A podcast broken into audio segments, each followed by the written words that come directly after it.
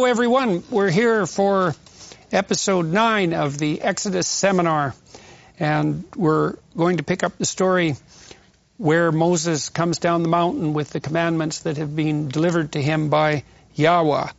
And uh, after after escaping from the tyranny in Egypt and after traversing at least a good part of the desert, after putting up with the trouble both of tyranny, let's say, and excess, licentious, and aimless freedom, the, the, the fundamental structure of the rules by which people are oriented, at least in the Judeo-Christian tradition, are about to be made explicit. And so that's where we pick up today.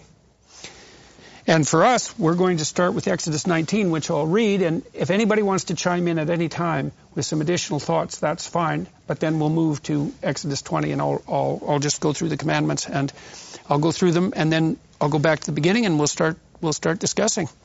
Are we, are we all ready to go? Exodus 19. That's yeah. Good. Well, yes, and thank you all very much once again for returning. And man, let's see if we can knock it out of the park carefully. So. In the third month, when the children of Israel were gone forth out of the land of Egypt, the same day came they into the wilderness of Sinai, for they were departed from Rephidim and were come to the desert of Sinai and had pitched in the wilderness. And there Israel camped before the mount. And Moses went up to God, and the Lord called unto him out of the mountain, saying, Thus shalt thou say to the house of Jacob and tell the children of Israel, Ye have seen what I did unto the Egyptians, and how I bare you on eagle's wings, and brought you unto myself. Now, therefore, if ye will obey my voice indeed, and keep my covenant, then ye shall be a peculiar treasure unto me above all people. Okay, forgive me. Yes. I wanted to keep quiet, uh, but I, this is too, That's not going to happen. Uh, yes, uh, it, it, it, I try though. I want everyone to know I try. I wanted to make a comment earlier too. So. Really? this is uh, of extreme importance in my view. If you uh, obey me faithfully and keep my covenant, you will be my treasured possession. So one of the most uh, controversial things I have said uh, in my career is that I don't believe in unconditional love. This is one of my biblical mm-hmm, bases. Mm-hmm, mm-hmm. If you keep my covenant, you are my treasured people. If you don't, you're not. Right. That's conditional. Yeah. Yeah. Well, you know, one of the things we could investigate on that front is whether or not love in some in any real sense can be unconditional right? Because if you're, if the love is unconditional, it doesn't have an element of encouragement towards an ideal. There's nothing that's discriminating and, and judgmental in the way that's elevating because everything you do is instantly, well, it's all loved. And it, it seems to me that there's a tension there between what you might describe as the archetype of feminine love and the archetype of masculine love. And feminine love is love for an infant. It's all encompassing. And masculine love, you could say, is well, it's got that conditional element whose design is to further is to further growth in some sense. So, so, and ye shall be unto me a kingdom of priests and a holy nation. These are the words which thou shalt speak unto the children of Israel. Right, banging home that point. Uh, and Moses came and called for the elders of the people and laid before their faces all these words which the Lord commanded him. And all the people answered together and said, All that the Lord hath spoken, we will do. And Moses returned the words of the people unto the Lord. And the Lord said unto Moses, Lo, I come unto thee in a thick cloud, that the people may hear when I speak with thee and believe thee forever. And Moses told the words of the people unto the Lord. And the Lord said unto Moses, Go unto the people and sanctify them today and tomorrow, and let them wash their clothes, and be ready against the third day. For the third day the Lord will come down in the sight of all the people upon Mount Sinai. And thou shalt set bounds unto the people round about, saying, Take heed to yourself that ye not go up into the mount, or touch the border of it, Whosoever touches the mount shall surely be put to death. There shall not a hand touch it, but he shall surely be stoned or shot through. Whether it be beast or man, it shall not live. When the trumpet soundeth long, they shall come up to the mount. And people went down from the mount unto the people and sanctified the people, and they washed their clothes. And he said unto the people, Be ready against the third day. Come not at your wives. And it came to pass on the third day in the morning that there were thunders and lightnings and a thick cloud upon the mount, and the voice of the trumpet exceeding loud, so that all the people that was in the camp trembled. And Moses brought forth the people out of the camp to meet with God, and they stood at the nether part of the mount. And Mount Sinai was altogether on a smoke, because the Lord descended upon it in fire, and the smoke thereof ascended as the smoke of a furnace, and the whole mount quaked greatly. And when the voice of the trumpet sounded long and waxed louder and louder, Moses spake, and God answered him by a voice. And the Lord came down upon Mount Sinai on the top of the mount. And the Lord called Moses up to the top of the mount, and Moses went up. And the Lord said unto Moses, Go down, charge the people, lest they break through unto the Lord to gaze, and many of them perish. What do you think of that perish that, that issue of perishing there, Jonathan? So it's it's it's repeated multiple times in this part of the story, and it reminds me also of other sections that talk about. Uh, I think God only allows Moses to see his back and not his face because it would be too destructive. And there are later references to the potential for death to occur if people touch the Ark of the Covenant. It's it's something like beware of touching anything that's deep and sacred because it's it's so what would you say? It's dangerous to to too carelessly approach that which is most fundamental. I mean, that's certainly the case in life. So, yeah, I think so. I, but I think there's also something else going on. We talked about this a little bit last time, which is that in some ways, many of the iterations of the story until now show us that God is in some ways too high at this point. That is, God has forgotten Israel. Israel are scattered. They're all, they're, you know, they're all, they don't have cohesion. They're not a nation. They're, they're not coming together. And so now we, we come to the mountain and you have a dramatic representation of that. God is up above, up in the mountain, the trumpet, the music of the spheres, you hear, the, you know, he's the pattern of everything, he's the, mm-hmm. the source of all things.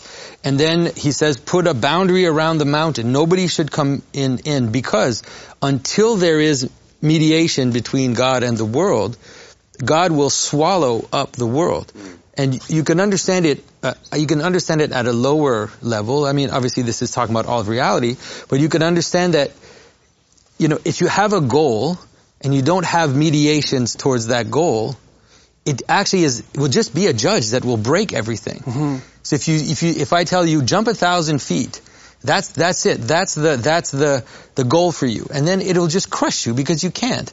But if I give you a bunch of ways to do it, and I and I give you and I put mediations between the ideal and what and how it manifests itself in the world, then it can exist. Well, but see, this is the ultimate version of that. Yeah, I mean, okay, okay. Well, you see this in psychotherapy. I mean, one of the one of the signal contributions of behaviorists to the practice of psychotherapy was the notion of uh, what would you call them incremental incremental strategies. So so a behaviorist principle is imagine that we were jointly we had jointly strategized so that you were aiming at something. Maybe you're unemployed and you're aiming at getting your CV together to get a job. And what we do then is, so the ideal is for you to be fully employed, and now you're, you've even bought into that ideal, so it's an ideal that you're willing to accept as an orienting structure. And then you find that you don't do it, and you come back the next week to therapy and you say, I'm so ashamed, you know, I was supposed to, I was supposed to submit my CV to like 10, 10 potential employers this week, and I, I, I did nothing at all. And so the first thing you do in that situation is you say, well, we should, we should lower the, the goalposts. We should lower the goal. We say, well, you couldn't submit your CV to 10 employers. Could you even open it on your computer? Because people are often afraid to even do that because, you know, your CV contains well, maybe the record of your successes, but also the record of your failures. And so you scale down the goal until it no longer has that face of the harsh judge that will destroy. And that's part of building those intermediary structures. And it seems to me that that's part of what's signaled in the idea of subsidiarity and the, the building of these. And that's the, I think you made reference earlier in one of the other sessions to the idea that that subsidiary structure was like Jacob's ladder. It's a hierarchy that reaches up to the heavens, to the highest point, Yeah. that puts incremental layers in place so that that's not a judge that's so harsh that you just die when you're Yeah. judged. And it also lays it out. So when you when we get to the law, we're going to get there. Uh, when you get to the law, you'll see it's the same thing. God says first, He says, "I am God. I am I am the source of all things." You know, you can't put anything in front of me. And then after that, it kind of comes down. Then He gives you some moral principles. But even those, like "Thou shalt not kill." Okay, what does that mean? And then you have to, then it starts to unpack. And all the rest of the laws are unpacking and making specific something which is held together in a, in a higher state, you could say, or a more contained space in the, mm-hmm. the first part of the law. So the way the law is going to lay itself out is actually the same as just the basic structure of God on the mountain and saying, mm-hmm. you know, it's like, okay, we're going to, we're going to start, you know, how do we do this? Mm-hmm. Bring Moses up and now slowly lay out what that means. Mm-hmm. Mm-hmm. Well, so you Well, could view, sorry, please go ahead. No, no, go ahead. I was going to change the point slightly, if so you. Okay, well, so what we see happening up to this point in the biblical corpus, I've understood this more since we've had our discussions, is that you're seeing the nature of the spirit that unites socially and psychology, psychologically be explored using a variety of different narrative approaches. So you have the God that is that spirit that you walk unself-consciously with in a perfect garden, right? Say when you're when you're when you're when you're abiding by yourself appropriately, and then you have the God in um, the story of Cain and Abel that judges you when you make improper sacrifices, and you have the God that calls you to protect your community when storms beckon, and it's metonymy, right? It's the juxtaposition of these stories to flesh out the idea that all these spirits unite in some in some unified and transcendent spirit. But then you have the problem is that unified and transcendent spirit can become so abstract that it's incomprehensible. That's the Deus absconditus problem that Mircea Eliade, Eliade talked about, the potential for God to become just a spiritual abstraction and then to disappear into space. And then you have the other problem is that if God, the spirit that guides us, is conceptualized as the union of all possible virtues, then it also becomes a judge that's so harsh that no one can bear its judgment. So that brings up the problem of differentiation. And that's, you say, said, that's partly what's being, and God has to descend onto the mountain too before he can talk to Moses. So he has to take himself down a peg or two in some sense, I suppose, to make himself acceptable and, and understandable Yeah. to human beings. I was going to change it slightly, but so many people look at the Ten Commandments as central to the whole of Exodus, but actually I think the covenant in chapter 19 is even more central, and the Ten Commandments is the key part of it. Mm-hmm. But I say that because here we're in a country, this is the master narrative of freedom that has shaped this country. And many people don't understand the links. Mm-hmm. Mm-hmm. So I was fascinated. Leon Kass, who's a friend of several of us, he points out, you know, the Greeks had monarchy, aristocracy, democracy. They sort of run through all three of those. So Pharaoh is monarchy, ultimate tyranny. But when Moses is the sole leader, he's a kind of good Pharaoh. And Jethro says to him, no, you can't do it all yourself. Mm-hmm. Mm-hmm. But Jethro, in effect, introduces an aristocracy. You choose these mm-hmm. good men to be mm-hmm. the mm-hmm. judge. Now, the covenant is quite different. It will bring in the entire people.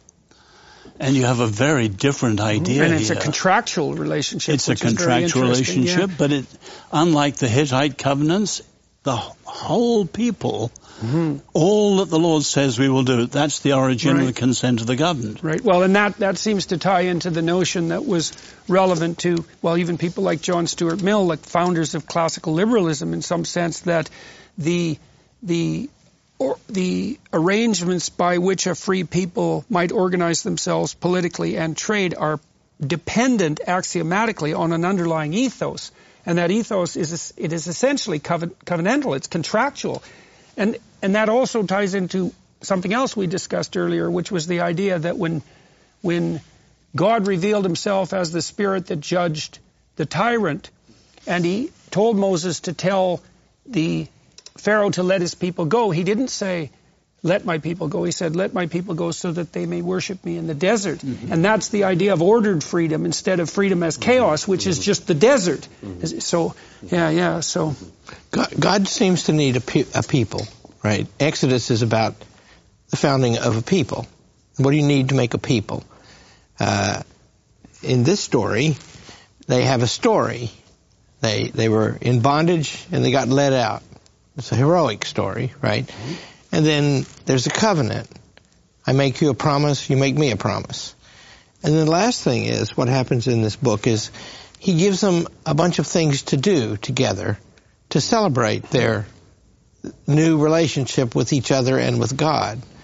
And that, so, so the rituals are vital because they can be the people, my people and then they can remain a treasure to him. Mm-hmm. How do you view, Larry, the relationship between the idea of a covenant with God and a contra- and and the idea of a contractual relationship and the later political ideas of, of social contract theory that people like Hobbes developed that you know that, that that what binds us is actually a voluntary contract between people. That's not exactly what we're saying. There's a voluntary contract between people, but it's people in relationship to a higher revealed order. It's not merely uh, a, a, social contract. And so, in in uh, so in in um, the American Revolution, uh, first of all, those those are two different things: contract with God and contract with one another, but they merge.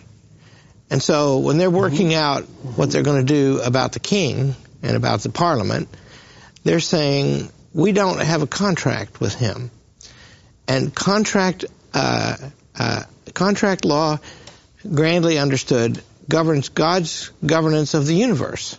It's wrong for that, for him to do that. God doesn't, because see, God has chosen to make his people free, right? And that means they have to be a party to the transaction. Right, right.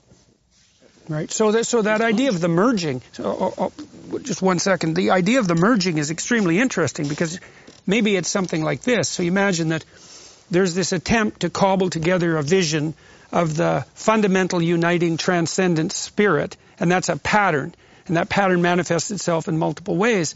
But there's if it's if it's a merging of the idea of the contract between people and the contract between the ultimate, then what you have is this dawning idea that the fundamental central nature of a contract between people has to reflect a transcendent order for it to be a, priori valid. And we'd say, I think the way we would respond to that instinctually would be, imagine you got the better of me in a contractual deal. Well, the idea that you got the better of me is an indication that the deal itself has violated some implicit order. And it's in some sense unfair. You've got one over me, right? If it was merely a social contract, then, well, whatever we agreed on would go. And it can't be. It has to be a social contract that reflects some sort of higher order implicit order. And I think those are the same thing. But, but the, the contract is necessary too because God made his people free. And so if I make you do it for your benefit by force, you're not a party. Mm-hmm. And God is apparently very interested in our being a party to the contract. Mm-hmm. And I think, and I think it's important too to keep in, not to over. I mean, that we have to keep in mind somehow the absolute character of the divine, of the divine, of God Himself, uh, the ultimate principles. They're not conditional. Uh, they're not conditional on what we do. And with, on the other hand, the the condition, the conditional character of our own engagement with that, which can happen or not happen. In some sense, it's like you can have a fire burning very, very hot, but you can be closer or further to that fire. The fire is burning hot, whether you are close to it or far from it. But you can choose to move away from, you might say, the unconditional nature of that uh, burning uh, of that you can say of the fire of God's burning love, and of course we're going to see here just in the, later here the, the very images image of purification in the fire and in the need to abstain from uh, well, abstain from sex and to wash your clothes and all these kind of preparatory purificatory rites. But I, I, I think we need to be careful not in any event to to make it seem as if God's activity is conditional on ours. That mm-hmm. that He chooses us, and that our choosing is within that choosing of us, uh, and because of the weight of our will. Uh,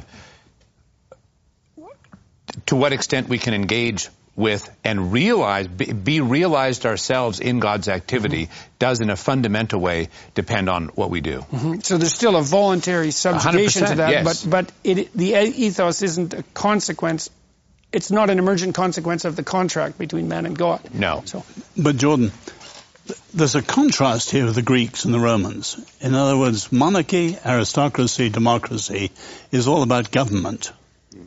This is not. This is about mm-hmm. forming a people. And the alternatives are, on the one hand, organic societies linked with blood, kinship, or hierarchical linked by power. Hmm. And this is unique. Now you have the Hittite treaties and so on, but they were very narrow. And I wouldn't use the word contract so much as you're doing. Covenant adds to law a moral dimension. Mm-hmm. It's a morally binding pledge. The Lord gives his promise, mm-hmm. and they do. Mm-hmm. So now is that, the covenant what the founders referred to as what was self-evident? Uh, no, that's the truths behind it. No, it's we the people. Mm-hmm. That's the covenantal okay. part. Okay. But of course, the American Constitution is a, constitu- a covenant with the citizenry under God. Mm-hmm. Whereas the Jewish covenant is a covenant with God. And that is unique. I mean, the Hittite covenants, you can cite God, God, but he's a partner in this one.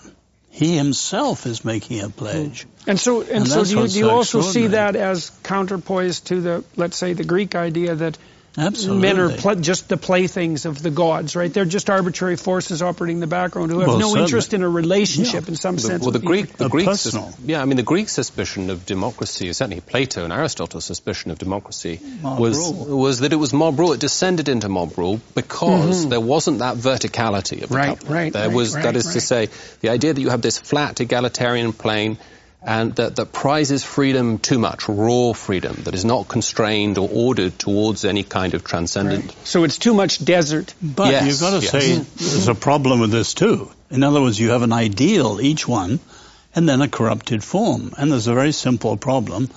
The Lord keeps his promise and humans don't. Mm. Well, the and Jews put God on long. trial, uh, actually. It's you very what? interesting that you, you raise this because the Jewish mentality is that he is obliged as well. And uh, there's an extremely famous story of, of uh, rabbis, Orthodox Jews at Auschwitz, the, the largest of the death camps of the Nazis, put God on trial for breaking the covenant. Elie Wiesel affirmed that this actually took place. This is not apocryphal.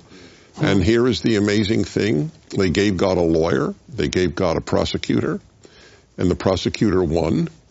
These religious Jews found God guilty of breaking the covenant. But here's the punchline for Jews anyway. And after they said, and God is found guilty, they said, and now it is time to daven mincha. It is now time for the afternoon prayer. Mm-hmm. Mm-hmm. He broke the covenant, but we're having the afternoon prayer. But in the scriptures, the stress is on the renewal of the covenant with the people, isn't it? Well, clearly, it breaks down. yes. I, but I, am only talking yeah. because you raised no, it. No, of that's the, right. the Jewish mentality is what you said. It, it, there is a, a, relationship between covenant and contract. Mm-hmm. In fact, a man has a contract with a woman when they marry. It's called the ketubah, and it means contract. The concept of contract is very deep in, in the in the uh, biblical and, and, later Jewish mind. And do you think that is the is the essential ethos of a contract is that it's a binding agreement as long as both parties abide right. by the spirit yes, of the contract? But that is amazing. They found God guilty and then did the prayers. So you are guilty, but we're keeping our side. Mm-hmm. See, it's possible. I mean, first of all, Auschwitz was hard to imagine a worse thing, but they were probably imagining we're all going to be killed. Mm-hmm. Every Jew. That was Hitler's aim. Hitler actually thought God said he would not let the people be destroyed after Noah. I'm going to kill them all and then look up and say, how about that, God? And so, from the point of view of the way the world looked to them in Auschwitz was, he's going to kill all of us, but we were promised not. And if he'd succeeded in that, that would have been a breach of the covenant.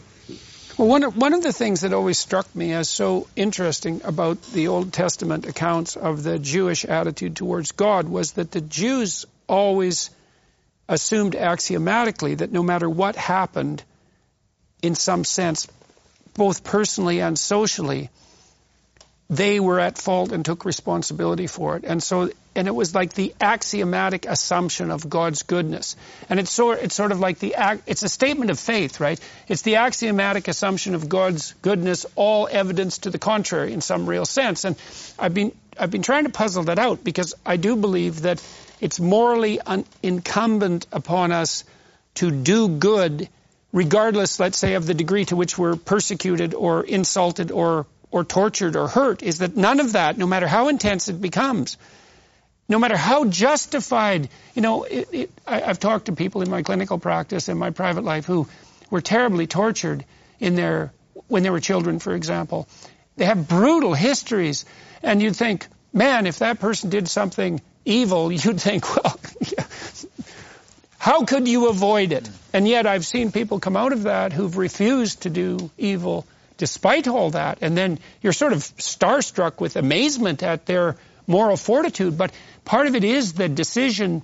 It's, I don't know how it's linked exactly, but it's the decision to hold axiomatically the proposition that being itself is good, and you're morally obliged to participate in that goodness regardless of the regardless of the circumstances, both sociological and and psychological. And that and that's such a good moment for us to perhaps transition into 20 because it's precise. I would argue that you said this so beautifully here. Now it's precisely the making of the covenant that uh, you might say, in some sense, allows for them to receive the revelation of the law, right? So that it's the the the the fuller sense of what this means and how to live within that goodness is mm-hmm. follows upon your giving yourself to it. Right. Well, they've already given themselves to it in some real sense because the Israelites allowed themselves to be led out of tyranny and through the desert. And so they're already on a path of faith, right? They've already committed themselves to behaviorally, well, well, that's, procedurally that, to that's a covenant. explicit here because what does it mean when they say they haven't gotten the law yet? Remember, remember in eight when they say, and all the people answered together and said, "All that the Lord has spoken, we will do." Uh, All that the Lord has spoken, we will do. Well, what yeah. has He spoken yet? There's a kind of implicit right. giving of yourself to what's coming. Yes, and it's action predicated. We will yeah. do. Yes. Right. Yes. And so, and they are, they have had enough faith to move across the Red Sea into the desert under the leadership of Moses, and so they're already, they've already demonstrated a certain commitment to it. At minimum, you can think about this atheistically. At minimum, they've committed themselves to the notion that the tyranny was wrong. They should be free. That's worth a risk. They've at, at minimum allowed that spirit to imbue them, and that's a that's a that's a what would you? That's a demonstration, well, behavioral demonstration I mean, good of luck, faith. Good luck acting as if none of those things are true, right. and then hoping that. It, I mean, it, it, life doesn't work that way. Right. Well, you you can you could op out you could act out the opposite propositions. You could say, well, whatever tyranny you impose on me, I will accept. But that's also that's also a, an action predicated on acceptance of a certain fate. It's, there's a faith in that no matter what you do. There's, there's a faith step in it. So, all right, shall I continue and we'll go into the, the time in which we live oh. is the opposite of exactly what you described, wherein if you have victim status or you mm-hmm. are a mm-hmm. member of a people with a victim status, normal moral rules do not right. apply to you. Right, right, right. Well, and that's so that's so dangerous because I think also you're hard pressed to find any individual person who hasn't suffered in such a manner that a story can be concocted that would justify their their malevolence. Mm.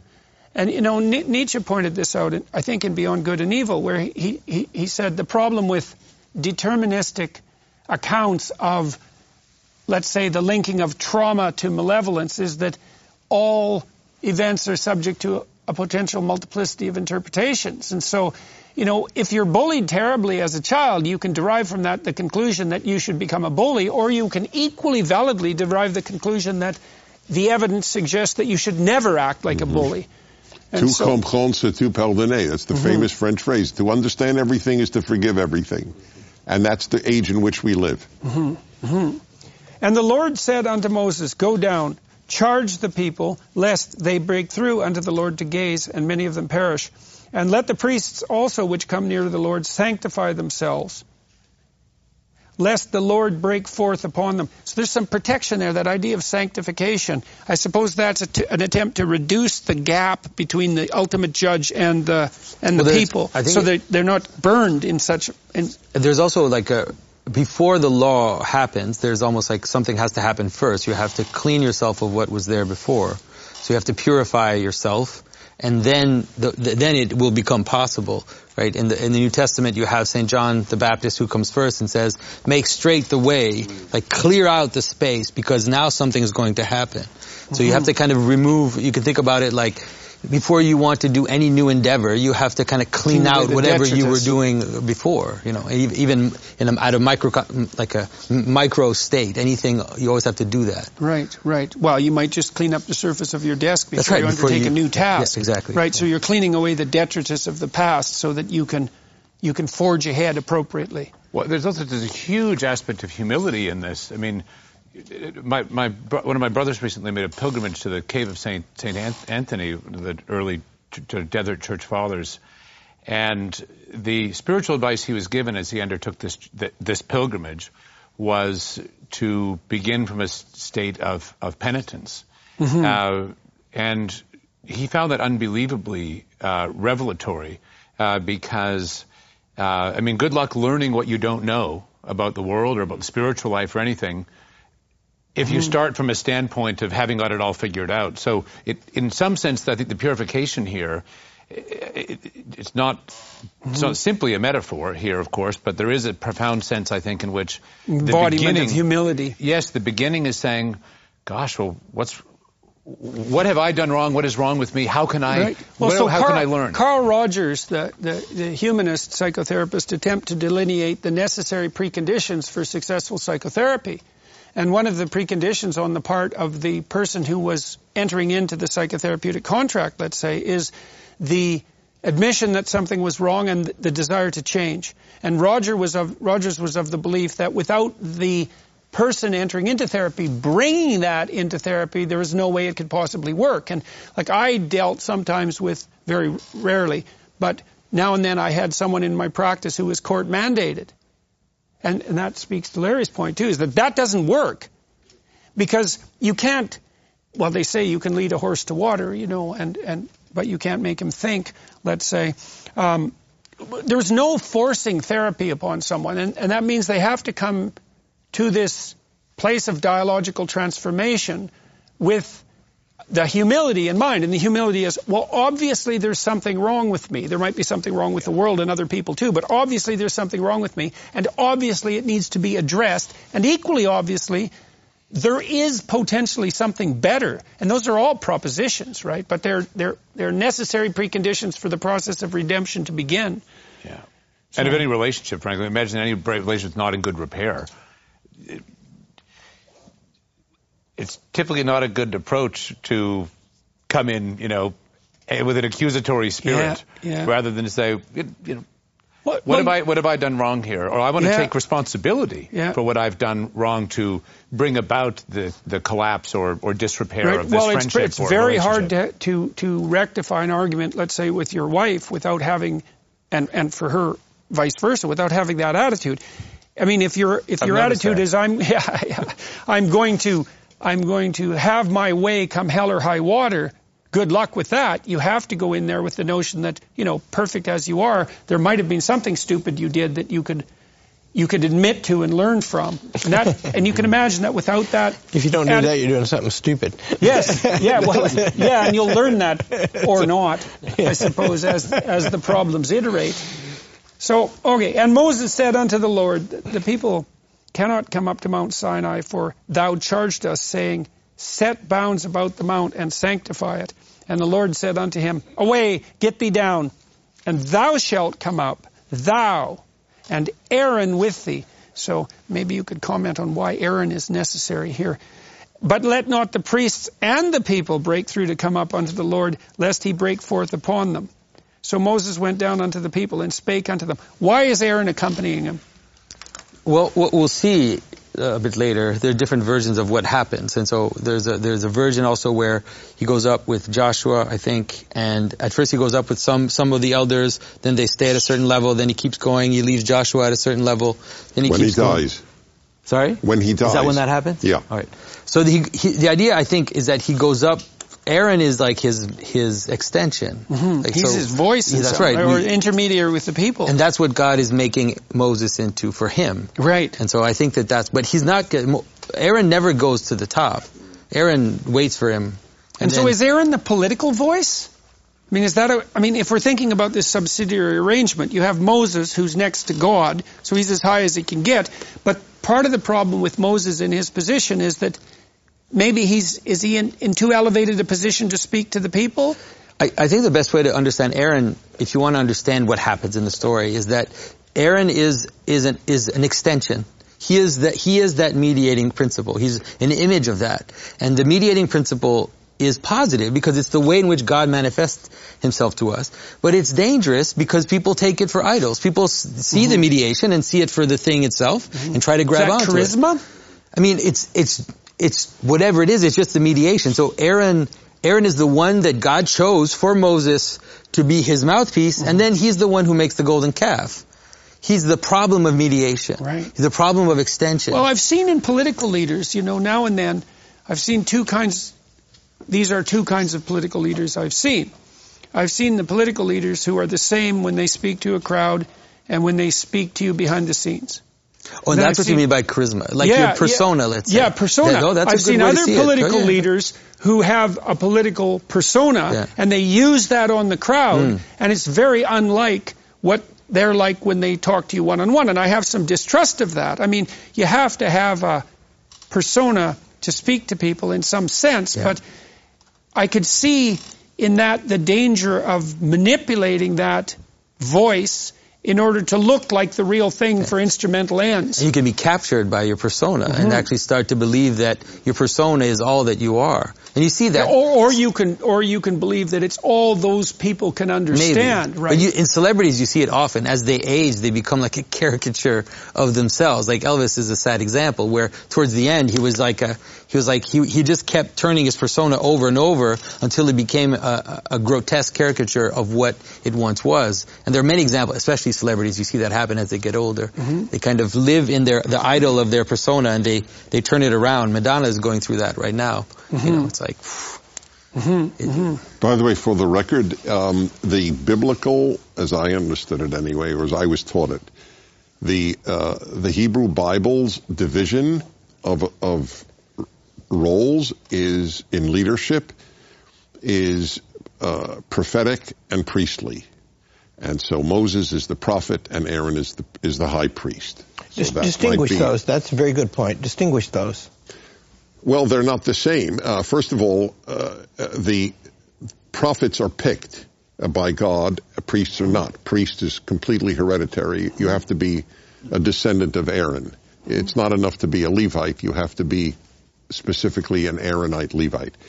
By the way, Jews are to this day priests, and, and their DNA shows that it goes back to, to prehistoric times. It's a little eerie because Jews call priests up to the to bless the congregation on, on holy days. And um, I always wonder have any of these people s- snuck in because they just want the honor? Uh, and it turns out that with DNA analyses, they turn out to be accurate. It's not here or there. I just thought you'd find it of interest. But but those are the two. Is- is that the distinguish- The, the priest is in charge of your uh, uh, of your man, in, in, in again Jewish terms, your man to God life and the prophet, your man to man life. They're obviously intertwined, but that is a division of Jewish law that is very basic. So, so I, and you have women I, I think that's, too, don't you? I think that's, you don't have women priests. That's right. That is correct. I think Miriam, that's important, Miriam was, Dennis, was a but, prophet. Uh, I'll embellish it if I may. Uh, a prophet is a revelator, and he's picked to do that. He's told things directly by God that other people don't hear. Uh, a priest is in charge of the rituals Yes. that constitute the common life that make them a people. That's good. That's good. Uh, and and so uh, Aaron is a much more routine figure, but nonetheless vital. Sort of like the difference between Picasso and an art instructor.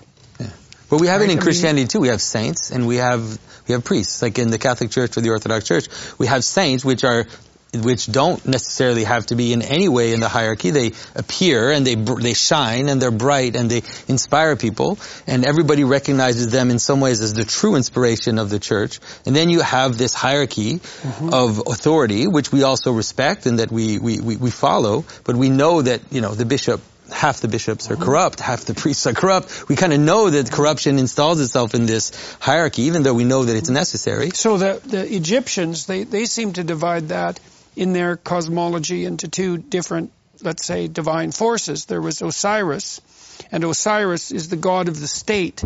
And the god of the state, his proclivity is to become archaic and willfully blind. And now he has an evil uncle, that's Set, right? And Set, the name Set, became the name Satan through the Coptic Christians.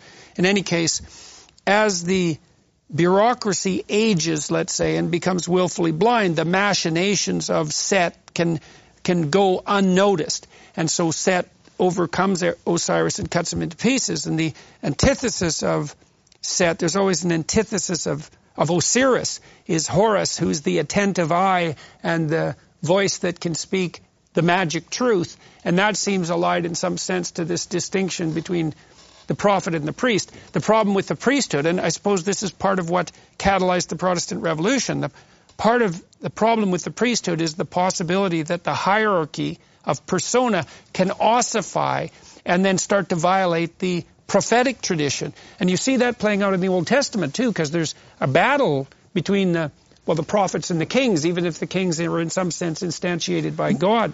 Well, the prophet is the servant of the covenant to call the people back to the covenant when they've gone astray. Mhm, right. And that's what they all Right. do. Right. I think it's important to say, you know, separation of powers. Americans think that comes from, say, Montesquieu. But it's actually gained from the Bible. And the biblical view is they have three crowns of government, the kings, the priests, and the prophets. and God didn't even want kings. Mm-hmm. Didn't they're a concession. Mm-hmm. Mm-hmm. Right. And No, that's right. But the prophets have this crucial role. But Aaron's a concession too, by the way. That's in the text. Aaron is a concession. Moses says, God says, you do it, and Moses is like, I don't want to do it, I can't do it. And, and God concedes Aaron to Moses in the same way that he concedes David to Israel. But let me press this, mm-hmm. Jordan, mm-hmm. because the prophets call them back to the covenant. Sometimes they succeed, sometimes they fail. America is a constitutional republic. There's no one speaking for the republic. So mm-hmm. you take someone like Lincoln, he was literally a prophet in terms of what he believed and called the nation back. No one's doing that today. Well, I think, I think there are, and I think uh, Well, not Americans don't want to hear them. Well, that's I, I typical I of think prophetic our, I think our age does have prophets. I- Not I- at the I- and I'm highest not, level. I'm not more Yeah. optimistic than you are. I'm just, I'm just saying. Uh, I think that if there were a true bona fide, God-appointed prophet, uh, uh, the Western world, not just America, uh, would uh, would regard the person as, as engaging in misinformation. So Moses went down unto the people and spake unto them. And now we're at Exodus 20. And God spake all these words, saying, God, not Moses. And God spake all these words, saying, I am the Lord thy God, which have brought thee out of the land of Egypt, out of the house of bondage. So he identifies himself with that spirit of deliverance again. Thou shalt have no other gods before me. I'll go through all of them and then we'll return to the beginning. Thou shalt have no other gods before me. Thou shalt not make unto thee any graven image or any likeness of anything that is in heaven above or that is in the earth beneath or that is in the water under the earth. Thou shalt not bow down thyself to them, nor serve them. For I, the Lord thy God, am a jealous God, visiting the iniquity of the fathers upon the children, unto the third and fourth generation of them that hate me, and showing mercy unto thousands of them that love me, and keep my commandments. Thou shalt not take the name of the Lord thy God in vain, for the Lord will not hold him guiltless that taketh his name in vain. Remember the Sabbath day to keep it holy. Six days shalt thou labor and do all thy work. But the seventh day is the Sabbath of the Lord thy God. In it thou shalt not do any work, thou, nor thy son, nor thy daughter, thy manservant, nor thy maidservant, nor thy cattle, nor thy stranger that is within thy gates. For in six days the Lord made heaven and earth, the sea, and all that is in them, and rested the seventh day. Wherefore the Lord blessed the Sabbath day and hallowed it. Honor thy father and thy mother, that thy days may be long upon the land which the Lord thy God giveth thee. Thou shalt not kill. Thou shalt not commit adultery. Thou shalt not steal. Thou shalt not bear false witness against thy neighbor. Thou shalt not covet thy neighbor's house. Thou shalt not covet thy neighbor's wife, nor his manservant, nor his maidservant, nor his ox, nor his ass, nor anything that is thy neighbor's. And all the people saw the thunderings and the lightnings and the noise of the trumpet and the mountain smoking. And when the people saw it, they removed and stood afar off. And they said unto Moses, Speak thou with us, and we will hear, but not let, but let not God speak with us, lest we die. And Moses said unto the people, Fear not, for God is come to prove you, and that his fear may be before your faces, that ye sin not. And the people stood afar off.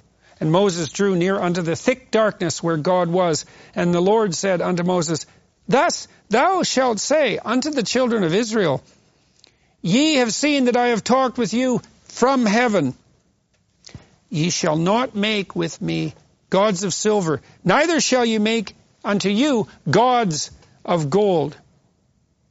An altar of earth thou shalt make unto me, and shalt sacrifice thereon thy burnt offerings, and thy peace offerings, thy sheep, and thine oxen. In all places where I record my name, I will come unto thee, and I will bless thee. And if thou wilt make me an altar of stone, thou shalt not build it of hewn stone, for if they lift up thy tool upon it, thou hast polluted it. Neither shalt thou go up by steps unto mine altar, that thy nakedness be not discovered thereon. All right, that's Exodus 20. So we'll go from the beginning. I'll start reading. When we have something to say, feel free to make your voice well, heard. Maybe we can say just one thing about the structure of the commandments first, because we keep talking about this vertical relationship. Os uh, was was mentioning this this whole idea of the vertical relationship and then the horizontal relationship, the two covenants we could say. And then the, the commandments are structured like that in themselves. So they start with the vertical. It starts with, you know, I am the only God, right, I am right. God, you have no gods in front of me. Then how is it that we're supposed to relate to God? And then, then there's a transition in the Sabbath day, which now brings creation into the story. It says God created the world in six days. The seventh day you will honor the Sabbath. And then we move now to the horizontal plane. And now we start to talk about how it is that we interact with each other. So the, the text, the Ten Commandments, are structured exactly mm. in the, the very pattern that we've been seeing happening from the beginning in terms of. Okay, so so you see you see at the beginning God makes the case that He's a transcendent uni- unifying spirit and the spirit that has already led the Israelites out of out of bondage. So he's he's already called them in some real sense and, and made his existence manifest. That's what they're following.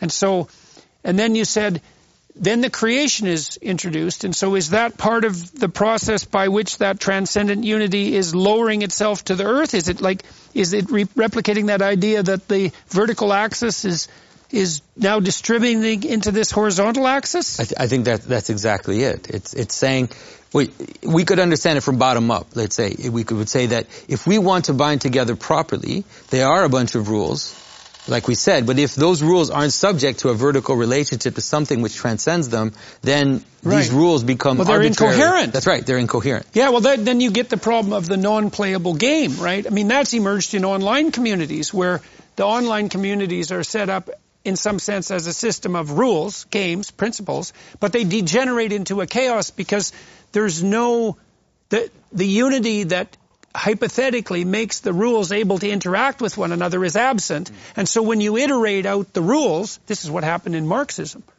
I mean, one of the things I loved about Solzhenitsyn's Gulag Archipelago is that he devastated the leftist notion that the catastrophes of communism were aberrations of the hmm. principles. Solzhenitsyn said, no, no, no, no. They weren't aberrations of the principles. They were utterly inevitable consequences of, in some sense, the fact that the the spirit that united the the the principles of Marxism was either a malevolent spirit in and of itself or at minimum utterly incoherent. And so, because yeah, because you might ask yourself, well, why would we aggregate rules, right? They have to aggregate around something like a central That's rule, right. a central principle. Otherwise, they're not coherent. That's right. Yeah. So the, the, the coherence would be the relationship the integral relationship of the rules to one another. Yeah. Well, I mean, and, and that's why it, this, this, the way it's structured, this law, then, then in the New Testament, Christ resumes it to one saying. Mm-hmm. says, love right. God, love your neighbor. That's right. it. That's the law. The whole law is that. Mm-hmm. But of course, it has to be shown to us. It has to be kind of exemplified in all these different ways for us to kind of get it. Mm-hmm. But that's it. It's the vertical and the horizontal. Without the vertical, the horizontal falls apart. And the, a traditional way to talk about this is that the first table mm-hmm. of the Decalogue is about obligations to God, mm-hmm. and the second about obligations to one another. And the kicker is the funny one that's in the middle because you can't, you know, divide uh, t- ten things into two. Uh, is that honor thy father and thy mother stands between them. Mm. And the argument goes that uh, just as God after he sets up all this structure, this didn't exist before the book of Exodus, right? There wasn't somebody to talk to in authority. Uh, and he sets up all these authorities, but he's still working through the family, right? And so, uh, honor thy father and their mother, uh, thy mother is the first of the commandments to one another, mm-hmm. and the mm-hmm. rest of them, most of the rest of them, support the strength of the family. Well, this this idea that see, it's very interestingly worded. This because he says, "Honor thy father and thy mother," and then that thy days may be long. Well, then you think, well, okay, why should you? Maybe you have a terrible father and you have a terrible mother, and you might say, well. Why should you honor them and why should you honor the elderly? And one answer is going to be something like, well, your destiny is to become elderly. Mm. And so if you set up your society so that the elderly, the traditions aren't valued and then you're going to eventually end up in a situation where you're the tradition that's not valued. So there's this hint of iterability there, right? Is that, and so, and so you might also think too that that capacity that we have to honor that which came before us, our, our father and our mother, is what is it? It's it's an honoring of the fundamental spirit of patriarchal and matriarchal love. It's something like that, and it's equivalent to the ethos that has to bind us together, not only right now but across time. It's something like that. The fifth is the fifth is honor your parents, and your point is entirely accurate and important. It's theoretically on the wrong tablet because those are all between man and God, and then you have that. So here's here's how I see it, and, and I, I this is not I don't think it is even original to me, but I, I haven't heard it elsewhere, but I'm sure it's been said. The first four rest on the fifth, and the second four rest on the tenth. If you honor your father and mother, it is the conduit to God. Mm-hmm. If you don't have a father on earth, you won't have a father in heaven. And that the, the authority of the parent, Freud even, who was an atheist, made this point. How you see your father is how you will see God. Your, your, your parents are the conduit, especially your father, to God. And uh, if you don't have that authority, you won't have divine authority. And the tenth commandment, the, the, the fifth of the second group, is do not covet what your neighbor has. Mm-hmm. If you covet, you will have commit adultery, you will steal, and you will murder. Mm-hmm. They all emanate mm-hmm. from the 10th. Mm-hmm. The order of the Ten Commandments is one of the reasons I believe in its divinity, because of things like that mm-hmm. that are so awesome. Mm-hmm. One final word on that, because uh, I was going to wait, but since it was raised, which is perfectly uh, apt, uh, uh, all of my life teaching the Ten Commandments, people will ask, and it's it's a more of a fun question than a truly significant one, but I, I take it seriously. What, Dennis, what do you think is the most important of the Ten Commandments? I've had different answers at different times. Right now, I believe it is honor your father and mother. Mm-hmm. So uh, I read this great book. I just want to say yep. one thing. Every cult and every tyranny begins with the undermining of parental right, authority. Right, right, right. So there's this great book, um, Angela's Ashes by Frank McCourt. It's a, and and it's written in a lovely spirit, a, a spirit of generosity, which is amazing because Frank McCourt's father was a terrible alcoholic, and he drank up all their money. He he grew up very poverty stricken in, in Ireland, and his father drank up all their money. He was a raving alcoholic, and a number of McCourt's siblings died, and his father left the family in abject poverty of the worst sort. And it's really quite brutal. And it's so interesting watching what Frank did as a child because he kind of divided his father conceptually up into morning father and nighttime father. And morning father, a bit sober, had some capacity to love, and McCourt made a he made a decision in some sense as a child to honor that part of his father. And you can see that McCourt was able to derive the benefits of the patriarchal spirit as a consequence of his decision, even as a child, to honor his father, even though his father was almost murderously dishonorable. And so, one of the things Jung pointed out, this made him slightly different, perhaps, than Freud. I, I hesitate to criticize Freud, but he talked about, Jung talked about the, the sin of the child in the Oedipal relationship. So imagine you have an overprotective mother, right? And you and uh, you're you're laying there, you're a six-year-old kid, and you know maybe you got a bit of a headache, and maybe you don't, but maybe you decide you don't want to go to school, and so you complain to your mother that you're sick, and she offers you the opportunity to stay home, and you can choose to do that at that point, right? You fall into that overprotective trap, but and so so what what's my point in that regard is that part of the manner in which you extract out the proper spirit from even your own mother and father, and maybe right from the beginning of your life, God only knows, is that if you honor them properly, the probability that that spirit of benevolence that's within them will make itself manifest is much improved. And it's certainly the case that that's true with your, if you want to straighten out your relationship with an adult parent, one of the ways to do that is to do what you can to honor what they've done for you. That invites them into mm. proper relationship. So, could I suggest, uh, Jordan, that uh, we, at least today, we go through the first five in order and make sure we talk about all of them? It'd be a real shame if we missed one of the commandments. Um, um, be a sin. It would be. Okay. At, at, least it's one way we could do it. We're yep. I, don't want to, I don't think we should miss any to begin with. Yep. But, yep. also, they're, they, maybe they're written in an order for a reason. Okay. So, James, did you have something to say? Well, I was just going to say, I mean, what I like about this this thought versus Dennis's thought is the idea that when you get to the, the sort of, it's tempting to think with the vertical covenant and the horizontal covenant, the verticality stops at the horizontal. At the horizontal. And I think what I like about this, what had not struck me before, that honoring thy father and mother. It inscribes hierarchy into, as it were, the horizontal covenant. Yeah, Yeah. It's like So a fractal. Right. You can see the not if- fractal. exactly. It's Right. not as if there's just a, just a flat plane of equality mm-hmm. once the verticality stops. Mm-hmm. That's that's crucial. Well, And- and what what do you think? What do you think the word honor means? Especially because we know that there's variability in parental behavior. So, what's the injunction here to honor? It's it's something like to celebrate, like Well, it's not necess- It's not. It's not to love thy honor, uh, thy thy father and mother. Is to show them honor, show show them regard, perhaps respect the natural structure into which you you find yourself. Lift them up or place them above you. Like Yeah, recognize That's their right. role. Rec- That's recognize right. that the limits that, that, that that there are limits that are given to you and that you cannot simply free yourself. There was a from. chair in my house. I wonder if any of you had this, and I, I don't think it even exists today. There was a chair in my house was known as Dad's chair. The kids didn't sit in it. That is a perfect manifestation of honoring, and your point is critical. Uh, I, I, that you, you're, we're not c- commanded the- to love our parents. People need to understand. We have to love our neighbor. We have to love uh, uh, God. We have to love the stranger, but we don't have to love our parents. And there is no other thing that we are demanded that we honor other than God.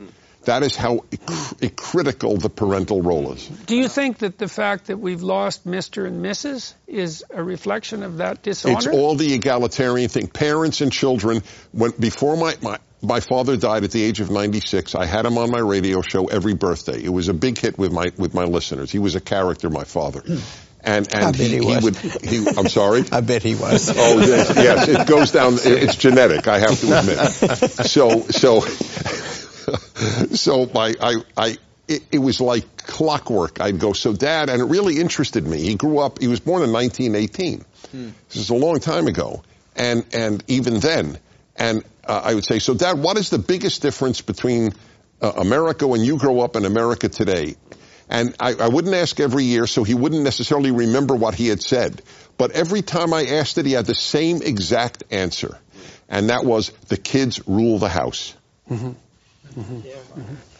By the way, we have a, we have a dad's chair in my house, except half the time the dogs are in it. That's allowed. I, I may have mentioned last because time, the but Ten Commandments were not given to the dogs. a terrible story of Salvador Dali, who had a terrible relationship with his father. And one day he had a huge row, stormed out of the house, went back home and masturbated and put his semen in an envelope, put on the back of the envelope, paid in full, hmm. and gave it to his dad. Hmm. Hmm. As if that was it.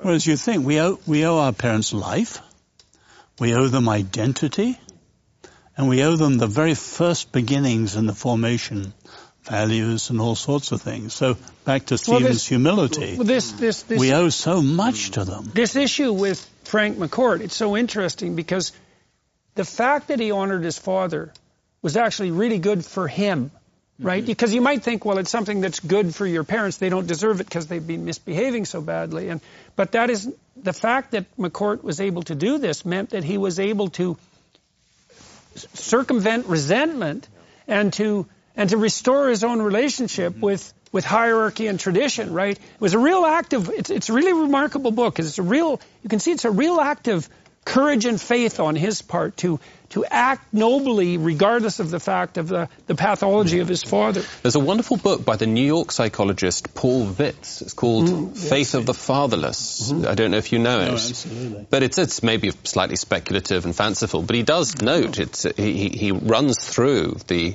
uh, the, the sort sort of the history of 19th century atheists and their relationship with their own fathers. And I mm. think Marx, Nietzsche, Sartre, Freud had terrible, ab- abusive relationships with their own father, or absent. Conversely, some of the great, some of the great uh, figures in the, the history of recent history of Christian theology, uh, I think Chesterton and Newman had very warm, loving relationships with their fathers. So I think it's. Uh, it, Well, you it's- look at the problem of fatherlessness today. Mm.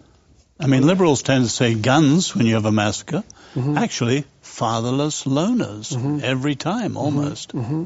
Well, See, one of the things that I- means, by the way, that's a very good point, and that means that this commandment, honor thy father and thy mother, is a commandment to all of us. Yeah. Uh, fatherhood and motherhood are crucial. And And, you know, that's just written in nature. Yeah. Human babies take a long time to raise. Mm-hmm. Who's going to raise them? And if they if they're not raised well, there'll be a problem. I think that's a crucial point, is that the hierarchy is not just any hierarchy, it's a hierarchy that emerges from the processes of nature, from the kind of creative mm-hmm. conditions that God lays down. It's not a hierarchy that is humanly imposed or decided by society or, or mm-hmm. culture or law. Mm-hmm. Speaking of hierarchy, what what do people make of the first commandment being, "Thou shalt have no other gods before me"? What does that mean? By the way, in, in Judaism, it's not Ten Commandments. Most non-Jews don't know this, and I don't have an issue. I always use the term Ten Commandments. I love it, but uh, it's called Ten Statements because the fir- or words, uh, either way, either way, but they go both. The broth goes both ways, but. Uh, the first is, I am the Lord, the God who took you out of the land of Egypt, out of the house of bondage. That is considered the first of the ten statements.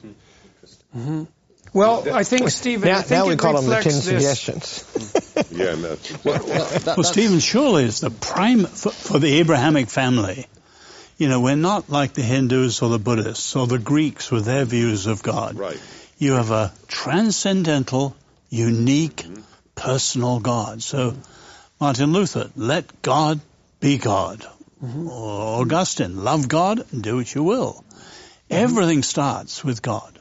And the, the, the, first word puts Well, this is right. another revelation too of God's uh, identity, in in some sense, like a reflection of the voice that spoke out of the burning bush, because God's God defines Himself to begin with. He says, "I am the Lord thy God."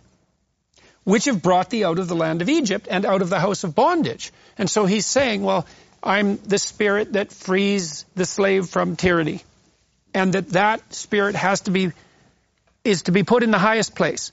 Nothing, all everything else of higher order has to be subordinate to that. There's a there's a transcendent unifying principle, and I've really tried to think this through recently psychologically because, as far as I can tell, these are the options that are in front of us psychologically and socially. You're either coherent or incoherent. Now, if you're coherent, it means everything within you is striving towards a harmonious unity or has manifested that. That's coherence. Mm-hmm. And if you're incoherent, then you're a multiplicity. Now, the problem, the technical problem with multiplicity is twofold. And I think this has been established by the relative cognitive neuroscience is if you're a multiplicity, you're confused and anxious. And the reason for that is you don't know how to orient yourself in a complex situation. Because it's the coherence. Even if you imagine you're trying to get from one place to another, if you have you no unity of purpose, you don't know where you're going. The consequence of that is that you're anxious. That's what anxiety signifies. It signifies disunity. So that's on the negative emotion side. That's chaos. That's the desert. And on the positive emotion side, the same thing holds true because it turns out that positive emotion signals that you're moving towards a goal, a goal, a unifying goal. And you experience positive emotion when the distance from that goal shrinks. So you make a successful move forward. And so without that unity of vision, there's no way of specifying movement forward. And without that specification of movement forward, you have no positive emotion. So if there isn't a unity that you, that brings everything together, you're anxious and hopeless. And then, and so that's on the psychological front. And I think that's unassailable as far as I can tell. But on the social front, you might think the same thing. It's like, I don't know exactly what purpose unites us in this discussion, let's say.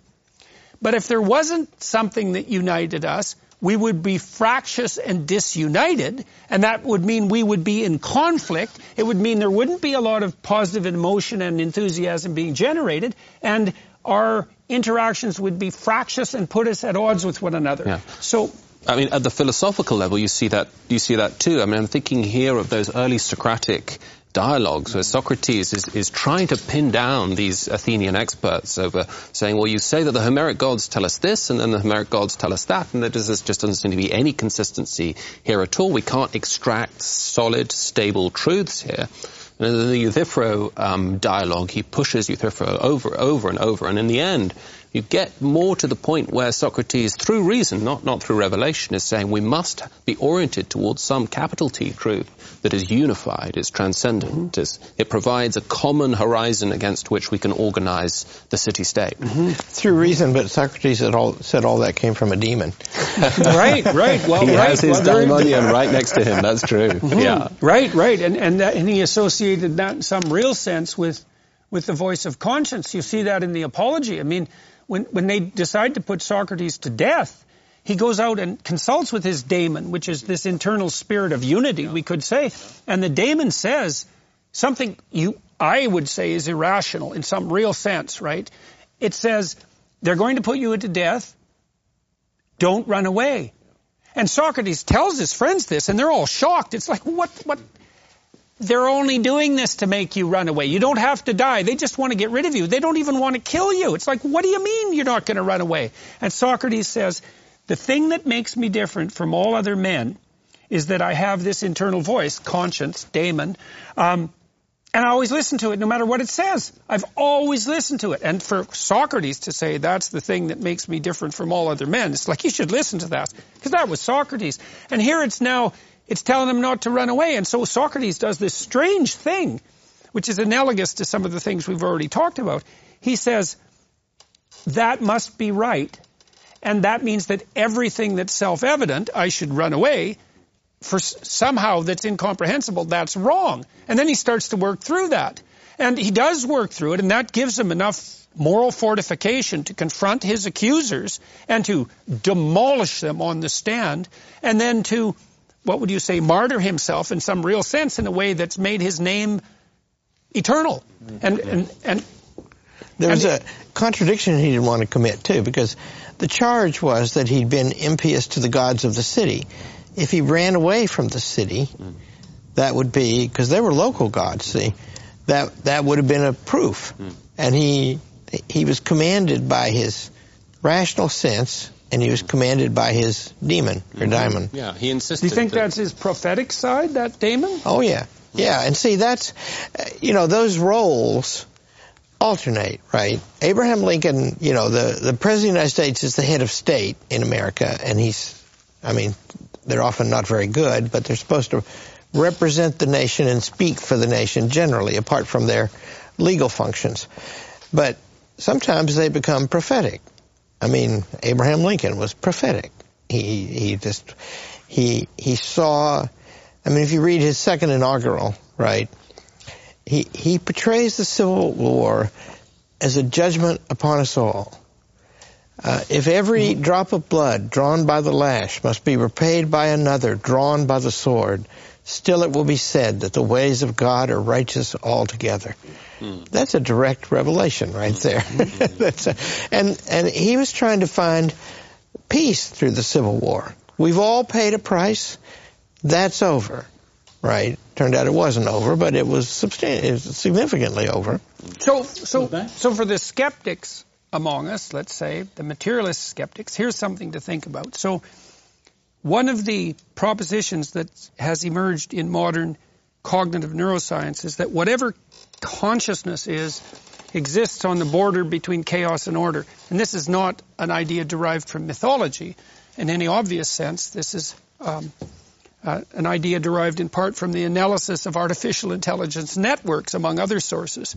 Um, but whatever consciousness is, is, exists on the border between chaos and order, and consciousness has a reparative function. So you might have unconscious habits that are detrimental that you can become conscious of and repair them. So when consciousness is operating properly, it has this reparative and restorative function. And then you can imagine that there's a pattern of neurological activity that constitutes heightened consciousness and that that pattern is similar across people and times.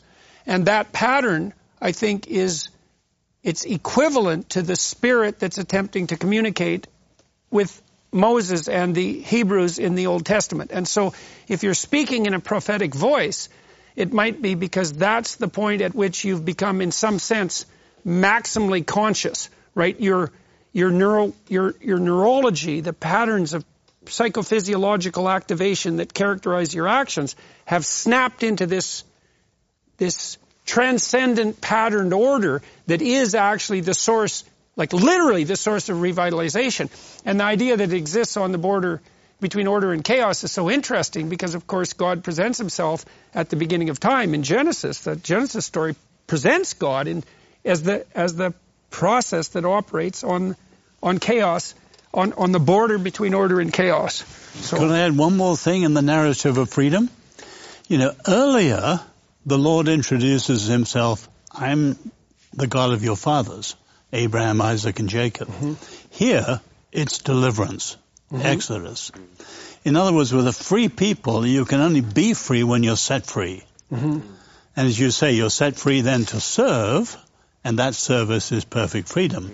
And they're about to be given this covenant of a way of living freely together. Right. Well, but you begin with you. Well, I'm in, the Lord who set you free. Well, it's interesting too because in some sense that that makes God, as He announces Himself here, not exactly the God of the fathers in in this sense because you could think of the Pharaoh as a tyrannical father right? And if God is only the father, then why isn't he the tyrannical father? He's not the Pharaoh. He, he's something other than than the paternal spirit. He's certainly something other than the t- paternal spirit in its tyrannical manifestation. But, he presents himself here as the as the spirit that frees you from that. But if you look at Israel alone, the Lord calls Abraham a man, then a family, and now it's a nation. And you're right, the contrast with Egypt, you've got this double contrast I think we're coming to Egypt behind you and Canaan ahead of you. And they're very, very different. Well, right. And you're well, going to be different Pharaoh, between the, them. The Pharaoh for the Egyptians was a god. Oh, that's right. Right? Yeah. And so God is saying, well, I'm not that. Whatever I am is not that. In mm. fact, I'm the thing that gets you the hell away from that. But I think so. that I think that's why verse 10 is so important because it, it recapitulates, as Jonathan said earlier, the, the creation narrative, but also God as creator, not just liberator, R- right. and, and not just the God of, of the fathers. And that, I think, it, it, that anchors, to answer your point there, Jordan, that anchors God as as Father and source of source of all, the good, the good, right, good Father, right, and creative spirit. Yeah, right, and I think it. I mean, it also allows those of us who, who are not part of the people of Israel to see that the commands that are being issued are, as it were, plausibly identifiable as a natural law that applies, that will one day apply to all. Mm-hmm. Right, um, right, That is to just, say, I just want to say the created moral universe. Just one thing about the, this, when you tried to bridge the notion of consciousness, and I think that this is something which is embedded also in the commandments, which is what we'll see is that the relationship to God is a relationship of worship and it's a relationship, it's a certain type of attention. That is mm-hmm. what mm-hmm. is going to be presented to us. And God is not saying that there are no other gods in this in this text in the first commandment. He's not saying the other gods don't exist. He's saying there are no other gods before me. There are no other gods that are at the level that I am. Right, right. And he, then later he's going to say those other gods, because the angels are in the Old Testament gods, basically the same word for gods and angels. It's just the same the same concept. But you don't worship them. You don't worship the angels, right? The, your worship is, is attendant to the highest, to the source of all things, the creator of all things. That is mm-hmm. where your worship goes. Right. And that and worship then, is an aim. Yeah. And, and, and that, that, that, to deviate from that worship is a sin. That's why it's an archery term, right? And then you can see that when we talked about honor thy father and thy mother, he sets, he's setting up the difference, right? He's saying, you worship God, you honor your father. But then you, he could have said that of all other kinds of things, right? Worship God, honor, honor you, the king. Worship God, honor the human, human laws. So there's a sense in which we do we do understand there's a mediated reality, but it's a it's a hierarchy. What we give to God is only to God. Do you think that relates to the second commandment, not to make any graven image of anything in the heavens or on the earth beneath or under the water below? I mean, that's moving from the transcendent principle, you know, there are no gods before, or, uh, thou shalt have no other gods before me, then why? It's a concern why, about why did, why idolatry, and and that yeah. yeah. that's something we can definitely discuss in some detail. It goes from gods to idols. Mm. They're different commandments. We don't violate the idol today, but we do violate the other gods.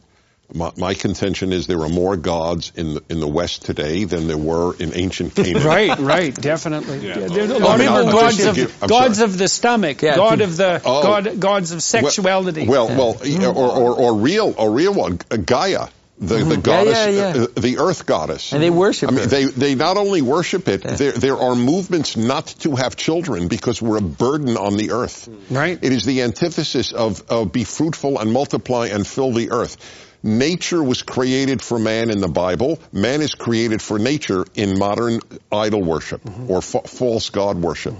Uh, it, it, it's it, it, what- well, we might was- say we might say, Dennis, is like either something is going to rise to the highest place, or there's going to be incoherence. And what we're seeing in the Western world is both of those happening at the same time. There's tremendous incoherence of identity, right? And that's well, the, the rainbow, in some sense, is a symbol of that. It's just incoherence of identity. It's the endless multiplication of fragmented identities. But then you have this also this other tendency lurking in the background as a counter response to that is something like a union under a false god. And the false god, it, it, I agree with you, the false god is something like it's nature as all benevolent virgin goddess. It's something like that. Mm. Yeah. So, But surely the, the big difference, all the other gods are forces of nature. Mm-hmm. And the Lord of the Bible is the creator of We, it all. so and the separate from it post-Judeo-Christian world today- is actually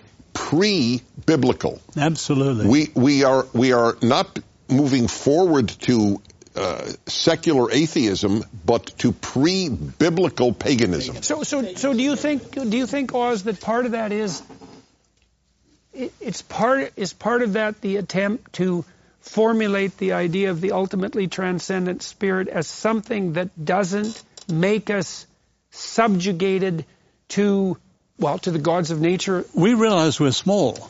So whether it's fertility or whatever it is, you have to trust something bigger than yourself. It can be the sun or the river or whatever it is. Today it can be technology or artificial intelligence or whatever. But we know instinctively we need something bigger than ourselves. Yeah, and And that's we try idolatry, To, and we and try to make that thing now. See, Right. That So- the second commandment is great for us because we are we Mm. try to create systems, perfect systems. We are trying right now to create perfect systems of surveillance, of control, where we think that you know, the Of AI will take care of it for us. We're going to make this thing. We're going to make it out of our hands, and it's going to become our God for all intents and purposes. It will regulate us. It will show us the way. And so it, the, the the second commandment is so relevant to what's And going on right now. relevant too? We've discussed a little bit about the dangers per se of technology. You pointed out to me a while back that the all of the technologies that are relied upon in the biblical order are the consequence of the activities of Cain.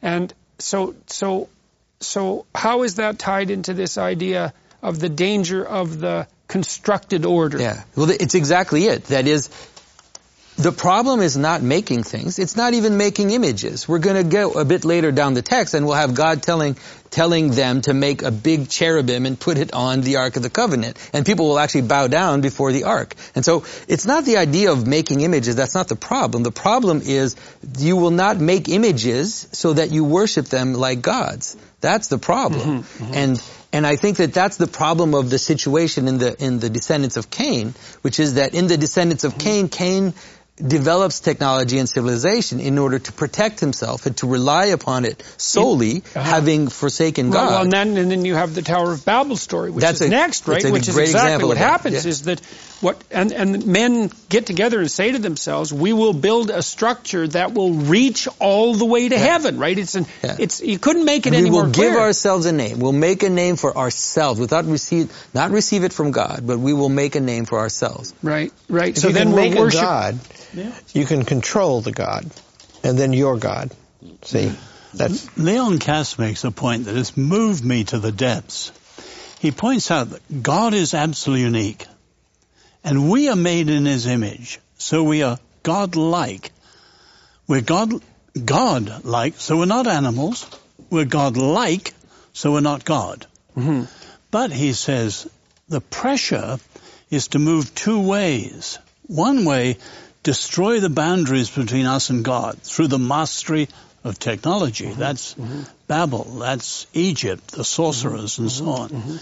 The other way is to remove the boundaries downwards, so, you know, we're just like animals and Mm-hmm. pleasure and all those sort of things.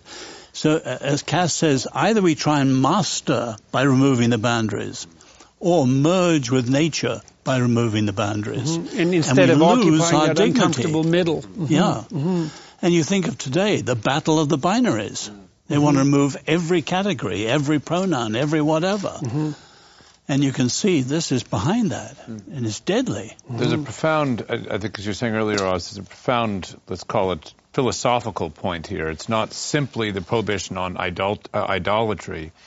It's it's separating God out from nature, so that you know reason, mm. thought, logos, divinity. It, mm. it, it is in the whole order, but it is also transcending the mm-hmm. order, and that's of course mm-hmm. completely contrary to kind of a dominant sort of mm-hmm. reductive materialism that we see in Well, our own it- our own time. It's also a remarkable revelation, right? If, if you think about it, I mean, you see this later with Elijah, because Elijah is. This is maybe why he's elevated on the mountain with Moses when Christ is illuminated. I've always wondered why it was Elijah, and then I. I understood, I went back and read the text and I understood that Elijah was one of the first prophets who really posited that whatever God was, wasn't thunder, mm-hmm. right? It wasn't the voice of thunder. It wasn't the storm. It wasn't, it wasn't the starry sky even. It was something beyond even that. And you think that's an amazing revelation because you can imagine for primordial people, for children, for, for all of us for that matter, to separate what God is from something like thunder and lightning, that's a very difficult thing to do because thunder and lightning is actually pretty damn impressive. And so then to posit that there's a transcendent unity that even transcends nature itself, it's at least a remarkable leap of the imagination. But isn't that the burning bush?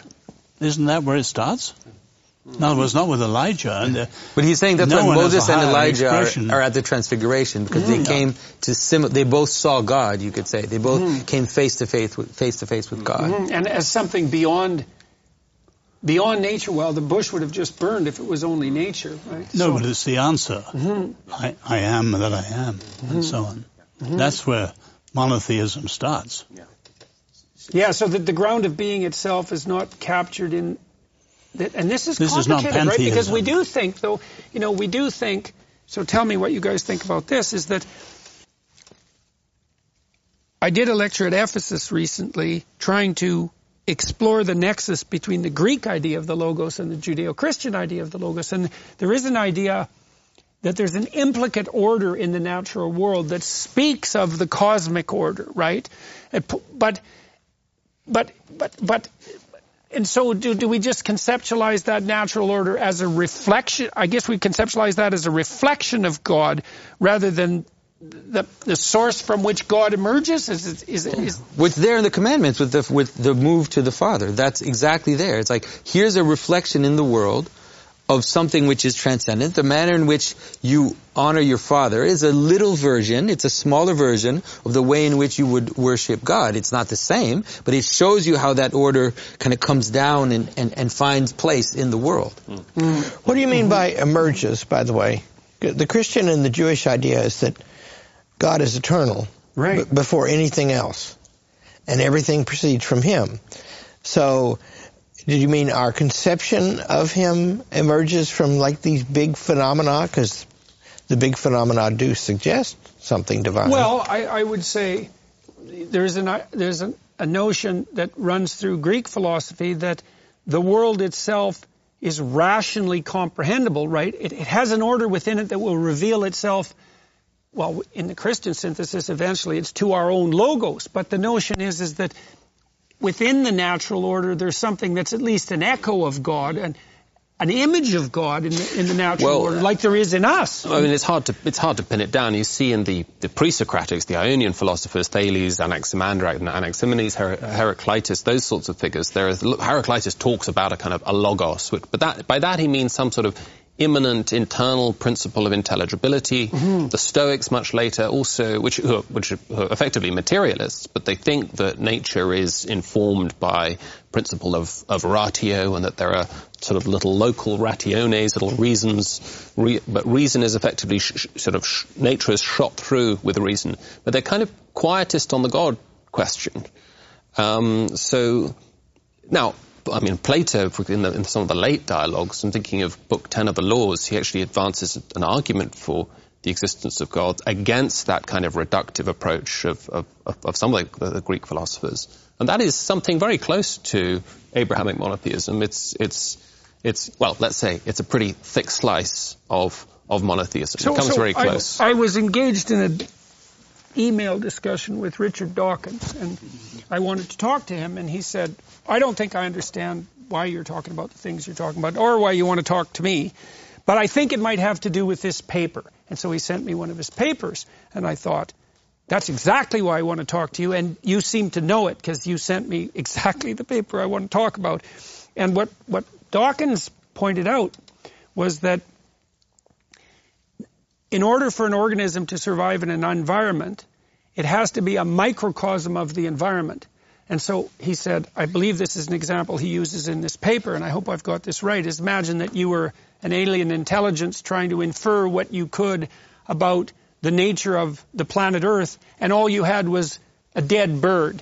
Say, well, what could you infer? Well, the bird reflects the structure of the Earth, right? It, it, it has wings, it has a certain mass, it has a certain volume, you, you, can, you can infer from the structure of the bird the structure of the environment in which it was embedded. And so, and, and Dawkins also said in this paper that it was necessarily the case that an, an organism to survive in an environment had to be a microcosm of the environment. And I thought, well, that's so interesting that you would use that terminology because, like, how far are you willing to extend that? Then you might say, Larry, well, in in our bi, like, is there a logos is the logos that's implicit in our biological nature the logos itself?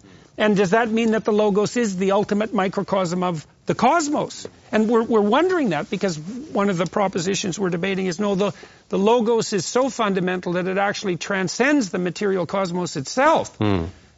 But if you scratch the surface there, Jordan, and maybe this is one way to, to respond to Dawkins, if you if you look, you know, carefully at the Selfish Gene or Unweaving the Rainbow, all of those books, it's very clear that he's got a very active and lively commitment to the logos in the form of DNA. Mm-hmm. information, mm-hmm. not material. It's not. It's it's it's as it were. It's contained in a materialistic, naturalistically explicable vehicle. Right. But information is the logos mm-hmm. for Dawkins. He says, you know, mm-hmm. DNA neither knows nor cares. We we dance to its music. Absolutely. But as it were, it's it, it's it's the logos albeit understood in a strictly net sort of uh, mm. within uh, as animating nature and nature alone, and not mm. not not. Well, and it is and it is a pattern that repeats across vast uh, stretches of time. Absolutely. Right? It's independent of its underlying material substrate. R- right, and it's one it's one that evolutionary theory presupposes and can't therefore conclude to. Independent of the substrate, I think, is that that's that's fundamental to the second commandment. Mm-hmm. Yeah. That, mm-hmm. that God is beyond mm-hmm. beyond the order itself. Why, why, does it go on here before the next commandment? There's this. He says, "Do not bow down before. Do not. Thou shalt not." Verse five. Thou shalt not bow down thyself to them, nor serve them. For I, the Lord, the God, am a jealous God. And then this this terrifying line. You know, mm-hmm. visiting the iniquity of the fathers upon the children. Not the mm-hmm. children who did it. The iniquity of the fathers upon the children unto the third and the fourth generation of them that hate mm-hmm. me, and showing mercy unto thousands of them that love me and keep mm-hmm. my commandments. Is that just a little aside, like better listen up here, folks, or is it related to the second commandment? Well, I think no, it, I think it's a consequence. No. Well, I think it's related in that we, we could go back to the communist example again. It's like, well, let's say you worship a false higher unity, and that would be from each according to his need, to each according to his ability. No, to each according to his need, from each according to his ability. So there's a principle there, and it sounds good. Well, what happens? You elevate that to the highest place. Well, it doesn't work. So what happens? Well, it's not just you that suffers. It's multiple generations in your aftermath that suffer. And I don't know, maybe, maybe Dennis, you know, jealous. What does jealous mean here? Well, it does mean jealous, and it's it's an anthropomorphic term for people to understand. I love you, and I'm, I'm not I'm not into the love world as much as many others, but I have to be honest to the text. God loves them, and and, uh, and and is saying, "I love you," and therefore, when you go to another god, you you you are disloyal. You're you're committing a form of adultery, as it were, and so I'm jealous. And and I always point out in, in my own commentary uh, and, and and in speeches, uh, it's the the the achievement of the of the Bible is to have spoken relevantly to people 3,000 years ago in the late Bronze Age and to us today. So clearly, there will always be times that there is language that we would not use today. People, oh, God is jealous. I get that all the time from the, the mockers out there, of whom there are tens of millions, as you well know. Uh, and uh, th- it was language that meant something to them. When you go after well, another God, what is he going to say? You know, I'm the one creator of the universe. I want you to understand that. And any other attempt to offer you a God is a false one because, uh, uh, and then give some philosophic reason. These are slaves from Egypt. They understand the idea that if you betray me, it's betrayal. He's putting it in the, in, in the simplest level. You going to another God are betraying us. You and me. That's what it means. And it really does mean jealous. Uh, it, it also means, uh, in, in later Hebrew, fanatic. Uh, but it, but it it really does mean jealous. Uh, I- just since since uh, I'm saying something, I, I just want to make one point on on the gods. Uh, it, it, it, the, the Talmud has a, the second holiest book in Judaism has a brilliant statement, and that is anyone who observes that commandment is considered to have observed all hundred all 613 commandments of the Torah. If you just don't have false gods, and I remember learning it in yeshiva Just. when I was a kid. Hmm? Just, Just that just one. don't. yes. and I realized that they were right. That was absolutely prophetic. We live in the age of false gods. I'll give one uh, another example uh, to, to the one I gave earlier. Science. Th- this is. I get this. I have this. uh, What I call my my um, my my human laboratory, a talk show, because I talk with people, not just to people, and for 40 years. And I and and that's a very then yeah, you believe in God, but I believe in science. Th- this is a the most common single one. So I have a very simple answer. Oh, really? God told me not to murder and to love my neighbor. What does science tell you? And I love silence on the radio. Mm-hmm. It is the most powerful moment on a talk show when there is no response. Oh, Does mm-hmm. science tell you to be kind? Does science tell you to be good? To love your neighbor? Of course not. It tells you nothing. Survival of the fittest. That's the message of, of science. So, so let, let me push back against that just slightly, because I don't I don't think it's necessary to take that pessimistic a view of science, because I think a lot of that's actually an, a projection of of ideology into science. So, for let, let me give you an example of that. So, there has been this idea, which I actually think is a Marxist import into science, that the pathway to reproductive fitness is through dominance and power. But Frans de Waal, for example, has taken that apart brilliantly in chimpanzees, and um, Jaak Panksepp took it apart in rats. What de Waal found in chimpanzees is that the stable alpha males are reciprocally altruistic and great peacemakers. And so even in biology, the idea that the, there's a survival of the fittest, and the fittest is like the roughest, toughest brute who could rule, say, the primate horde, turns out not to be true when you do careful observations of actual chimpanzee troops. There's something even in the damn chimps that looks like an ethos of mutual reciprocity. Now, it's not elevated to conscious, like to self-conscious representation, and I don't think chimpanzees are capable of evil, although they can be pretty damn brutal. But I would say even in in the in the highest evaluation that science is capable of, you do see something like this recognition that an ethos emerges up from the material that's analogous to the ethos that descends from the heavens. So Well, uh, oh, forgive me. I, I, first, I don't think it's true for baboons, and so we're going to be end up quite selective in in in, in which species we we choose. Uh, there are many animals that eat their young. We're not going to use them as as examples. Or- yeah, yeah, yeah, yeah, yeah. Oh, so it's not I- like the picture is clear. And, also, it's hard for me to imagine, or and I know for you it would be hard to imagine. I want you to be kind because I'd, I'd like you to monitor what chimpanzees do. Mm-hmm. Uh, is not quite the same as the creator of the heavens and the earth has said, love your neighbor as yourself. And by the way, uh, just for the record, almost no one ever notes this, even though everyone at this table knows this. Leviticus 19:18, which is love your neighbor as yourself, ends with Ani Adonai, I am the Lord. If that were not appended, it would be a worthless sentiment like cross at the green, not in between. Uh, so, uh, the if you care about goodness then you care to have God as God. The, the biblical God must be God. Mm-hmm. No other God will work to make a good world. Another way of putting that is if we're made in the image of God, to elevate anyone or anything in his place is to demean ourselves. Mm-hmm. Mm-hmm. Yeah, yeah. So the I mean the analogy there, Jordan, might break down because the image of bearingness, the part of the, the, the image bearingness we have of God is, is that we are free.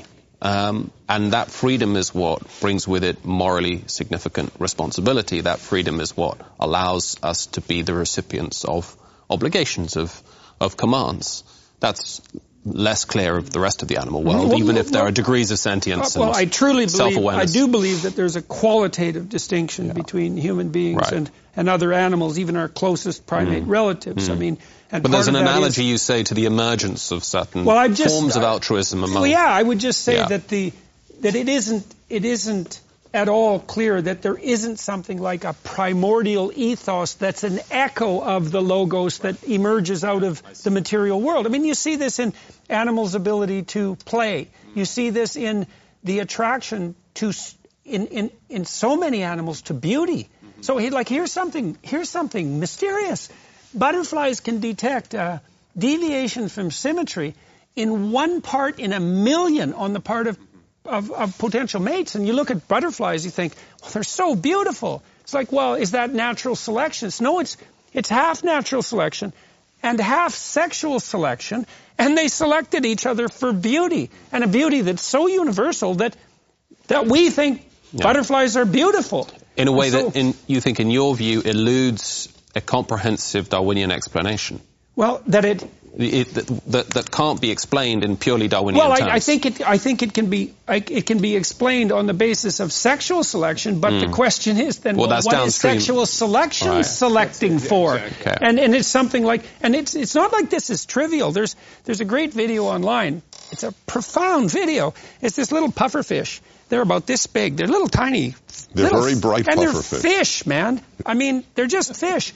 And this bloody fish makes this 40 foot sculpture at the bottom of the ocean that's, that's a perfect circle with these undulating waves and it spends like two weeks doing this. And it goes up and it looks at it and it takes all the shells away from it so it's pristine and clear. And you and this is a fish. And you look at this thing and you think well you know that's if you saw a person do that you'd think it's pretty good. But it's a fish. And then the females come along and take a look at it. It's like, well, yeah, that's a pretty good sculpture. How got there, great are they you know. works, O Lord? That's what I end up saying when I see a pufferfish build that. I, Yeah. I- just for the record. Yeah, record, well, it's, yeah. it's it's something, and there is this echoing Again, I, of. but I love Peter Berger's notion of signals of transcendence. Mm-hmm. Reality has certain things in it that puncture the secular interpretations Yeah, of yes. the materialistic, Jordan, and they point is- beyond. they do, they do. Well, Bowerbird's and the, love ul- of the, beauty the ultimate one is the existence of the Jews. Mm-hmm. But it, it, the, the reality is a key word here, though, it- that I think pertains to the commandments. I mean, that, that I think the idea here is these are not simply there's not arbitrary, you know, things like you know jump three times before you do that, and if you don't do this, I'm going to destroy you. This is not the logic that's going on mm-hmm. here. The the, the the the the claim I think here is that these commandments mm-hmm. are ways of of of of accustoming yourself, subordinating yourself to what is the fundamental nature of the real itself. Yes, yes, as yes, sovereign, yes, as non-relativistically. It's not. This was not a construct. It is not simply a societal norm. well, these, are, embedded these are rules that saying, will work in the real world. Yes, and the pufferfish and the chimps are somehow within that same Right. that same fundamental, let's say, character. Right. And in terms, like, just to bring it back to the commandment, because you, you mentioned the idea of of visiting upon the fourth and third and fourth generation as the idea that if you embody a pattern that if you worship the wrong God, it's going to lay itself out and, and your children will pay the price for that and mm-hmm. their children as well. But then right after, it shows that in some ways the good is, is bigger. That if you follow the commandments, that if you, if you uphold the covenant, then what will happen is that thousands will benefit. And that in the sense that, yes, evil will visit the generation. Visit, evil does have a progeny, but that good and that the, the, the good itself has a much greater impact. It has, it has a, it's stronger, let's say. But Dennis, isn't it a Jewish understanding that it's not sin, it's iniquity. In other words, there's a deliberate violation, mm-hmm. and that does have consequences down the generations. That's why it says to those As a matter me. of fact. It, mm-hmm. it isn't that I visited to the ch- children. The Torah itself bans punishing children for parents' sins. Right. Mm-hmm. Well, how does that work then, Dennis? Because it's a third or fourth generations who who if hate you God? continue in the, you see, by the way, I didn't want to, since you're raising it, the Hebrew that is translated as visit, which goes back to King James, I don't know why they said that. It, it uh, the Hebrew poked means many things. You can look this up in, in all the even English language uh, concordances. It actually its primary uh, understanding is remember, take account of. Mm-hmm. And that's a very different read of that verse. Mm-hmm. God will take account of. That could mean visit. It could also mean, since you come from bad origins, yeah. I will in fact remember that mm-hmm. in the way I judge you. Right. Well, Including also, maybe holding back mercy. That, yes, that's right. The, yes. Right. Okay. But that's why it's added I to those right. who hate me.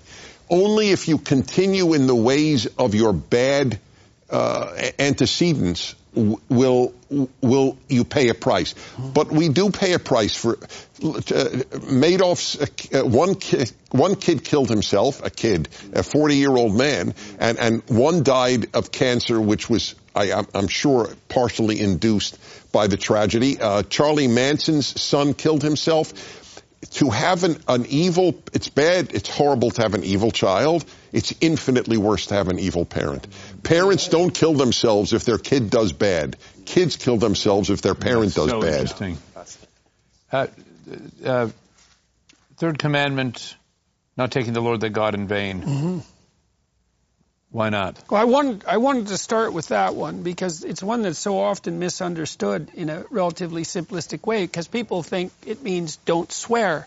And it's possible that that's one of its peripheral meanings, but that, that isn't what it means as far as I can tell.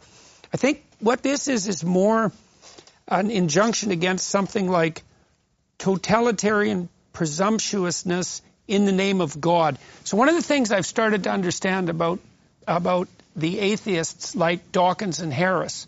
And, and they're great exemplars of this because they were leaders of the biggest atheist movement, let's say, in the last 50 years, is that they identify the spirit of the totalitarian with the religious spirit.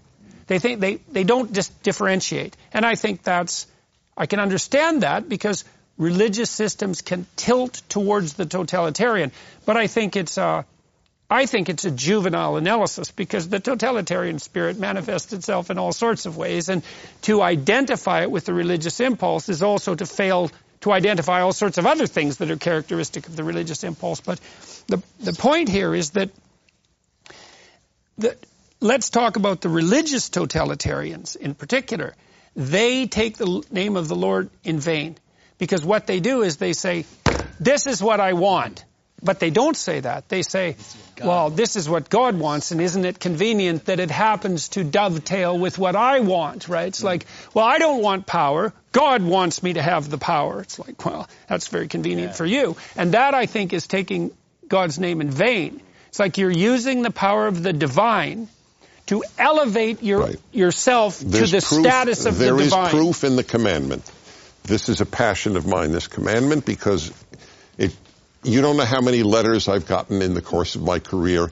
Dennis, a religious man, how could you keep saying, oh my God, on the radio? Mm-hmm, right, as right. if I'm violating this commandment. First of all, God is not God's name. aside from that, that's just a technicality. there is proof that what you said is exactly what it is. Number one, it doesn't say take. This I know for a fact, and I, I, I know my biblical Hebrew. Lo tisa means do not carry. It doesn't mean do not take. Do not carry God's name in vain is exactly that. Do not do Ah. evil in God's name. Right. And by the way, that is the the biblical worst word to carry. Uh, that is that it, it is used all over. Lasate is to carry. Okay. So the second proof is this. It says God won't forgive one who does this. Now wait, Mm-hmm. so he will forgive murder, he will forgive theft, he will forgive kidnapping, he will forgive everything else except saying, oh my God, what a bad day at work today. I mean, it drives me out of my mind when God is depicted as, as silly, and that depicts God as silly. I, he, he is more likely to forgive the, the murderer who is an atheist than the murderer who murders in his name. Mm-hmm. That's what he's saying. Right, right. That is the greatest evil. Yeah. Evil well, in it God's has to name. be. It has to be because evil in and of itself obviously is evil, but evil conducted in the name of good It- is a, it's the ultimate parody of the good itself. and it, ends has the possibility. darkest if sin. God's name is darkened, then there's no hope for goodness. And then it's there's in the text. I think structurally, what you're saying and what Jordan is saying is there because if you look at how the commandments relate to each other. So God says, "I am God, no gods before me." Then God says, "Don't take stuff and make gods out of it. Or don't take stuff from the earth and lift it up over me." And then he says, "Don't take my name and bring it down hmm. in an inappropriate way." So there's really a, a there's a structural relationship where he first says, "Don't bring stuff up," and then "Don't bring my name down in an inappropriate way." But you've got to say it all grows out of the reality. In other words, in Israel, isn't it, so- Dennis? Only once a year the holiest man enters the holiest place and then and says the holiest word once. Mm-hmm. That was the reverence to it. And out of all you're saying flows out of that. So how, No. how, how, why, why, why Os? Why, Because why, why do you link those? I think you used the word ultimate reality. That's what we're talking about here. Ultimate reality, transcendent, morally excellent. We're called into question profoundly. Mm-hmm. Well, so this is an example of not doing that lightly. So to abuse it by either making it casual or exploiting it in terms of, well, I want using God to countersign it and so on. But it all goes back to the reality of this. It's it's it's literally awesome. I mean, even the word awesome is cheapened in America. Mm-hmm. Everything's awesome. right. This is awesome. Mhm. Well, that does that pur- does does those rites of purification before approaching the holy is that part of the process of not using the name in vain? Is that because you're you're showing by your actions that in order even to approach God, much less to use Him as a weapon on your side, that you have to admit to your inadequacy and you have to you have to clear out the detritus and and that, that, that seems to run contrary to the temptation to use God's name in vain. I mean, you see this, you, see, you were talking about Gaia. I mean, one of the things that's so striking to me about the modern debate is that no matter what it is that's being done to anyone, it can be justified, it's being done in the name of the planet. It's like, well, why, why can't you do the thing you want to do, emit the carbon that you need to emit? And the answer is always the same. It's, well, because it's bad for the planet, right? There's always this, there's this use of this cosmic club in some sense to justify an ever increasing proclivity towards top down tyranny. But in terms of what you said, I think this is something, it, the point you made is important because it'll help us understand what's going to happen later in the text, is that as moderns, we tend to oppose the moral order and the ritual order. We tend to think there's this moral order and then these rituals are, we don't even know why we do them. But in the, in this text, what we'll see is that those two things are like that.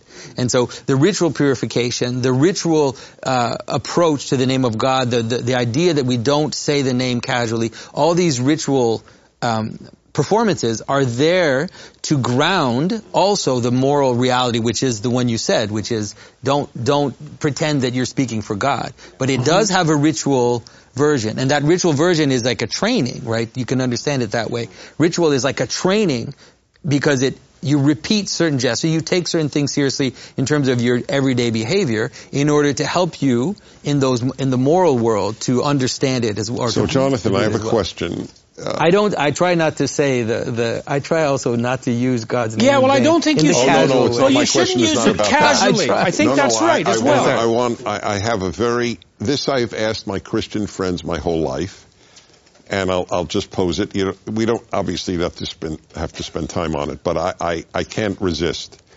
Given your true obvious appreciation of the importance of ritual, that it's not just the moral, but the ritual is critical. Do you think, so uh, obviously my question implies I do, and I do, uh, think that Christians have lost something in dropping the rituals of the Torah? I think that traditional Christians have taken the rituals of the Torah and have reintegrated them into Christ. And so we have ritual, uh, traditional Christians, Orthodox, Catholics, we have rituals, but those rituals have been brought into the light of Christ. So certain rituals are kept and certain rituals, we could say, have been integrated in a different way, especially purity rituals, because we are the impure that have joined the flock then the relationship to, to purity rituals are different for, for the Christians. There's other examples, but ultimately, the, the, the, if you go to an Orthodox church, you'll notice that people have, we have processions, we have things we venerate. So you think Protestant Christianity has lost something? I do think so. Yeah, I do too. you know that. Remember that uh, the first Christians were Jews, and the story of early Christianity is them working out forms of worship. I know. and they were why a I'm bunch of. Jews who Yeah. did it, you know, and it's got much. and, re- and rejecting certain rituals for on theological grounds. I'll, I'll ask the Christians here a question. I've asked uh, Christian clergy, uh, again, for 40 years. Uh, my first program on radio was, was with clergy. And uh, I, I will tell you in advance that the answers are 50-50. With, and it's no distinction between Catholic and Protestant, no distinction between evangelical and, and more liberal uh, in, within Protestantism. Are Christians bound to the Sabbath commandment? what we see in the early years of Christianity in 30s, 40s, 50s, one of the earliest pieces of data we, we, we find is this shift from gathering on the Saturday to gathering on the Sunday. And so what we see there, I think, is an attempt, as Jonathan was saying, to, to preserve and hold the rituals enunciated here, but to fold them in and give them a And Christological we do celebrate framing. the Sabbath. Once a year So- we celebrate the Sabbath. Oh, right. okay, so you're too, not. So too. all right. So are any Christians at this table feel you are bound? You're bound. So this is not a challenge. This is. I, I, I am in. I'm in love with America's Christians. Uh, t- uh, to be perfectly uh, uh, And we open all love about you. it. not all, but uh, but more, least I'm those very around this touched. table. It is mutual. Thank you. It, it is a very beautiful thing in my life.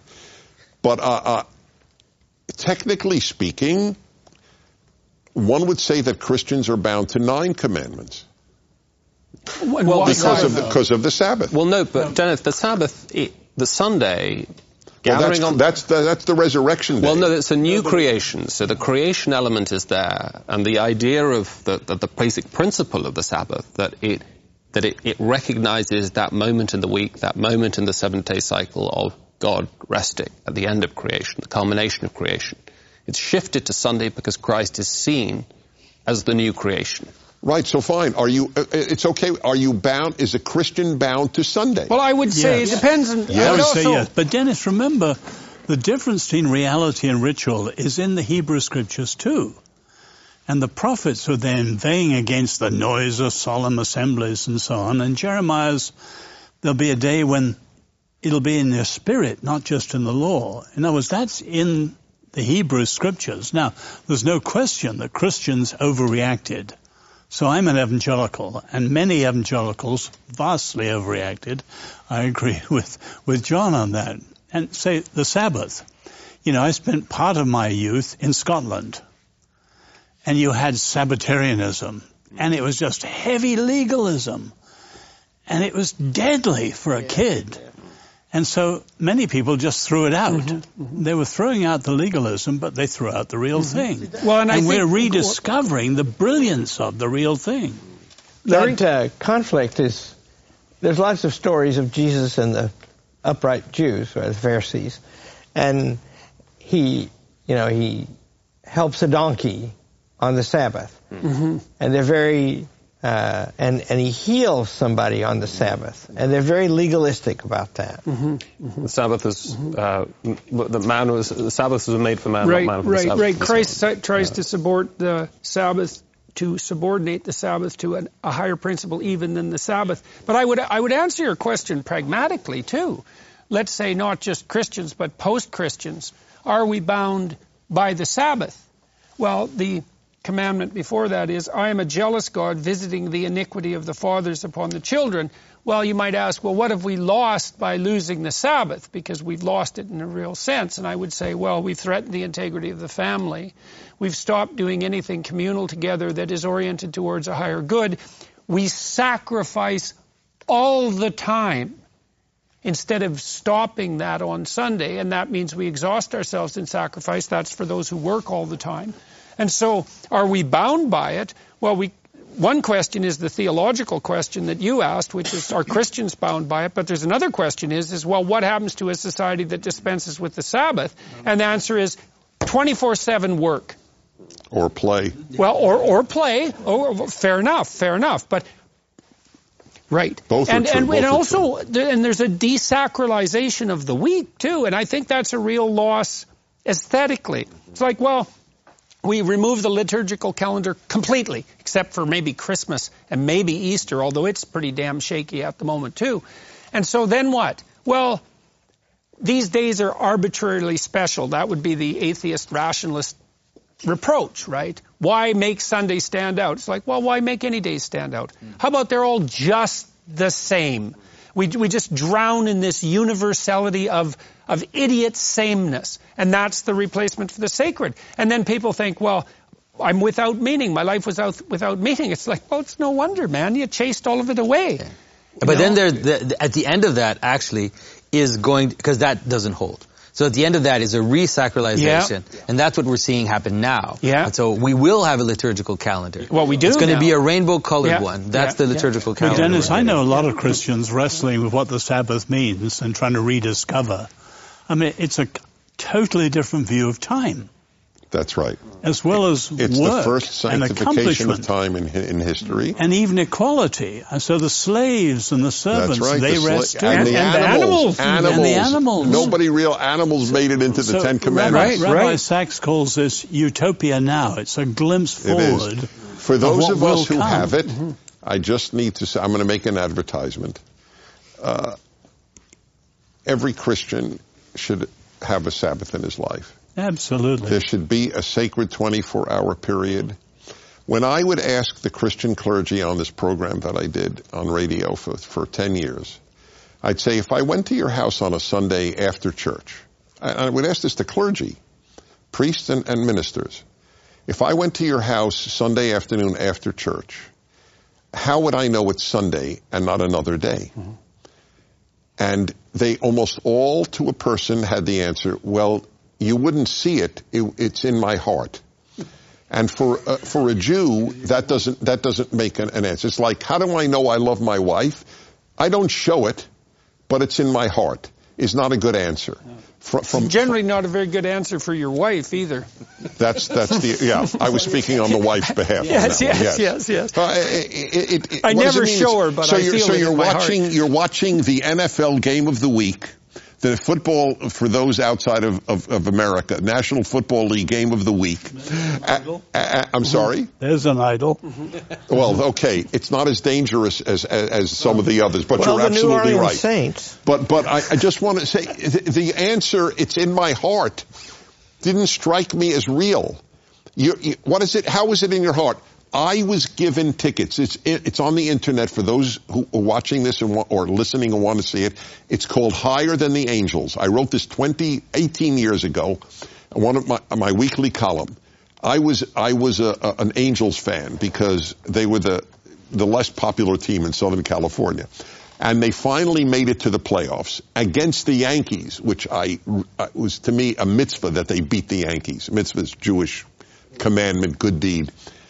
And my a friend of mine, Hugh Hewitt, a fellow talk show host, Dennis, I, I can't go to the game. I have two tickets for you for the playoff game against against the Yankees. I go, wow. He goes, uh, so I go, when is it? He goes, Saturday afternoon. Now, uh, I I don't do everything Orthodox Jews do or, or, or on the Sabbath, but I don't go to sporting events or, or watch them on TV. I just can't reconcile that with make the day holy. And so I wrote this column higher than the angels. The Sabbath was higher than the angels. If you don't believe that God said keep the Sabbath, you will go to that game. And it was so interesting to get Christians' reactions to me. Well, wasn't that a bonding experience with your son? Wouldn't mm-hmm. you have gone with your mm-hmm. son? I say, yeah, but it doesn't compare to the bonding experience of Shabbat every week. Yeah, I don't well, need, the question I don't need is, a baseball bonding experience. This, this is something that Jonathan has really helped me understand too, is that we have this idea, and I think it's very, very characteristic of a kind of fractionating Protestant liberalism that you you hold the highest truths in your heart. But it sort of begs the question is, well, how do you keep them in your heart? And to some degree, that has to be unless they're stamped Behavior. on there in some magical way. Yeah, right. well, it has to be ritualized. It has to be turned into something that the well, whole that, community that's why the, partakes I think in. that's why the sequencing of the commandments is so interesting because the first commandment is really a commandment about one's interior disposition, right? The sense of our, our, our disposition, our, our, alignment, a, a kind of cognitive and affective alignment towards the divine. And then the next few commandments are shifting to exterior forms of behavior. Mm-hmm. That is to say, it's got to be, and and ultimately to to ritual. Mm-hmm. So it's got to be that that that sort of inner psychological settled moral orientation, and then that is going to work itself out mm-hmm. in external so forms even of if behavior. There's an, even if there's an echo there in the psyche, let's say, that has to be manifested in action and communion and ritual that's that's individual and collective that's right to keep that concordance in place exactly right? so that the breaking of of the, the failure to conform to those those those forms of the patterns of external behavior is going to be a sign that there's some kind of you know inner inner restlessness within and a failure to to keep those the commands of interiority at the beginning. Yeah, well, you know? and it is an open question in our culture how much this so-called crisis of meaning that we're all in is a consequence not so much of the collapse of belief, although it's certainly that, but of the collapse of ritual, both private and collective. You know, one of the things you, you notice, one of the things you conclude if you're a psychologist who's interested in the development of children is that one of the things that gives children safety and security and the ability to explore is the establishment of predictable rituals, right? It's like, well, you want happy children? Feed them the same time every day. You want to vary that a bit so they can get used to some, you know, relative privation. They need to get up at the same time every day. They need to be eat at the same time every day with the same people. They have to have the same caregivers.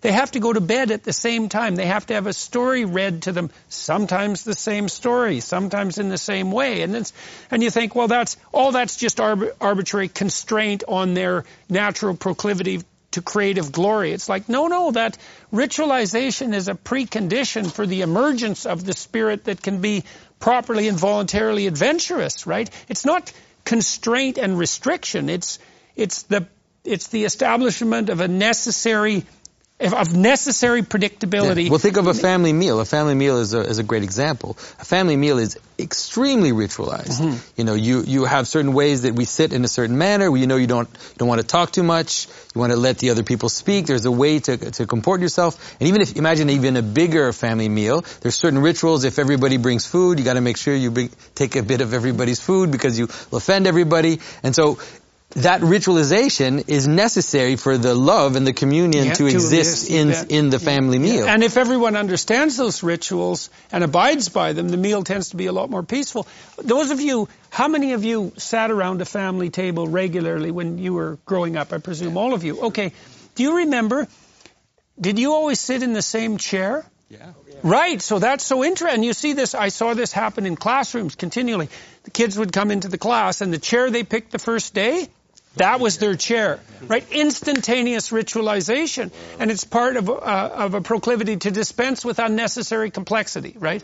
And so, but you do, you know, and I can remember at our tables, like if my sister would tease me and sit in my chair, my objection was, that's my chair. That was an objection that was upheld even by her, but also by my parents. It's like, get out of Jordan's chair, right? And so, and, and the fact that it was, it's not like we had come to some contra- contractual agreement that we each had our chair. And we all knew it was arbitrary in some sense, but still that ritualization, you, so much of what constitutes peace is actually ritualization. So much of it. If there's a we can go even deeper into this, though, almost more basically into it, and that, of course, there's the we need the ritual, ritualization of uh, all kinds of things in our lives, but this is about specifically the ritualization of, of rest. Mm-hmm. And it, it, it- some of the commandments are negative, right? The prohibitions: don't do this, don't kill, don't steal, don't lie, etc. This is one of the positive ones. You know, keep the Sabbath. And There are only two positive. Oh, This and- and, and parents. and the parents, and the, mm. and the, and and it's you know, keep keep. Those keep, are also the two longest ones. y- mm-hmm.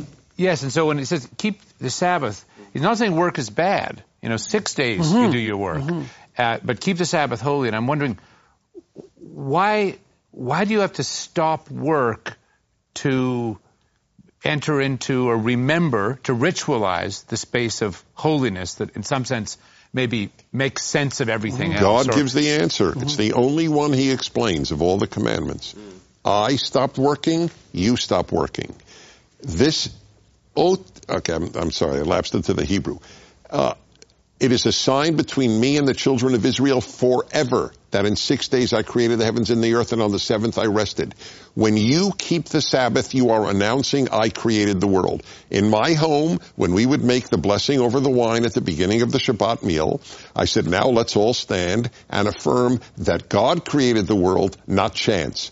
My kids would always chime in and not chance. Like there goes dad again mm-hmm. with his ritualized announcement. Mm-hmm. But to this day, they go and not chance. And it is the undoing of everything they will learn at the un- secular university that chance created the world and not God. Well, one of the things that, that, that I've thought about in my contemplation of the deterioration of collective religious worship is a materialist, atheist, cynical response to Sunday Christians.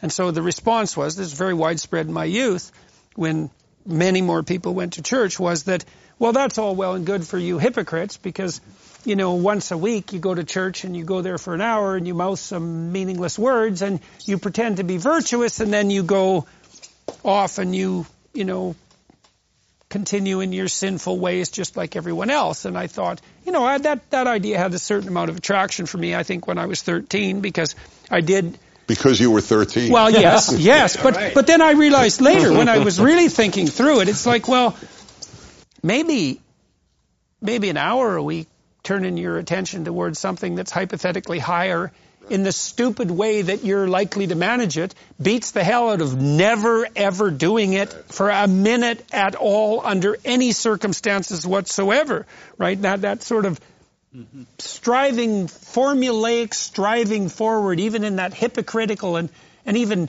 banally ritualized sense, is, well, what are you going to replace it? You replace that with nothing? How is that an improvement? Well, it's not hypocritical. It's like, well, it's even, it's, it's lower than hypocritical. There's no, there's not even a striving against which you could fail. And I don't see that as an improvement. Hmm. So can I ask, just to really make the, break this down, and to confess amongst my brothers here, I really struggle with this personally, the Sabbath. Hmm. I mean, struggle personally to take a Sabbath. Oh, um, mm-hmm. and I maybe I'm not the only one with int- iPhones and constant distractions, and I'm, I have a busy job, and it's important. I think the work I'm doing is important. As if you're lucky to have work that you cherish, it's good to do that work, and there's always a reason to keep working on Sunday. You just if you don't do that, then you think that. So what, what I want to ask humbly of all of you, what doesn't does it? What are your own practices? What makes That's what I asked. What I, makes a I'm glad Sabbath? you're asking, and, and God bless you for struggling. I'm very bad at it too. You know, and I, I know this is wrong. When, when, one of the things I did as a clinical psychologist is I had all these high-end lawyers in my practice, and they were usually senior partners of large law firms. And the deal was that we made with the firms was you send us your best people, and we will make them more productive. Um, they'll they'll have more billable hours, but we work for them. We're not working for you.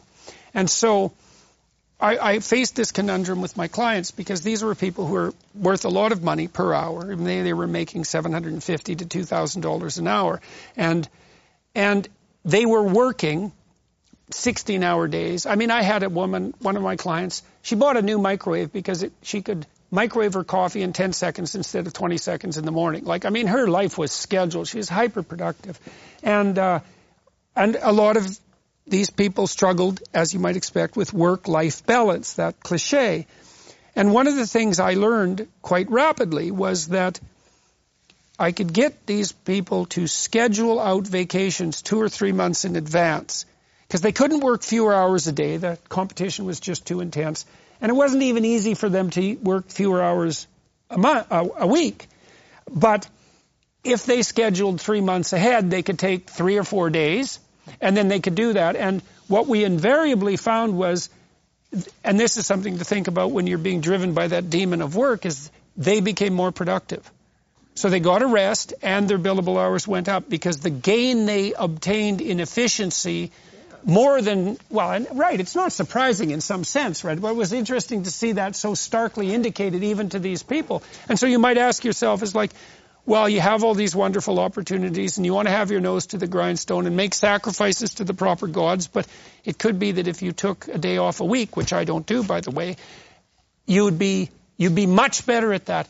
Also because you'd have the opportunity now and then to stop focusing so intensely on the task at hand and to allow yourself to emerge into a state of contemplative reverie, which is indistinguishable from the freedom you need to be creative. But no argument, every argument you made is impeccable. And it none will oh, change well, his behavior. That, you know. That's well for good reason. but this is critical. The only reason I don't work seven days a week is because I think God commanded me. The mm-hmm. only reason that we have the meals with our kids as intently as we did, and they're Every Jewish family is the same that has this.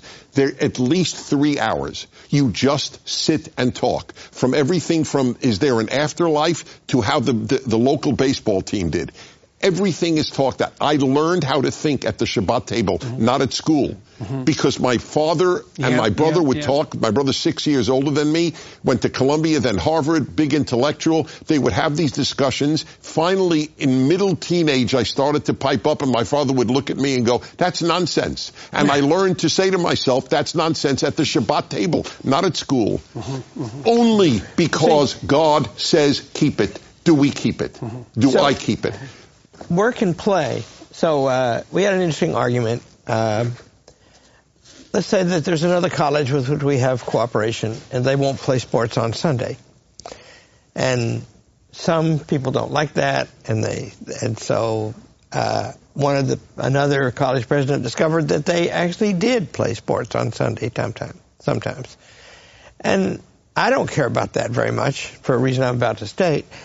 But then I get a letter from the college president written on a Sunday and it says, I've discovered this thing and I'm shocked and horrified and it will never happen again. And we got to talking about that and somewhat laughing about that at my, uh, at our staff meeting because several people in the room who are very devout Christians, they think it's okay to play on Sunday. It's mm-hmm. not okay to work, mm-hmm. right? And so there you go. It uh, uh, and you know there's a that's a fair reading of this, mm-hmm. by the way. Well, the com- well, it depends well, whether the you think play is reading, holy. The fairest reading is the commandment: keep the day holy. Right. That's the commandment. Yeah. And and it's playing to go to the Angels a game. That was total play, mm-hmm. but I didn't do it because it didn't make the day holy. Mm-hmm. But the, for, for Christians, ahead, I mean, I think Stephen, going to church is definitely part of it. And it, one mm-hmm. of the things we do in our parish, which is helpful to do that, is that we have because we fast before the, the before the ceremony. Then we have a meal together. Mm-hmm. So we go to church, then we have a meal in church with everybody, and then that will force you. I mean, it doesn't force you, but it, it, it, forces your day to go up to two, three o'clock in the afternoon, and then you go back home, and then you just sit with the family, and that helps to kind of make it into a day of rest. And I've that's one of the reasons why the church we all go to. If you don't, yeah, I very much agree that uh, I mean, first of all, I remember that I, I agree that the Sabbath should be kept holy, but uh, another advantage, because see, I, I think many things in the Old Testament are interested in public health and have a fair sense of it. You know, uh, what to eat, stuff like that. Uh, and so, sure enough, you need to know your children and your wife. When are you going to know them? How are you going to get to know them? And if you don't sit and talk with them, you won't know them. Uh, my house is revolutionized because my two grandchildren live four blocks away. and my wife says, wow, this is harder now, you know, but we know those grandchildren and they're over a lot and especially on Sunday. Well, so what do we think about what do we think about what this means to keep it holy? I mean, we're, we're having a bit of a discussion about whether play, at least in some of its forms, can partake of the holy, and you're a little doubtful on that front with regards to professional sports viewing, for example. But I would say, you know, some forms of play seem to verge on the holy. Yes. Music has All that the element. families and- will play board games, for example. Right. They'll Okay. play Okay. So so Yep. let maybe we could talk for a minute or two. Os, maybe you could kick us off here. Is like if we're supposed to keep a day holy, what? And in the modern world, well, we don't even know what that means. What do you mean holy? And Jonathan, you said, well, maybe you dedicate some of it to church, and that that seems in a in a sense like an obvious pathway to that which is holy. But what do we mean by keep it holy? Well, let's Um, go back to the Lord is holy, and we're to be like Him.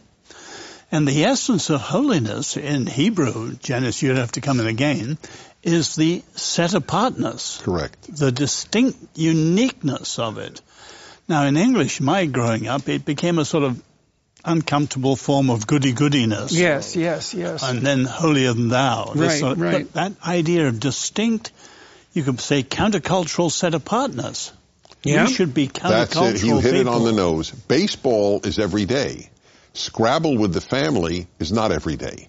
They Okay, would so never okay, play so it if part it were of it, not okay, Shabbat. so part of it is that it, it should be uh, it's bounded in some sense from the activities that characterize Exactly. the banalities Now, I of was going to say to Stephen, my wife says to me, you, you, emails drive you, and reading a certain type of book drives me, and things. So she bans that totally. And I kick for a while, but I do no emails on Sunday, Uh-huh. and I, I don't read certain, you know, sort of.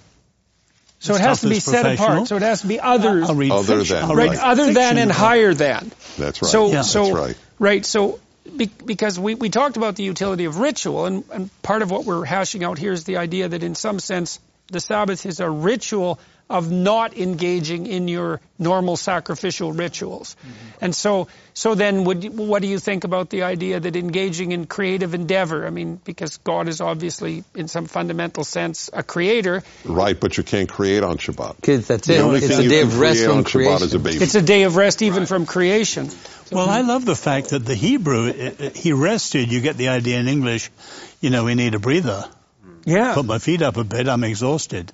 Whereas the Hebrew, I understand, is completion, gratification, satisfaction. It, the creation was good. Well, uh, so I'm curious about this partly because it's not exactly obvious to me that I know how to rest. I don't know what it means. You know, well, I mean that. I mean yeah, that. we know, Like- Jordan. yeah, yeah, We- we- yeah. Because that I get out. engaged in. I just seem to get engaged in some other frenetic But back activity. to Genesis you know, saying and- God created the world not by chance. You could say, and not through us only. You know that old cartoon, Who Will Take Care of the World After I've Gone? Mm, that's a we good point. all think it all depends on me more than it really does. Mm-hmm. And Sabbath is saying, no, the Lord created it. I So, only so have a you small said set part. apartn't, but you also said something like it doesn't is depend on reflective you. gratitude. Uh huh. Uh huh. Jordan doesn't Uh-huh. depend on you. Doesn't depend on me. And I, that's part of the humility that Stephen introduced earlier. Is it is it is it the case that if we don't keep the Sabbath, because there's a sense in which work is, is is instrumental, no matter how high or noble. Right. There's a sense in which you and I have talked a lot about uh, coercion and instrumental, and you know what happens when you don't instrumentalize things. You know, Mm-hmm. they're, be- they, they're free to become so much richer in that reciprocity than if you subordinate it to I'm doing this because Yeah. this person will do, give me that. And there's some sense in which I think this is a call not to instrumentalize your own life and not to yourself to be instrumental, not yourself to be simply instrumentalized to a lower end. And Mm-hmm. it may be the case, certainly the experience of my life is the less I stop, the more I forget what I really am. Mm-hmm. And I think the Sabbath is is Yeah. I think it is inevitable that we will lose ourselves in instrumentality if we do not stop to recollect that we have a higher end. Yeah, and uh, in terms of in terms of the idea of rest, I think it's important to understand. If you want to understand also what the Sabbath does, you can understand just what sleep does. You also need a transition between states Mm-hmm. in order for those states to be full. One of the problems we have, we're so frenetic, we just keep going and we're like these little wound up robots. But you have to take a pause between things in order for that to be complete and then for there to be a new beginning. And, and, and so I think that the Sabbath is obviously the highest version of that, that, that moment of stop, transition into the next one.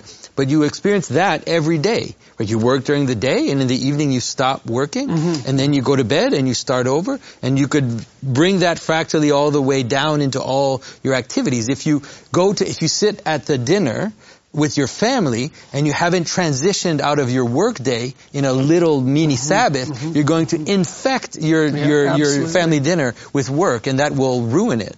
And so this idea of Yes. transitioning between states is very important. Yeah. Well, it also it also means without when you don't do that, you also you have an endless past in some sense, right? I mean, one of the one of the great one of the great miracles I would say of sleep is that the horrors of the day are now behind you, right? So there's that break that enables you to to distance yourself from the past and then as you said to transition into the future and without those without that's associated with this idea of contaminating the next activity unless you can mark it with a transition.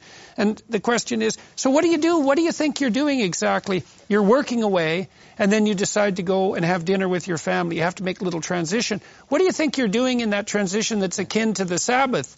Like, what do you, Well, you're setting. Well, that's why you pray before you eat. It's good too. It's a nice transition. Yeah, right. Right, right, But, definitely. But but I think what you're you're doing you're you're acknowledging the completion of something, and then you you're bre- you're taking a breather, and then you are beginning something new. So, you're experiencing akin an to end this and a idea beginning. Of okay, the acknowledging acknowledging the completion of something, right? So that's reverence towards what's already been created, right? So you're giving yourself a break in that sense. Is that that's enough? Maybe what I did for the week, if I did it in good faith, is enough. Yeah, yeah, that's. It's amazing though how much it changes things. Because in a certain sense, your life is no different. You're still going to go around the other six days. You know, go to your work and do your your your, your various daily tasks and rhythms and so on. But in another sense, it's totally different. I mean, the difference between ha- having consciousness of a higher non-instrumental and a higher purpose to your life within your life versus not having that is mm-hmm. everything. yeah, right, right, right, mm-hmm. right. Definitely, definitely. It's a simple point, but this is an innovation, isn't it? I mean, no one else had a seven-day week and a rest like the Hebrews introduced. So, as I understand Especially it, an the- innovation the, that also Babylonians had a week, have it. Yeah. but in Babylon, the seventh day was a day of ill omens and curses, hmm. whereas here it's so positive. And the trouble is, we've turned it back into a legalistic negative. There was a 19th hmm. century hmm. Jewish writer, Achad Ha'am, that was his nom de plume, which means one of the people. And he said something, and he wasn't even religious. He said, the Shabbat, the Sabbath, has watched over Israel far more than Israel has watched over the Shabbat. We, we wouldn't have survived without it. I totally believe it. It's the only ritual in the Ten Commandments. Uh, when, when I have always had uh, non-Jews over for Shabbat dinner, always. In fact, it's a joke in my home. When my older son was about eight, he came over to me one Friday afternoon and he goes, Dad, are any Jews coming over for Shabbos? totally cracked me up. And uh, so always, and always, almost always, this reaction. You have this every Friday night?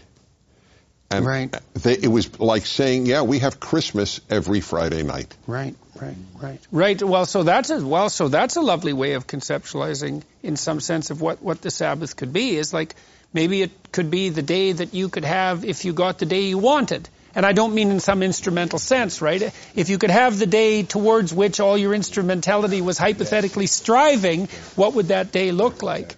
Mm-hmm. Mm-hmm. Well, gentlemen, that might be a good Yeah, place. we did what, the what commandment We did- did we get to? we We No, we to did the four, but we five. sort of did We five did- we already. did five we the did time. five at Okay, okay, so okay. we Well, we hit we hit We- the target we today, it. and now it's the time for and now it's time for a break. Well, okay. Well, thank you all for thank you all for for uh, for participating Shabbat once shalom. again. We haven't been together for a couple of months, and so uh, we seem to take off more or less where we ended, and I'm delighted to see that. And thank you to uh, the Daily Wire Plus people for making all of this possible, and uh, to all of those, to all of you who are watching and listening, uh, your time and attention is much appreciated as we try to sort out these extraordinarily complicated matters in a manner that might be beneficial to each of us individually and all of us jointly. So, thank you. Thank you.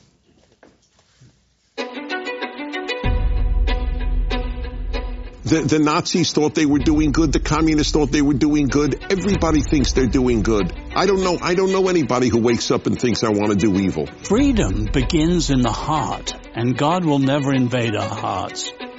And that's where the Christian faith and Judaism overlap. And I think Jesus is saying, you know, where it goes wrong, it starts inside. It starts in the heart. Churchill said, wherever there are three Jews, there are two prime ministers and one leader of the opposition. Oh, that's very funny. I never heard that one. Uh,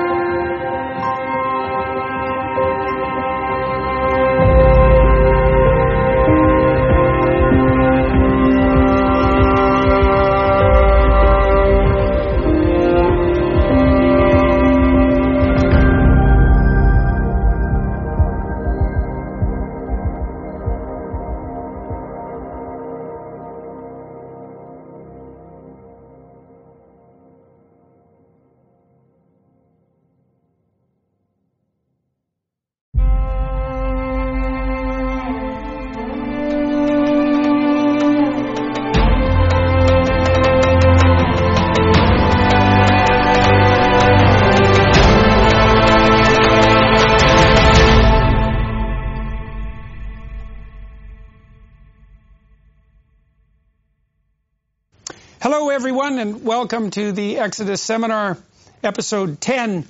Yesterday, we started known uh, uh, universally as the chapter that contains the Ten Commandments. We got through approximately the first five. We're going to take it from the top today, concentrate on the last six, and so away we go. Exodus 20, 1. And God spake all these words, saying, I am the Lord thy God, which have brought thee out of the land of Egypt, out of the house of bondage. Thou shalt have no other gods before me. Thou shalt not make unto thee any graven image or any likeness of anything that is in heaven above, or that is in the earth beneath, or that is in the water under the earth. Thou shalt not bow down thyself to them, nor serve them. For I, the Lord thy God, am a jealous God, visiting the iniquity of the fathers upon the children, unto the third and fourth generation of them that hate me, and showing mercy unto thousands of them that love me, and keep my commandments.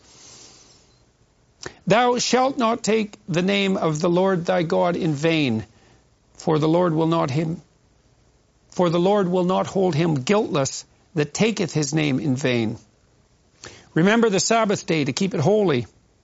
Six days shalt thou labor and do all thy work. But the seventh day is the Sabbath of the Lord thy God. In it thou shalt not do any work, thou, nor thy son, nor thy daughter, thy manservant, nor thy maidservant, nor thy cattle, nor thy stranger that is within thy gates. For in six days the Lord made heaven and earth, the sea and all that in them is, and rested the seventh day. Wherefore the Lord blessed the Sabbath day and hallowed it. Honor thy father and thy mother, that thy days may be long upon the land which the Lord thy God giveth thee. Thou shalt not kill. And with that we enter the domain of the commandments that we haven't yet discussed. Dennis, got anything to say about thou shalt not kill? It'll be brief. It's it's an incorrect translation, but I don't blame uh, the King James people. Uh, I do blame any modern translator who, who translates it as do not kill. It's do not murder. Hebrew has two words for homicide or for killing, uh, just as English does. Kill and murder. In Hebrew, harag and ratzach. This is ratzach. It's clear it's do not murder. Murder is illegal killing. There is legal killing. You can kill an animal to eat it. You can kill a human in self-defense. So if it said do not kill, we would have to be pacifists and vegetarians. Mm-hmm. Mm-hmm. And so, so can we delve perhaps more particularly into the distinction between murder and killing? You mentioned self-defense. I suppose that's extended to the that's extended under some conditions to to, To self-defense war. and warfare. Yeah, yes, yeah, that's right. Yeah, yeah. Yes. So as far as you're concerned, this is clearly not a call to something like like It's not a- pacifism I or would only correct, vegetarianism. it's not as far as I'm concerned. Yes, okay. As far as the Bible's concerned. okay. Yeah, it's not my read at all. Uh, and and it, it, it's, again, a modern translation should not do do not kill. It's, it's do not murder. I'm curious, when Moses kills the Egyptian, do you Mm-hmm. know which word is used? It, uh, neither. It, it was that he, he, he smote him, actually, in English. He hit him. Right. Uh, and, and killed him. Same with uh, Cain and Abel. Neither, neither, neither word was used. Uh, because neither seemed to intend to kill the other. Uh, in fact, in Cain's case, he probably didn't even know it would lead to death because he hadn't experienced it before. And in Moses' case, he simply wanted to stop the man from beating the slave. Maybe he intended to kill him, but it's not the word that's used. So how do we reconcile the fact, for example, that there seems to be um, a, a, an ends justifying the means in some sense, counter argument lurking here? You, you might say, well, what makes killing in a just war not a sin? And it seems to be, please do jump in, everyone. It seems to be something like it's an action conducted in the service of something that's morally higher and superordinate in protection of that. But then that, for me, opens up the thorny problem of, well, the ends justify the means. If I'm aiming at something that's that I regard as holy, then doesn't that open up the entire landscape of catastrophic sacrifice to me if I want to employ it? And so, how do we deal with that problem? Do you have any ideas about that? Yeah, I, I, I to be honest, I've never, I've never thought about it that way. Um, and so, I mean, I, I, there's clearly reasons to kill, like in the, the text, we will find reasons to kill because a lot of the laws, the, the, the, the let's say the, the penalty for a lot of this, the sins in the text were going to be death. And so, for sure, in the culture of the, the text, it's not, like Dennis said, it's not about killing or not killing. It's, I, th- I think it has more to do with the idea of doing it illegitimately. Well, and it did. So is it is the idea that as long as you're operating within the bounds of something like the subsidiary ethical framework, that those actions are justified? I've been thinking, for example, about vegan guilt about eating, and so obviously our our culture is rife with discussions about the morality of eating.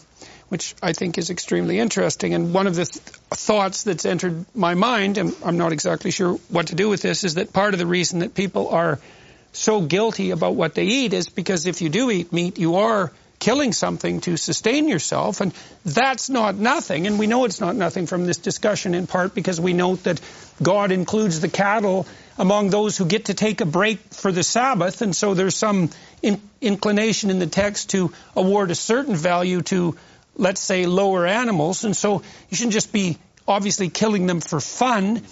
So why is it that eating them is okay? And one answer to that is, well, you need to eat but them you to go survive. Back to Noah, it's Yeah, it's because humans are made in the image of God. In other words, they are icons of God, and so they have a, a status. But I think you need to put the four together. So, no murder is about life. No unfaithfulness is about the faithfulness in a family. No stealing is about property. And, you know, no false witness about people's reputation. In other words, you've got four of the foundational pillars of a community. Mm-hmm. Right. So these are And how four, you have- yeah. the four basic principles Together. upon which a minimal community has to be And I like- established. is it not right, Dennis? They're all second person singular. They're yes, not that's right. generalized. And, and, and there's, that's worthy of note briefly. The singular. And also, there are you in must feel commanded. You. each of us Yeah. individually. And also, mm-hmm. as I understand it, there are only two words. So, Right. thou shalt not sound sonorous. Right. Don't. Hebrew, no murder. It, it would be in English, don't murder. Yeah, That, we, well- that way you have two words. Right. I so remember it's as a boy, blood- Don't you know, steal, when I was a don't murder. 10 year old, the prefects would say, no talking. Right. That was it. Right. This is no murder, Right. no stealing, no adultery.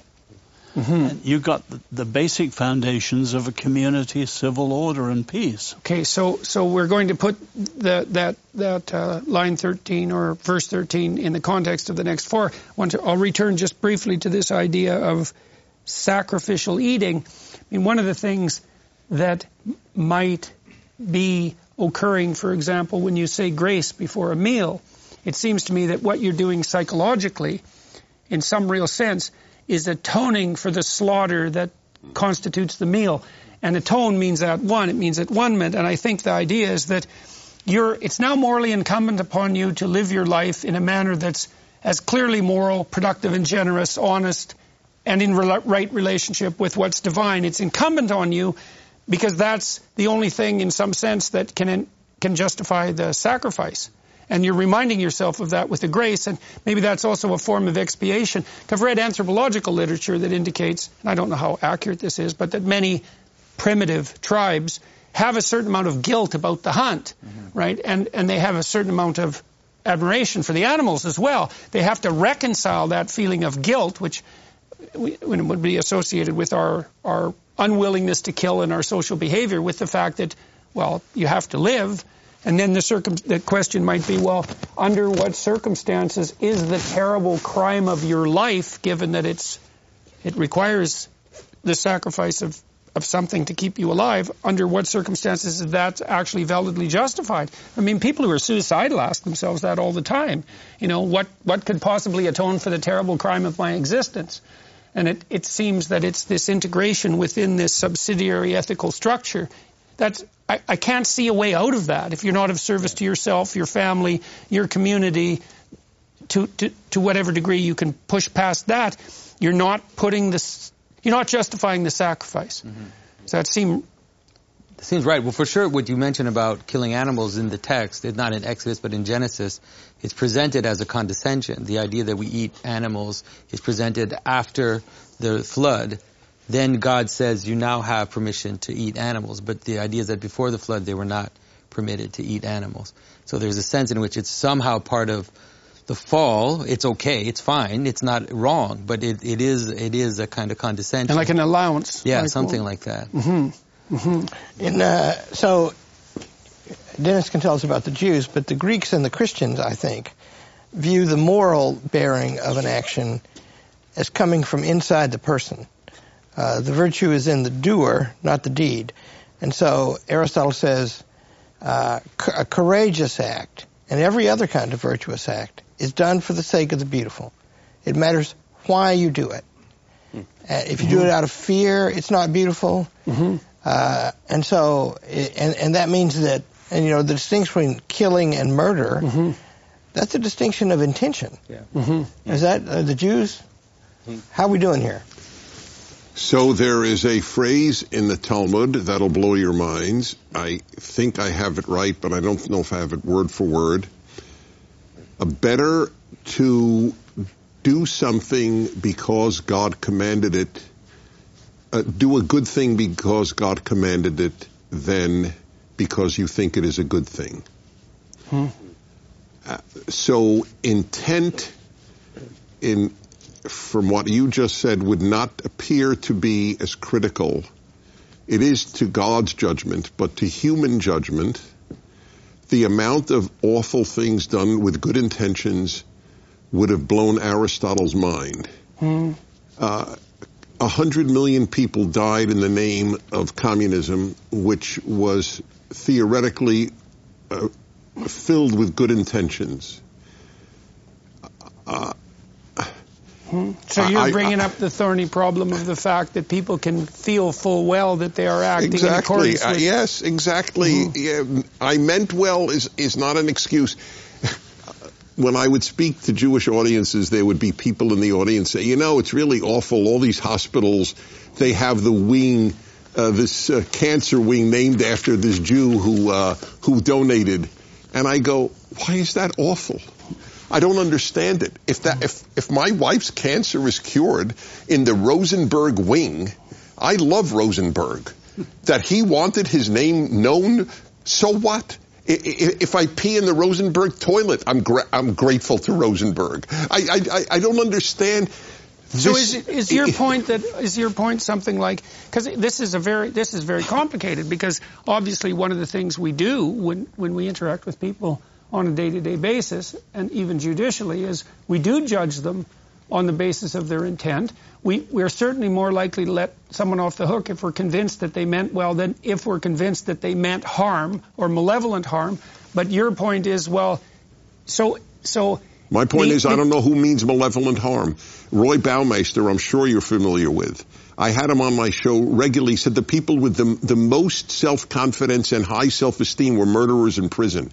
That Yeah. very few people wake up going, "Oh, I'm going to ruin somebody's life today."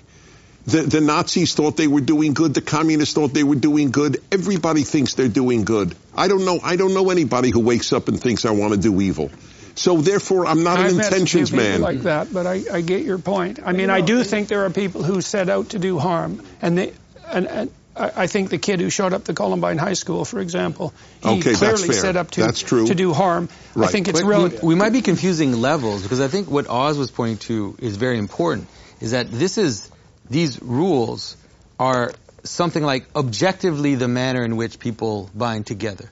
That is the idea of mm-hmm. not stealing. It's not just a question of morality of you know of just tapping your fingers because you did something wrong. It's like if you steal from people, then things will break down. You won't be able to be a people if these things happen in your mm-hmm. community. Mm-hmm. Now, then if you take this, you take it away from the community, and now you apply it as a way of life, or as a code of life, then intention definitely does matter. Okay, okay, Because if so- you're so- going to transform into something more, then you can do all kinds of things that look right on the outside, but that are ultimately corrupt. Okay, so so okay, so tell me if this is this is what you mean. So imagine that we, we, we could say there's a set of minimal principles by which a community has to operate, and maybe those are summarized to some degree in the Ten Commandments.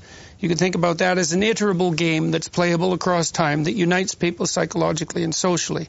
And then the excuse of intention would be you'd say, well, to the best of my ability, I was trying to abide by these principles. And then people could judge whether or not you did that successfully and whether or not they believed you. But it wouldn't just be that I felt that my intent was good. It was that I felt my intent was in accordance with, well, then it would be with something like productive tradition. And that wouldn't excuse the communists because the communists were revolutionary enough to say, we're just going to dispense with all that. And the, the pure intent of our will, of our rational will, is sufficient. The Nazis would have said exactly the same thing. So is it the alignment between the, the tradition and the psychological intent that constitutes acceptable mm. intent? Well, it can't be merely exterior observance of some commandment or, or obligation. I mean, as we were talking about yesterday, the last commandment is a commandment about the heart, about our dispos- the disposition towards one's neighbour's wife, the disposition towards na- one's neighbour's property. So it can't be completely irrelevant. And yes, of course, there are people who, who, who do things for the best of intentions and do terrible things for the best out of the best of intentions. And but there are objective ways in which a community can gather around and assess whether or not that intention was as the person claimed claimed it to be. Mm-hmm.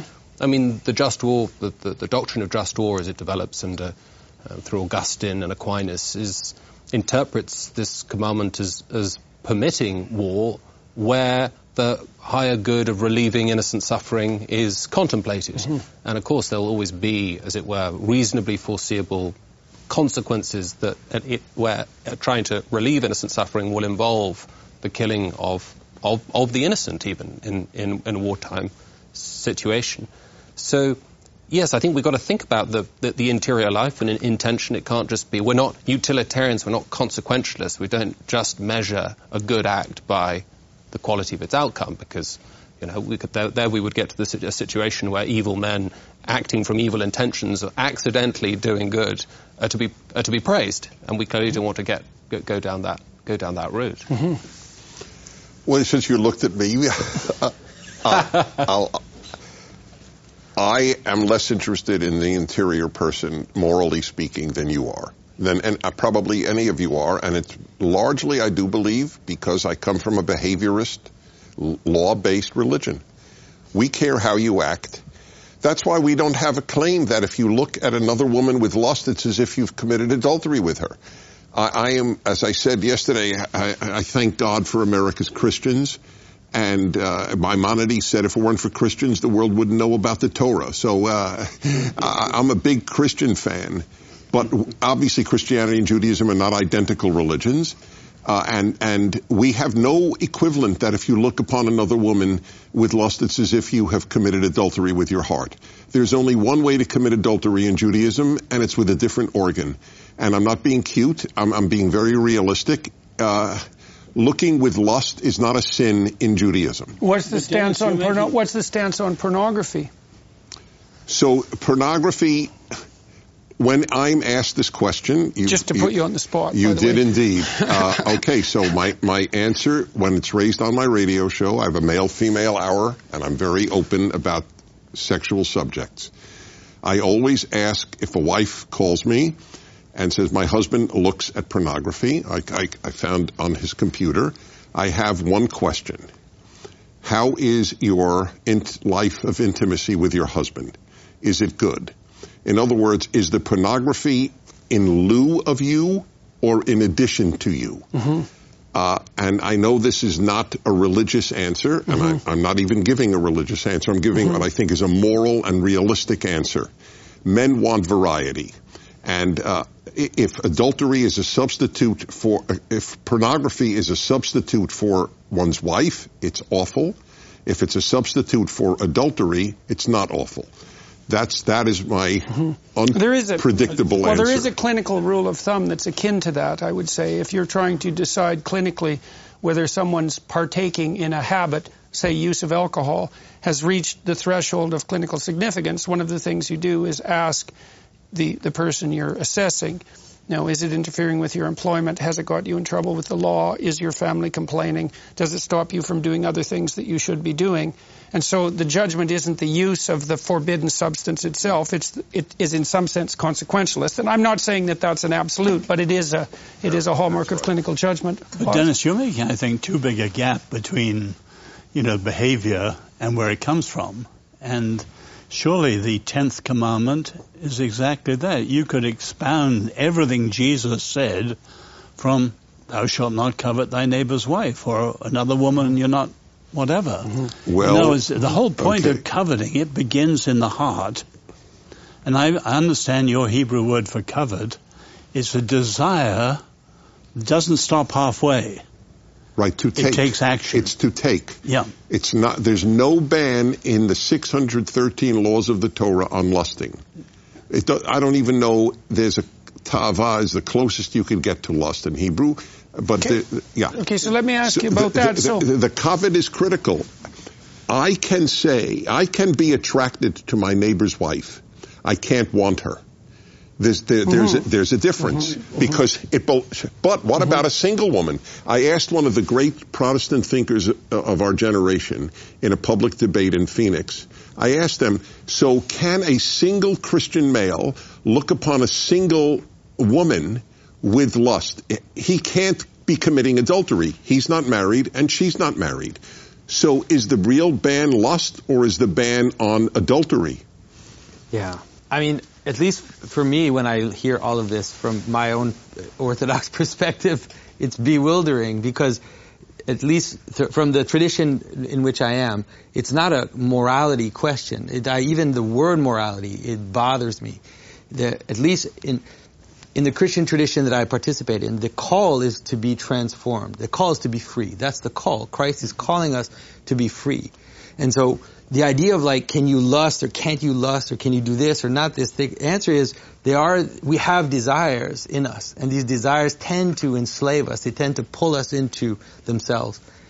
And these laws are exterior ways for you to understand how it is that you can now be free from these desires. None of the desires are wrong. Like sexual desire isn't wrong, desire to eat isn't wrong, none of these things are wrong. The problem is when they capture you. Mm-hmm. The subordination. Right. And so it's not about it's not about like trying to figure out if I'm sinning or not sinning. Like when if I go to confession, I I ask forgiveness for all the sins I've done voluntary and involuntary. It's like I'm sinning all the time if you if you want to know. Like every every you know all day long I'm sinning. But the idea That's idea why you're so much fun. that's, right, that's why I'm so much fun. but the idea is rather is rather that you know to to attend to my desires in the sense so that I'm not captured by them, so that I don't become obsessed, so that I don't fall into that. So to me, like the question of like legally trying to figure out like where I'm sinning or where I'm not, it's just like a, whew, it, it, it, it pulls me into a world that I. so if a man has, and I know this case, I know a man who was saintly in taking care of his Alzheimer's wife, who got Alzheimer's at the young age of 50, and and watched over her and bathed her uh, for for a, a, a decade, and then, so I would just ask, you asked me about pornography, so this man was faithful to a wife with whom he could not have relations, obviously, for a decade or more. I may have, I think it went to 15 years. Would he have been wrong in relieving his sexual tension uh, uh, w- with a with a photograph? See, Uh, I'm, I'm wondering if it's this, Dennis, maybe, and this is something that I had talked to people in my clinical practice about.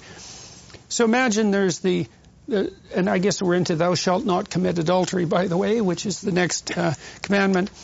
You can imagine um, an erotic image that compels sexual desire, and and I think that's part of what we're discussing, the morality of that, or its its potential to be an implement to the instantiation of an ideal.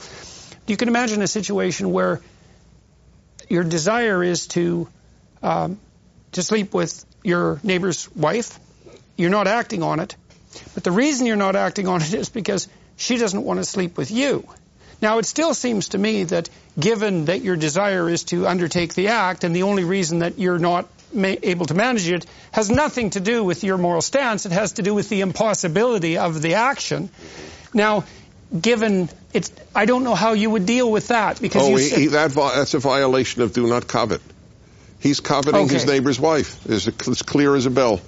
Okay, okay, So he would. So uh, we. Here's a point worth making. There's a great gulf between the Ten Commandments and the Christian faith in this way. First of all, by the way, the, the Ten Commandments are painfully obvious, aren't they? Doesn't everybody know that before the tablets?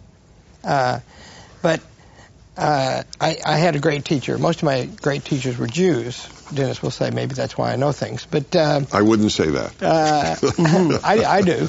But there's a great man. He's dead now. His name was Harry Neumann, and he styled himself a, a nihilist.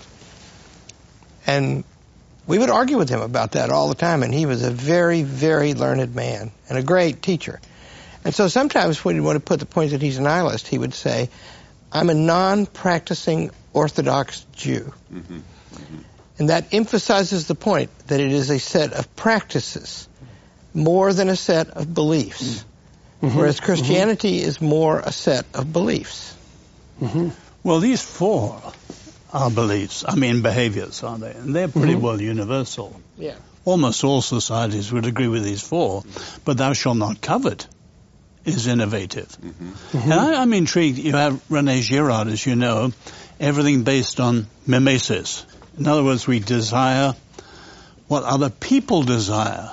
And I read Girard, the whole of American consumerism is based on mimesis, is it not? We are taught to desire what other people desire, want to wear what you wear, or mm-hmm. Well, it's a good way. It is a good way of figuring out what's of value. I mean, because that is an open question. There's many things you could value, and one way of becoming informed about that is to see what everyone else values. And so, uh, I, I'm trying. I'm trying to strip the morality out of that to some degree. I mean, that can become that can become weaponized, and it can become pathological. But So. to, to go back to Larry's friend, I mean, you know, or Larry's teacher, you've got to, there's got to be, even if you're committing yourself to certain exterior practices or hab- habits or behaviors on the basis of, say, command, there's got to be some prior belief, prior commitment into the authority of the, the person or the, the, the source of these commands. So there's mm-hmm. got to be well, some this kind of, well, one question question that well, you've got to believe that they're in society they wouldn't agree with those four. No, but well, let's say it doesn't ma- matter where the source of authority might come from. It might be the, you know, one's one's conscience. That the nihilist is still going to accept that there is some degree. The nihilist who conforms to these behaviours is going to say is going to be acting on on something, uh, well, not, I, not nothing. I, I'm, I'd like to challenge Lar- uh, Larry's supposition, just for the sake of, of discussion. Are these self-evident? And I would say they're not exactly self-evident to psychopaths, right? So the self-evidence argument's a really interesting one because you could add the, psycho- the psychopathy twist to all of these. It would be, well, thou shalt not kill unless you can get away with it, and it works in your favor. The same with adultery, the same with stealing. And the question there would be something like, well, why shouldn't I do this if I can get away with it? And that is really the that is the the question the psychopath asks, the narcissist, the Machiavellian, that sort of people.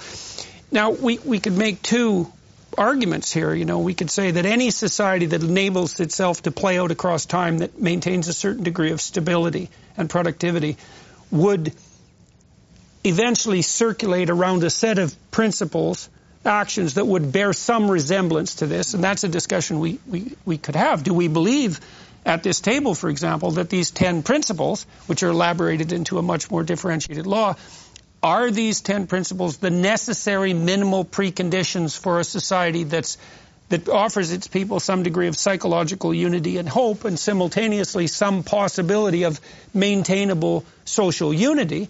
And if they are the necessary principles is that stable enough that fact so that that's somehow imbued on our soul? Well you might say yes for normal people and no for psychopaths, or you might also say, well, maybe it's not so obvious. There, there is a mystery in the anthropological literature, which is for about 300, we've had our modern genetic form in principle for about 350,000 years. A lot of human history looked like pretty bloody, dismal, backstabbing, murderous tribalism for almost that entire period. And it's not obvious at all how we got out of that.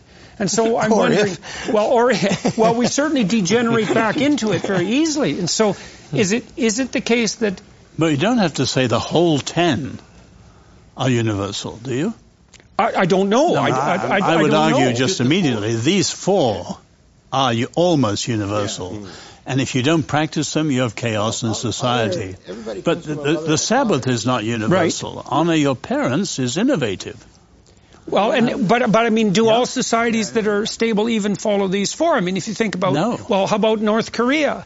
I mean, obviously, that well, we don't. It's been that's that's a that's a good question. I don't believe that it's viable in any reasonable span of time either. But it's lasted as long as it has lasted, and you do get tyrannies that emerge and dominate for some period of time. In the classic books, Book Five, Aristotle's Politics, how does a tyranny survive? Uh, the answer is they don't, because people don't like it.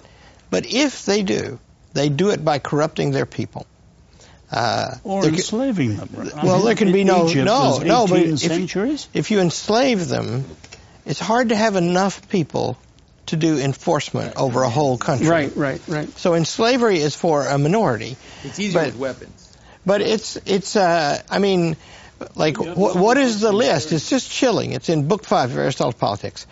Uh, there can't be any friendship. There can't be any confidential confidentiality in private. People have to be in public places as much as possible where they can be seen. Uh, and you know that this is all summarized in a story that Aristotle re- repeats, which is first in Herodotus, about a young tyrant sending a messenger to an old tyrant. How did you last so long? And the old tyrant doesn't say anything. He's walking through a wheat field and he's got a sickle, and he starts chopping off the tops of the taller heads of grain. Mm-hmm, mm-hmm. And the messenger goes back and says, "You didn't say anything." Mm-hmm. And he said, "What did he do?" And the young tyrant understands, Right. See, because, like you, you, you know, I mean, I, th- I think the American go- government is turning against the sources of privacy or individuality in the American people, because if you raise a family, if you make your own business, if you do your own learning, then that marks you out. And that means that you're authority. I mean, why did Adolf Hitler hate the Jews? Transnational, eternal people. Mm-hmm. But he hated And the, successful generally. but he, he hated the Christians too. You see, because they claimed a source of authority beyond him. Mm-hmm. And that tyrants don't like that, see. Uh, anything transcendent has got to be destroyed. Yeah. Well, well, maybe that's what explains, just going back to, to Os's point about these four commandments being universal. I mean, we, we can accept that they are universal. I mean, I think they are actually on the Code of Hammurabi, from which is what the 18th century BC, and there are other similar kind of legal codes. But the difference there is that the commandment is being issued by, by the king, by the tyrant. Whereas here you've got, as we're reminded in the Sabbath commandment, it's these are it is issue, they're coming from the source, the Creator, the right, source right, of the right. moral so it's order. like they're written on your soul. Right. So there's something that's, there's, so that's only gathering a special strength, I suppose, as they're there's pronounced in another this context. huge, huge difference. The Code of Hammurabi has three classes. Mm, that's right. The aristocracy, Yes. the ordinary people, And then and the the slaves. serfs. Yeah, Whereas here, the whole people agree to that's it, right. Mm-hmm. and the covenant applies to Yeah. the whole people. As we'll see Well, further down. James, And I'd like to equality. develop that, that argument that you just put forward more too, because the problem with it being from the king is that that means that the source of the morality itself is from the king. Mm-hmm. And then you might say, well, what happens then if the king dies? And well, if the source of authority is the king, then if the king dies, there's no source of authority. What's happening here psychologically, at least to some degree, and it's quite something remarkable, it isn't only happening with the Hebrew people at this time, is that the principle of sovereignty itself is being divorced from the instantiation of that sovereignty in any one person. And people are trying to work out, well, what is it that we should be subordinate to in principle, including our kings, including our rulers, even to extend to slaves, even to extend to animals. And if you're a skeptic about that, you say, well, what's the use of having a God? Let's say, why do we need that? And the answer is, well, is it more sophisticated to start abstracting up the principle of sovereignty in some, into something like a spiritual principle? Or is it more sophisticated to leave it instantiated in the body of a king? And I think anybody who's sensible, who's modern, would say, well, it's not obvious to us, to any of us, that we should instantiate the highest possible principles in any given, like, let's say, earthly ruler. That's not a sophisticated solution to the problem. And then that begs another, begs the question, which is, well, if sovereignty is an independent principle that's superordinate, what's the nature of that sovereign spirit? And of course, that's partly what we're investigating in the seminar. So in the ancient world, the parts I know about, and I don't know much about Hammurabi, I'd be astonished if, if, Hammurabi said, it's because I say this that this is the case, right? Because that, you know, obviously, if a claim that this is so will run up against the reality of it, and it'll either reinforce that reality mm-hmm. or it will be subject to refutation by mm-hmm. reality. Mm-hmm. See, I think all of this, I think the, these beautiful things in the Ten Commandments. See, here I talking for Dennis now, right? Because he lives this life and knows it very well. Um, but as I say, most of my teachers are Jews. Um, these are like, in, in this text, like the detailed commands that seem boring to everybody. And what Leon Kass says about this, another Jewish teacher of mine, whose whose book, by the way, founding what's the name of it? God's. Founding, Founding God's Nation. That's just a it's just a wonderful book. Have you read that book, Dennis? Yeah. Yeah. Did you like it? I've had him on, and uh, look, he's terrific. Do we do we agree on everything? We're two Jews. Yeah, yeah. Churchill said, wherever there are three Jews, there are two prime ministers and one leader of the opposition. Oh, that's very funny. I never heard that one. Uh, so, but the point is, these poor people are being marked out for a demonstration of God's providence. And it's hard duty. And they have to demonstrate visibly mm-hmm. in public so we can see, mm-hmm. right? Mm-hmm. And then when they fall short, we can see that too. And there are punishments for that. It's, you know, Well, we, the worst thing that can befall a people is to get chosen. well, we, we- you know, we could also point out too is that people have a real hard time often with the idea that God would choose a people to lead, let's say. And um, one of the things I'd like to say in favor of that idea is that, well, ideas have to start with a few people somewhere. Right? It's not like you can have a revelatory idea and then everyone has access to it instantaneously, like that second. It has to begin somewhere. Now, but that also introduces us to a contradiction in what we've put forward here, too, because we're, we're trying to argue, in some sense, for a moral universalism, and we're also trying to argue for a Hebrew exceptionalism simultaneously. And the exceptionalism seems to be maybe partly that to the degree to which this is made explicit and to the degree to which to some degree it's psychologized in such things as thou shalt not covet. I mean, the ancient Mesopotamians, earlier than this, I would say, or perhaps at about the same time, they had already worked through the idea that sovereignty was separate from the emperor, in that for the Mesopotamians, the emperor was only sovereign insofar as he properly incarnated Marduk. And Marduk had eyes all the way around his head, so he could see everywhere, and he could speak magic words. So they had a doctrine of the word in some sense.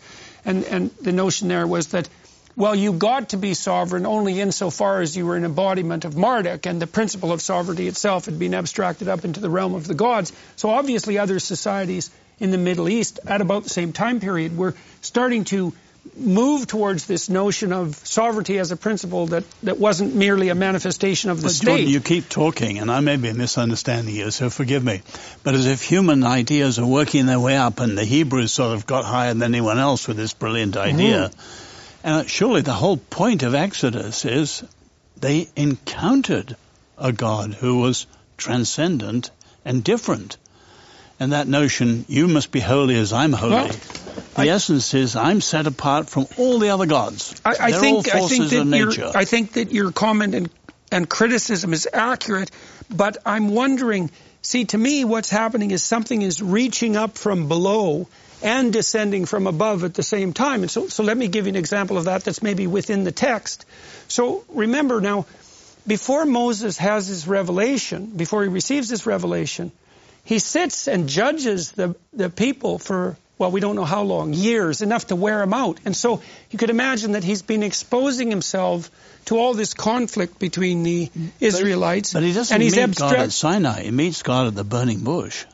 Well, In other words, that's right, but God descends with the rules at Sinai, and so, so, mm-hmm. but, but to me, that means that Moses has been prepared to receive this mm-hmm. revelation by the fact that he has observed the principles by which a people must govern themselves in painful detail for decades, and so.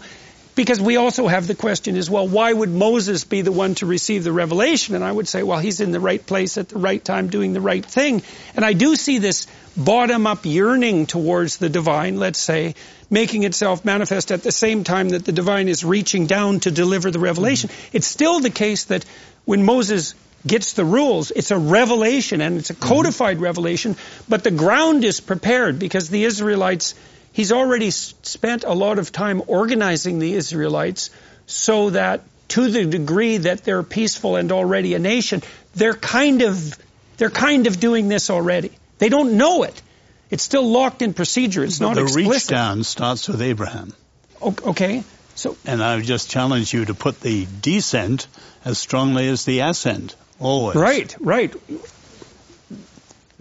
That- yeah, that, that, that's fine. I mean, I, I agree, but I understand why Jordan is trying to formulate it that way because I would say historically, and what we've noticed in the past few years is that when we formulate it bottom up for people, they get it. And it's as if people have become so blind to the, what it means to have vertical revelation. They, as soon as they hear that, they think superstition, mm-hmm. superstition, and they mm-hmm. stop listening. Mm-hmm. But if we can show what people call emergent properties, which I still believe come from above, but if you can show it and show people how it works and how these things gather together, uh, then it's as if people, for some reason, now they understand and they're more susceptible to then hear about.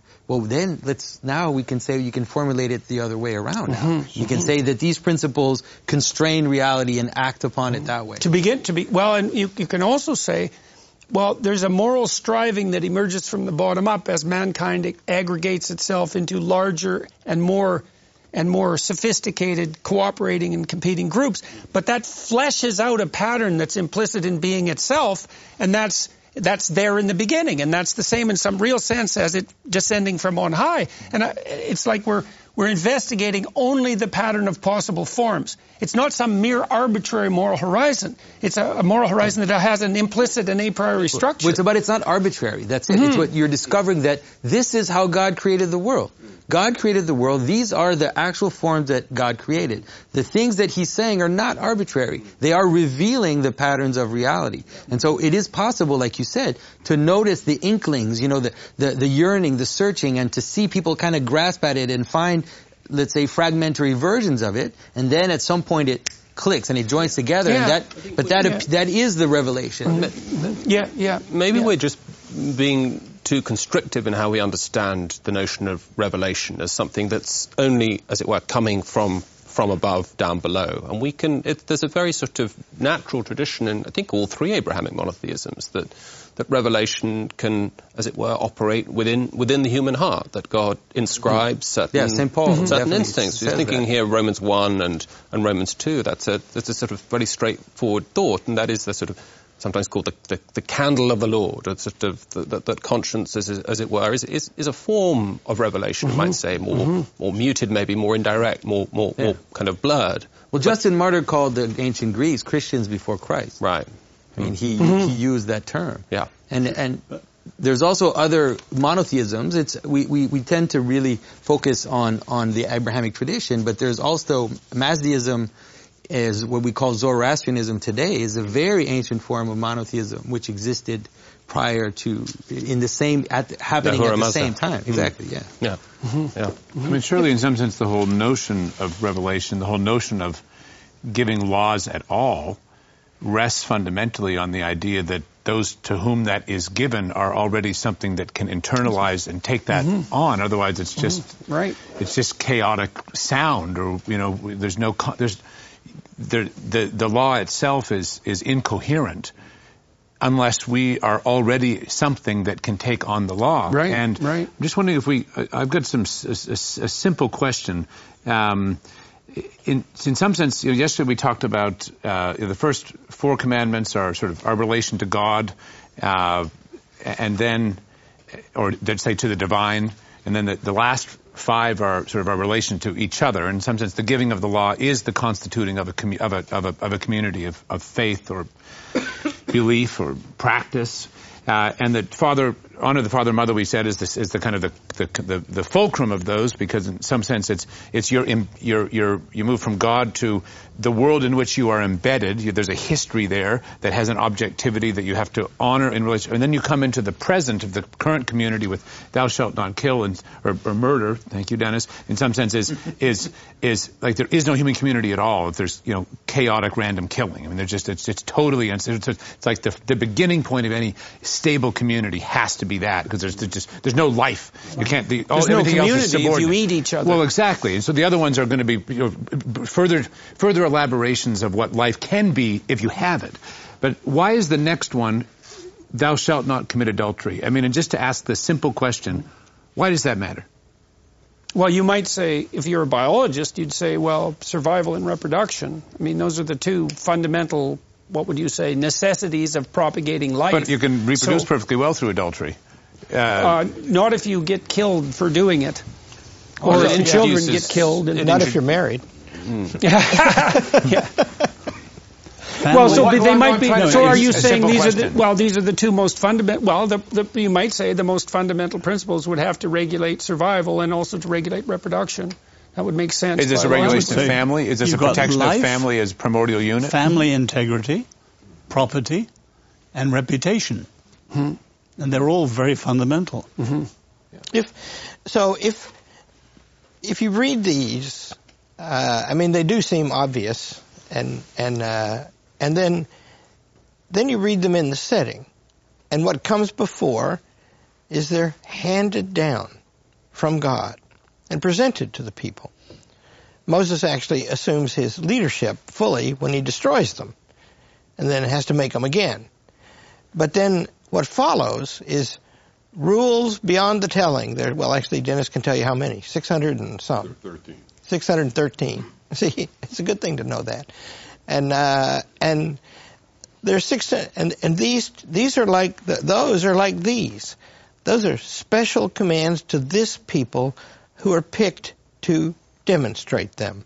And you know, if you look at the arguments on the fields of battle of the Jews, of the Israelites, um, when the Greeks fought each other, they would pray to their own gods, and then they'd have a contest, and they'd see whose god was the strongest.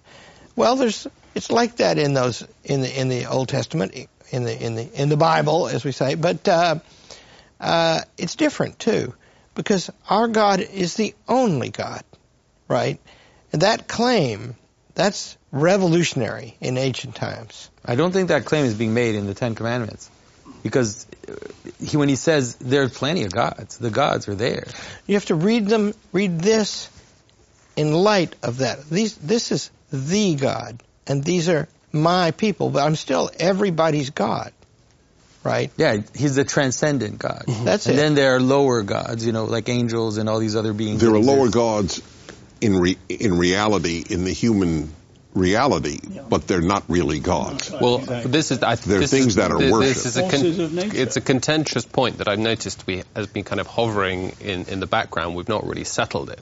Uh, are we committed to the idea that of, of henotheism, the idea that there's there's a God, God, uh, Yahweh, three four the God of Exodus three fourteen is the top God, but there are in reality, not just in our human reality, our human imaginations, actual gods, or are we saying this You is mean in the eyes of the Bible, in the eyes of God, in the eyes of Moses? All, all of In- all of those, in some sense. So, so you, you, okay, so one by one, do you, are, are, it's a very fair question, but uh, analyzing it, so do we entertain the idea that God himself, the creator of the universe of Genesis 1-1, believes there are other gods or believes that there are things that people worship and call gods? But, well, that, that frames the dilemma nicely. The, is it the first or the second? Is it Second. henotheism or monotheism? So there are principalities and that's- powers. There are. I think the Bible is There are other gods who made monotheistic. them, right? That's what I, I'm, I'm totally yeah, with you, Yeah, I know you. You, we I know the are, yeah. philosophers of religion make this distinction. Yes, but a I'm, I think the biblical Yeah, view, that- the Lord right. alone is God. Yeah. And hum, uh, Calvin's idea, the human heart is a forge of idols. Well, the We angels are named gods we in the need some- Bible by the text. uh, principalities and Princip- powers yeah. of Paul. No, I mean, even the word, Yeah, the but word as for the Dennis said, gods. people believe in those things. They do today. Reason. No, but the angels Science. that God sends are called gods. By whom? I mean, the, the, the angels that are in God's service are used. Sometimes they use the I don't. same. I don't know that that's so in the Hebrew Bible. So I, I they're not called gods. The, the, the, the, the Jews were not always monotheistic. what about the people who were sent to but- Abraham?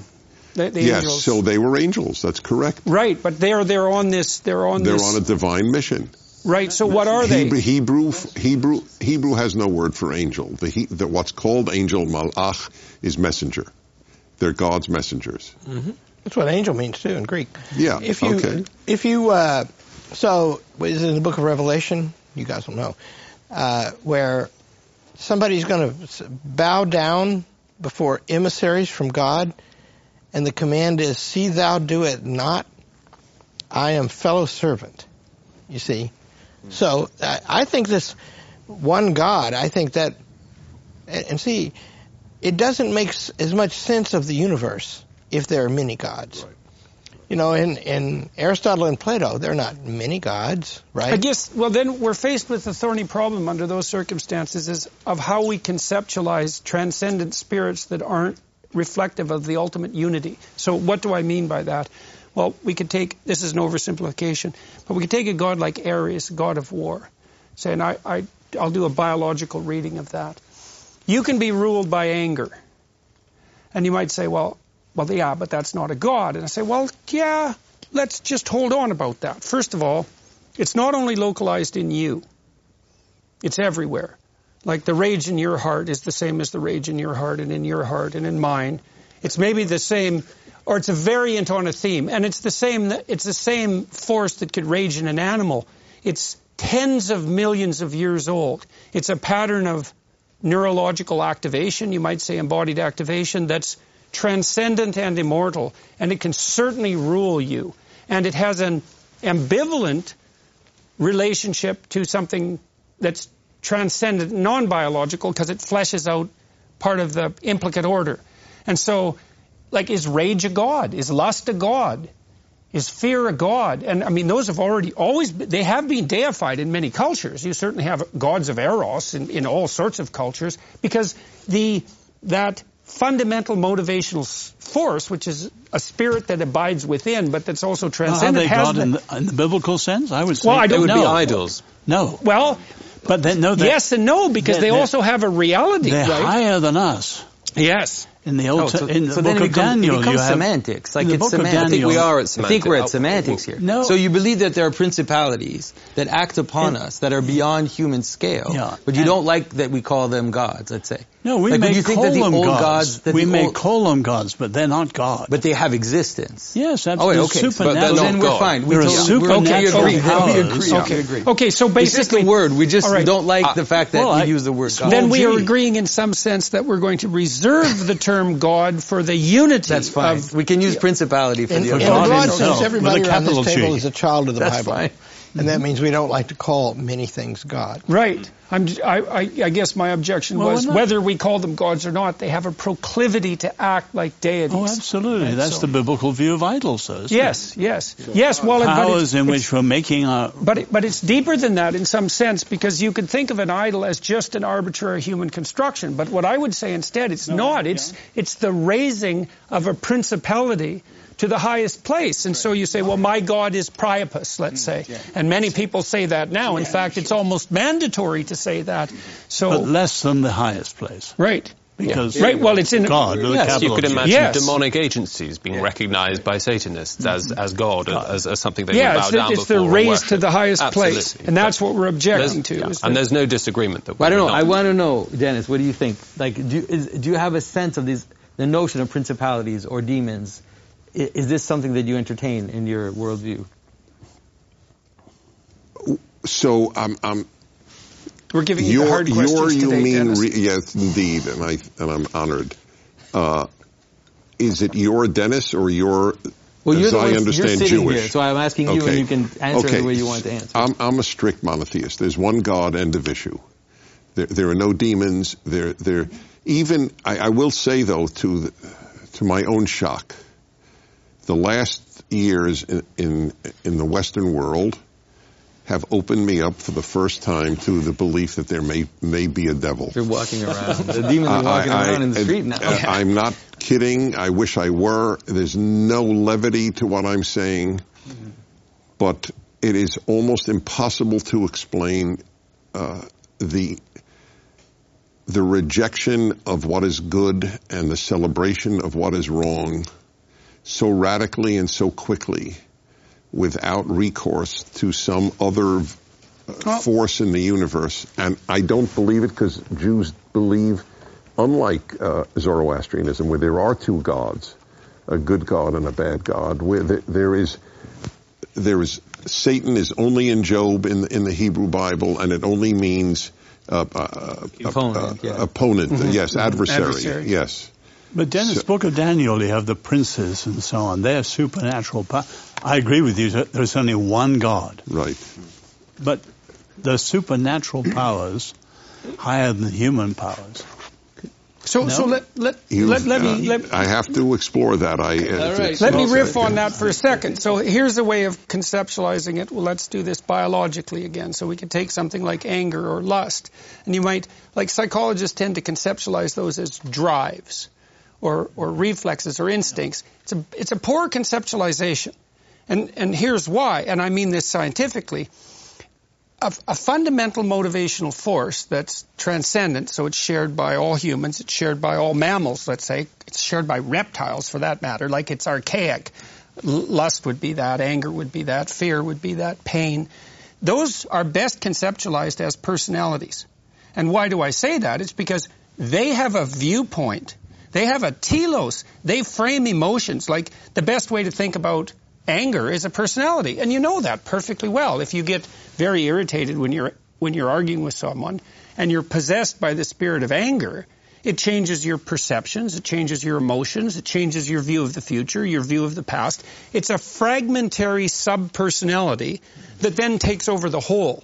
And then you could imagine that a malevolent subpersonality, so for all intents and purposes a demon, is an aggregate of those fundamental subpersonalities that's integrated in a manner that's very, very powerful and that partakes on that of that motivational force.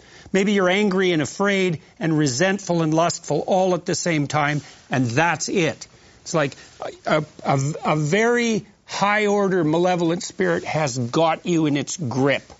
And there is a reality to that. Now, we wouldn't want to say that if, if we're going to re- reserve the term God for the highest possible unity, it's definitely not that. But it's certainly some, it's a transcendent principality, and it is a spirit and a personality. But the way you frame that, Jordan, is still basically metaphorical, isn't it? This is still you talk about being I don't think so. I possessed, don't but the think lang- so. I mean, the, the tradition. I mean, certainly the, the Christian tradition you know, has demons. Demons have agency. But There those is- demons are allied very closely to our passions. Uh, sure, They're got it. almost like a Yes. cosmic version Yeah. of the mm-hmm. local passion. and, and there are mm-hmm. certain ways in which, through the kind of free agency of, of, of the individual, they, they could kind of admit they can conduct themselves in a way that, that makes them more vulnerable to those kind of Y- right? external Well, they open the door to it. But would you accept that, Jordan? You would accept that there are, as it were, e- extrinsic sources that are going to operate on the psychological structures of an agent, in addition to the kind of Well, it's- cumulative it's very- weight of well, all it's the very- bad it's very- decisions. It's microcosm, macrocosm. You have to see the human person as a microcosm, and then these cosmic forces. So yeah, we are. Okay. We, What so was that what, what Jordan was setting out? I, I think Yeah, that- you're yes, comfortable I with that. so. Okay. Well, it, it is complicated too because so imagine that you're possessed by an aggregate of these me- motivational states. Okay, well, Okay, because well, there then- you're saying motivational states, so that, okay. Let me elaborate All it one bit further though, because you could also imagine that there are culturally developed manners in which that aggregate has expressed itself. Mm-hmm. So, for example, let's take the Columbine killer, for example. So I read his writings and I was put myself in his position, let's say that brooding position on evil. Like so he allowed himself to be possessed by a set of motivational states, one of which was certainly covetousness, certainly resentment, hatred, powerful dark motivations. But the manner in which that manifested itself also had a culturally conditioned element, right? I mean, there's a satanic element to it that's like it's like satanic in, in Yeah, the poetic kind of Milton- mimesis of malice. sense. Yeah. Exactly that. Yeah. And you see this, you really see this with uh, the mass slayers because they compete with one another. So there, there's a subculture of high school shooters underground, and they know of each other, and they try to outdo each other. And so there's, and that's a But Jordan, of would you go one further? You're going individual, cultural, uh, Yeah. microcosm, macrocosm. Would you go natural, supernatural? Well, that's- so I think that's still, there's supernatural. still a distinction it- between No, the way you put it out. Jordan, and the way that... Okay, well, but then I would also say this is where it gets very complicated. Is that is that is that malevolence that's a combination of bottom-up biological motivation and hmm. then cultural And- and elaboration, mimetic also effects. a reflection of some cosmic form. I think and I would what- say I think it is. Okay, great. I We're think it agreed. Okay. Well, wait, wait, wait. You're not agreeing. I am agreeing. I was agreeing with you because you weren't agreeing with him. I wanted Wait. to tease out the Well, tension I don't understand. these two. How is it? Co- wait. Well, I think wait, it's we bo- don't produce anger. We don't produce lust. They're outside of us. No, no, we're not saying that. Well, he, I thought then I don't but it's understand that what's being it's that- said. You, I mean, a simple way to say it is that anger in you is similar to anger in Stephen or in me. And because it's similar, it, it, it has a, it has a, there's a being that's, that's a, it's hard to, it's hard Anger because, because exists people- even if you die. That's right. There's a good way to say it. That's right. Right, it's, it's, it, anger is something that grips you, it's, and so it's got a reality that transcends you. Then how do I control it? Why am I responsible? I- i- If I if I act out evilly in anger and anger controls me, I have I have an excuse. Well, the, my answer to that would be It's the bottom up and I don't, down thing I don't, I, again. I don't, I don't know exactly what to say about that. Apart from the fact that there are other forces within you, including you, that give you the ability to control it, even if it has some autonomy of its own. Like you don't have to give yourself over to anger, even though it beckons to you. You know, and you remember in the story of Cain and Abel, you think, think about how that sets itself up. So Cain is resentful and bitter and angry. And and the reason for that is his sacrifices are rejected. And then sin sits at his door, like it's it's externalized as a tempting spirit, and he has to invite it in. You know, it's the same idea in, in stories of vampiric mm-hmm. possession, is you have to invite the, the vampire through the window. So I would say you can open yourself up to this possession or decide not to do it. And there, there's an element of free choice in that for sure. And this is why God calls Cain out. And the, the Cain and Abel story is very ambivalent in some way because it isn't exactly obvious why God rejects Cain's sacrifices. And I love that about the story because people fail in life and it's not exactly obvious why. And they get bitter and resentful about it. And then you might say, well, does that justify, because they're hurt so badly, because they've failed, does that justify their, their vengefulness? And the Cain and Abel story says no. It sets them up for it. That spirit of sin approaches them, but they still decide whether or not they're going to open the door. Doesn't it say that he brought an inferior sacrifice? Yes, yes, but so it doesn't. it does explain why, Well, it- God it- preferred no, uh, it doesn't exactly say that, Dennis. It it says that it says that uh, Abel's sacrifice is of the highest quality. Yes. and it implies that Cain is lesser, but it never really explains what he's doing wrong. It, it doesn't have to. Well, It- it, it's it an leaves it in, inferior sacrifice. That's the end of the issue. And then he got angry that that his brother, who did in fact bring a superior sacrifice, uh, was uh, recognized as such by God, and he got angry at Okay, that. okay, which well- is what people who do inferior things always feel right, about but, people but who do it, better but things. It leaves they get you angry with, at It leaves them. you with a problem is that you see people who fail frequently, ill children. They fail, and it isn't obvious that their sacrifice is insufficient. Right? So there is this, there's this problem in life where cataclysmic things can befall you, and your culpability isn't self-evident. But, but the, the moral of the story in the Cain and Abel story, in some sense, is that even if regardless of why your sacrifice is rejected, you're, it's not morally appropriate for you to open the door to possession by the spirit of sin that sits on the doorway. And I, I think the ambivalence in the story is actually extremely useful because sometimes you fail for reasons that aren't obvious, right? You think, well, maybe my sacrifice wasn't of the highest quality, but I don't know why and I don't know how, and I failed and it's bitter, and aren't I justified now? And the answer is not even under those circumstances are you justified. But Dennis, you almost said if there's any force outside us, it's nothing to do with us. We're non-responsible. And we're surely saying both and. We are fully responsible, but there is something there. And I, I, I, right, I keep but is harping on this for a simple That- reason. that- that's the word cosmic that well, let maybe me explain troubles why I keep harping back on this. Well, it you know? should should trouble you. It should trouble you. I- From my first days at Christ Church with tutors at Oxford, everything was reductionism. Following Feuerbach, God himself is a projection. And my whole psychological, sociological training was reductionism mm-hmm. again and again. Mm-hmm. Mm-hmm. So I'm trying to resist that, saying it's always both and. God reveals, and we hear, etc. That's why I you want all those gods in there. Absolute justice You know, to both why of them. that's why all this is such a mess, right? Because God doesn't have all this trouble with the cattle. They're ruled by in- instinct. They do the right thing all the time. Whereas it's us. We're the problem, right? We have a will of our own, and that doesn't mean that we're not subject to powerful outside forces. Certainly, the testimony here is there's at least one powerful outside force, and we may or not may not listen to that. One of the ways I think of bringing this into kind of sharp relief, the commandments, is asking, well, what happens if you don't follow it, right? And we said yesterday with, you know, have no other gods before me, and Jordan, you were so helpful in describing how if you don't have, you know, subordinate yourself to a single unified higher principle, then, you know, everything is chaos. If you don't keep the Sabbath, well, you lose sight of that principle and you lose, you lose yourself in, in, uh, in day-to-day instrumentality. Um, but if I'm wondering if we can ask this question as we work through the remaining commandments. You know, like in some sense, "Thou shalt not kill." I think Larry Wright is right. It is it is obvious. Not that people don't kill, but the the result of killing randomly is very palpably clear to any human being. I would say any any basically well put together human being.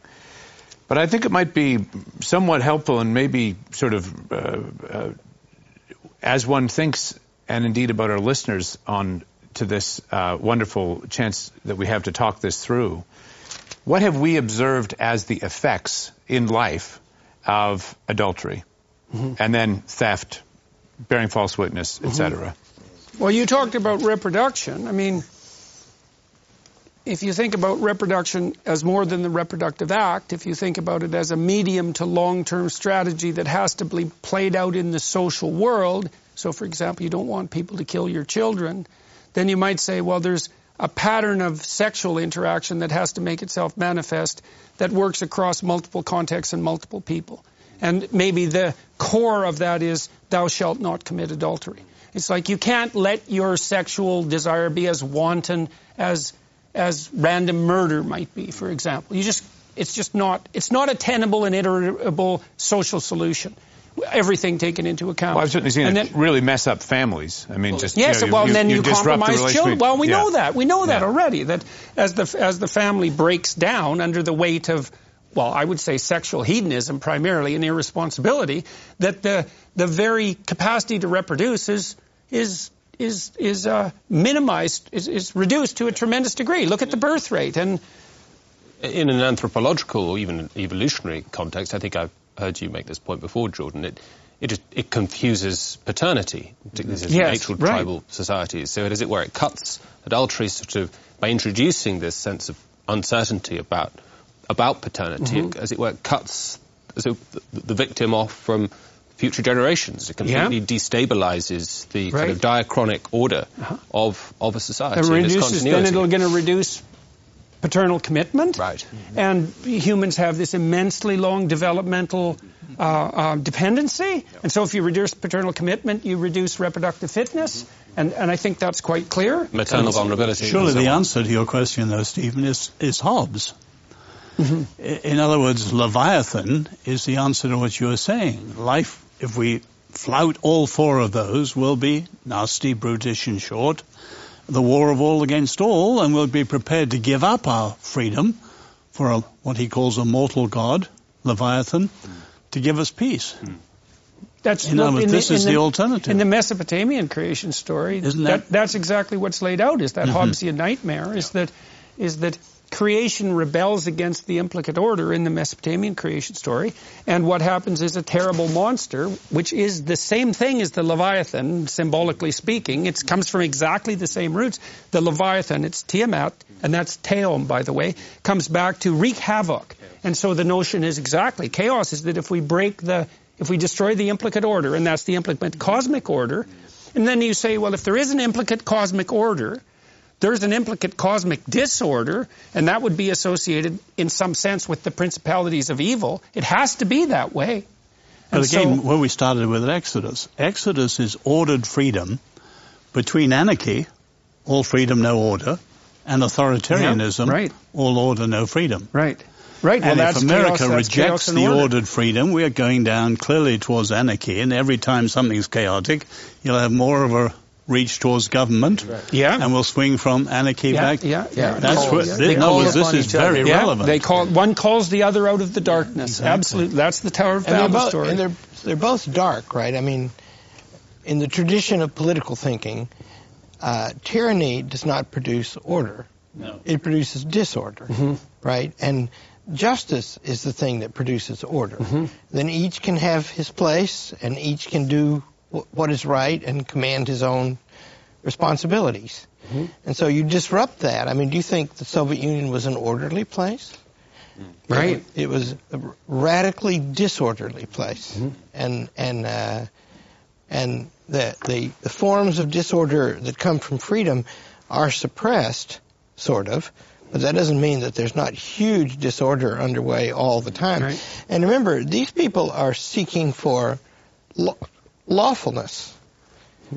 And my my opinion uh, is that they start with the obvious things, mm-hmm. and then and, and that that gives uh, meaning and plausibility to the whole thing. Mm-hmm.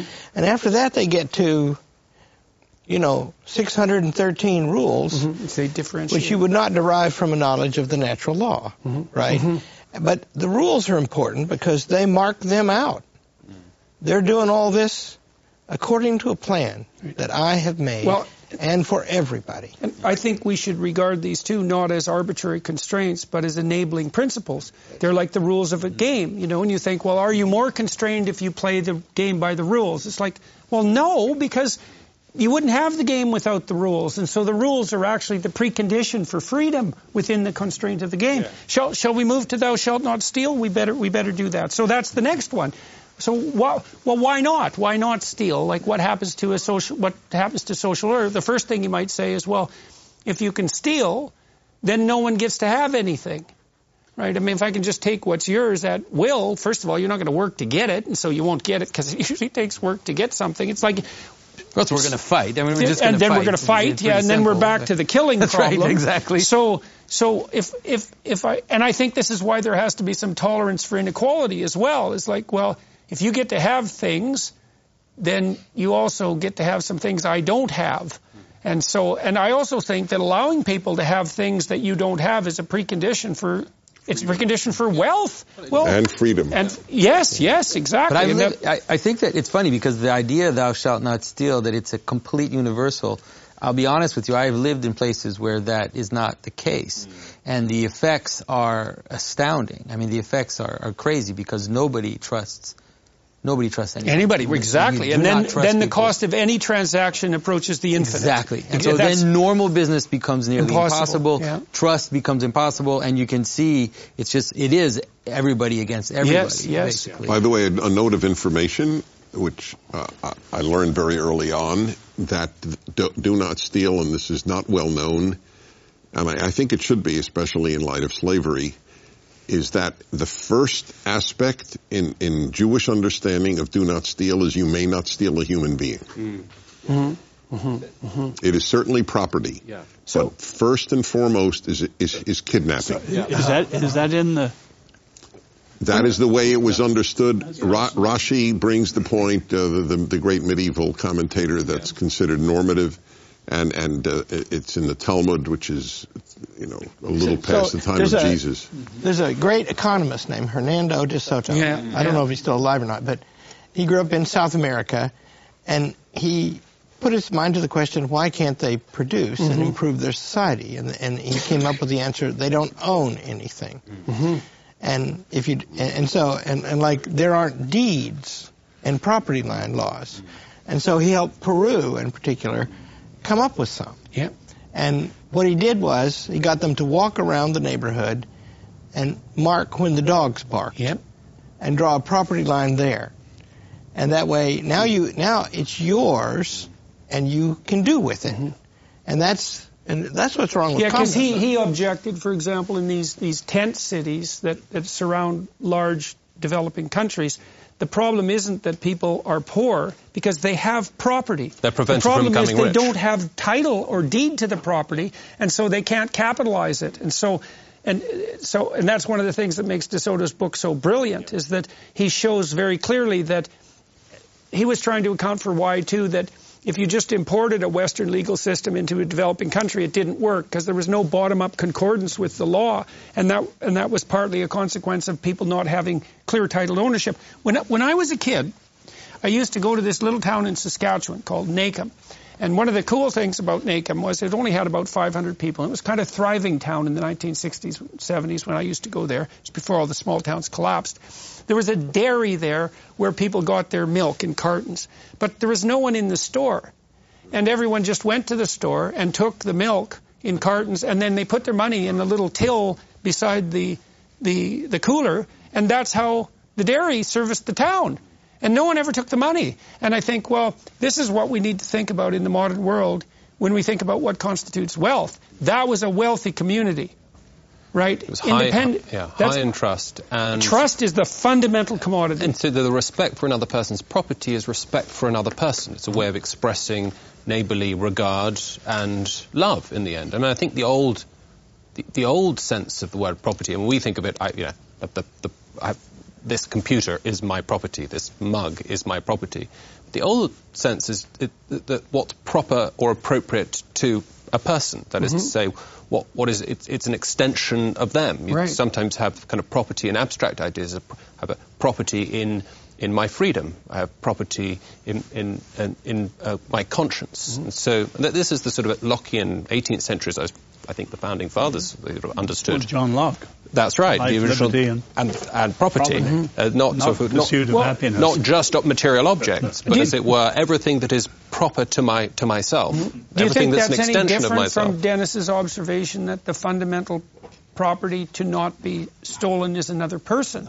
Yes. because we do regard these that. things that we own as extensions yeah. of ourselves, and we do assume that we have we have a right to ourself. I don't think it's exactly that we're our own property because we, we can't, we're not, we don't have the right to treat ourselves in a manner that isn't appropriate to someone who fits within this subsidiary moral organization, right? We still have to accord to ourselves the image certain, of God. Yeah, a certain a certain dignity. But property seems to me to just be an extension of of the of the person. Of the, of what the, is proper to the person? Yes, yeah. exactly, so and, you, of the you, existence you, of the dignified yeah. and sovereign self. You realize how awful the early uh, socialists were. I forgot the French socialist's name but it's he's a well. I'm sorry. Who said? Who said? Uh, all property is theft. Yes, mm-hmm. all right. property oh my is God, theft. That's such a tor- that's such a terrible so the, it's statement. The, it's truly the inversion of the Ten Commandments.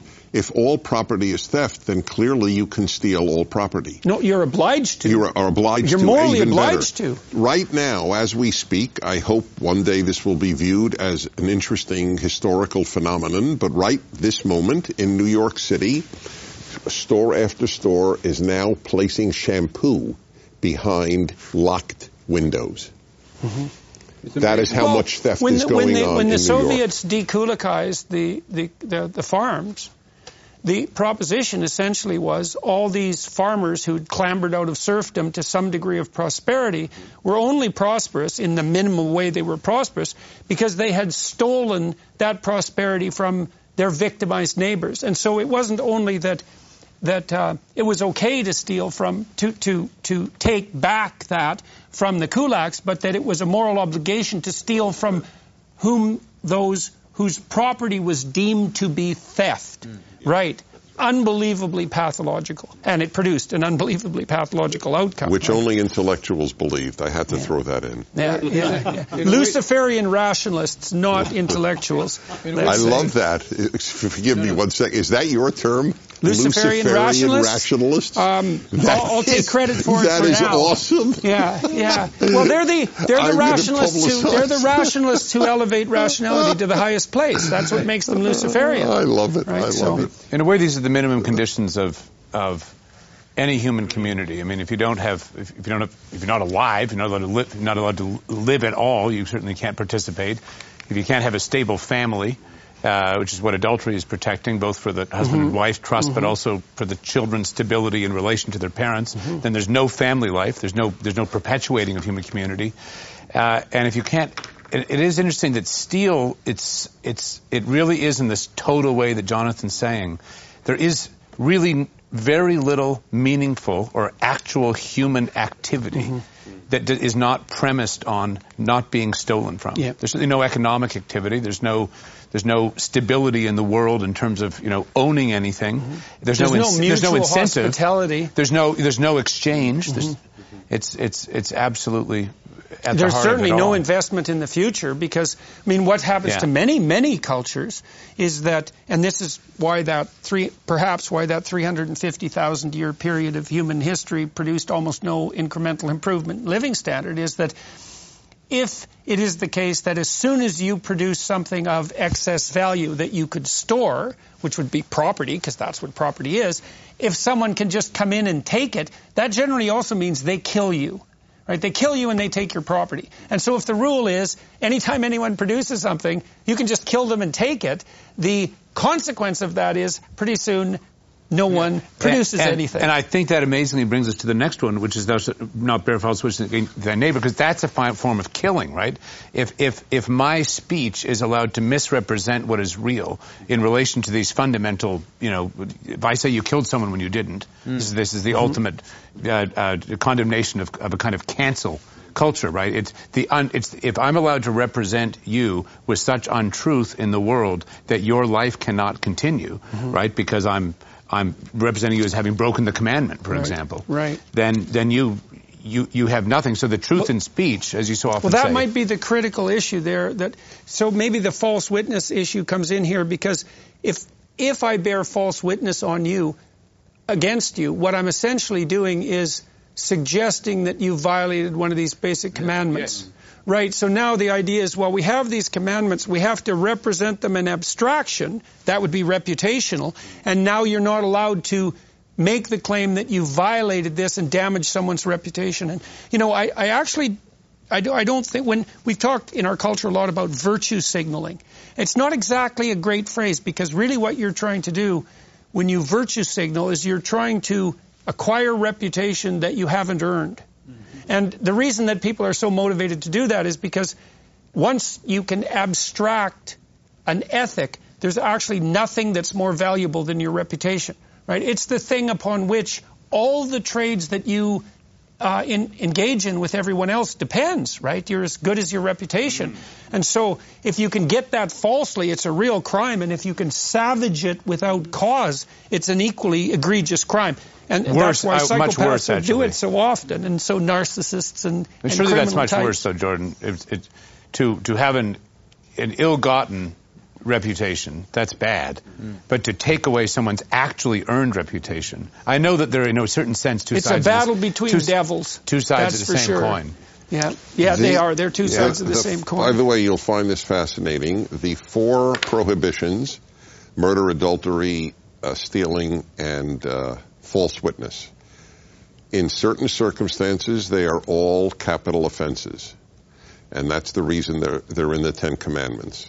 So let me very quickly explain. Murder is obvious, life for a life, and only if it's premeditated. Adultery, which needs two witnesses, it, it, it never happened in reality that we know of, but nevertheless, it is a capital offense under certain circumstances. Uh, stealing, if kidnapping is, stealing property is not a capital offense. That's part of the way they know that it actually meant stealing a life. And the, the fourth one is one I love. In the Torah itself, this is not later. What if you bear false witness? You are given the punishment that would have been meted out had you been believed. So that if I testify that you committed murder and I perjured myself, I am executed. I wish we had that law today that you are given the punishment for perjury that would have been meted out had we believed you. Mm-hmm. well, it is, what, part of what's clean up the social media. Well, rather part of what's pathologized social Right. media at the moment, and, and this is why I've been objecting to at least a certain kind of anonymity, is that you can cast out reputational aspersions at z- not only at zero cost, but you can monetize that. Hmm. And that's really not, to me, what that indicates. I've talked to a bunch of psychologists about this recently because we've been looking at what personality attributes go along with online reputation savaging, let's say. And they're exactly what you'd expect. It's narcissism, Machiavellianism, psychopathy, and sadism. And they just added sadism, the psychologists, in the last few years because the first three weren't quite bitter enough. And so we're in a situation, one of the things that virtualization d- does is enable the bearing of false witness, no punishment. And it means it's enabling the psychopaths. It's a very bad thing. So, all right, let's move to the next one. Thou shalt not covet thy neighbor's house. Thou shalt not covet thy neighbor's wife, nor his manservant, nor his maidservant, nor his ox, nor his ass, nor anything that is thy neighbor's. It's interesting first that this isn't just no killing, no, no murder. It's actually fairly detailed, and I think the reason for that is that, in some sense, this is the most tempting and subtle of the terrible sins. And so it needs the most delineation. It's like, mm-hmm. covet, why does that matter? I just want what you have. It's like, no, no, you don't understand. It really matters that you don't do that. And it matters so much, we're going to detail it. And I think part of the reason, too, again, is, is that if you're allowed to covet, if that's not regarded as a moral sin, then anything that your neighbor has attained that is more than you've attained, or anything that anyone's attained that's more than you have attained, or that anyone else has attained, is now fair game. And that means, well, that's the end of attainment, as far as I can tell. That's the end of any differentiation of qualitative achievement, if you can covet. And I would say, I think the spirit of Marxism, in the most fundamental sense, is a covetous spirit. I really believe that. Mm-hmm. That's why Envy. property is theft. Envy, Resentment. absolutely. It's it's it is the Nietzsche's philosophy of it is resentment. Mm-hmm. Exactly that. It, and, and Nietzsche did a lovely job of If you delineating take that. James's idea that it's all what's proper to us, you could almost say the commandments begin no other gods, and in a sense they end no other goods. In other words, another man's wife or his property or what that's his, mm-hmm. not mine. But, but with the, just to press hard on this, though, and I think this comes back to the distinction Dennis is making between perhaps Christianity and Juda- Judaism. I mean, it's very clear. We've already covered. You're not allowed to commit adultery. You're not allowed to to steal. The coveting is totally internal act, is it not? Mm-hmm. So wh- why mm-hmm. is the coveting? Well, how does that fit with what Dennis said? Well, yeah, Because again, I, I, it's it's very important to understand, and it's the reason that it gives specifics. So let's be let's use the specific. So I can say, you know, I would really like a woman like my hus- like my neighbor's wife. That's not coveting. I want my neighbor's wife is coveting. I would like a house like my neighbor house is not, it might be envy, it might be jealousy, it might be unhealthy, but it's not coveting. I want my neighbor's house is uh-huh. coveting. So coveting is the, The desire speci- to put it into action. Which leads to stealing Mm-hmm. and adultery and murder. That's what I said. The, the tenth is the basis of the previous four, and the fifth is the basis of the first four. The, the word itself goes beyond desire, doesn't it? It's, Lachmod is is, is halfway beyond desire it- to it- action. it's Uh, okay, yearning okay. for. It's ye- uh, but it's so it's sort of like to if I had the opportunity, I would do it. That's correct. yeah, yeah. And it's okay. it's wanting that particular one then. That particular one. Exactly. Mhm, right, right. So- TPO. Which Okay, you so- can't have unless oh. you deprive the person, the That's owner right. of it. but Dennis, d- Uh-huh. Well, that so if you evaluate someone for suicide risk, here's how you do it. You know, you might say to someone who's depressed, "Do you ever think about suicide?" And they say, "Well, now and then, you know, the idea enters my mind." You think, "Well, that's not that's not indicative of risk." But if they say, "Well, you know, at home, um, my father keeps a 45 in the on the top shelf of the cabinet on the north wall, and the bullets are in the drawer on the left hand side, you know, and I've thought about going down there and one day I, you know, actually had that gun in my hand. You think this person is on the edge because they've concretized the temptation to the point where they've allied it with a very specific plan. And so, so you I think what you're saying is that covetous, covetous is on the border between envy, as we said, is on the border It between envy and transcends action. envy. I It- the only thing that's stopping you is the opportunity. That's correct. Uh-huh. Or the illegality. Right, right, which boils down to the same thing in some Opportunity, sense, correct. right? Yeah. That's really important for people to know this. But doesn't that You, also- you, you sorry. forgive me. I I, didn't no, no, no, no, to- no. I, I feel bad. I just, I just, it, it's so, to me, because it, the, the reputation of the Ten Commandments sort of rests on this. Because if we were, if, if, if we were banned, don't like or even want a wife like your neighbor's wife. Right, because that can be an It- it- it- ambition. oh, exact. That's right. Mm-hmm. I want to succeed so well. I will have a house like my neighbors. I will have a wife like my mm-hmm. neighbors. That's not bad. Mm-hmm. But I want my neighbors and then fill in the noun. That's bad. Well, that that's interesting, Dennis, because one of the things I see that really demoralizes young men in particular now is the I think it's something like the casual confusion of ambition with covetousness. Covetousness. It's sort of the mere fact that you want something more than you have Excellent. is an indication of your moral right. uh, degeneration. And it's not because Right. we, we don't want to place striving It's- towards an it's ideal in of the, same category as uh, covetousness. uh, theology, basically. So is, by the Mm-hmm. way, I, I- I don't know if you'll all agree with me. I defend, uh, which is somewhat of funny because Christmas is not my religious holiday, but it is my national holiday in America, and I love it uh, uh, for for my country. Uh, But uh, whenever every year somebody will call in and go. Oh, you know, the Pope or the, this religious leader or that came out against the culture of consumerism.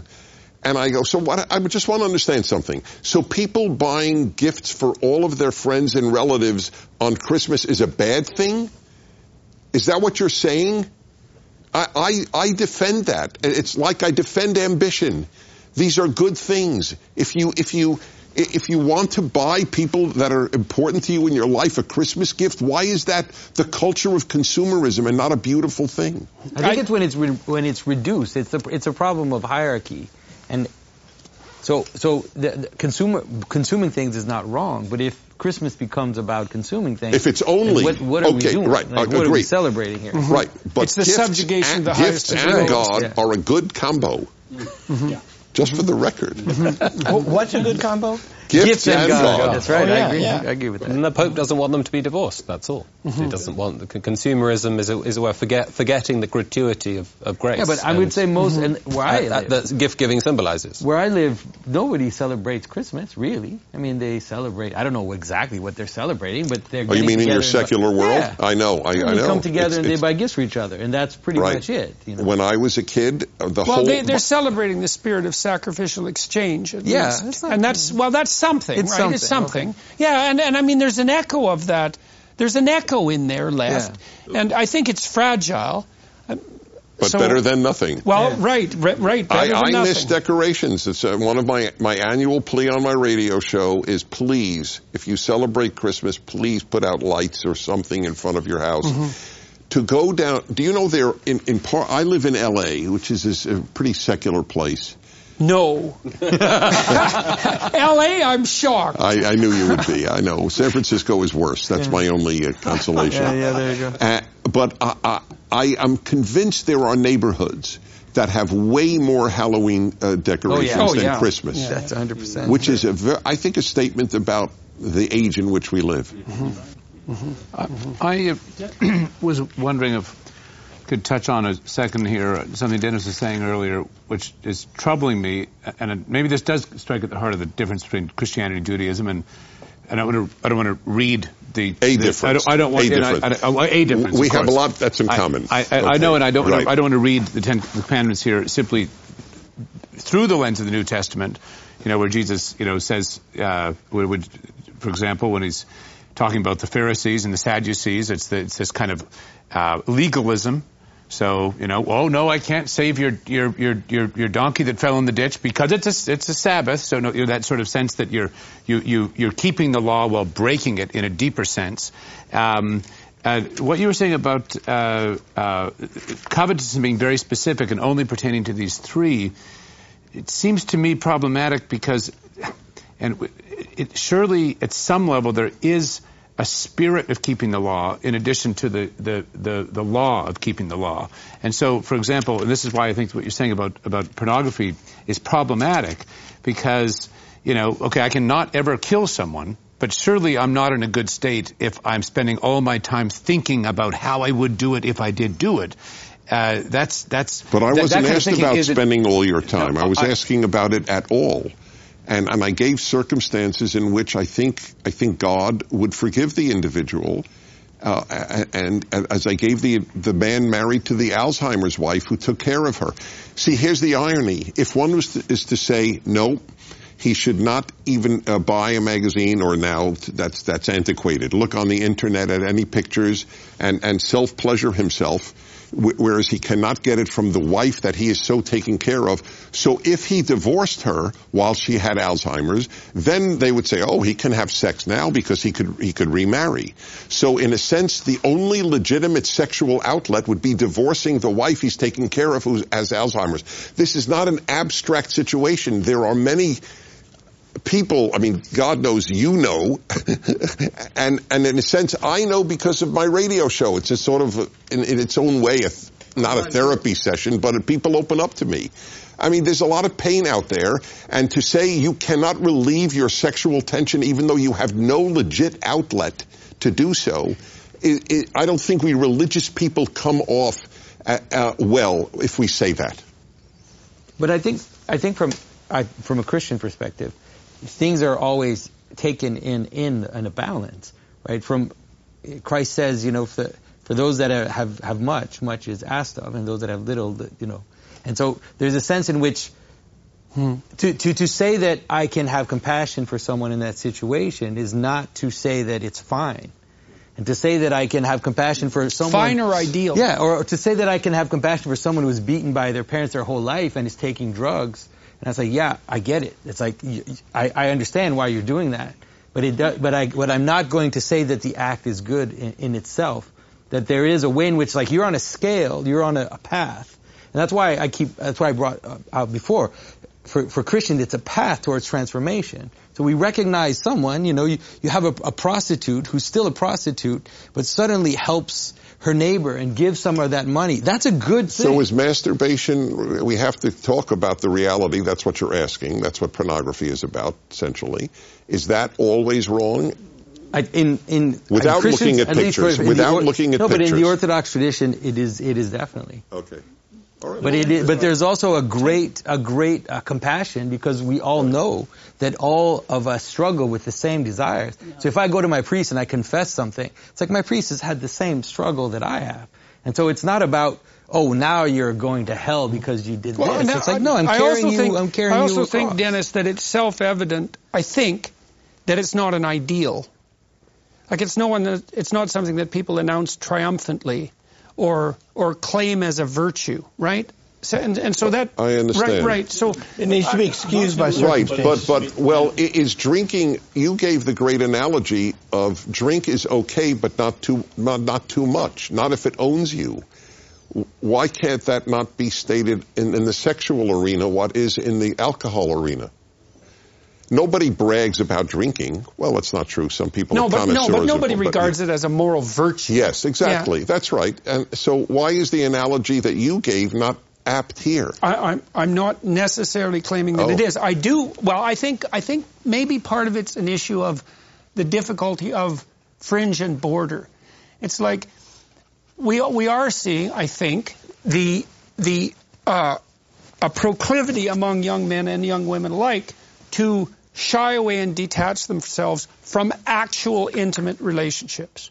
And I think yes, part of that become is, a crisis. There's well, no let, question. Let's say on the incel front, mm-hmm. there's all these men that are involuntary celibate because no women women will take a second look at them, and there's a lot of resentment generated against women in consequence. And I think part of the reason that the incel phenomenon exists, there's many reasons, is that pornography provides an easy way out.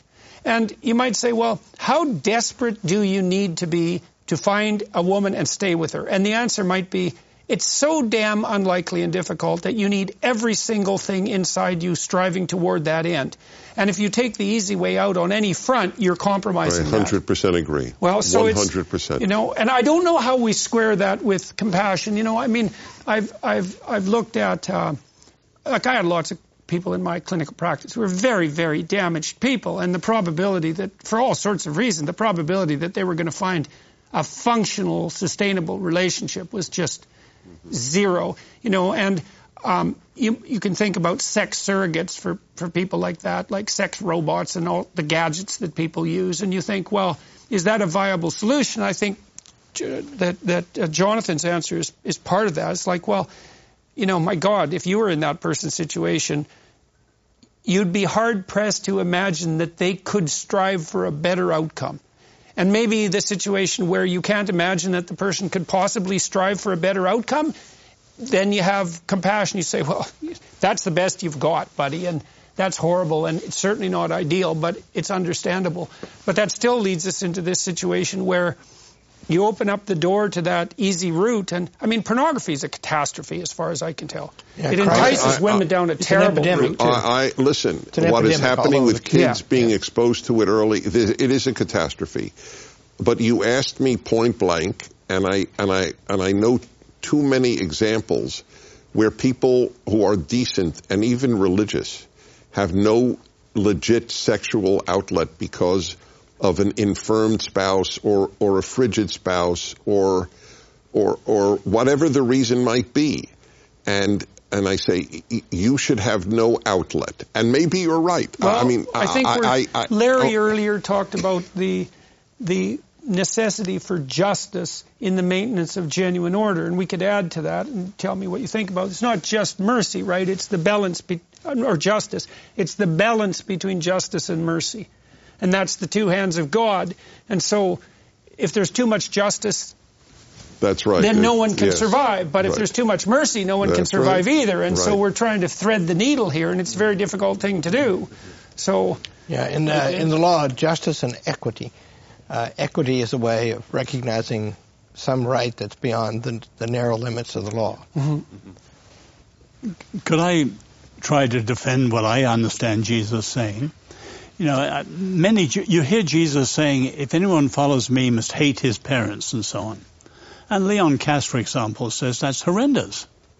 But I think he's taking Jesus literally there, where he's. I think he's saying, "If you put me first, your love for me will make the other secondary." And I think here, what he's saying is that adultery in action will grow from the heart.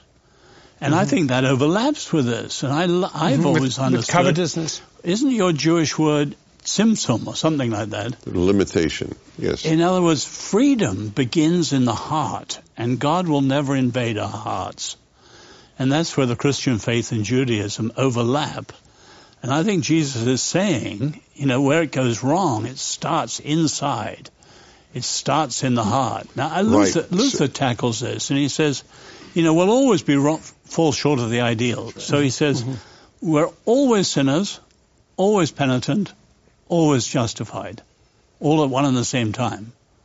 And that's what I like. I'll fail, but there's a difference between thinking about it and doing it. So I have a theory that I, I'm honored to bounce off you. Uh, I, when you cited uh, Jesus speaking about the Pharisees, let's say not saving an animal that fell into a pit because it's working on the Sabbath. First of all, uh, I believe they'd be violating Jewish law if they didn't save the donkey because there's a Jewish law, Tsar Ba'alei Chaim, the pain of a living creature and you must uh, limit that. There are many Torah laws. You cannot muzzle an ox when it uh, is in, in, in- in the uh, in the field. However, I, this is my. I have a theory for you. I think that Jews, the the great strength of Judaism and the great strength of Christianity, like the great strengths in our individual lives can often lead also to great problems. You're a particularly beautiful woman. It's a, it's a blessing, but it can come with a lot of prices, to give a simple example. So I think the great strength of Judaism has been its law. The great strength of Christianity has been faith. And I believe that both faith and law can be false gods. Well, I also don't think we should assume that that that, that Jews are any more pharisaical, let's say, than Christians. Right? The Pharisees in, in, in this particular narrative are the are the the legalists who take the Lord's name in vain in some real sense. Right? So we don't want to just identify the Pharisees with with the law per se. It's it's it's a deeper critique than that. And and the conf- it, confusion on that front has led to no no shortage of trouble. Let's continue with the story here. Okay, so we're we're done with the coveting. Um, And the commandments. and the commandments, and so now we go back to the story. This is all pronounced. But this would we still I think if we continue though it's important because the next part is not the story it's still instructions on worship because it's a it's there's a, a I think there's a microcosm here which is that God gives the law then tells people how to mor- worship in a very summary way. Okay. And then we go into all the extended law and then the tabernacle as this kind of extended worship. So- Okay, so that's a bit of a pre of, Yeah. of, a, of a prefiguration here. So, so jump in when you feel when you feel ready. And all the people saw the thunderings and the lightnings. It's a nice narrative set up here because it dramatizes this so well. And all the people saw the thunderings and the lightnings. Saw thunderings. and and the That- and the noise of the trumpet They And- saw sound. and and the and the mountain smoking. And when the people saw it, they removed and stood afar off. So they're they're they're awestricken by the power of the revelation of these principles. Made explicit, right? And this is a huge it's a huge step in human culture as well, right? Because now the implicit, at minimum, at absolute minimum, the implicit has been made explicit. And that's a, that is a revelation in secular terms, right? It's an insight of, of remarkable of remarkable magnitude that now the principles that order us have become statable and, and understandable. It's an amazing thing. And so, and they said unto Moses, Speak thou with us and we will hear, but not, let not God speak with us, lest we die. And Moses said unto the people, Fear not, for God is come to prove you, to test you. And, and, and that his fear may be before your faces, that ye sin not. That's interesting to take apart, that his fear may be before your faces. That's akin to the idea that the fear of God is the beginning of wisdom. And it means something like, yeah, it's awe. yeah, It's awe. awe yeah, is such yeah. a better word. Yes, yes, yes, yes. And and and to to to maintain yourself in proper relationship to that which is mm. trans- transcendent. That's partly what the narrative is trying to do here is that the source of these principles is something extremely high, mighty, and worth being necessarily sub- subservient to, even though you're in relationship to it. And when you forget that, that's when you're going to lose the terror that would otherwise orient you properly. In, in my clinical practice, one of the things I used to do with people when they were thinking about their positive future, I used to get them to lay out their negative future. It's like, okay, you've got a bunch of problems, and, and we've kind of laid them out. Let's develop a vision of the future where all those problems, your weaknesses, your temptations, they get the upper hand. And you let them take you over. It's like, what does it look like five years down the road? Everybody would think. First of all, everyone knows what that would look like, even though they never want to look at it. You get people to delineate out that the consequences of deviating from that ideal in the direction they're tempted. Then they, it's something that they hold as a, as a properly orienting fear, mm-hmm. right? Why shouldn't you wander off the path? Well, you won't get to where you're going. It's like, yeah, that's a good reason. How about wander off the path and see what sort of hell awaits you? That's a lot better orienting principle. It's like I want to get somewhere for sure, and I definitely don't want to fall off the edges of the world.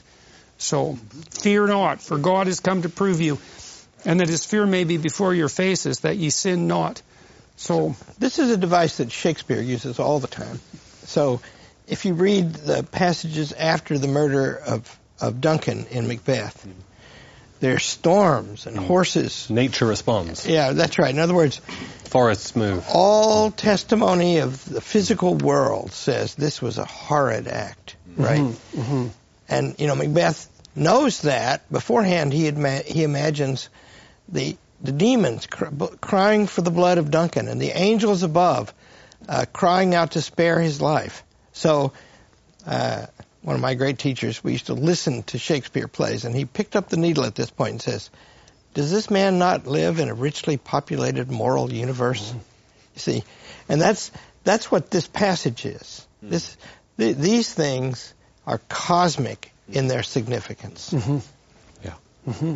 And one senses it's an appropriate response on the, uh, from the Israelites. A kind of awe. Yeah, well, I would say, well, I would say too, Silence. phenomenologically, mm. I, certainly this was the experience again of my clientele, and I think it's my personal experience too. If you, if you are tempted to wander into dark places, everything around you turns dark. Right? That's reflected in the manner in which the world begins to manifest itself to you. And so I don't know exactly how that speaks of the concordance between the moral order and the benevolence of of transcendent reality itself, but those things are by no means easily separable. So, and practically speaking, as, right? as John said, though, this is the prelude to the Yeah, I want- I want to the meeting place. Because what I want to, to point out is that there's a there's a structural thing happening. Because people talk about how stories get repeated, and, but I think there's always a good reason why they're being well, repeated. shall, shall I read right to the end no, then? we And we'll can. go- No, let me let me. I can point it out, and as Okay, we go, do you want to read see. through it then? And, No, and- no. The, the, I think that's fine. Okay. What I just want to point out is that just before the law, the same thing happened, where it's like God is this thundering thing above that's firing a cloud, and it's like terrifying, and we have to stay away. Don't touch the mountain. Don't touch anything because it'll kill you. And so it's like this this radical separation, right? God is so high, God is so is transcended beyond everything, and here we are, and we're basically in danger of dying, facing this absolute. And then God says, okay, here's the law. Here's the mediating principle which will connect us together. Here's your vertical relationship. Here's the horizontal relationship. Now it, we get the same image. It's like, okay, God's thundering on the mountain and, and, and everybody's frightened, everybody's pulling back. And now God is going to say, now this is how you worship me. so this is how you can approach This me. is how, this is the manner in which now we're going to enter into relationship in a ritual way. So there's the moral way and the ritual way that, that come one after the other. And But so- isn't there Hmm, a simple oh, part in what hmm. you're saying? Moses is able to take God immediately, and he's not. The people are blown away. Yeah. So they need intermediate ways, and that's what's coming. Mm-hmm. yeah, I well, one of the things Jung said And about when re- Moses is missing, they go for the golden calf. That's right. Yeah. Right, right.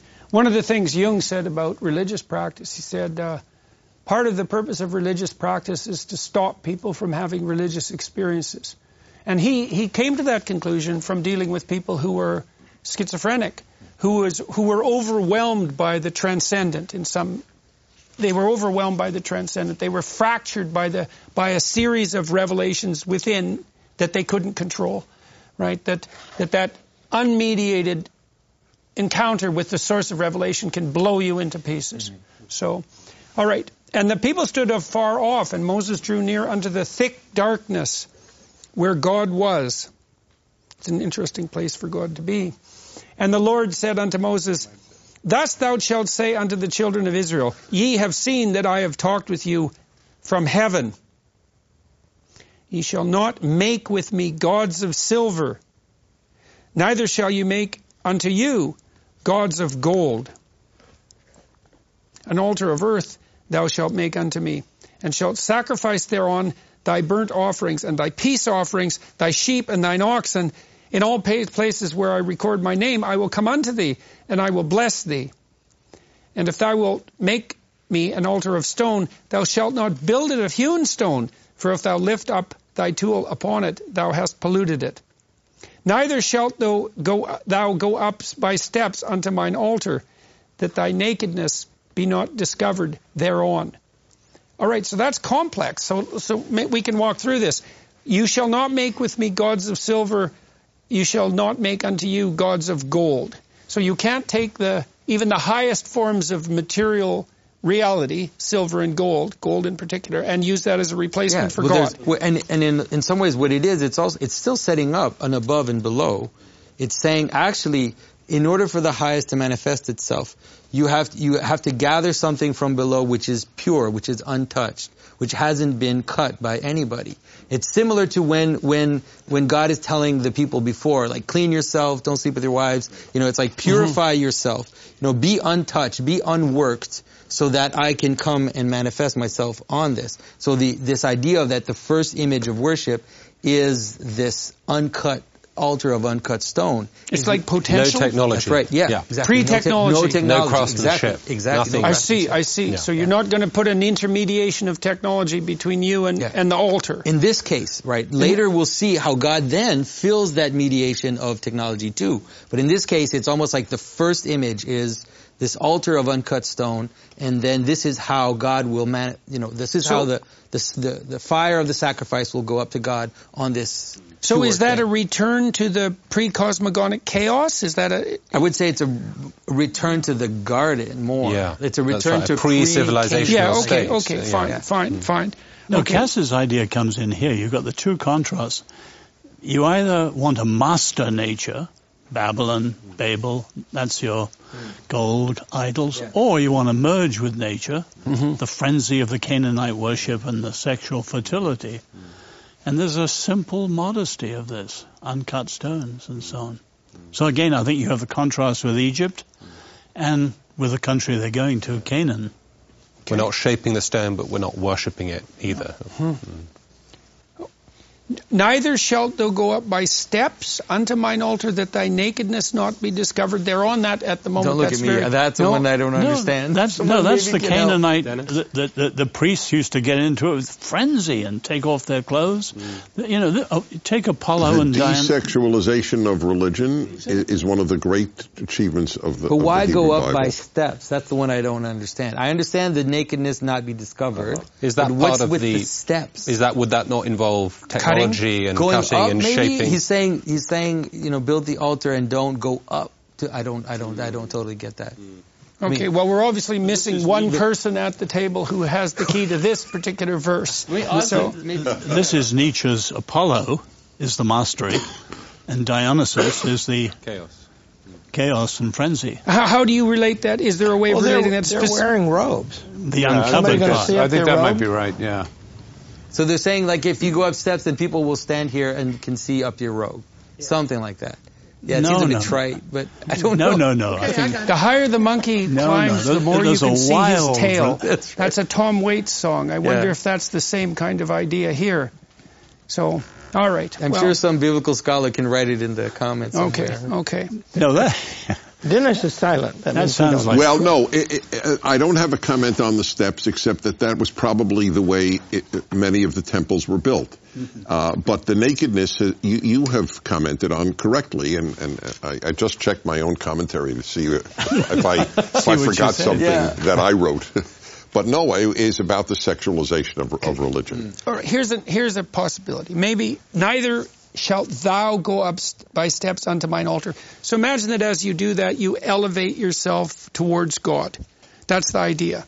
But Well- when, he go, when Moses went up the mountain, that's what happened. Like Right, Moses but he was up called. He was called to Right, go up. He was called. He was Yeah, called to go up. So maybe this has to do with falsely elevating yourself, because that would make sense that your nakedness that would then be discovered. Because it is the case that if you're corrupt, the more you're you elevate yourself, the more that corruption becomes revealed. Because if you know we were in Jerusalem and we saw, I mean, the tabernacle is not the same. The tabernacle leads to the temple, and the temple is on a mount. Hmm. It's at the top of a mountain, and so there's a joining of this symbolism of the mountain of Moses and the tabernacle in that sense. And so hmm. people are going up hmm. towards the. So I, I, I the mean, steps there's probably are the some. steps are an artificial mo- mountain, though. You know, so I think this I think this means something like don't falsely elevate yourself. So at least that's a possibility. All right, well, gentlemen, it happens to be exactly two hours after we've we've uh, embarked upon today's adventure, and we're exactly at the end of this. So that's very nice timing. And so maybe that means we're in the right place, doing the right thing. Wouldn't that be lovely? And so. For everyone who's watching and listening, uh, thank you very much to the Daily Wire Plus folks who facilitated this discussion. Our appreciation to all of you who've participated so eloquently today. It's much appreciated. I always learn plenty when I sit and listen to you guys talk. And so onward and upward to session 11 of the Exodus seminars tomorrow. Thank you. Thank you. Thank you. In other words, the principle Right. is, you know, Bob Dylan, you've got to serve somebody. Right, right. So there's, yeah, But right. this service, um, we have a prayer in the Anglican service book. Your service is perfect freedom, and that's Moses, the servant of the Lord. I don't see here an, an, an, ex- a- a- an equal and opposite commandment. If a woman entices a man to sleep with him, then she is She's owes- forced owes- to marry him, No, right? No, this is this is the view here is that men have an absolute responsibility not to engage in commitmentless sex. Mm-hmm. I agree with you totally. Genius. I, I totally. I only used it But because Jordan did, and, and, and you meant to. Th- and, and- Sure, yes. make, makes Dennis- my So- fault. Yeah, no, no, no. no. So if the One answer to your, that was precious. your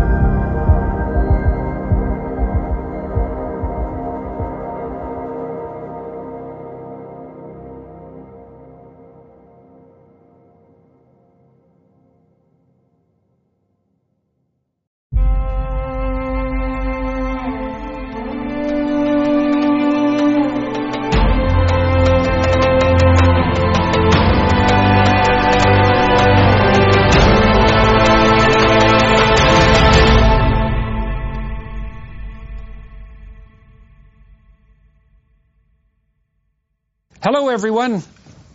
Welcome to episode 11 of the Exodus seminar. Today, we're going to talk about the differentiation of the law. The last couple of days, we've walked through the Ten Commandments, and you, it's reasonable to think of those as the minimal preconditions, the minimal fundamental preconditions for both psychological unity as well as security and hope, and the establishment of a stable polity that can play itself out in a in an iterable manner across reasonable stretches of time, incorporating many people. Preconditions for unity, the axiomatic preconditions for unity, that's a, a reasonable way of thinking about it.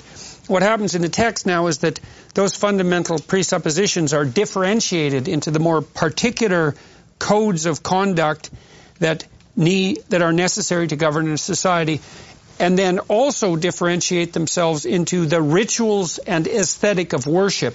And in keeping with that, we'll cover two main topics today, running through Exodus 21 to 24 with any luck. Uh, description of the expanded law, and then the place and aesthetic of worship. And so that's today's plan. We're not going to go through the text in, in its entirety uh, because it's very detailed and because we want to incorporate some of the narrative of the broader Exodus story that's not technically in the book of Exodus into this seminar.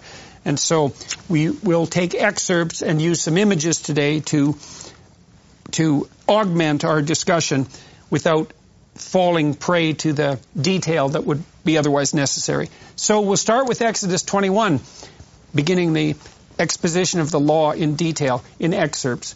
So Exodus 21, 2, if thou buy a Hebrew servant, six years shall he serve, and in the seventh he shall go out free for nothing. So that's obviously a commentary on the limitation of something like indentured servitude.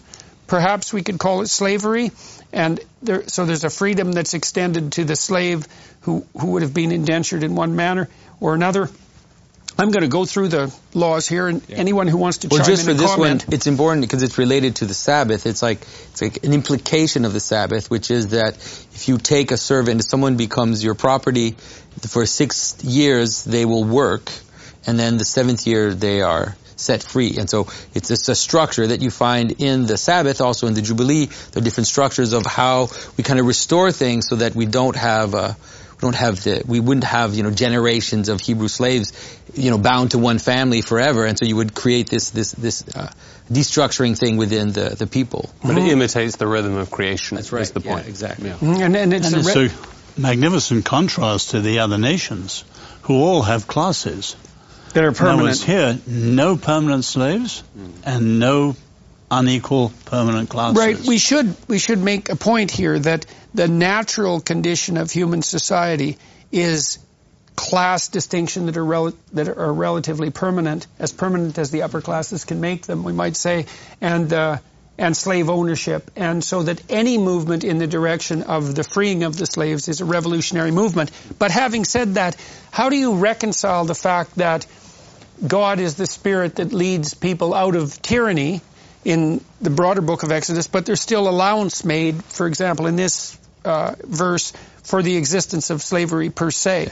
Well, it's the thing about slavery is that it's very difficult for us to understand what ancient slavery was because we have safety nets, we have all these things which make it possible for people to exist, but in a, in a world where you have someone who can become in such a dire situation that they're basically, you know, dying of hunger in the street, giving, you say, selling yourself or placing yourself under the authority of someone else was a way in which to continue this, to actually preserve the social fabric. Mm. And so it's like, I can't do, I can't do it. I just can't. I'm not, ma-. so I, I, I, I, I propose myself to someone. I say, I want to enter into your service. You take care of me. Mm. I work for you. And then after six years, then hopefully I'm set on a path that I can now mm-hmm. continue. It's like a mortgage on on yourself. And as you remedy. pointed out, uh, it, it is indentured servitude, yeah.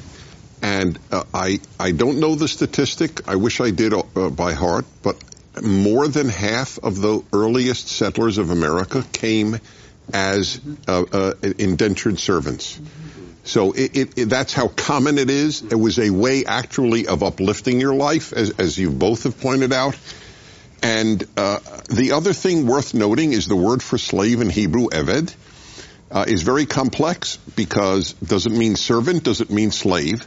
For example, Moses is described as Eved Adonai, the the the uh, this this the, the Eved of God. Is he God's slave? Nobody eh, thought so. Uh, yet the, the Jews or the Hebrews, Israelites in Egypt are avadim, plural of Eved. So they were slaves. So the the Torah, I guess, almost unfortunately, uses the same word for servant mm. as for slave. Well, one of the things we need to understand about words in general is that as they move through time, they become more specific. So if you chase a word back in time, it has a broader and broader and broader and broader range of application. It, it contains more concepts that would be differentiated in modern society. So it's harder for us to understand what the word might mean. But So- you, you remember with earlier in Exodus, you, you free them that they might serve the Lord. in other words, the principle Right. is, you know, Bob Dylan, you've got to serve somebody. Right, right. So there's, yeah, But right. this service, um, we have a prayer in the Anglican service book, your service is perfect freedom. And that's Moses, the servant of the Lord. Oh, I should point out too that we're welcoming Douglas Hedley to the table today. He hasn't been here for the last two episodes, but he's come today and should be sitting in for the rest of the uh, for the rest of the seminar. So welcome, Douglas. We're extremely happy to have you back with us. So, okay, I'd like to point out that we've got through one whole law so far, and so we'll go to 21.3. Uh, which is an extension of the same of the same uh, proposition. So this is a limitation on indentured servitude. If he came in by himself, he shall go out by himself. If he were married, then his wife shall go out with him. If his master have given him a wife, and she have borne him sons or daughters, the wife and her children shall be her masters, and he shall go out by himself. Uh, so that enables him to take with him what he has accrued to himself, I presume. And if the servant shall plainly say, I love my master, my wife, and my children, I will not go out free, then his master shall bring him unto the judges. He shall also bring him to the door or unto the doorpost. Okay, forgive me. So, so this is critical. The, the, there is an obvious implication that not everybody will pick up on. If the slave says, I love my master, so people will think, what kind of kook is that? A slave who loves his master. But it's, it's, it's not a master in the sense that we think of like uh, uh, transat- the transatlantic slave trade or, and, and ill- ill treatment in South America, etc. Uh, this this is again uh, what what we said earlier, indentured servitude, and it is possible he loved his master. Mm-hmm. What if he treated him well? Mm-hmm. And, and he has his needs taken care of, and, and, and he doesn't want to leave his wife and children. So it, it implies, if nothing else, the possibility that there were good people or decent people in the role of quote unquote master. Mm-hmm. And, and this enables the person to continue that service even though in, in some manner he's condemned to be free by the by this by the essentially by the Sabbath lifting of the Right. of the indentured servitude But there, requirement. there is a subtlety here that the, the if he comes in with his wife, he goes free with his wife in the seventh year. But if the master gives him his wife and he bears children, the wife and children stay. right So this is a whatever we may think of that. this property is- differentiation. Yes, this is a way of his being able to freely stay with what he has been part of building. Mm-hmm. But it doesn't simply go with him because of this Right. distinction in the law between whether you were given it or whether you brought it with you. Right. It's difficult when, when you're explicating a, a text as ancient as this to understand exactly what parts you would require to be permanently applicable and what parts have to be differentiated so they were laws that were germane and relevant to a time and place. And so it's very difficult for modern people to understand anything like the morality of this set of rules because all of the conditions under which these rules were generated are so different from our conditions. But it's also hard, I guess, for people who are claiming something like uh, the divinity of the biblical text to also say, well, this doesn't apply because it only applied to that time and place. And so, But what what the text? I mean, first of all, there's a huge distinction that might be good to make now. Uh, God, this God is everybody's God. First one to say so, and He gives a law in great detail. We're going through it. It's not everybody's law. It's the Jewish law, right? And uh, Christians think that later God will say, "My kingdom is not of this world." And that means He doesn't give us laws like this. and and and that's an enormous change. And see, if uh, uh, in Islam, God is a universal God and a lawgiver, and that means the one who interprets the law has got supreme authority. It's hard to think what check there is on it. And and but in both Judaism and Christianity, it isn't like that. Uh, these laws are as strict and detailed as any in the ancient world, but they're just for this people. And and uh, and there's a structure, by the way, of rule. This this is a polity. We're founding a polity here, right? And they can be analyzed against each other according to Aristotle's categories for one. And this polity has a structure of authority that goes. That's not. It's not uh, absolute monarchy. It's, it's in the beginning. It's hardly monarchy at all. And there's uh, priests and rulers, and they offset each other. And this law is a law over them too. And so it's it's uh, it's a very curious thing, and it's you know it gives fuel to and credence to the Christian view that this is a preparation for God to rule all the earth. That's right. We can see in the particularity of the laws the sort of the seeds of a universal understanding of, of all humanity. Because what what's different from the codes that came before is that we don't have not just it's not just an abolition of, of distinctions among classes. It's just there is it's very clear that there is no longer any category of human being that is, as it were, enslaved. That, that, that servitude is sort of part of what it is to be that category of human being. And so we should see it really, I think, in just in developmental terms. We're seeing what we need to do is compare with what, what went before, and we need to understand the kind of trajectory of the moral universe of, of Israel towards the universalism you know, that we find a, later there's on. a, a phenomenon that, that Egyptologists described as the democratization of Osiris and Horus. Mm. And so the pharaoh in Egypt was conceptualized as the union of Osiris and Horus. Mm. So Osiris was the god of the state who could become willfully blind to the machinations of evil, who was once great in his youth, but who developed uh, this ossification across time. That's the problem of tradition. And then Horus is the visionary revitalizer who journeys to the underworld and revitalizes the father. And the Egyptians conceptualized the pharaoh, the sovereignty of the pharaoh, as the union of Osiris and Osiris. So it's the union of tradition and vision. And then to begin with, the only uh, only the pharaoh could use the symbolism that was associated with Osiris and Horus. But then the aristocracy began to pick it up.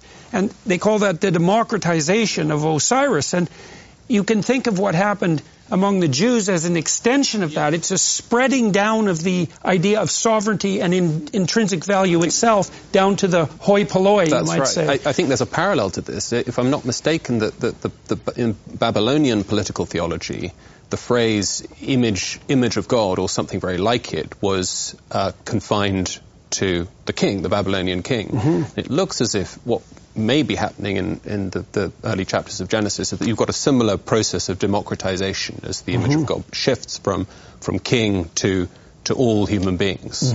Mm-hmm. And that's again, that parallels also the abstraction of the idea of sovereignty. So sovereignty is no longer what a king does. Mm-hmm. It's in the nature of the king. And then once you understand to some degree that it's in the nature of the king, then you can think, well, maybe that kingly nature is distributed more widely than you might have assumed to begin with, and then maybe eventually it's part and parcel of everyone. All earthly sovereignty is relative sovereignty, and then it's, as it were, distributed sovereignty. Mm-hmm, mm-hmm. Yeah. Yeah, and, and the and the principle of sovereignty is equivalent between every individual. There's something in you that's sovereign. There's something in me that's sovereign.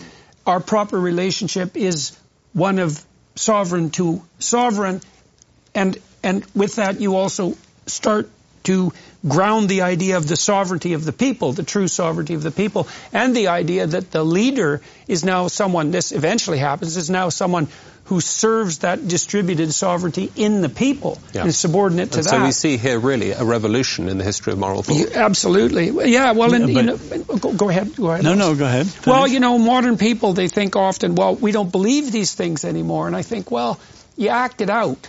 So it's not so obvious you don't believe it. You don't want to be around someone who doesn't treat you or the people you love as if they're sovereign individuals with no free will, with no intrinsic dignity. No, none of your relationships are going to work, and they're certainly not going to be desirable unless they're predicated on that principle. So the idea that you don't believe it simply isn't true. And if there isn't something that's under that belief, which is a recognition of the transcendent dignity of the individual, then you think, well, that belief in you is weak, right? It's got no foundation. On what grounds do you posit that? And that and that makes it vulnerable to disruption. So, you know, but a lot of people could hear what you're both saying and interpret it in an evolutionary framework that we have a slow evolution of religion and the Jews are rising a little higher than the Babylonians and the Egyptians. Mm. Uh, I think that's wrong. I think this is genuinely revolutionary because of revelation, as we were talking yesterday. So you've got this double contrast. Egypt behind you, monarchy, hierarchy, tyranny, slavery. And here's a covenantal way of doing things. It, it, Michael Walzer calls it an almost democracy. Mm-hmm. All the people buy in, and it applies to all the people. Mm-hmm. And there's no classes here. Mm-hmm. There's, there's, still servitude class. There. There's a priestly class. There's a priestly class. Well, there's, a, there's still a caste. There's just not. Not. There's at least two castes. There's well, a priestly caste. And they are. Oh, oh, oh yeah. Oh. There is a priestly caste in. in oh, so in that's interesting. You, th- I'm, I'm not even challenging. I'm very curious. You think that in the eyes of the Israelite, the the priest was like the Brahmin in Hinduism? That was the upper class. I don't know if it was the upper class, but it was a distinct hereditary class. Correct. Yeah. But that okay. So hereditary and caste are, are co-equal or, or synonymous. It's, it's, just two. It's just a separation of function within right, society, so, okay. like I, clear separation. me a f- separation of function without separation of value. Right. That's the that's key. Possible. That's my right. question. Right. Well, that might distinguish a caste I, from a function. They are of equal value. No, but differentiated. Jews never thought that the, the priest was more valuable than the than the Levite or the Israelite. Mm. Mm-hmm. Just, I, I think but, that's important. Mm-hmm. They had a distinctive quick, role. Mm. Just quickly back to Os's point. I mean, it, it's not democracy in the sense that we don't here have full equality. There's still almost democracy. The, almost democracy. There's mm-hmm. still there's still servitude. There's still a sense in which the indentured servant doesn't have really any participation in, in, in public life or in public decision making. But he sold himself. Yeah, yeah or you can tell, well, was sold by their, his given a moral rationale. Well, captors in war too. That's just that's the non-Jewish. Well, there's and also very, war. There's also very little discussion of anything that we would really describe as politics here yet, mm. right? So, and and Os, you made this comment about this evolutionary uh, approach. Let's say, well, I do see in other societies at the time and, and in other societies in different time and place that there is a striving towards a realization of ideas that are similar. So you see in, oh, in Mesopotamia, for example, the, the god Marduk, who was the model for the sovereignty of the emperor, was had eyes that encircled his head, so he was like the Egyptian god Horus in that sense, the god of attention, I think, mm-hmm. really, the god of careful attention, but also spoke words of magic and that is a concept, and that that was central to what sovereignty was, that capacity to speak compelling words of magic. There's a, there's an idea there that's very much like the idea of the divine word that's kind of in some way struggling to be born among the Mesopotamians. And I think it's, it's relevant to our discussion yesterday that there might be a yearning upward from the material world to join with the with the dispensation downward of the revelation and so long as we're always saying both and yeah, uh, yeah absolutely, absolutely. That point, your point about the political, Jordan, this is very interesting. It's, it's actually, it, it isn't political. That, that, that is to say, the servitude is understood as something that, that belongs to the household. Uh, belong, it doesn't, it's not so, something that involves a relation of um, the, the, the, wrongdoer and mm-hmm. a central state, as mm-hmm. it were. It's, uh, well, I think we're also just seeing here the struggling towards something that we would even recognize as political. Mm we're, we're, we're not at that point of differentiation yet in, in the place of cultural evolution. Well, the, the Jews are always murmuring, right? And, you know, building political parties and stuff. Mm-hmm. And let them get killed for it here and there. But, so, politics is coeval with the human condition. The question is, what form does it take? Mm-hmm. And what we're seeing the birth of is a form for it. And the form both concentrates and distributes power and and that means it, it's constitutional in a way. And you know, I, I, I don't know if I differ from ours, but not all monarchy is tyranny. Uh, tyranny is the bad form of monarchy. Hmm. No, it's a Egypt was tyranny. Egypt, Egypt I'm- is a society I loved Her Majesty. questing for hmm. immortality hmm. by their own devices, and that is a despotic enterprise. Mm-hmm. Well, even the Egyptians themselves, I think, understood that under optimal conditions, the it's it's tricky in Egypt. In Mesopotamia, from my understanding, there was a real separation between the emperor and Marduk. So the emperor was seen as an avatar of Marduk, whereas in Egypt, the the identity was closer. The pharaoh was mm-hmm. was Osiris and Horus. But that becomes ambiguous as the Egyptian dynasties progress, and I think people develop a more sophisticated conceptualization of what sovereignty might mean. So, all right, so 21.6. Oh, forgive me. Oh, go ahead, Dennis. I just want to, this is way back, a good 10 minutes ago, you mentioned something, and I just have to uh, state, I do believe in the divinity of the, of the five books of the, of the Torah, and uh, divinity and permanence of a law are not identical. It could be a, a, divinely given law, and yet uh, I, I just quickly want to give one example that is not in Exodus, which is strikes most readers as bizarre, and I think it is brilliant. If a man suspects his wife of adultery, uh, he brings him to the the, uh, the priest, who gives her a potion, and if her belly swells, she's guilty. And if it doesn't swell, she's innocent, and they go back to one another.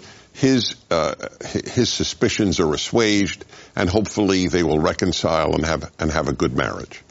It is obviously we don't do this today. They stopped doing this uh, by the time of Jesus. Lost the formula for that potion. Right. We don't know. Uh, all, what is clear to me is this was God's way of getting husbands not to be suspicious of their wives. It was a way to keep the couple together. I don't believe any woman's belly ever blew up when when this potion was given, but it was a, a genius way. Remember, this is late Bronze Age. What is divine? Keeping the couple together, assuaging the husband's suspicions, keeping his dignity because now she's shown to be innocent, and the fact that God wants couples to stay together. Uh, why is that not divine? We we also have in the story of Noah the insistence that Noah is a man who's wise in his generations. and so there's some recognition in the biblical corpus that there are some elements of what constitutes, let's say, the details of what's moral that are that pertain to that time that's and right. place. That's why I love the founders of America. Okay, so so 21:6. This is what happens to the servant who decides to stay. His master shall bring him unto the judges. He shall also bring him to the door or to the doorpost, and his master shall bore his ear through with an awl, and he shall serve him forever. So the law there is that if you hit the seventh year and you're freed, and you decide to not um, take advantage, let's say, of that freedom, then you have consigned yourself to permanent service or And allowed an yourself to be of the protected. earlier by it. story of the blood on the doorposts. Hmm. No, it's, it's a kind of vote for freedom. And this, I just think this is a very beautiful image relative to what you were saying earlier, because this is this is radical in the sense that it is making clear that a human being can be capable of making a permanent commitment to reciprocity. That, that there's a there's a that there's a stability to the will that our our dignity has in fact to do with our ability to make promises and to fulfill them. And in, in an age in which you know momentary commitments and betray, betrayal of you know quasi commitments uh, this is this is a radical a radical revelation or uh, instantiation articulation of something that is absolutely fundamental to any vision of human dignity Well, you know, we tend to think of those permanent commitments as an abdication of freedom. And I think one of the problems with that is that we do a bad job of distinguishing freedom from chaos, and we don't. We also don't understand that. And a corollary to that is that we don't understand that you can bind excess uncertainty with permanence of contractual relationship. I mean, one of the things that that permanently committing yourself to your wife does is solve the problem of mate choice. Now you might not be it's replaced by the problem of how do you keep the relationship happy and alive, but I think that's a lesser problem than which person do you pick out of the multitude of people that you might be able to pick, or the, the even worse problem that none of those people would pick you back. Dennis, so, Dennis, and the more likely ask, one. Can, can I ask Dennis what's going on there? This is a this is a market with the the piercing of the ear with an awl. This is Well, the rabbis had a very interesting uh, view of that.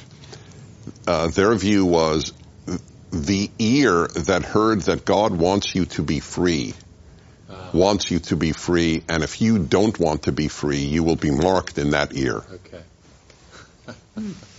All right, we'll skip to 2112. He that smiteth a man so that he die shall be surely put to death. So that's the eye for an eye punishment, tooth for a tooth, let's say, a mur- uh, judgment on murder. And if a man lie not in wait, but God deliver him unto his hand, into his hand, then I will appoint thee a place whither shall he flee. But if a man come presumptuously upon his neighbor to slay him with guile, thou shalt take him from mine altar that he may die. And he that smiteth his father or his mother shall surely be put so to death. taken from the altar, this is uh, a beautiful law. I love it. You cannot come into to my altar if you're a murderer and claim refuge. Which Just- would have been common. Right. el- That's right. Elsewhere Again, In the uh, ancient uh, world, right, as yeah. Certainly in points, Greece This is too, I a think. total break with Yeah. the world as it was. This is a revolutionary text. No asylum for this. Okay, and there's also an attempt here to distinguish between different forms of what might easily be aggregated together as murder. So if you if so in 2112 you have the death a death paid for by a death, but in 2113 there seems to be an insistence that if it was accidental, Like if you get into a bar fight or something, like flares, emotion flares up, you kill someone, it's not the same. Premeditation. Yeah, it's not makes premeditated. it- yeah.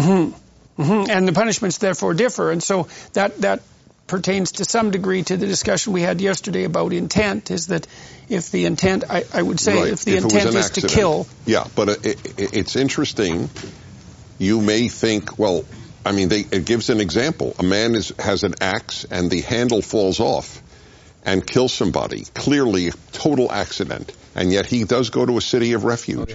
A, to protect him from the family Right. who wants to get vengeance. yes, But it is still, it's not an ideal life to be in a city of refuge. You're, you're away from the regular world, and you're there till the chief priest dies, by the way. And uh, uh, there, there is a belief, apparently, in the Torah, and we are free to disagree, that even pure negligence, uh, nevertheless, there, the Torah takes homicide so seriously, I, and, and there are there are a dozen examples, and this is one of them. Even if you kill accidentally, you should have been more careful. I'm sorry. What the way we treat people who are inebriated and then run over five people and then they they don't spend a day in prison because they were inebriated or they spend two years in prison. Uh, uh, th- this is not t- Torah way of looking at it. But it still you seems as killed if people because of your negligence. You shouldn't have drunk. But, but it still does still seem as if the punishments are calibrated to the degree of intent. Yes. Oh, to- totally. Right. That- do you oh, think? yes. Do you think there's there's at least two ways of reading this? One is I, I talked to a woman in um, in Albania. I hope I was in Albania, um, where there are parts of the culture who fell into uh, a cult of honor killing that's been going on for centuries, and so to what degree? So the honor culture cult is well, if you kill my brother, then my family has now a moral obligation to slay one of you in return, and generally the one of you in your family that's of highest value. And the problem with that, well, the advantage of that, I would say, is there's an element of justice and there's an element of the respite of revenge. But the disadvantage is, well, it never stops. It just gets completely out of hand, and that's happened in this in this um, in this section of Albania for hundreds of years. Uh, actually happened among Catholics there, interestingly enough. But I'm wondering too if the sanctuary city isn't there also to protect the person? Oh, I who- said that. Yeah. Yes. Oh, okay. Yes, So it's there right. as well to protect the person from vengeance the killing, vengeance. yeah. Yeah. Okay. Okay. And then 21:15. And he that smiteth his father or his mother shall be surely put to death. And that's an echo of what we described yesterday, I would say, of the necessity of honoring your mother and a father. This is parceled out as a particularly serious crime. Mm. Right. You're And- attacking the source of your own existence. You're kind of annihilating yourself when you're attacking your parents. Well, and and you're you're violating, according to our discussion yesterday, that hmm. principle of verticality, Yeah. right? That if if the, the, the honor, hinge, mm-hmm, yeah, Mhm, the hinge, the vertical and the horizontal. Mm-hmm. Yeah. This is the- all of these, are in some sense, are are following from. They're ways of let's call it enforcing. They're the consequences of breaking the laws we looked at yesterday. Mm-hmm. So the commandments are not simply. It would be good if you did these things and so on. That's to leave them in a certain state of I don't know subjective attendance. Like Mhm, you know, it's good. Yeah, vagueness. This is saying no. These really are the rules that make the conditions of this community full stop, and therefore there have to be consequences Right. to violating Right, those. right. And so these are detailed breakings down of, at least according to this law, Right. what the punishment for those things has Yeah. to do in order to honor the, the, the, the higher level, Right. you know, well, we said yesterday that the, the simpler commandments were no murder. Well, the thing about no, I, I've, I've thought for a long time, thinking through the philosophy of punishment, especially in relationship to children, what does no mean? And no in the final analysis means if you do that, something you do not like will certainly happen to you. If that isn't the promise behind your words when you say no, there's no promise there at all. And so your point is, well, if it's a prohibition, there has to be a limit, and the limit has to be detailed and understandable to everyone as well, and also proportionate. And that's what's attempting to be established here, right? May I ask a psychologist a rather simple-minded question? Um, why, why do you think the, the force of this, uh, he that smiteth his father, I mean, the, the, the Freudian resonance of, of, of that is, is will strike the modern uh, mind. Uh, now, clearly, uh, Cain and Abel sibling rivalry, uh, and we've had a lot of that in the UK uh, of late. Um, that makes sense. Why is the why is there such a difference between the uh, eruption of antagonism between brothers, which is pretty normal in my experience and probably others, and and the, this shift between that and Well, we, and we took this apart yesterday in a slightly different context, and the idea was that to to orient yourself properly morally, two things have to happen at the same time. You have to orient yourself properly with regards to that which is transcendent, so that might be the moral order that extends across time, that's universal, and you have to orient yourself in relationship to your community. And, and, and the commandments seem to be structured according to that differentiation model. Horizontal, or sorry, vertical orientation up Jacob's ladder and horizontal in relationship to other people. Um, somebody commented that you see that echoed in, in the Sermon on the Mount when Christ says you have to love God and your fellow man. And so it's the honoring of the father and the mother that seem to be the place where those two things unite. I mean, one of the things that's disturbed me about our modern society is that people complain about the tyranny and brutality of the past in a manner that's entirely ungrateful. And you, you have this responsibility to honor tradition. And I think that the manner in which tradition manifests itself that's most local to you is in the form of your father and your mother. And so if you strike them, it's not only that you're striking another person, smiting another person, but that you're violating the principle of something like respect, honor for, for tradition itself. And then you're violating that vertical principle. And there's an interesting aspect to this, I think, in what uh, Goethe says when he says that a child needs roots and wings, and that the parent gives the child stability so that the child can obviously uh, leave and and be free. Um, and it seems to me that there's a, a, very interesting relation to that thought and uh, to our lack of a sense of tradition in contemporary culture and the failure to recognize that re-inhabiting tradition, which we have to do, given our nature, mm-hmm. is, is a creative act. Mm-hmm. It's it's also a courageous act in some sense that you're you're called upon morally to honor the tradition, and that begs the question: Well, why? And you, the question might be begged, for example, when people are called upon to feel guilty for the excesses of the British Empire, for any empire for that matter, is that we bear this, we bear the the mark of the brutality of history, and of that there can be little doubt. So what's your proper response and orientation to that? And the answer still seems to be something like, it's incumbent upon you to honor your tradition.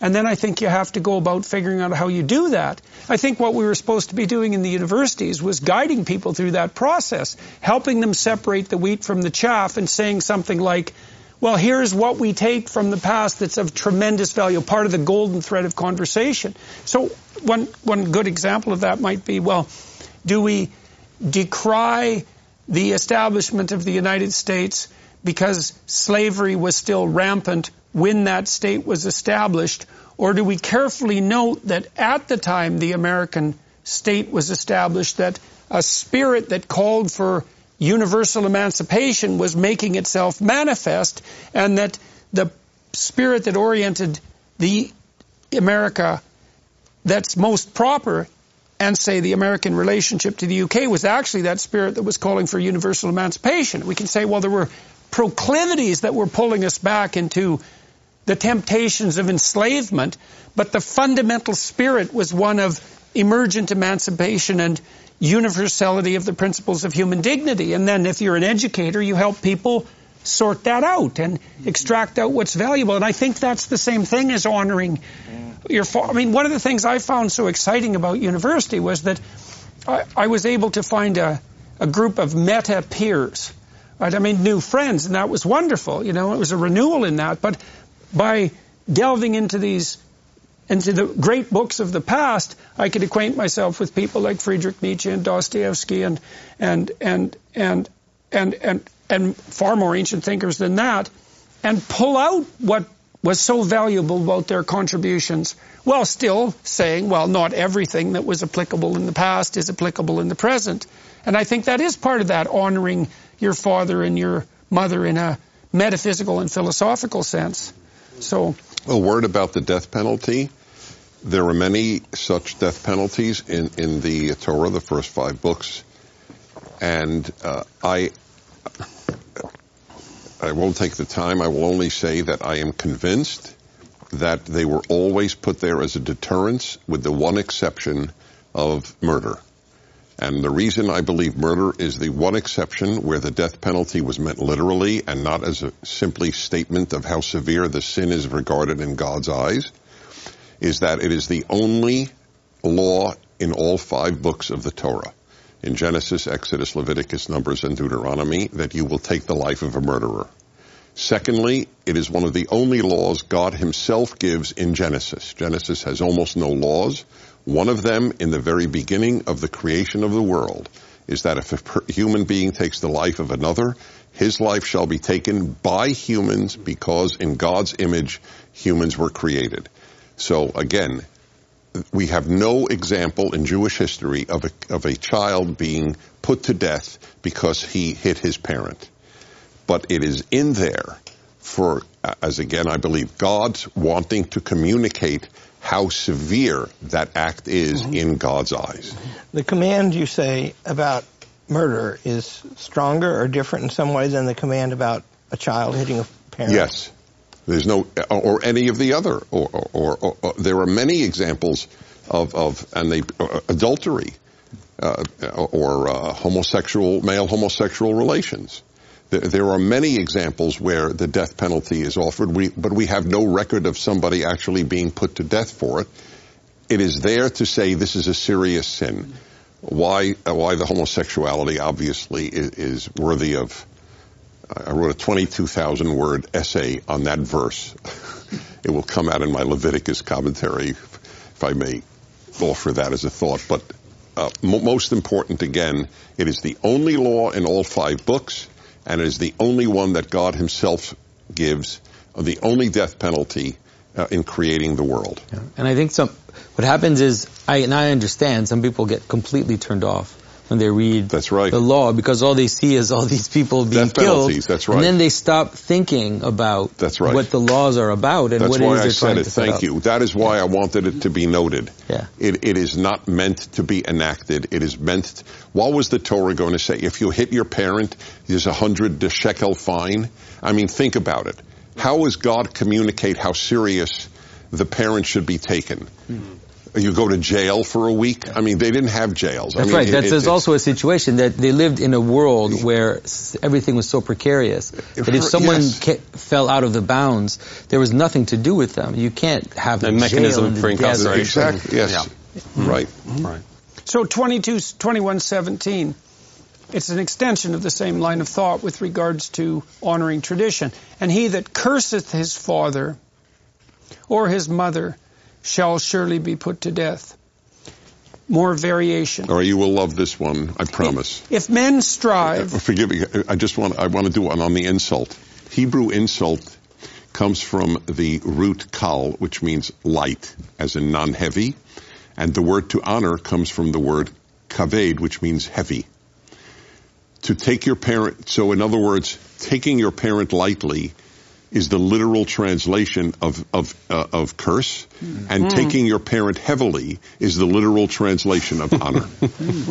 oh, that's interesting because heavy implies something that's deep and profound, right, and in the depths.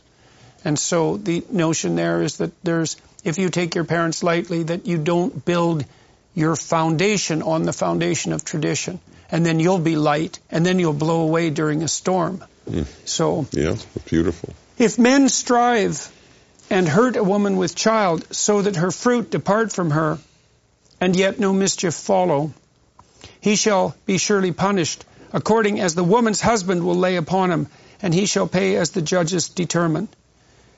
Dennis, you uh, discussed including this particular verse, so I'm going to turn that over to you. Well, very quickly, this is another, this is uniquely, no, I don't know if uniquely, but it, it is a particularly difficult one because it's an odd law. If two men are fighting and they, by accident, one of them strikes a woman who is pregnant and her children depart from her, then, then the following uh, happens. It, it's not exactly an everyday situation. It must have been a specific moment and, and what the adjudication was.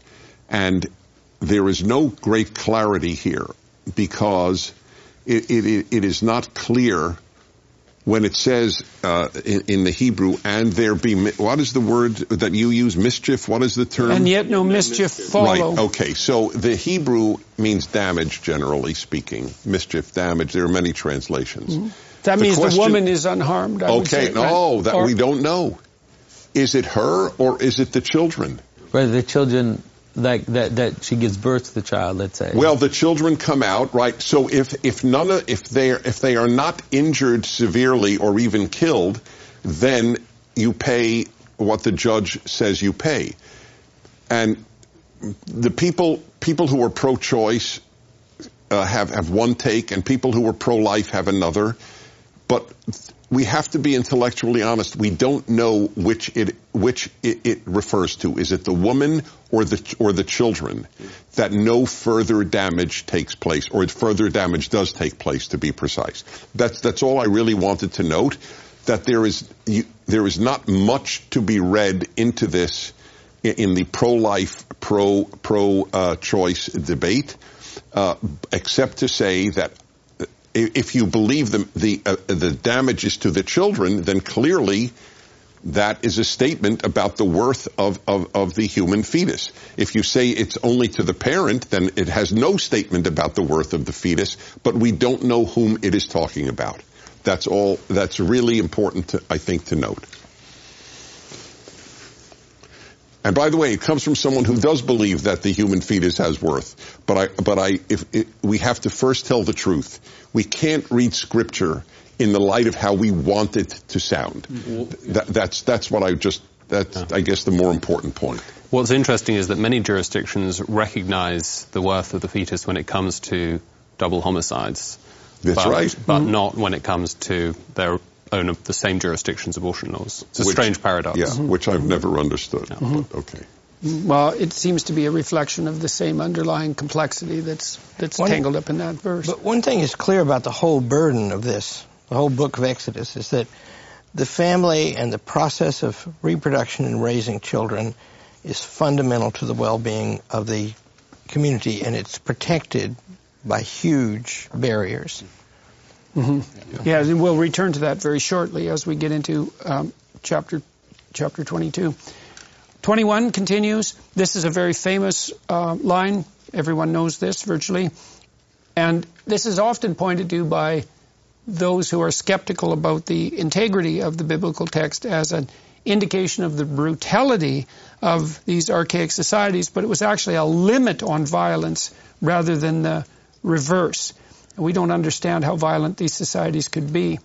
Eye for eye, this is 2124, eye for eye, tooth for tooth, hand for hand, foot for foot. 25, 21, 25 is burning for burning, wound for wound, stripe for stripe. An idea here is that the reprisal for mischief and damage should be proportionate because it could be, well, you trip me and I kill you. Mm-hmm. And and that seems disproportionate. But in societies that were run by an honor code, disproportionate retaliation was the norm, and that rapidly, frequently cycled out of out of control. And this is a limit on that. You you're not entitled to more damage than you've than has been visited upon you. Hmm. Is And this so- specifically unpacking the previous, just the previous law, Right, Dennis? but it or does it yes, distill but it also has a logic generally. It- proportionality? It's not the only time that it's mentioned. You're entirely Right. right, but it, it is not the the only time eye for an eye is mentioned. So everything you said is critical. This was a major moral achievement. That an eye is only worth an eye, not a life or not two eyes. Mm-hmm. Also, mm-hmm. the eye of a poor man is no less valuable than the eye of a nobleman mm-hmm. or a king. This was a massive statement Right, forward right, right. Uh, in, in history. And third, there is no example in the history of the Jewish people of somebody's eye being taken out if he took out somebody else's eye. It was always understood, except for the life part, it was always understood as monetary compensation.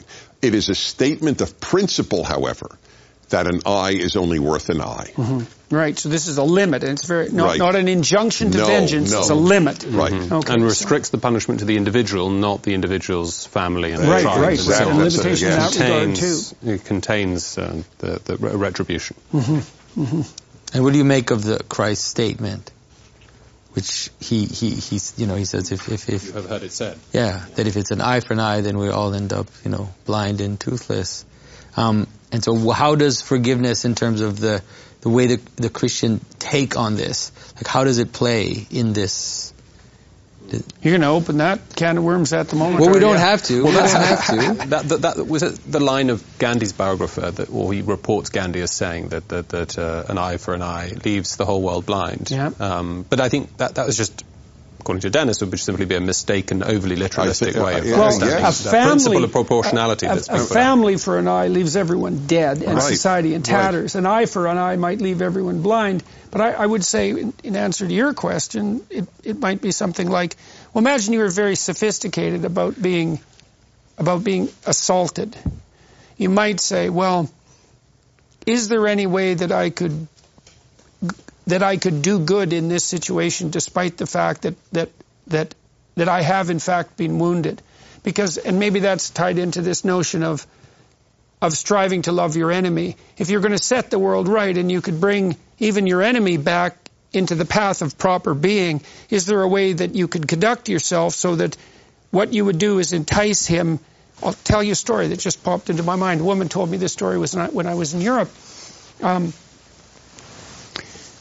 she was in city in the Middle East, uh, a naive American tourist, uh, and uh, she was walking back to her encampment, and a man stopped and offered her a ride to the encampment, and foolishly she got in the car, and he took her out in the desert, and he told her that he had been terribly abused as a child and that he was going to rape her.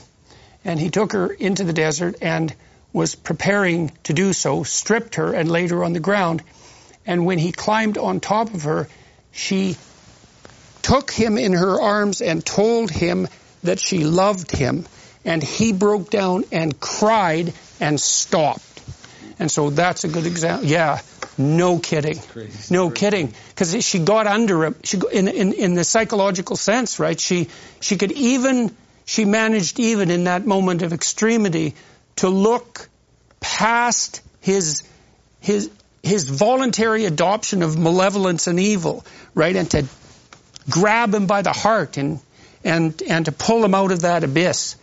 And so it, it wouldn't have worked with Hitler's or Stalin's torturers. Hey, that, it's critically that I, it, I, it's a great story. I, I, I almost cry listening to yeah, it. I've never heard it. It's an amazing but, story. But I'm not sure there's much to be extrapolated in the in the nature of human evil. Well, it's always it's always an open question, Dennis, because I think it depends to some degree on the canniness of the interlocutor. You know, I would say that if you're going to entice someone malevolent back onto the path of proper being, you have to be as canny in your good as they are in their evil. That has that's an echo of the notion that you should be as wise as a serpent, right? As harmless as a dove and as wise as a serpent. And I don't know what the limit to that is because I've seen people in extreme situations walk the path so precisely that they could entice even someone hell bent on malevolence out of that uh, what would you that insistence. I mean i take your point. This is no simple matter and it's it's nothing for the naive to attempt. But it's always an open question you know even when someone comes after you how much of the outcome is in your control? And the answer is to some degree uh, that's proportionate to the depth of your wisdom. So with the caveat that if you run across Adolf Hitler, it's probably a good idea to shoot him. Well, and I would say maybe it's a good idea if you absolutely don't know something better to do. And it's not obvious, even in principle, what would be better to do in that situation.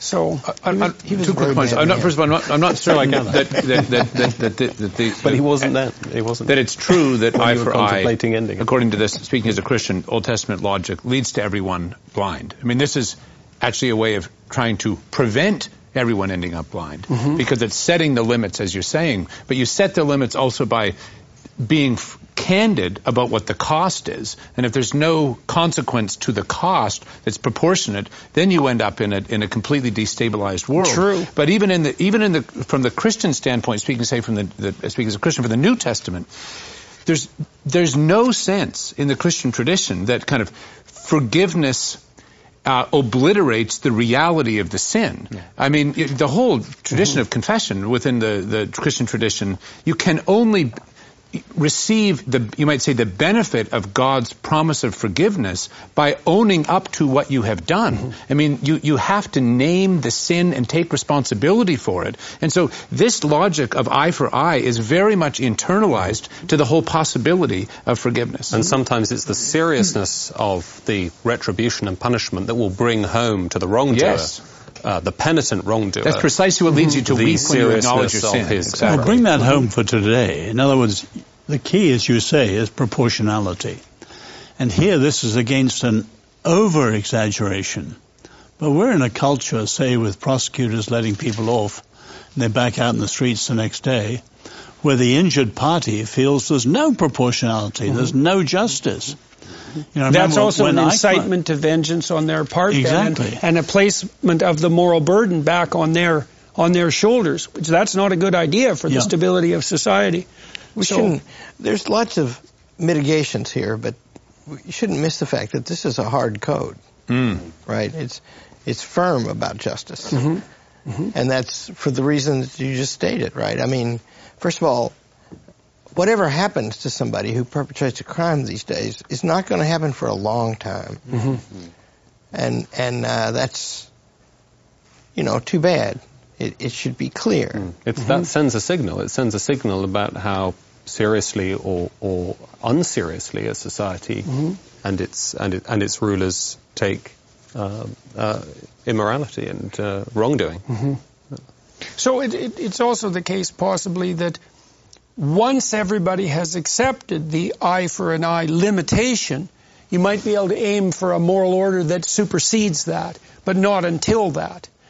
Right? So this might have been relevant for the time and place and a moral advance, but that doesn't necessarily mean that it's the ultimate moral advance in the realm of potential you, you moral can't advances. transcend this without admitting it. I mean, we know this in our personal lives. If someone commits a wrong against you, you can't have any reconciliation without an acknowledgement of that wrong. Mm-hmm. I mean, that that's the beginning of forgiveness and reconciliation. Right, right, right, right, right, definitely. 22, Exodus 22. Uh, we're going to jump right into 22:16. And if a man entice a maid that is not betrothed and lie with her, he shall surely endow her to be his wife. I'll read the 22:17 as well. If her father utterly refuse to give her unto him, he shall pay money according to the dowry of virgins. Okay, now this is a very interesting rule in my estimation, principle, because this isn't rape. This the maid is enticed. She's she's attracted and does this. It, it's it's implied voluntarily, but that nonetheless the man is obligated to make her his wife or to pay the penalty if that's impossible. And this is might be worth discussing, although it's obviously very contentious. There, there's a pointer here to the sacrality of of sex, and of course, in our culture, we're tempted to believe that sex can be mere enjoyment, a mere a form of entertainment, I would say, a light form of entertainment even, and that the reason that that's the case is because, in principle, we have reliable birth control, and so the consequences of the sexual act that are, are have been lessened in their heaviness. And so then the question opens up in front of us if we have reliable birth control, is sex then now to be properly regarded as just another form of entertainment, or does it carry with it the burden of of something approximating permanent relationship? And my sense is that even though the technology has enabled us to prevent the ultimate consequences of the act, that hasn't I don't believe that mitigates the seriousness of the interaction.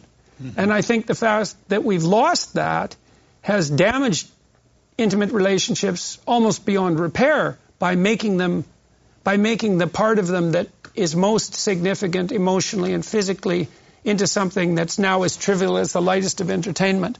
I don't think it's done us well, and now obviously that's quite a conservative position in the political sense, but everything I see going on around me seems to conservative to, or rational. Uh, well, I'm not being cute. Uh, why, why is it conservative? Conservative might be prescriptive, but what you've described, I read over and over in in uh, in, in left wing sources and progressive sources how many depressed young women there are in the in the uh, uh, in the culture of our, our uh, what is it called again the um, hookup the hookup culture yeah right uh, uh, very few people would say that this has benefited women. Mm. Well, I also see in the left wing culture there's this strange splitting of attitude towards sexuality. And so, on the one hand, there's this proposition that every possible variant expression of sexual desire and action is not only permissible, but to be celebrated in a mandatory manner. But simultaneously, every single interaction that's even vaguely sexual between a young man and a young woman is so pregnant with danger, so to speak, that it has to be reduced to an explicit contractual arrangement before it can even be undertaken. And so I think the fact that both of those exist, those tendencies exist on the left simultaneously, the left being that part of our political discourse that tends toward the breaking of, of arbitrary constraints, that's an indication that there's some underlying set of regulating principles that's been violated. You get an excess in libertinism on the all sexual proclivities are to be celebrated front and this simultaneous legalism that emerges because that that does put young women in the uncomfort- in, in uncomfortable situations that are extraordinarily hard on them. So you get you get questions arising, for example, well, can a young woman woman give consent to a sexual interaction of any sort if she's intoxicated by alcohol. And it isn't the right wingers who are bringing up that issue mm, fundamentally. Yeah. It's the left wingers, and their answer is, well, no, absolutely mm. not. That's a contradiction well, of tectonic proportions it, it, it, within, absolutely. within that worldview. What it isn't a contradiction with, though, is this. Yeah. I mean, this is this is not reciprocal. This is a the, the, the, this is saying that if the, the, I don't see here an, an, an, an, equal and opposite commandment. If a woman entices a man to sleep with him, then she is she's forced to marry him. Right? No, this mm-hmm. is this is the view here is that men have an absolute responsibility mm-hmm. not to engage in commitmentless sex, mm-hmm. and that to mm-hmm. do so is to take or do something that uh, that is not reciprocal, mm-hmm. mm-hmm. and you know, so conservatives should mm-hmm. conservatives who want to mm-hmm. point out these these hypocrisies in the left should have to grapple with whether they are prepared to speak uh, a kind of truth to power to men mm-hmm. and say this is intrinsic to your masculinity mm-hmm. is to take well, responsibility so, you know, in that, this regard. There's that famous documentary that came out recently um, what is a woman? And there's actually a biological answer to that question. There's a multitude of them. But one of them is, maybe you could say this, that's the principle of the, of the biological reality is that the female is that sex which takes primary responsibility for reproduction and bears disproportionate weight in doing so. That's what constitutes female. And that's true right at the level of sperm and ova. And it, it propagates, it's fractal. And so the reason it's the man that's taking advantage here is because he, the price he'll pay for it is nowhere near as high as the price she'll pay for it, either emotionally or, or conceivably practically. And so it is fundamentally his sin. Right, right. And, and I think it's very much. Con- the confusion in the young. I mean, so I work in a very odd kind of college. It's a good one. But um, we figured out that the kids don't understand much about sex. And so we started offering a course called the Theology of the Body. And it is the most popular course on the campus now. And, you know, we're having to recruit half the faculty to teach it. Because, Using the teachings of John Paul II? Yeah, the, that, such that, things. You know, in other words, yeah. it's, uh, they understand it's, sex is very consequential, right? It, it's a big thing. And in what way is it a big thing? And how should you, you know, because they want it, they're human. What is its purpose? And all of that, right? And it's, it's not enough to say, because like we're talking about details here that are almost romantic, you know, because mm-hmm. the preciousness of a woman, her, you know, we, we teach the young men, don't foul that. Mm-hmm. That's a wonderful thing, you know, and they, listen, it's uh, good for them. Mm-hmm. conservatives like to talk a lot about the you know, the hatred of men and the the the, the, the diminution and the the, the the problems in the education system. They're completely right to do so, but we really have to ask. I mean, to what extent some of it is a consequence of the abdication of fundamental responsibilities? Yeah, well, I think it's it's it's not only an abdication of fundamental responsibilities. It's also it's also a diminution of the pleasure principle itself because I think I don't believe that it's unreasonable to make the presumption that there is no more sacred act than sexual congress in some fundamental sense. And then what that means is that to diminish that to the status of light entertainment is to take the thing in your life that could be among the highest and to make that nothing but that which is casual. And that means there's no increment on the hedonic side at all. Quite the contrary. And I would say that I think part of the evidence for that seems to be that more and more young people aren't having sex. They're not engaging in relationships. While they're not having sex with another person, I'm, I mean, pornography use is rife, although even there, there's now evidence that among young men, the proportion of young men who have zero sex, which includes even the use of pornography, has started to climb up dramatically.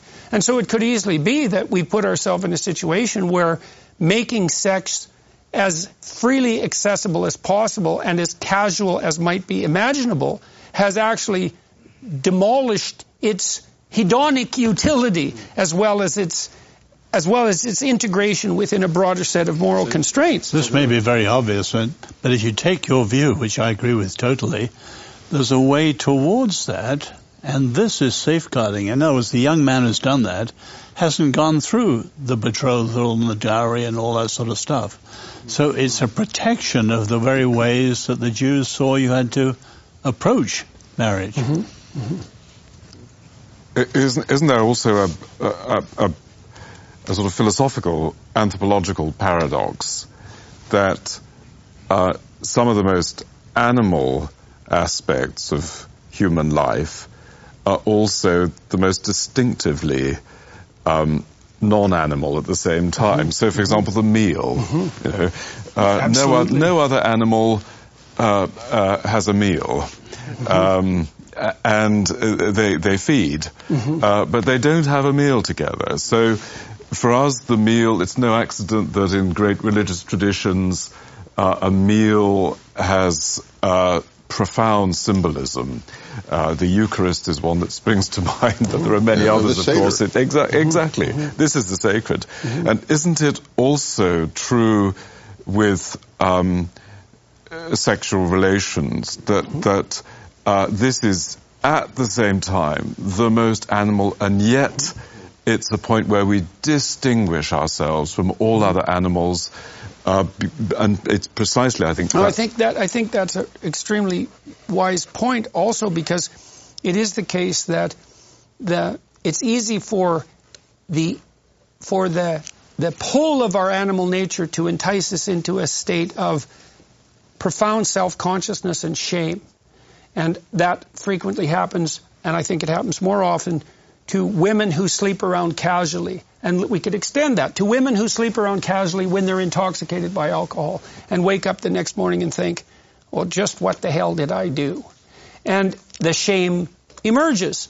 And then you might say, well, what's the antidote to that shame? And it has to be perhaps that the pull of that animal nature has to be balanced by the sacralization of the enterprise. And that is the way and that's the way out of the shame.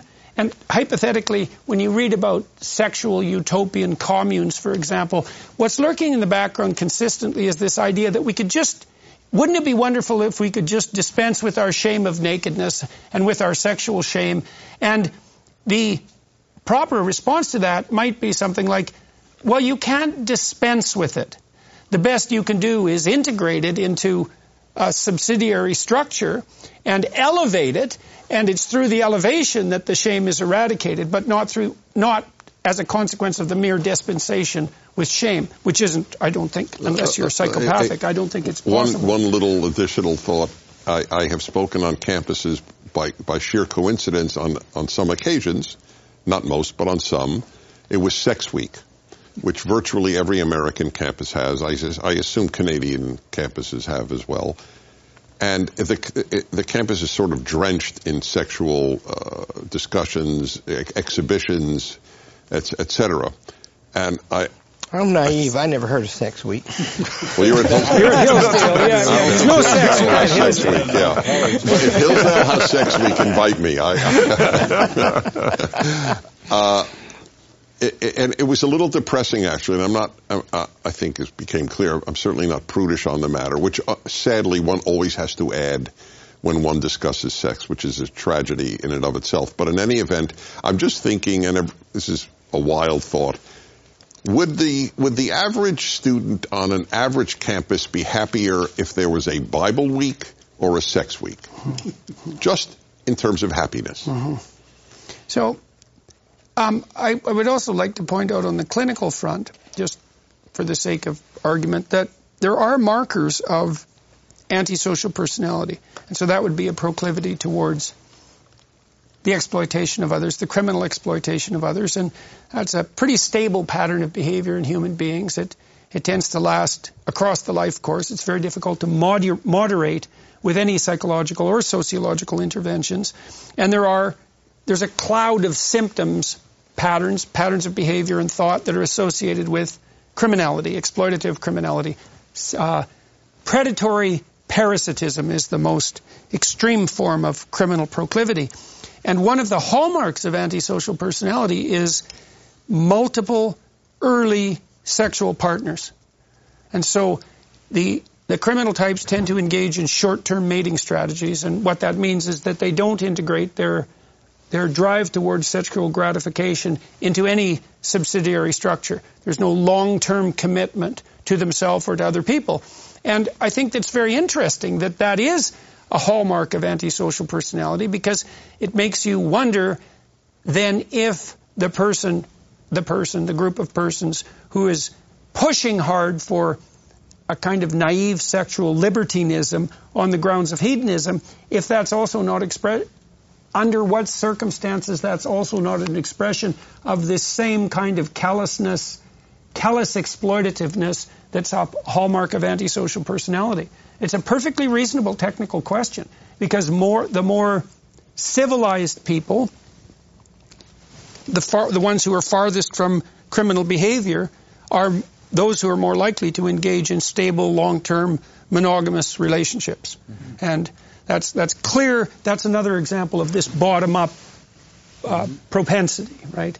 It's it's it's there's there's a biological reality there too. Because you might say, well, the biological reality is that we're propelled by our our lust, uh, the drive, the biological drive, but it's way more complicated than that. There's also a drive towards the integration of sexuality into a higher order pattern of being that's much more stable and much more likely to be re- reproductively successful, for example.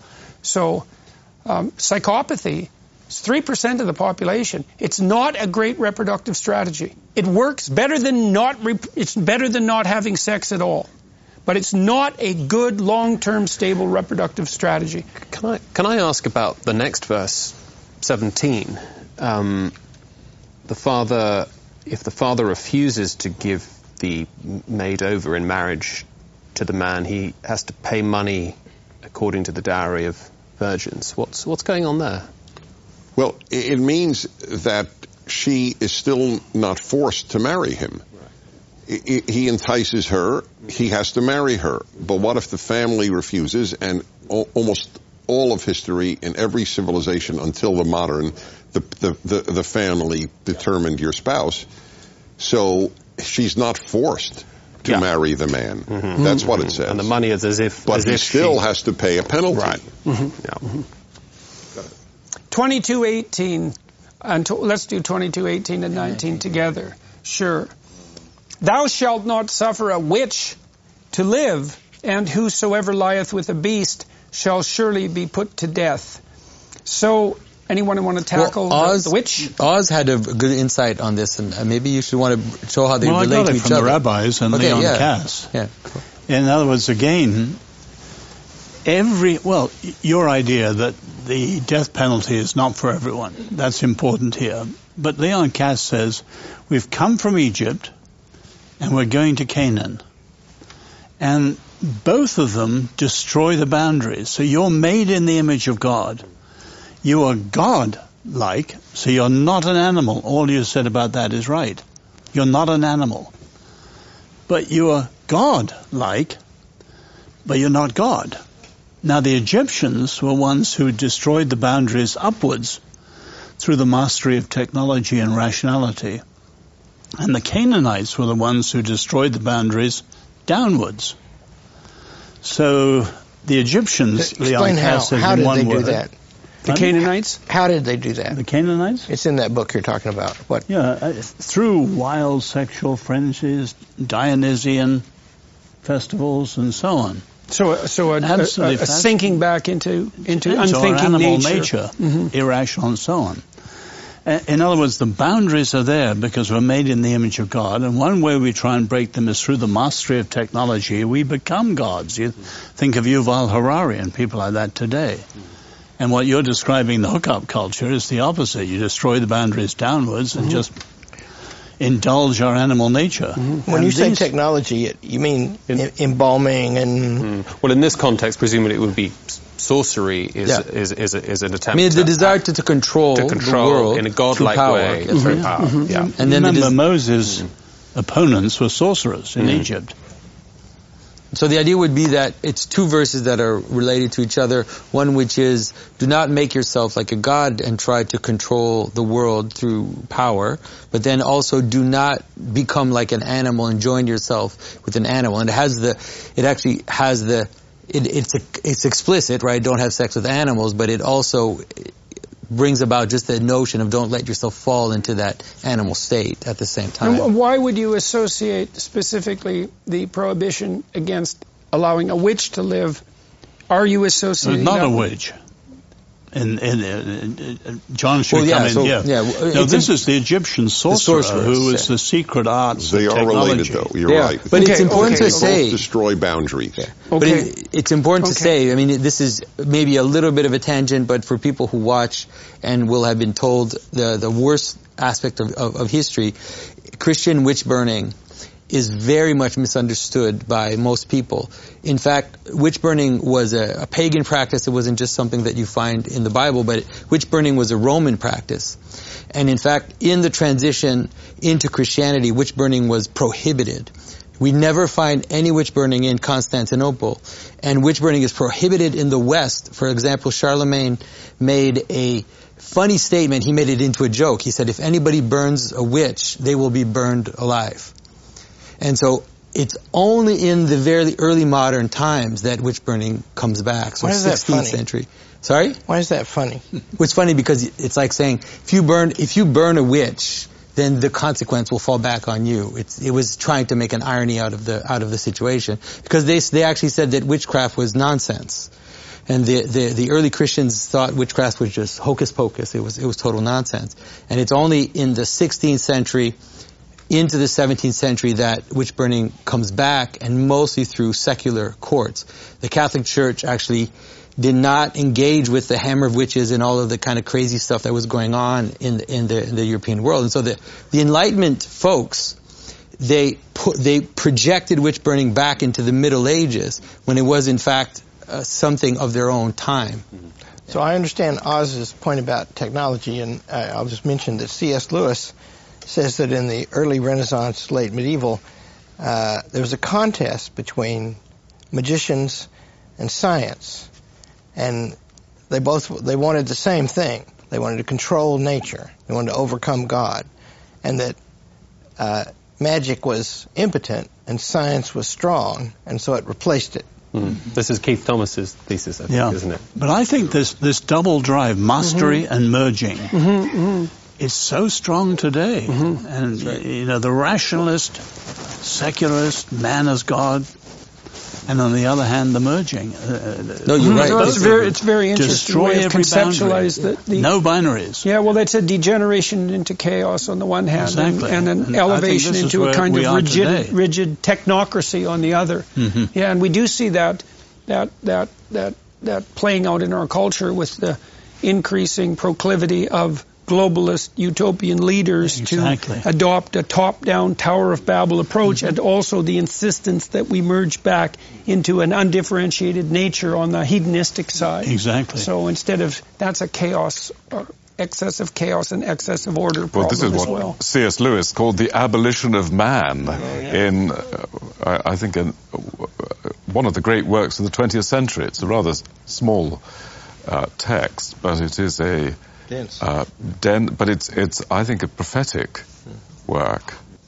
And you read it in light of this of the boundary issue that that Os is is is laying forth. Uh, uh, yes, it's. I, I mean, it's it's a pronounced critique of well relativism and subjectivism. So it starts off uh, with a reference to Coleridge, um, and a it's a um, passage taken from a uh, a school book, textbook a textbook the at the, at the time, yeah. exactly for the 1940s. I think they've actually discovered which textbook it was, and Coleridge is describing the the appearance of a of a waterfall, um, and criticizing uh, the uh, the one observer who says that the sublime waterfall is pretty. And Coleridge makes the point, no, it, it, this is this is an error.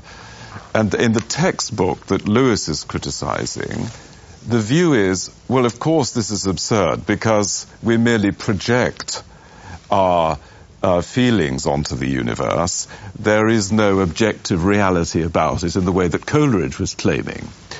Um, now, this is Lewis's starting point as a critique of a society that has lost a sense of objective order, has lost a sense that the facts of the world mm-hmm. are suffused with values and objective mm-hmm. values. Mm-hmm. And he sees that as leading on the one hand to this sort of uh, deracinated subjectivism, but also at the t- same time an obsession with technology and and control mm-hmm. and and a destruction of the sense of the human. So that, hence the, the title of the book, mm-hmm. the Don't you think we are even more radical today? So relativism, emotivism, but constructivism, it's an explicit assault on creation. Mm-hmm. No, it's, it's more than it's more than an assault on creation because the the consequence of that subjectivism is not only, as far as I can tell, the inevitable demolition of the sacred order, but also the demolition of the scientific order. Oh, because, of all order. Absolutely. Right, but but it's mm-hmm. but but it's so interesting because it's it's a branch of you could think about it as a an errant branch of atheistic materialism, or maybe its logical conclusion, and it clearly poses a threat to religious traditionalism. But I think that it's becoming increasingly clear that it imposes an equal threat to, to, to the integrity of the scientific endeavor as such. That's right, and that's so interesting that both of those are happening at the same time. That's explicit in the novel that C.S. Lewis names as a partner to to abolish demand because what are these scientists at this evil institution? What do they turn to? They turn to magic and demons because science too can't give them everything they want. Mm-hmm. Mm-hmm. 22:20 He that sacrificeth unto any god save unto the Lord only he shall be utterly destroyed. That brings us into a discussion of sacrifice and the and I think this line is interesting to me because there's a pragmatism about it that's outside of the legalism. So you, you might say, well, if you sacrifice to another god, you should justly be punished. But there's an implication here, I think, that if you sacrifice to the wrong God, you will be punished. And the, the reason for that, in, in part, is that you sacrifice by working, you, by sacrificing the future, by sacrificing the present to the future. That's really the definition of work. Or by sacrificing what's only selfish to the broader community. That's a sacrificial gesture. And it has to be sacrifice in relationship to a goal. And then you might say, well, if you make extremely diligent sacrifices to the wrong goal, it, in some sense, you're worse off than not making the sacrifices at all. And so maybe that's reflected in the social norms. You should be punished for sacrificing to the wrong Can I God. Offer but it's a, a powerful example of what you're saying. A few years ago, the daughter of an EU, European Union official, a German uh, major figure in the European Parliament, uh, I believe it was. It might have been the German Parliament. I think it was the EU. Was was gang raped, and it was by foreigners. But she was so committed to diversity and the non-judgment of any foreigner that she said it was Germans who gang raped her. Right, her own rape. That. She sacrificed the truth of her own rape to that false god. Mm-hmm. Mm-hmm. 2221. This is a, an example of the broadening of the law in a fundamental manner, and so part of the moral revolution that's part and parcel of this revelatory structure. Thou shalt neither vex a stranger nor oppress him. So there's the idea of the universality of the law. For you were strangers in the land of Egypt. Then that's extended down to the poor and those who are powerless. Ye shall not afflict any widow or fatherless child. If thou afflict them in any wise, and they cry at all unto me, I will surely hear their cry, and my wrath shall wax hot, and I will kill you with the sword, and your wife shall be widows, and your children fatherless. The people so, who uh, dump on on the Bible should have to answer where else there was a law that you must uh, not oppress the, the foreigner, the stranger. Foreigner, the widow, the poor. It's a pretty nice list there. And, and that this is especially another, the stranger. Yes, especially, absolutely, because this, you know, in the anthropological literature, that general proclivity for tribal communities is to call themselves humans. And everyone who isn't in their tribe isn't human. And so they, they don't fall under the, the same law at all.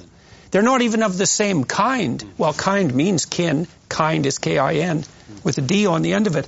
Why would the law extend to those who are not of your kind? And so you see a glimmering, well, more than a glimmering here of that. You see an injunction that in some fundamental manner the stranger is entitled to the same project, protection as your own kin. Yeah, that is, it's almost impossible to understand how revolutionary It's, that is. it's the invention of humanity, and it provides the conceptual structure and foundations for modern notions of human rights, mm-hmm. surely, including Enlightenment notions. Right. Another argument for the divinity. I just had to throw mm-hmm. that in. Mm-hmm. Yeah, well, it, it's at, at minimum an argument for the for the emergence of something look that looks like an implicit an implicit universal moral order, and distinguishing that from the divine is no easy thing, even conceptually. So, and I mean, it's really hard on atheists. I would say a line like this because it's, it's like, well, is this is this something you believe? Do you buy this? Is why exactly would you extend the protection of the law beyond your kin?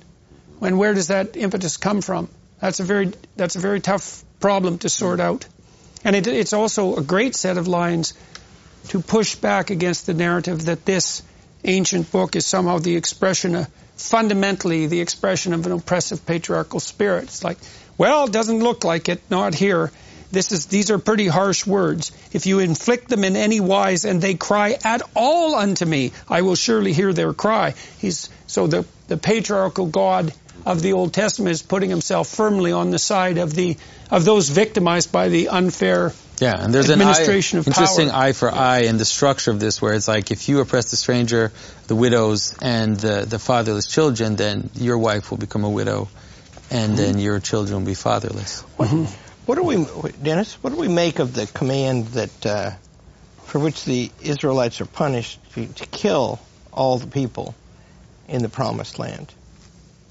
You, you mean that they will die before they get into the promised land? They will die in the wilderness? Well, no, like Or- or King the ones Saul that were- is pu- punished because He didn't slaughter the enemy. kill them all.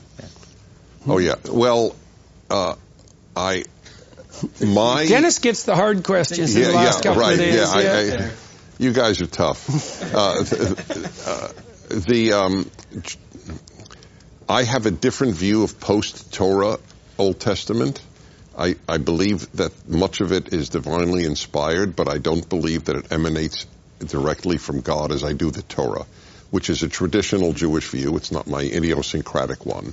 So problems that you will bring from the book of Joshua or Judges, for example, and there are, I don't always have an answer to, and it doesn't trouble me because the, the net result, uh, and I'll tell you why it doesn't trouble me. Any specific difficult act like, like wipe out the Midianites or Canaanites or, or in the case of King Saul, they're all specific to the moment. If the Hebrew Bible ever said, Jews, I want you to wipe out everyone that you ever fight with, all their children and all their wives, I would not be a believer and not at this table. Well, there, there's another issue there. That's I why you that, get the hard questions, by the way. that- You- that- you can answer them. that's relevant too. Thank you. You know, Yeah, one I of the try. things. So when I had my debates with Sam Harris, and this is something that Sam used to do, sort of a postmodern trick, but it's a good one, is to say that we're. I, I make the case that there's an emerging moral order, let's say in the Old Testament. He says, well, you're just reading into that, right? It's just a projection. And I thought, well, it's not a projection. How do you tell the difference between something that you're just imagining and something that's really there? In a text, classic postmodern question, is there any meaning in the text at all?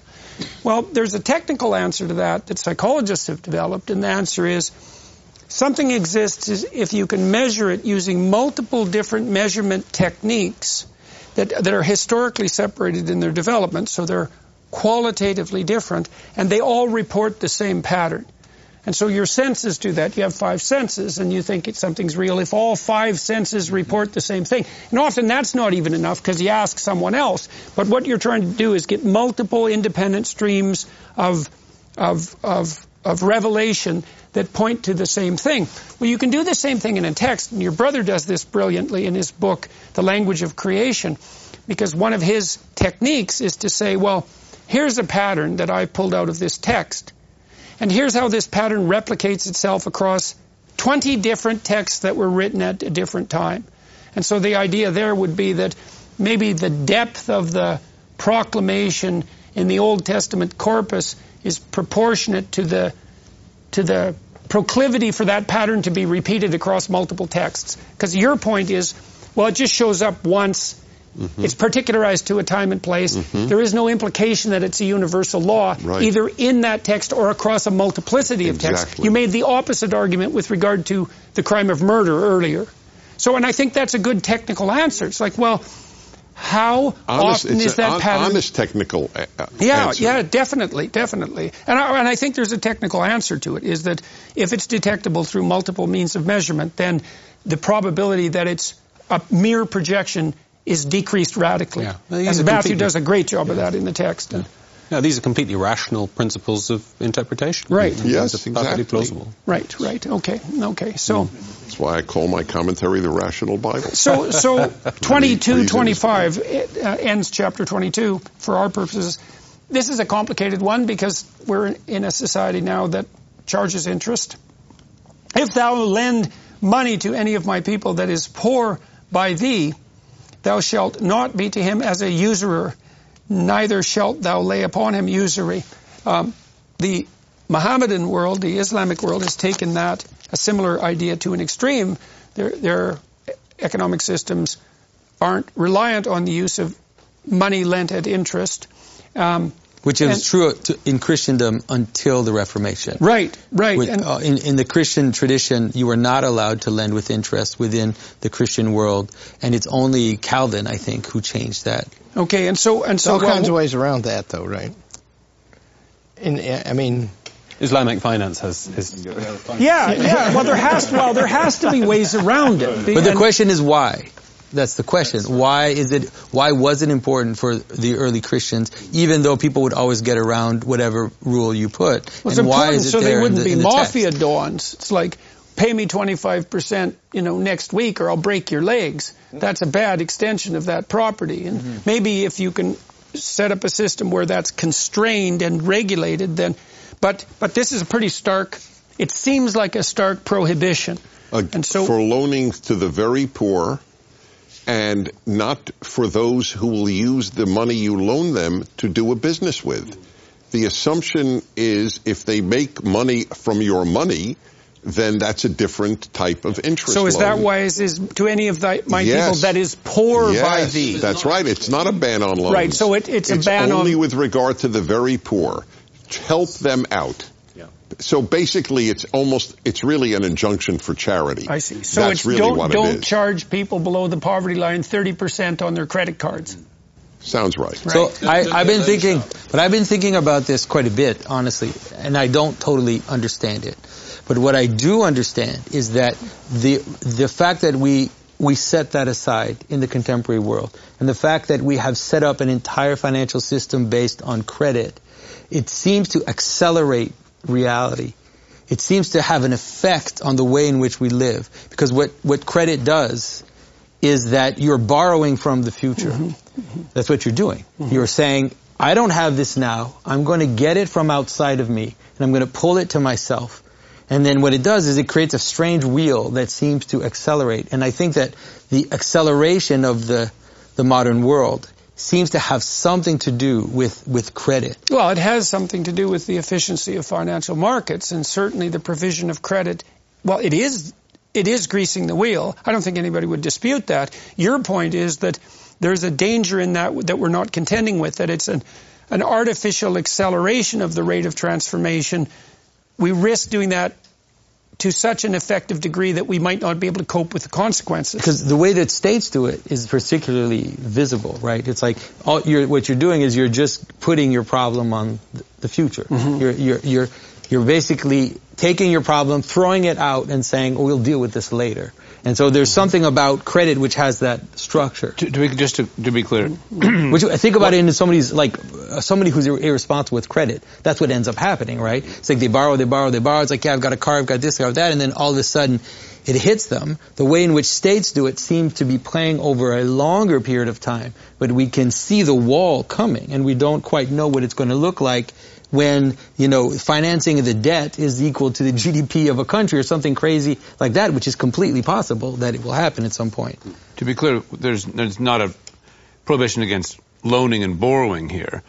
You're allowed to loan money, just not without interest. Yeah. And I take it what you're saying, Jonathan, is that for whatever benefits might be described on the other side in terms of efficiency and so on, I'm not persuaded there shouldn't be interest. What it does is it accelerates, it makes easier, it incentivizes borrowing, right? Because because you might make money. You, we got, it's got to be clear here that this is going to disincentivize but it, also, borrowing. But right? it, it excel, like what I mean by it accelerates is that it, it accelerates, right? It's like I borrow five dollars and now I have to pay back seven dollars. So I have to produce more than what I needed in the first place in order to pay mm. it back. So think about that cycle. If you make it into a system, it creates a cycle that just will necessarily accelerate. Well, if, I mean, enormous service has been done on borrowed money and fortunes made. So I think Dennis's distinction is fundamental, right? If, if you, like, if you live on your credit card so you can party more, that'll bite you. I mean, I have a credit card. I'm not. I'm just yeah. trying to understand why Christians would have banned this for a thousand for a thousand years. If you, you know, I mean, people borrow money to start businesses all the time, and they build a life for themselves that way. And bankers are pretty good at figuring out if they can par- pay the money back, and they bear the cost if they can't.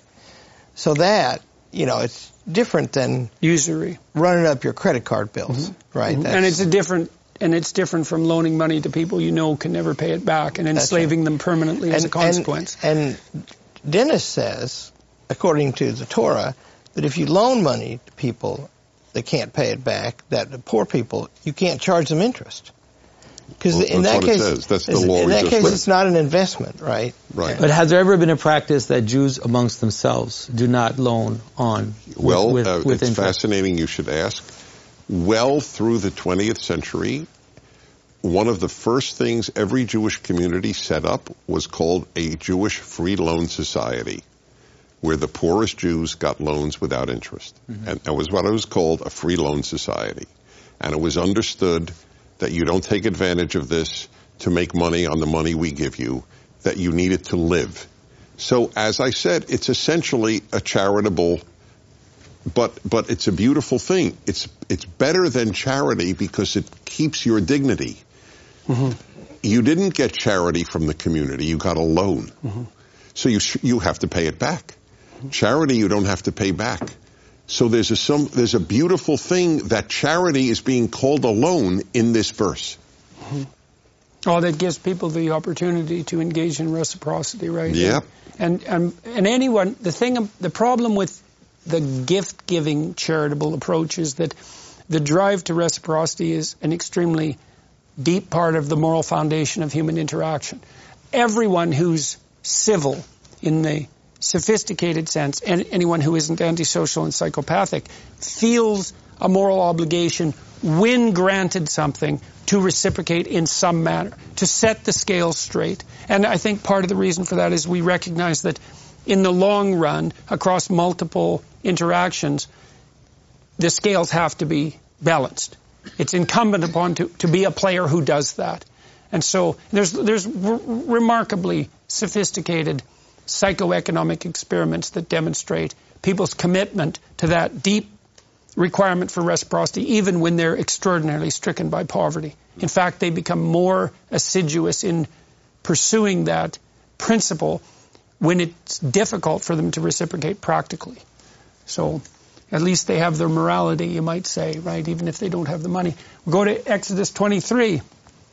Um, I'll read a few at once here, I think, maybe six or seven. Um, because they're, they're, they're excellent indications of the emergence of quite a sophisticated morality. It's certainly not one that's reliant on an immediate impulse for vengeance or on the expression of power. Quite the contrary. 23.1 Thou shalt not raise a false report, nor put not thine hand with the wicked to be an unrighteous witness. We discussed that to some degree yesterday. Thou shalt not follow a multitude to do evil.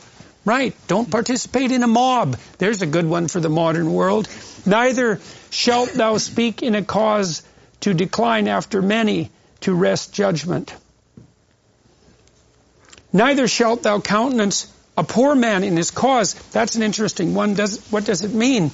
It's Just a- because the person's poor or rich doesn't mean that It's the you biblical alter law. justice. against social justice. Yeah, yeah, That is that is it in one verse in the Bible. yeah. Right. Absolutely. Social justice is you favor the poor in judgment. Justice is you do not favor Yeah. anybody in, in period. judgment. Period. Yeah, right, right, right. Yeah, absolutely. That, that's and that's so that's Exodus 23, 3. We should burn that on the back of our imaginations. Neither shalt that countenance a poor man in his cause merely because he's poor. Yeah, that's remarkably sophisticated or patriarchally oppressive, depending on how you look at it.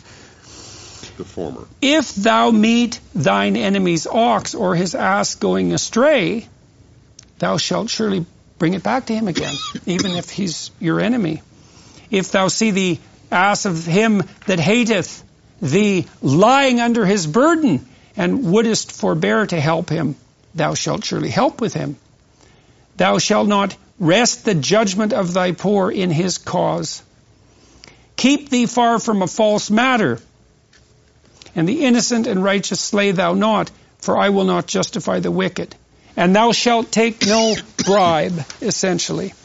For the gift thou shalt take no gift, for the gift blindeth the wise and perverteth the words of the righteous. And so that's eight laws there. Anybody have a, a comment on any of them or all? I, I love the way that we're starting to see now attached to the laws and the ordinances a sort of little explanations, not not with every single one of them, but but they're kind of unpacked. I mean, I was actually just this struck me with from the previous chapter, but the same applies to these verses too. But I'm thinking this is verse 27 of the previous chapter. Um, uh, you know, for you, you've got to, um, you can't take the covering from, from, from um, take the covering from anybody because that's the, you can't take clothes from anybody because what, you know, what, what will he sleep in? Uh, and you can't do this because, because I am gracious. So it's, it's unpacking the law. It's, it's not, these are not just kind of brute edicts. There's, uh, they, they are uh, understandable. Um, and the, the law is a teacher. It has, it has a pedagogical function for a society. It can, it can shape its, its moral culture. Right, and you're referring to the fact that these are legitimate unfoldings and differentiations of an underlying source, Yeah. a set of principles, of fundamental principles. law and they're is- coherent in that manner. They're coherent and they're, they're transparent. They're, they're, they're legible. They're, they're, they're open, open to reason. Right. Um, they're not mysterious. They have a logos. Yeah. There's a clarity and a rationale. So you're saying, James, that these are not uh, brute dictates, Brute, but actually exactly. grounded in the goodness of God. That's so right. it's because God is gracious and generous and caring. That's why, not simply because He commands it. right, That's right. the- Also, God wants that us means to they're understand. not. Sorry, go ahead. He's That's teaching us here. Yeah, See, that's if, if you absorb this and the reason for this, it'll make you better more generally. Right, right, right. And so that that's also that's a, a very different attitude than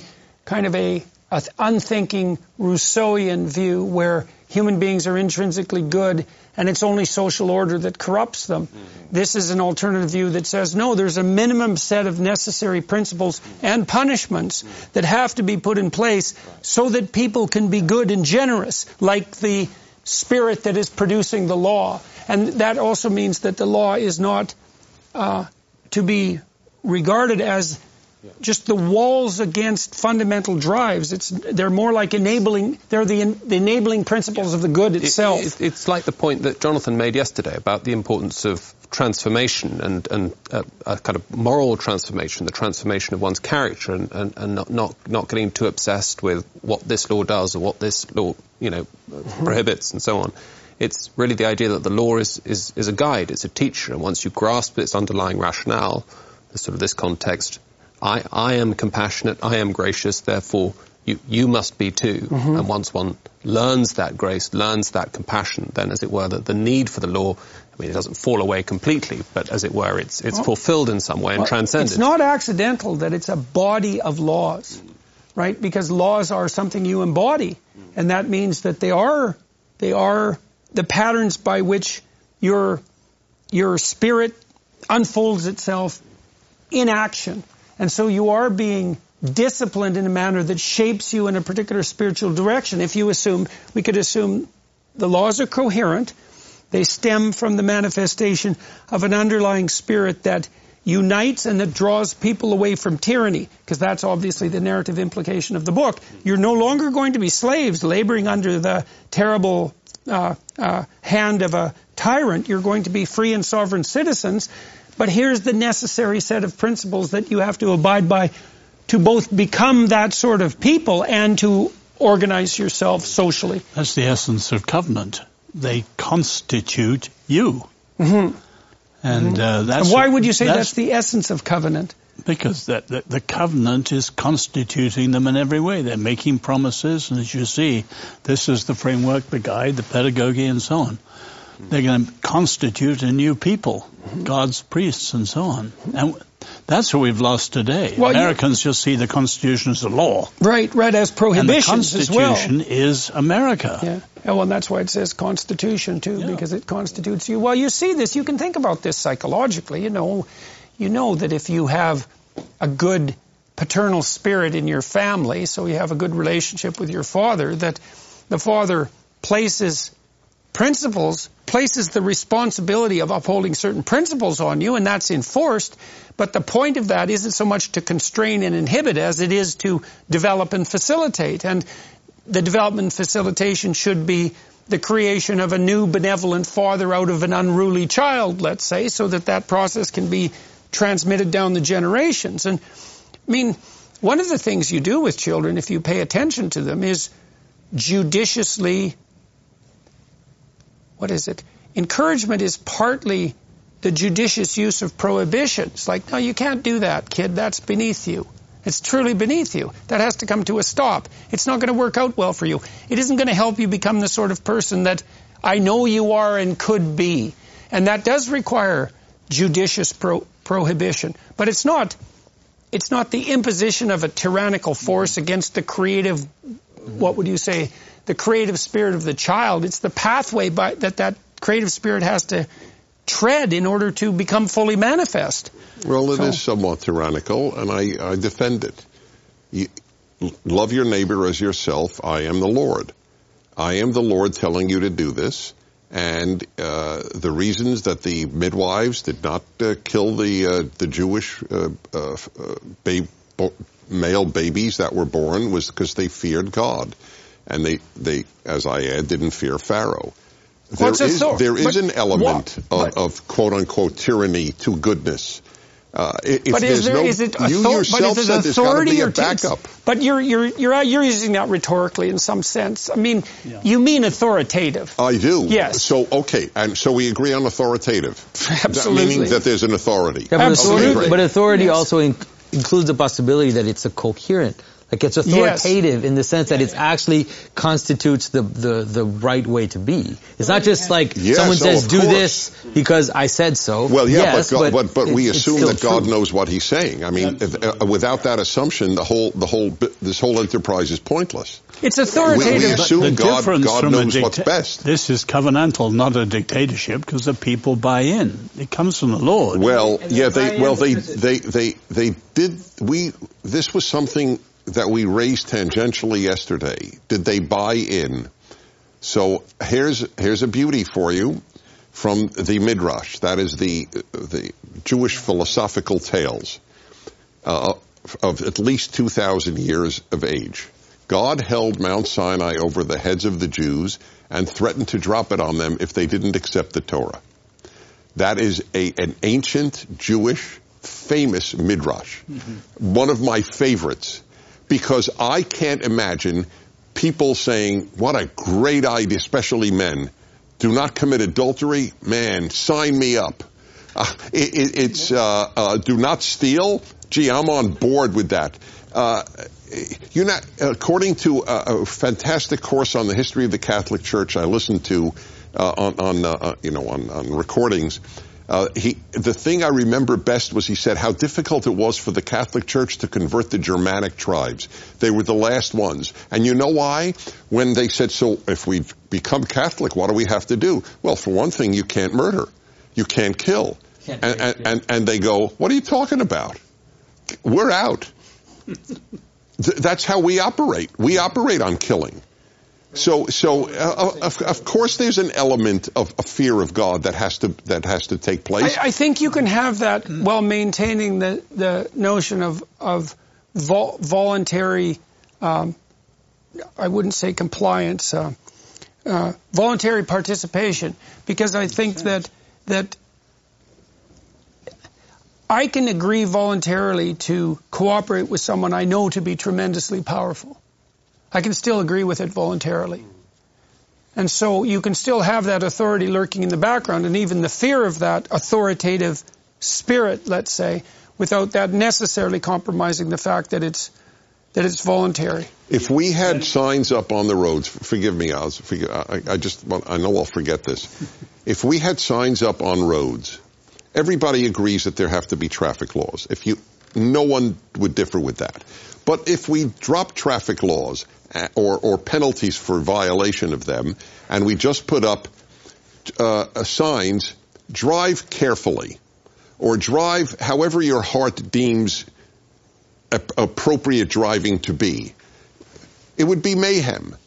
Uh, I, I'm, I'm a big fan of a divinely based uh, order of laws to make a better society. Nothing else seems to work.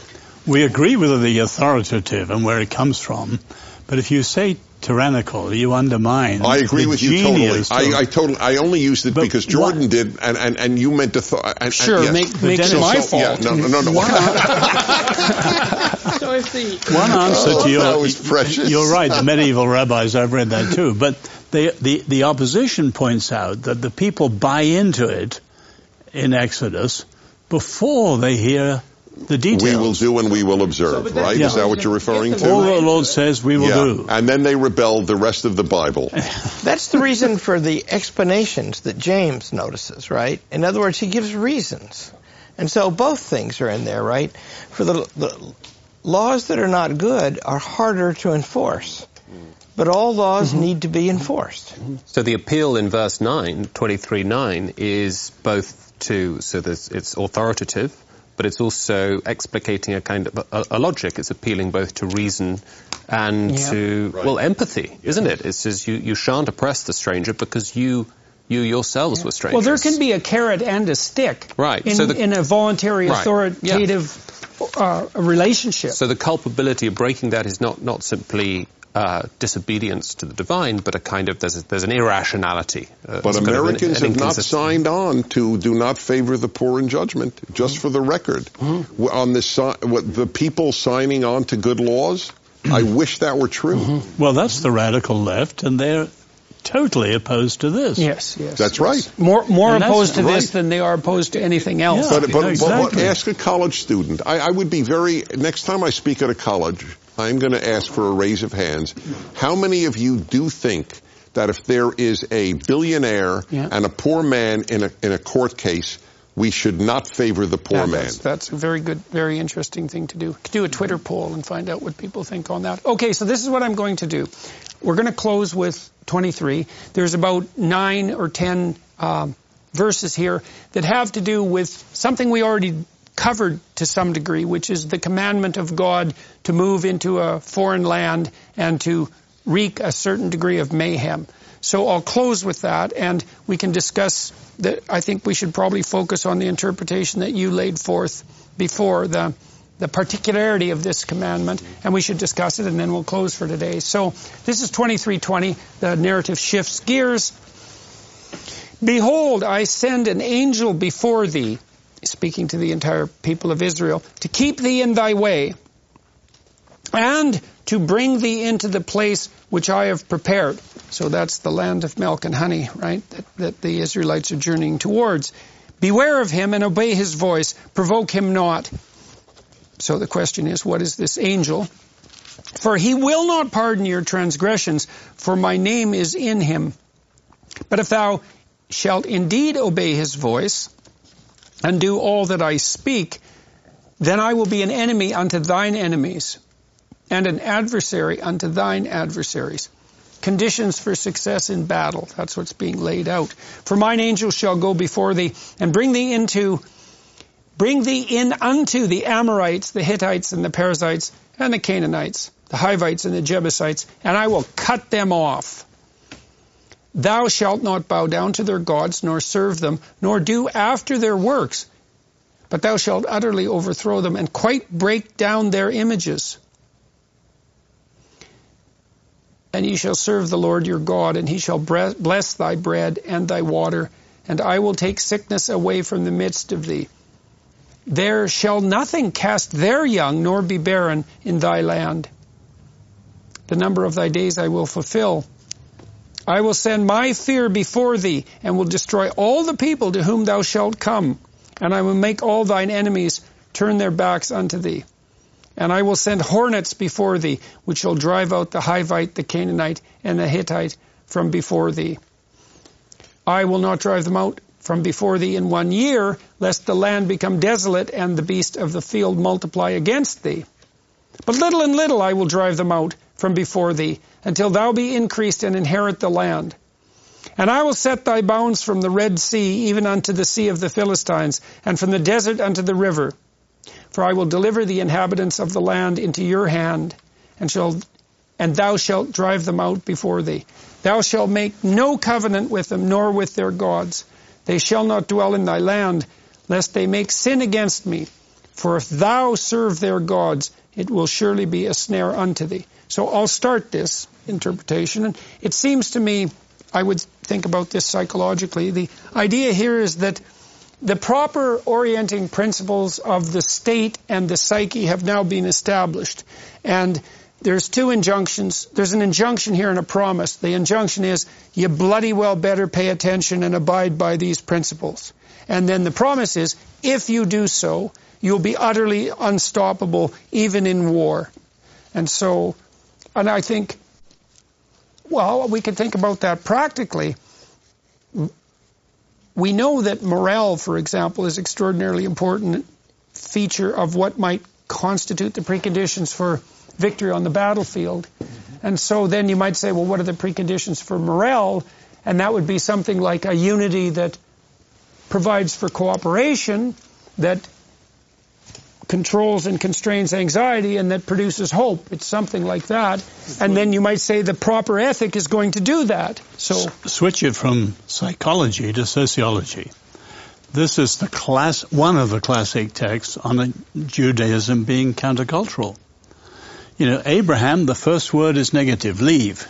Your country, your culture, your kin. Balaam later says, I see a people who live alone.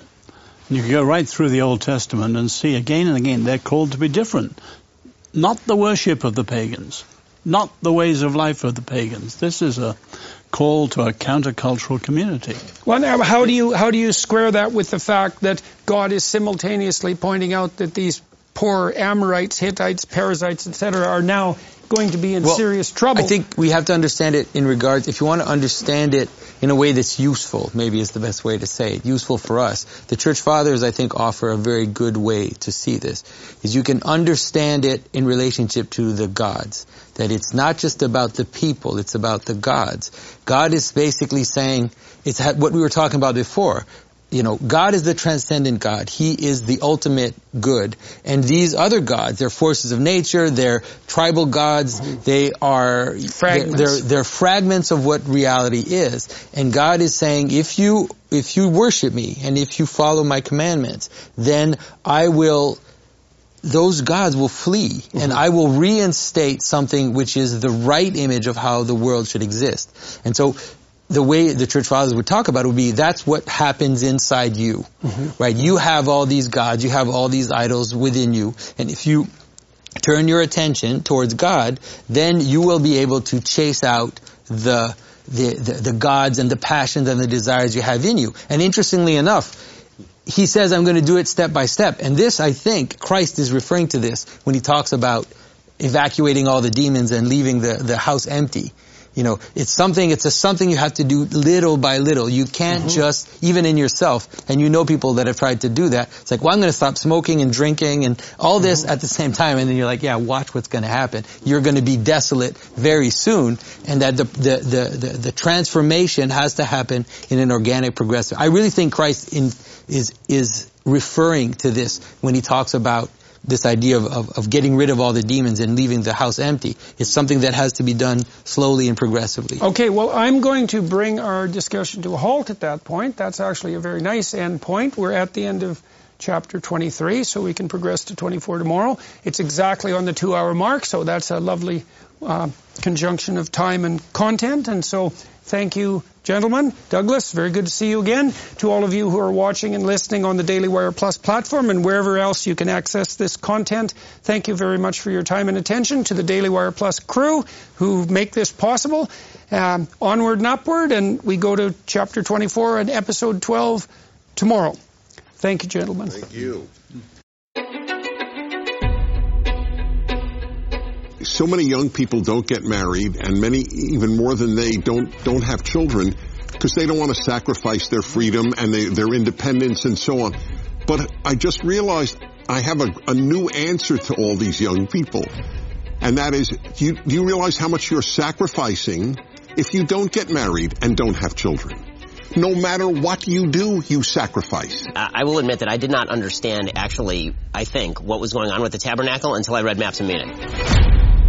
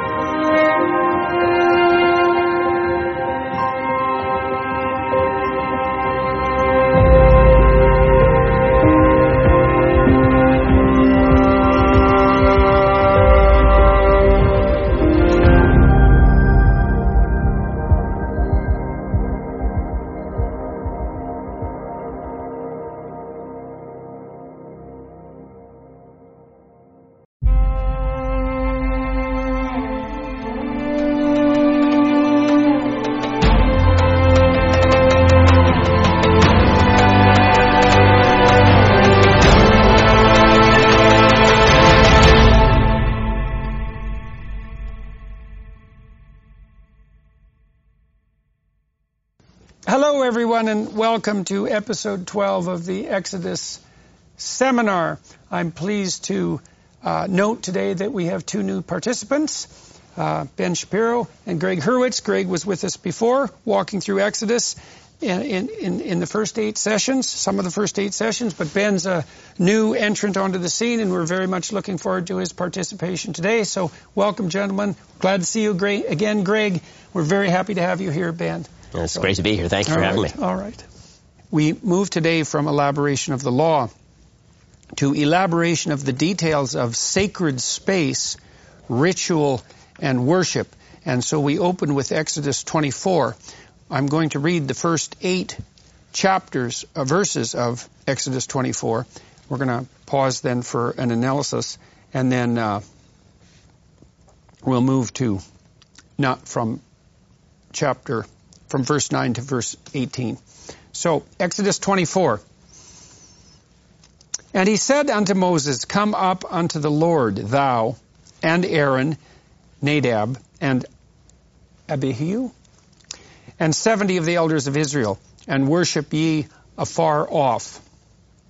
And Moses alone shall come near the Lord, but they, the others, shall not come nigh, neither shall the people go up with him. And Moses came and told the people all the words of the Lord and all the judgments. And the people answered with one voice and said, All the wor- words which the Lord hath said will we do. And Moses wrote all the words of the Lord and rose up early in the morning and builded an altar under the hill and twelve pillars according to the twelve tribes of Israel. And he sent young men of the children of Israel which offered burnt offerings and sacrificed peace offerings of oxen unto the Lord. And Moses took half of the blood and put it in basins, and half of the blood he sprinkled on the altar. And he took the book of the covenant and read in the audience of the people. And they said, All that the Lord has said will we do, and be obedient. And Moses took the blood and sprinkled it on the people, and said, Behold the blood of the covenant, which the Lord hath made with you concerning all these words. So, Jonathan, maybe you can start us off. There's a... I think Os, in this oh, part, Oh, okay. Os should start with this because I know this is what you're really passionate about. And then I'll do the second. I'll well, start with I love this part. section because covenantal freedom begins with freely chosen consent. And the earlier consent, as Dennis pointed out, they hadn't seen the terms. But this time you have the second and third remark, all the Lord says, we will do, but they've heard the terms now. So they're signing on at the end of hearing the terms. And you have, this is the origin of the consent of the governed. Mhm. And that, that's repeated twice history. that the people say that Yeah. they, they will do the words of the Lord. So, okay, and, and we also have the notion here that there's a differentiation of approach to God, that Moses gets to come the closest. There's elders that are in a secondary place and the people below that. What do we make of that? Yeah, we'll see that in the second part. It, it becomes even clearer because as they go up the mountain, the elders stay there, and then you know the, the I, I forget who's there's someone else with them. They stop, and then Aaron stops too, and Moses ends up alone in the mountain, and that becomes an image of what the tabernacle is looks like as well. It's a it's a it's a structure of quantity to quality, many to one. It's hmm. the mountain itself, you could say, repeated in different And it's a differentiation of ethical status in relationship to the highest unity. Is that I mean, or you you could see it as functional in this case. You know, I don't know, but Mhm. in terms of experience, that would be it. It would be about attention to the highest thing. What, what you'll see in a second, actually, when we, when we get to what happens when they go up on the mountain, is it's almost a foreshadow of what's about to happen afterward. Because God specifically says you're supposed to striate yourself as you move up the mountain, and instead, what we'll get to in a moment is they actually all sit there together, and they kind of disobey God. They don't actually just stop. They kind of sit there and they eat and they drink, which we'll get to in a second, and every pretty much everybody in this particular situation ends up the worst because of the arrogance of not recognizing their role in that hierarchy. Right. right? We'll Right. get to that in a moment. There's one other thing here that's really fascinating. That's the distinction in Hebrew between the two commitments that the Jews make to uh, the Israelites make uh, to to God here. Right. So the first time in um, in I believe it's uh, verse three where it says, "All that the Lord has spoken, we shall do." Right. So they hear and then they say, "We'll do it." The second time, which has become in the Jewish community, this is a, a very big thing, is the phrase "Na'aseh v'nishma," meaning we will do and we will hear. So what does that mean, right? Shouldn't you hear and then you'll do, right? If we're talking about consent of the governed, shouldn't you actually hear the terms of the contract before you buy into it? Instead, it's not said, right? We will do, and then so subsequently we'll hear. And so I think the idea is that the Jews are now buying into not just the covenant that they've consented to, but into a system that is going to move beyond them. That, that the system doesn't, what, what you consent to in life is not just the system that, that you hear about, right? None of us are born into the idea of a freely consenting people that kind of creates uh, a body politic is a, a Lockean myth. In reality, you're born into a system, and that system pre-exists you, and it's going to and it's going to bind you, even though you haven't fully agreed to be a part of all the subsequent changes to the system. And, And so in some that- ways, their, their their their covenant is to God, not to the law just on its own. So because they're putting they're giving their covenant to God, they're willing to move Right, what you're going to command us in the future, we're going right, to do. exactly. Right? It's not We're just, still- it's not just, right. They're buying into the Right, system, which is actually really an important thing because I think So the the tendency. spirit as well as the law. Eh, Right, and, and the tendency in, in modernity is you don't buy into the system, right? If you, if you don't like the system, you don't like the product of the system, you get to rebel against the system. But the idea is that systems exist as, as homogenous wholes to a certain extent. And you get the good along with the bad. So whenever you commit to a system, you have to commit to the good as well as the bad of the system. You don't get to pick and choose. Can I just offer uh, one additional thought? This is one of the life-shaping uh, verses, believe it or not, what Ben was just referring to, because it, he, it, the literal is, uh, we will do and we will hear, which, as he pointed out, it seems opposite. It, it, it should be in the reverse order. But of course, like in like in English, hear also means understand. Do you hear me? A parent says to a kid. It doesn't mean are you orally capable of taking in my words? Do you understand me? And the, uh, it's central to my whole view of life that, which is a behaviorist view, and it's taken from the Torah, uh, that you act and then you understand is very much the way it should be uh, in any arena of life. Uh, I wrote a book on happiness. My whole, th- one of my biggest theses is you, you want to be happy, act it. Then you'll be happy. Don't wait to be happy to act happy. Uh, I would say the same with religious. You want to be religious, act religious. Then you'll be religious. Don't wait for some uh, road, road to Damascus moment. It's a tenet of behavioral psychotherapy as well. The, the psychoanalysts aim more for like radical and global conceptual transformation, but the behaviorists say incremental progress at the level of behavior will produce psychological transformation. You can see that there might be a reciprocal relationship there. Sometimes you're going to shift conceptually, but a lot of the time you have to practice to become what you want to become. And that's to instantiate it in behavior before you've actually hit the target. The target. 12 step program puts it fake it till you make it. You know, there's a, I I heard a sort of a, a beautiful take on, on the Hebrew with regard, so in, in Hebrew, the word for taste is the same as the word for reason. Ta'am is both taste and reason. So the, the question is, what do those two things have to do with one another? And so, uh, Rabbi was explaining to me recently that, um, just as with food, the nourishment is primary and the taste is secondary, but gives you added enjoyment. So too with your behavior, it's the, it's the nourishment that you get from the behavior that's primary and it's the rationale that's secondary. Mm-hmm. And in modern society, we've, we've reversed that, mm-hmm. right? The idea is that if I can't rationalize it, then it's something that I ought not do. And so the idea of accepting received wisdom or received tradition and just doing it because it's accepted and received tradition, and then later you understand exactly what it was that you were doing, has gone out of vogue, and that's a very, So, very see, dangerous think thing. that's tied in with the idea of faith, is that you evince a necessary faith to move forward in action upon occasion before you understand. And the, the question then, of course, is what should you have faith in that would allow you to do that? But certainly, like in, a behavioral therapy session, for example, what you do with people is you say, well, go, you agree with them, by the way, because it's consensual. It's not advice from the psychotherapist. It's joint strategizing. Why don't you go out and try this for a week and come back and report about what happened? And then the faith element is the fact that the person will actually go out there and try it, even though they don't have the evidence that would allow them to what what uh, conclude from to begin with that that's the appropriate course of action. So My favorite William James quote is act like the person you want to be. right, right. And it's so powerful.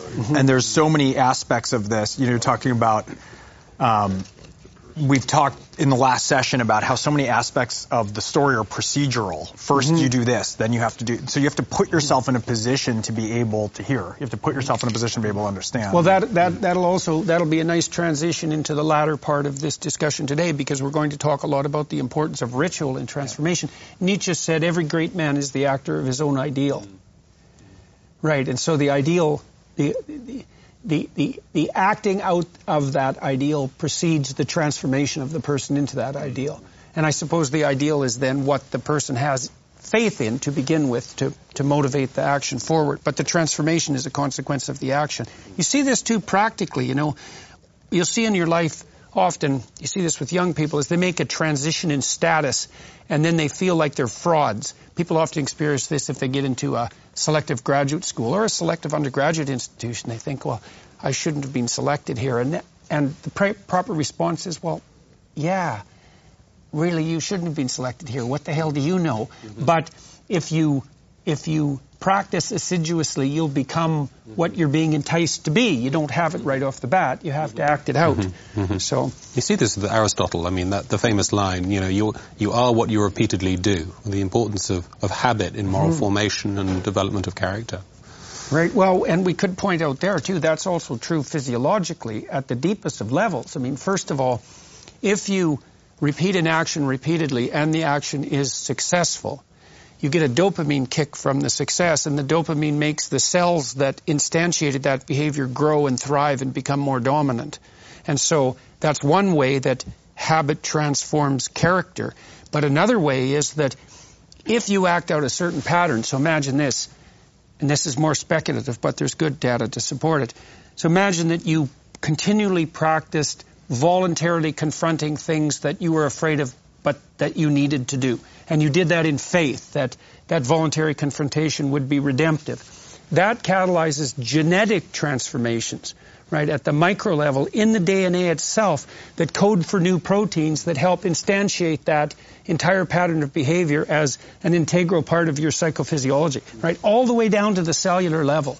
So what you act out can transform. And then there's even evidence, this is absolutely wild, there's evidence that some of this has an epigenetic consequence so that not only are you transforming the manner in which your own genes express themselves and what proteins they're coding, but that that can have an effect on subsequent generations. Mm-hmm. So with that, so that's wild, and that's something that's only been discovered in about the last 20 years.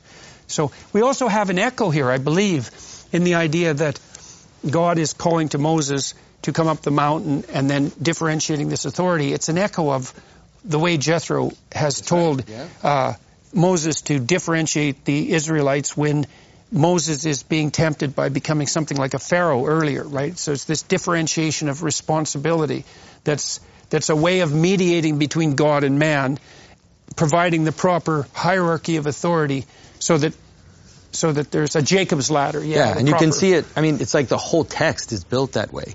You know, that's why it repeats so much is because it sets up the situation and then it gives you a slightly different version of the same thing, which is here's God above, too far above, you could say. Here are the people below, which are not yet completely a people. Now, what does it take to connect that to them together? Right. It takes the law, and then it takes a differentiated law, then it takes ritual, it takes a, a hierarchy of authority. All these things are kind of mm-hmm. repeated over and over. The text is, is built Right, that way right. well, we, we, we need to hammer this home and, because this is part of the elaboration of the principle of subsidiarity, and that principle is actually put forward in this text as the eternal antidote to fractionation in the desert and an incoherent plethora of subjectivity, you might say. That would be the Israelites squabbling away in the desert and worshiping false idols. And the alternative, which is a unidimensional top-down tyranny.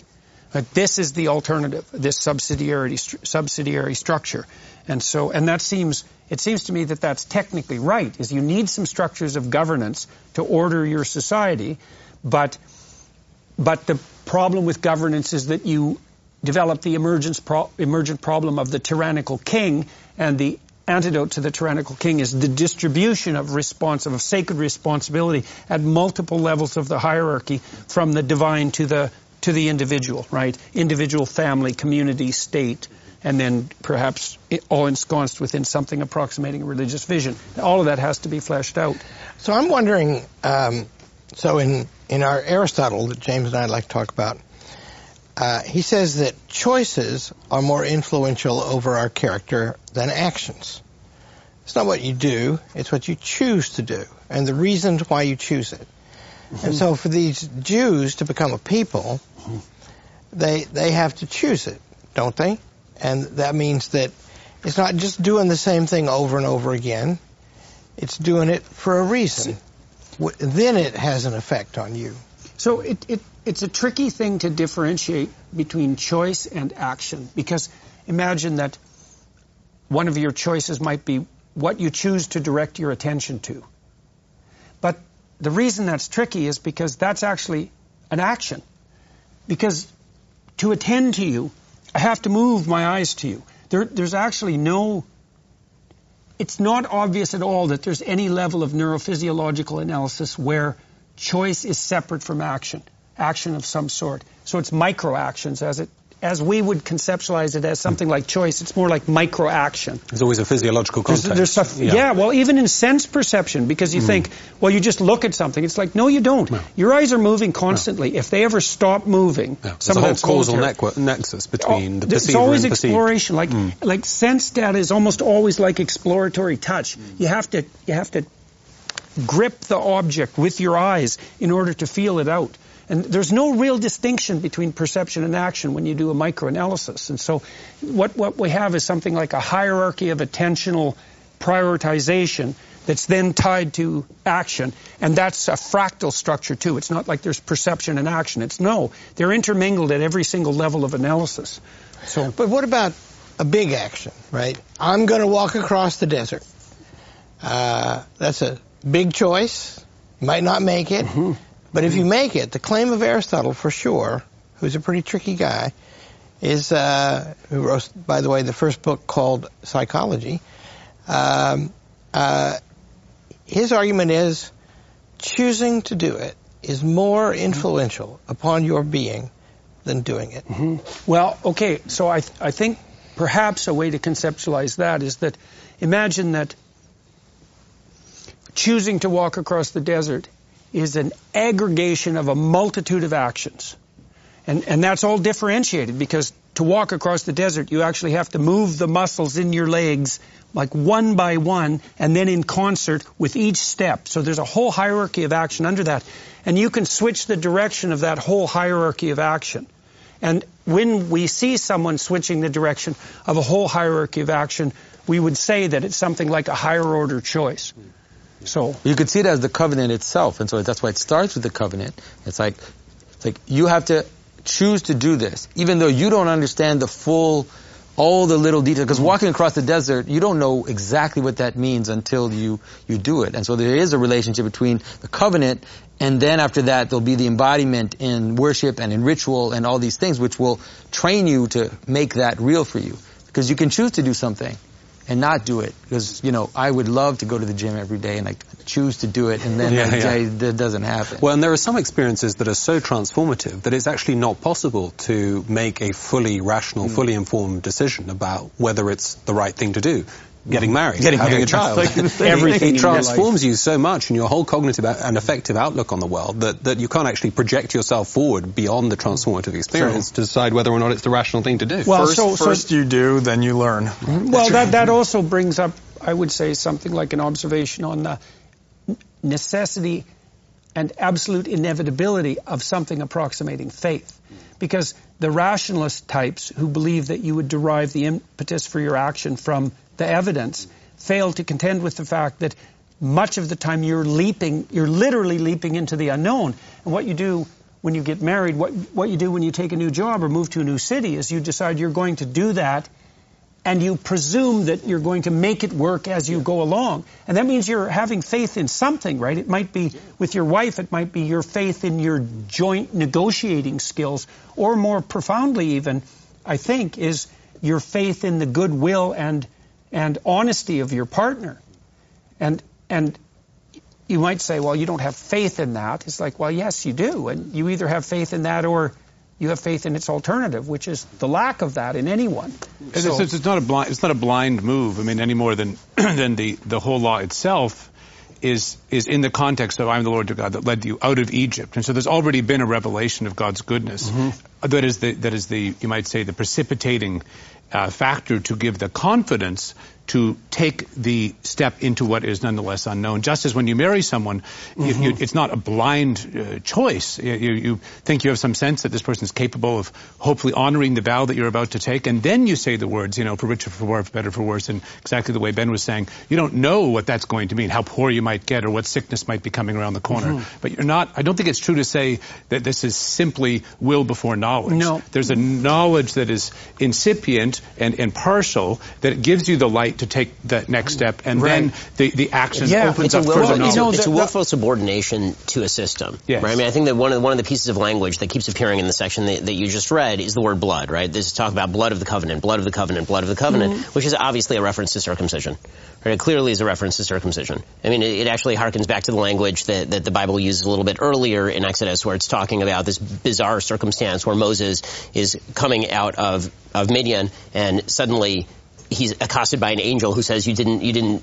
do the circumcision on your son and his wife has to his his wife has to do the circumcision. And so the question there is why doesn't Moses just do the circumcision? Like people have been doing this for a long time. And and the idea is the tempting idea is that once you've reached a certain spiritual level you no longer have to reify yourself in the here and now. You no longer have to you, you no longer have to take the ideal and, and make it real in your life with the kind of bloody and hard action that it takes to make the ideal real in your life. And so th- that's that's what God is reminding Moses there. That's why he's called the bridegroom of blood in, the, in that particular section. Same thing here, right? You have you have Moses who is taking the blood and putting it in bowls, and then he's sprinkling it all over the people, and he's saying this is a covenant of blood.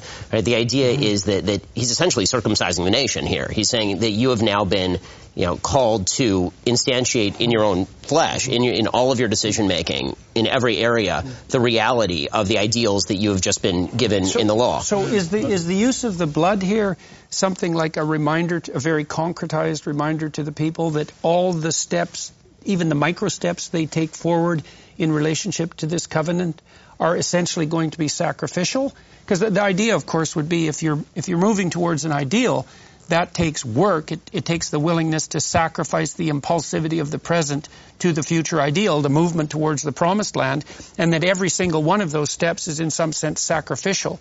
And so maybe that's part of the and, and that, that the- sacrifice also makes you into a nation, meaning that we- it was fascinating. I went to a circumcision. cer- yeah, I mean, I I went to a circumcision ceremony for a, for an ATL baby uh, fairly recently at the synagogue, and the phrase that's used right after you, you circumcise the baby is that the the baby should go on to. Uh, to uh, Torah, to, to learn Bible, to the chuppah, to, to get married, and to good deeds, lamasim tovim, and doing good things. So from the very earliest, the, the very first thing you do with the baby, the baby doesn't have a name, by the way. We don't name male babies in Judaism until the actual circumcision. Once the circumcision happens, you have now been instantiated into the nation, and that comes complete with the commandments that are now incumbent on you immediately. Right, This idea that kids are sort of free-range chickens and you just let them do whatever they're going to do do- doesn't doesn't exist in Judaism, and it doesn't exist in the Bible either. So when when the people buy into the idea of a of a covenant of blood, they're pre-committing. You, you can you can try to get away from it, but there's no way to get away from this. You're now part of the covenant, and this is not a this is not a breakable covenant. You can't you can't run away from this. Well, and you are surely another sorry, go ahead, precedent too. You, know, you have that incident, the, the bridegroom of blood, but you've also got the covenant with Abraham earlier in Genesis 15. And as I understand it, you Jews could put me right on this. You cut the animals in half or the birds, and you walk between them as a kind of sign that these which were once united are divided, but you who now make the covenant were once not united, but now you are. And, the blood is the life, of course, and it mm-hmm. shows you the mm-hmm. supreme cost and By the way, they're mirrored in the sacrifice, doing. right? He puts half the blood in bowls and half the blood in basins, right? He's dividing just the same way mm-hmm. that, that it was at Well, we should also Greek point out to people who are watching and listening who might be skeptical about the notion of sacrifice, symbolic or otherwise, that you're going to be sacrificing something when you step forward, no matter how you step forward, because you have to eat. And so something is going to die so that you move forward. And you might think of that as, as archaic, the recognition of that, but it's not archaic at all because there is no movement forward without the sacrifice for creatures that have to eat to live. So you're sacrificing to something, whether you want to or not. So- there's a wonderful humility and humanness of the way that the Jews keep forgetting everything. There's these, these miraculous acts, right? And then they completely forget and go do something insane, right? That makes no sense. And so it's like it's like Pageau trying to get to the gym. You know, it's like they want to do it. We're talking about all this stuff. It's so it's so serious. It's so clear. It's a covenant that's so intense. But there's also a lot of room for human error and forgiveness mm-hmm. because mm-hmm. that's the process that we all embark on all the time. And any new venture, it's funny you're talking about having a baby or, or a marriage. I had a meeting one time with a screenwriter who wanted to write a novel, and he said, "Well, I just need you to explain everything to me because I don't like to do begin anything unless I know exactly how I'm going to do it and do it successfully." And I was like, well, the only way you can possibly write a novel is to start doing it and to continuously fail and make mistakes. You have to screw it up consistently. That's the process of learning how to write something. But that's it's very similar in a lot of ways with with parenting, with negotiating a marriage, with negotiating any big venture. There's built in failure and shortcoming and vulnerability and a need to return and to to have the faith to the ideal that you first embarked upon and to adhere to that structure. Well, and if you don't make the proper sacrifices when you're negotiating with your wife, you're not going to get anywhere at all. And th- the reason I would say that in part is because it doesn't look like there's any learning without the death of some structure of previous learning. So imagine that you come to an argument with a set of pre-commitments because you do but there, there's an error in your argument. What that means is that part of the previous pre-committed argument has to die. And I actually think there's a neurophysiological foundation to that, which is partly why I think you feel pain when you're wrong, is because that idea that you have is a living structure. And now if you want to progress in the direction of the optimized negotiation and say stay in unity with your wife, you have to be willing to let your stupid preconceptions die. And that ties in with Alfred North Whitehead's observation that the reason we think is so that our thoughts can die instead of us. And so you have to enter into a negotiation with someone, if it's a good faith negotiation, with a sacrificial mentality, which is this might require a little blood on my part in order to progress forward. Mm. And so, and Jordan, the, your comment on you said earlier something, and it's a brand new thought in my brain, and it, it, it's simple. I hope not simplistic. When you said something to the effect that you, when you eat, you will sacrifice no matter what, and I realized it's beyond. Of course, that's true, and it's all of life. So many young people don't get married, and many, even more than they, don't don't have children because they don't want to sacrifice their yeah. freedom and they, their independence and so on. Mm-hmm. But I just realized I have a, a new answer to all these young people. And that is, do you, do you realize how much you're sacrificing if you don't get married and don't have children?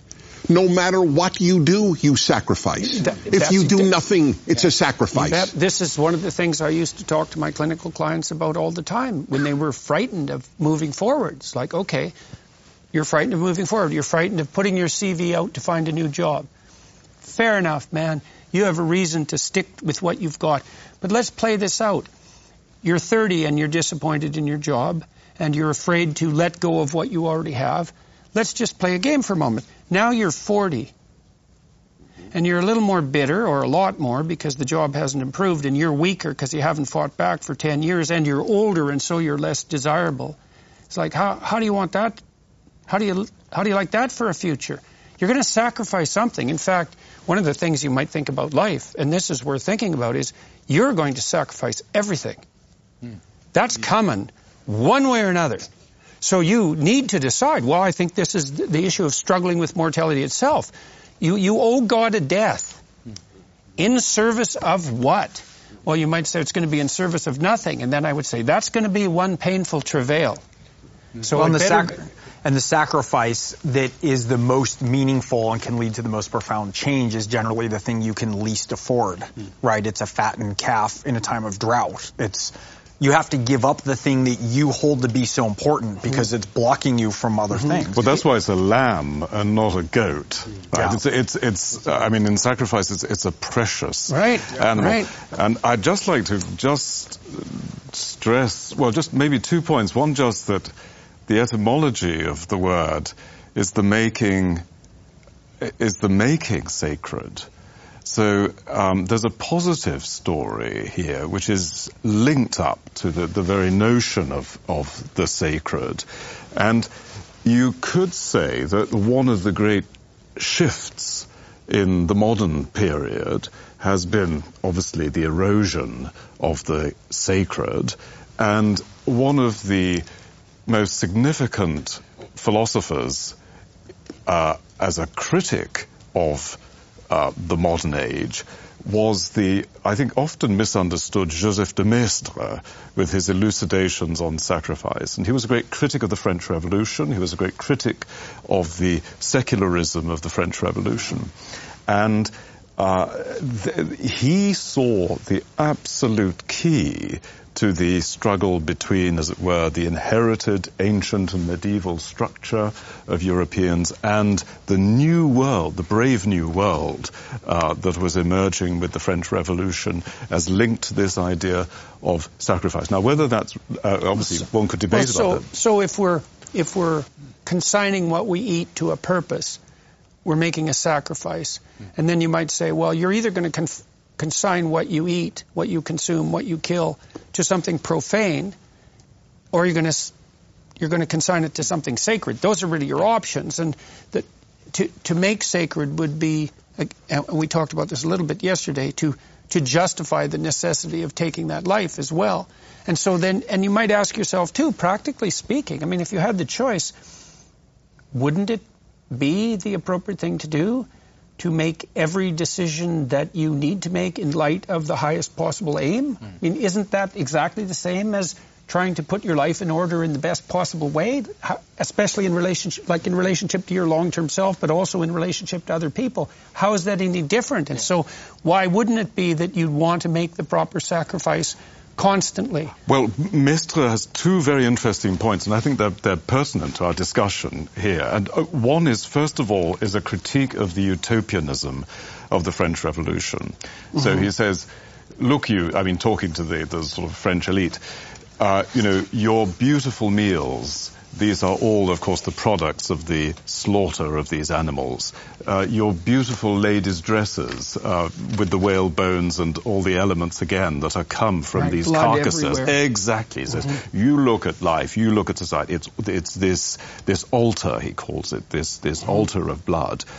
But at the same time, even though he is uh, critical of the utopianism, he thinks the bogus Rousseau-esque utopianism of uh, the French Revolution, he thinks that they're also missing what he calls the loi d'amour, the the uh, the law of love, uh, which he obviously sees as the, the, the opposite side of, of, in his case, the Christian uh, religion.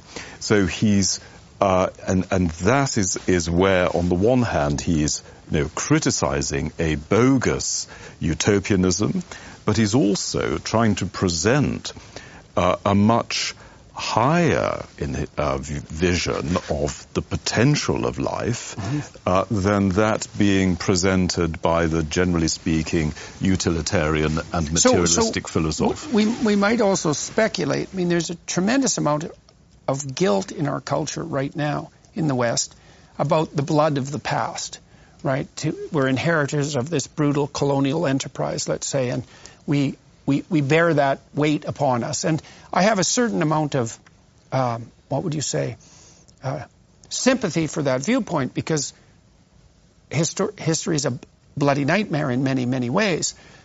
And then you might ask, well, is the proper response to that a kind of disabling and demoralizing guilt and stasis, which it so often is, or is it a decision to re-sacralize your actions so that everything that you're doing that's a benefit, say, of the privilege that's been accorded to you by tradition is now devoted towards the highest possible end.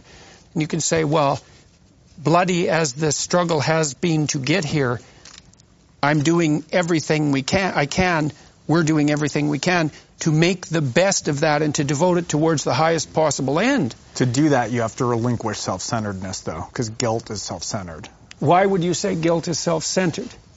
Because if you're constantly engaged with the history in your relation to it and your feelings of guilt, it's internal versus to say, here's what I've received. What are the works I should do? How should I carry forth those lessons in a way that can be transformative or mm-hmm. positive moving forward. Mm-hmm. You have to relinquish your self-flagellation in a certain regard. Mm-hmm.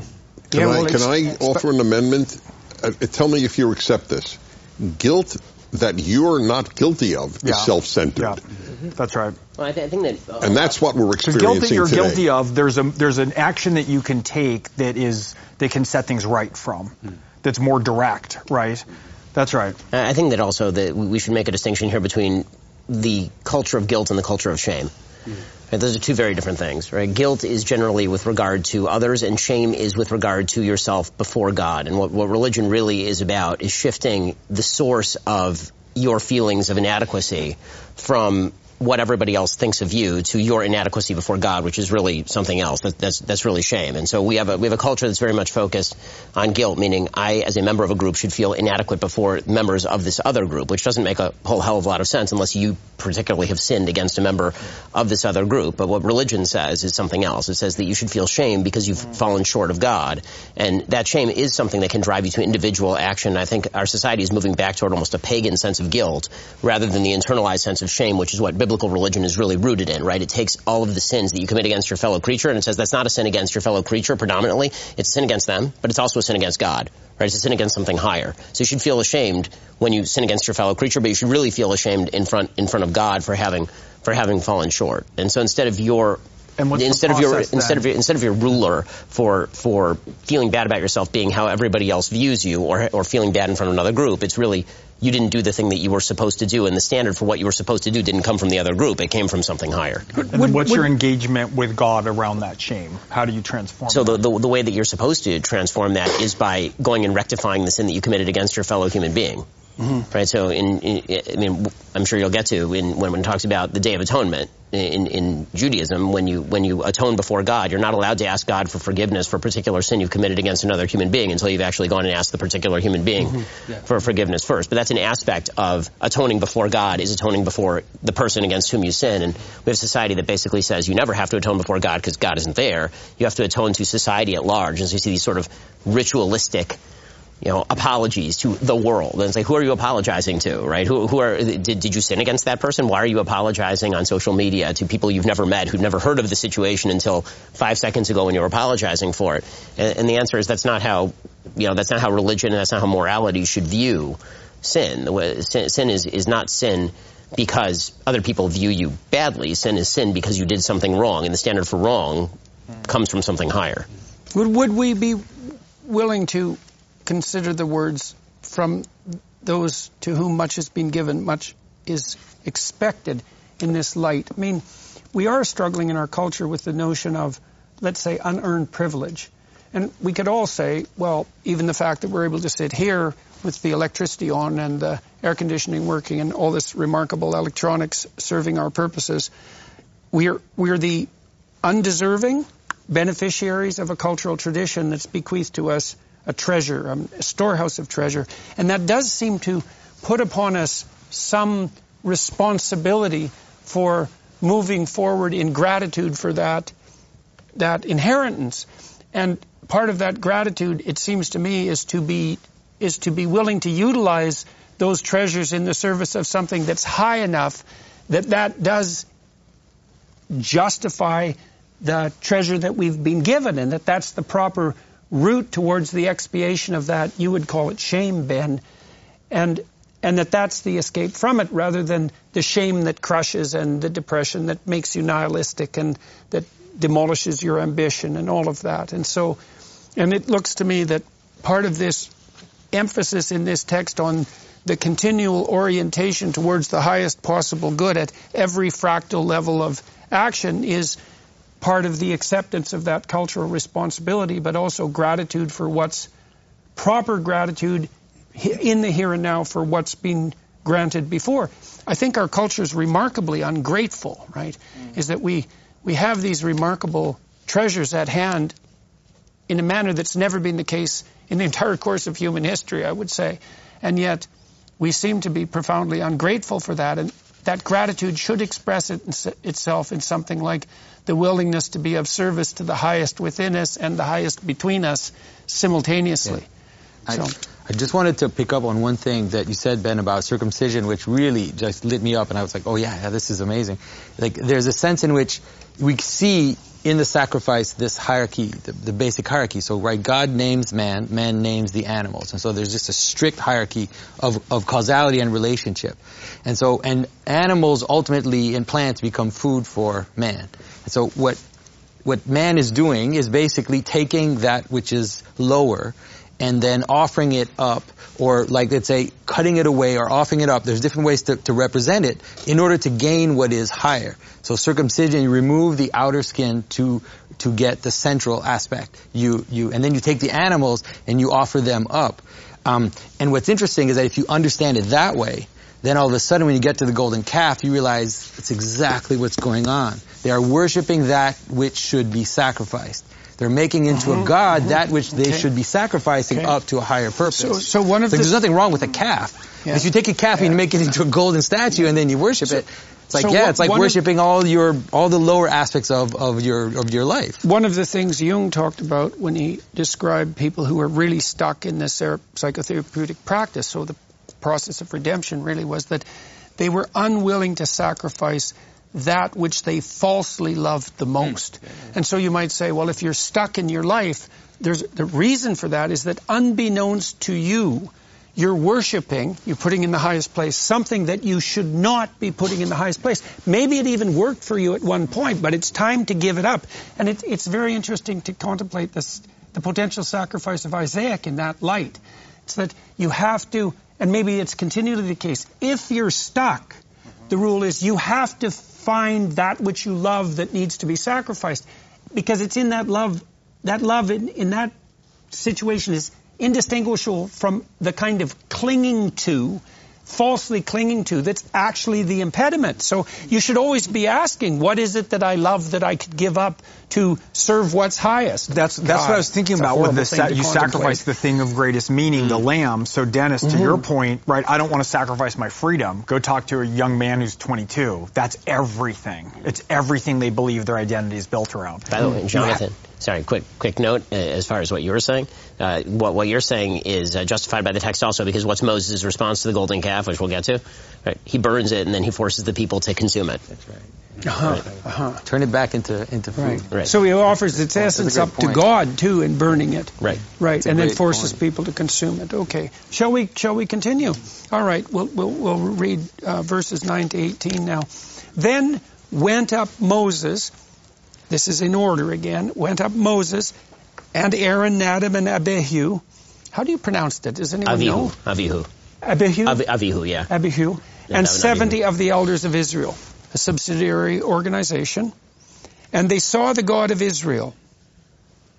And there was under his feet, as it were, a paved work of sapphire stone, and as it were, the body of heaven in his clearness.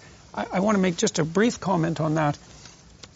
Um, precious stones are very interesting if you think about them from a molecular or atomic level because they're they're absolutely unitary in their structure. Like a flawless gem has the same microstructure. Like it's a repeated crystalline pattern. And because of that, that perfection of crystalline pattern, it reflects light.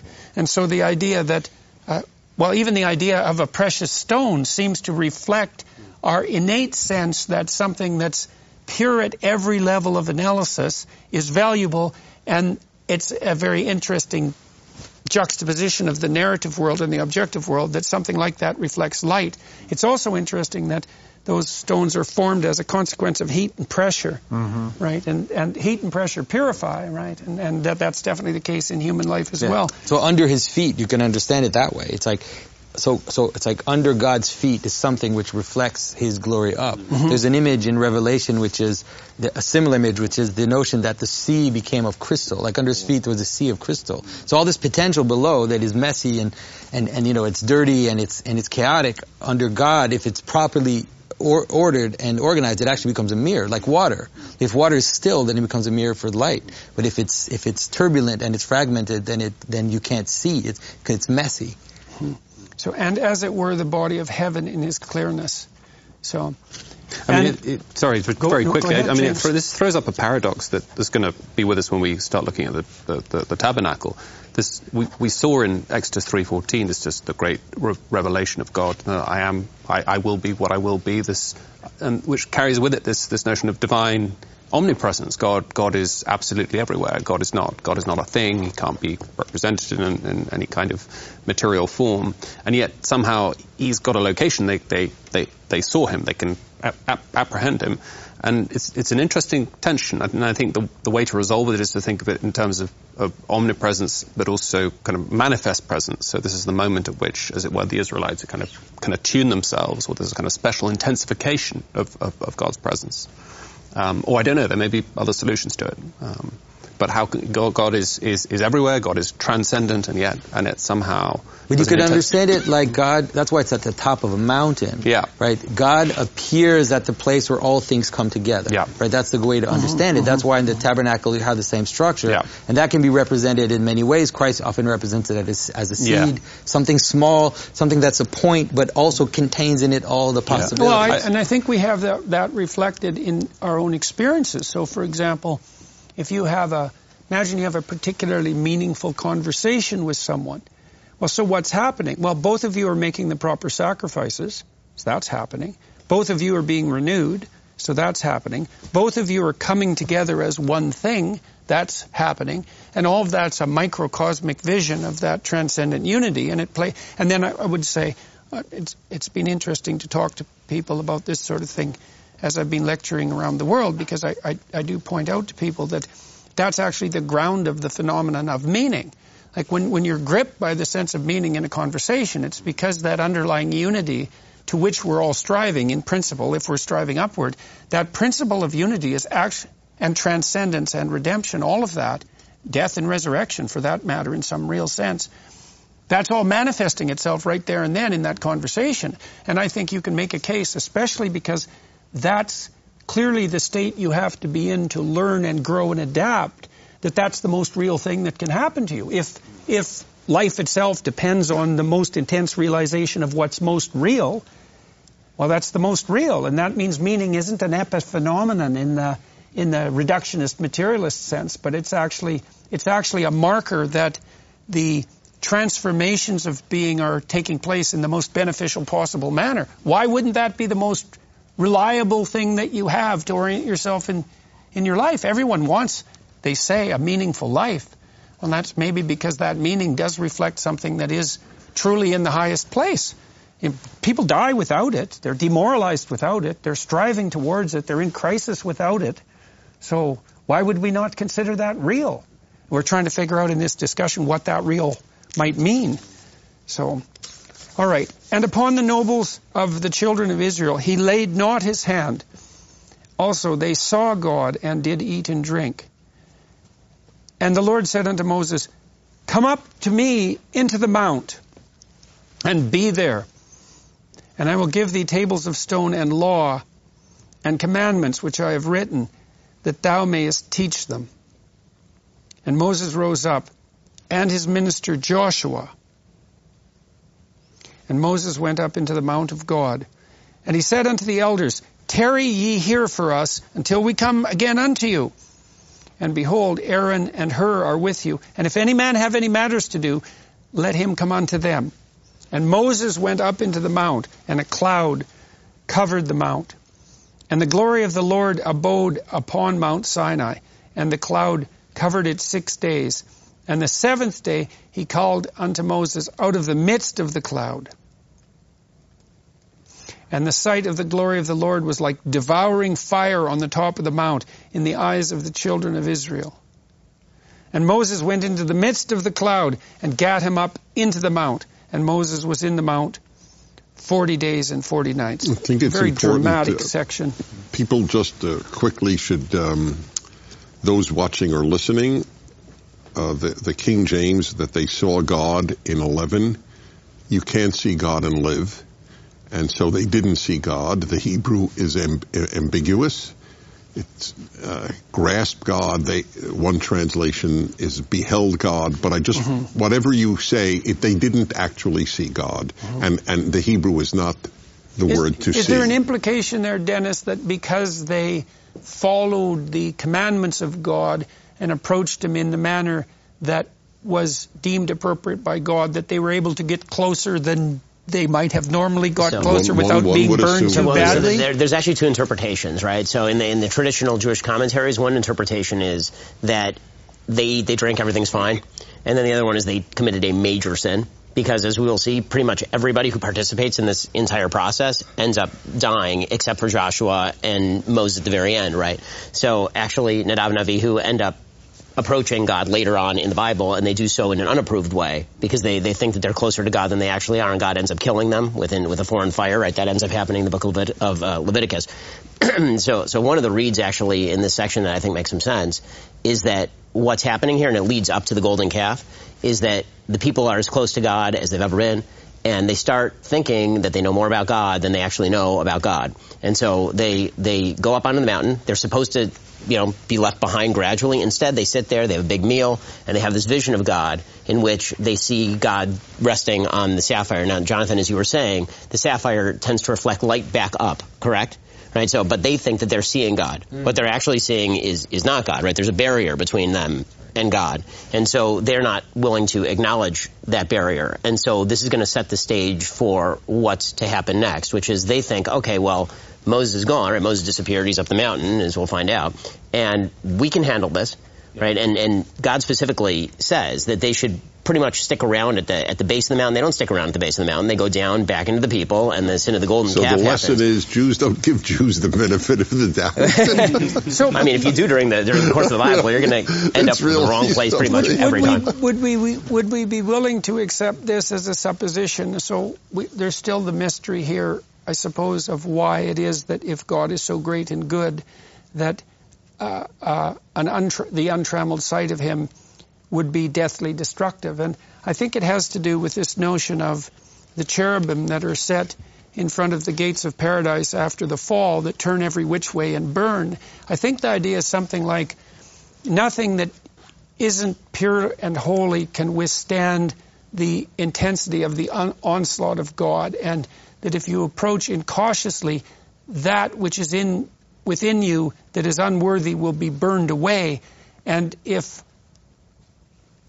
and there's a very high probability, given your infinitely unworthy state, that that'll just be fatal. Well, and, and so we can think you can think about that practically. Like, imagine that you could imagine just for a second that the true depth of your iniquity was revealed to you at once, right? All the cascading consequences of every single thing you've ever did wrong all of a sudden became manifest to you. It isn't obvious at all that anybody could bear that and live. And so But you can see it fractally, and you can apply it fractally across all, all levels, right? A, a simple example, you know, you have an interview for the job of your life, the one you've always wanted, and then the night before you get drunk, you, you, you don't sleep, you don't prepare, then you show up to the interview, and now the ideal that was drawing you forward, that was something Mm-hmm. you were aiming for, just crushes you. Mhm, Like, exactly, It'll just destroy exactly, you. So it exactly. happens fractally at every level, Right. but then it, oh, this is an image of how that is Yeah. the ultimate version of Yeah. that. Well, the, the highest ideal is by definition the most intense judge. They're the same yeah. thing, right? And then it's also the case that the terror of judgment is precisely proportionate to your distance from that ideal. And if the ideal is the ultimate and receding ideal, there's almost by definition an infinite gap between you and the judge.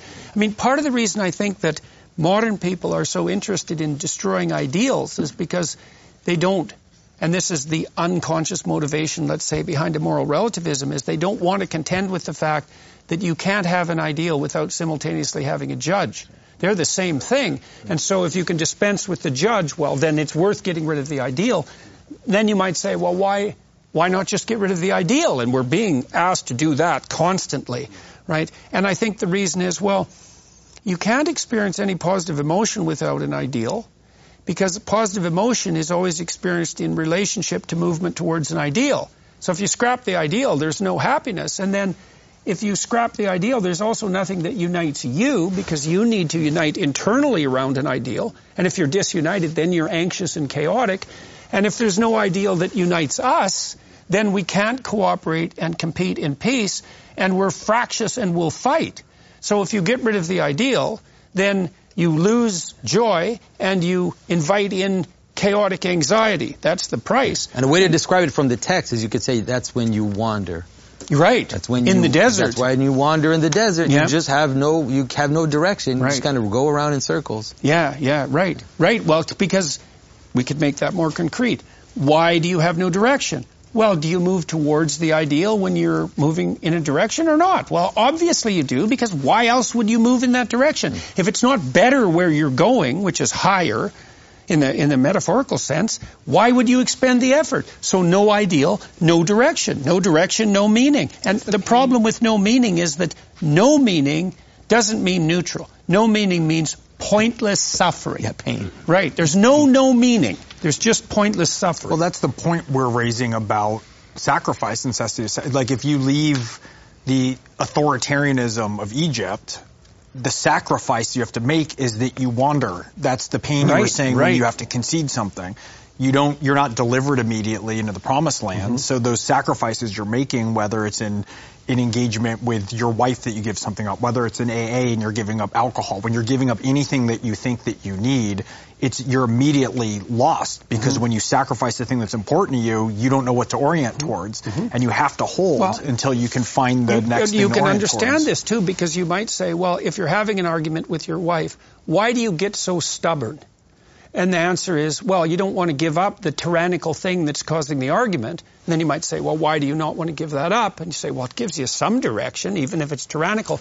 And when you give that up, there's going to be a little interregnum in the desert right? You have to admit that you were wrong. That's annoying. And then you have to not know exactly how to orient yourself, and then you have to conjure well, the up a new always symbolic land. of some. De- it's like a vein that goes deep in you, right? So it's not over whatever the ridiculous thing is that you're disputing.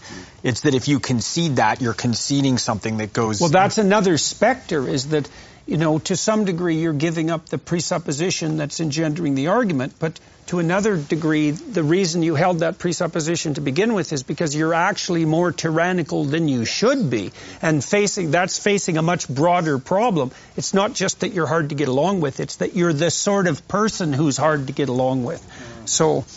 I don't want to add another divagation while we're wandering in these deserts, but uh, I have a question for Ben actually about your, your interpretation. Is, is it, am I right in thinking that your claim is that there's a sort of anti-Faust uh, going on here. So this is this is a criticism of the this. Uh, they're getting too comfortable with God, right? They, yeah, they get yeah. up there. I mean, they're eating and they're drinking in front of God. Now, if you're having a vision of the Almighty and you're seeing Him, right, uh, or seeing a vision of Him, uh, would the first thing that you would do pop out the wine and, and have a feast? Like because this is another aspect, isn't it, of, of let's say traditional cultures. So it's this this uh, which again is maybe uh, unfamiliar in the contemporary world, is this. Uh, um, this fear of hubris, this fear of, of arrogance, that, you know, on the one hand, there are these ideals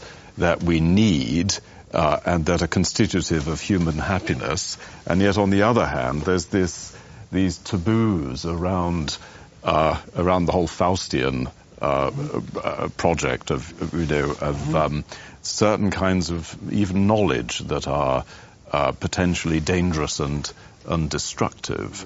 Uh, and that, of course, is often used by critics of religion to say, well, this is the I suppose that's a kind of a warped reemergence of the doctrine of, of humility and, and maybe a reflection too of the injunction not to use God's name in vain. Mm. That's right. Well, there's I mean, that ambiguity in sacrifice as well. I mean, sacrifice is at once a kind of yearning for the divine, and yet also can often express a temptation to, to an, a, an attempt to merge with the divine, a kind of, a, a kind of a sort of bloody mindedness.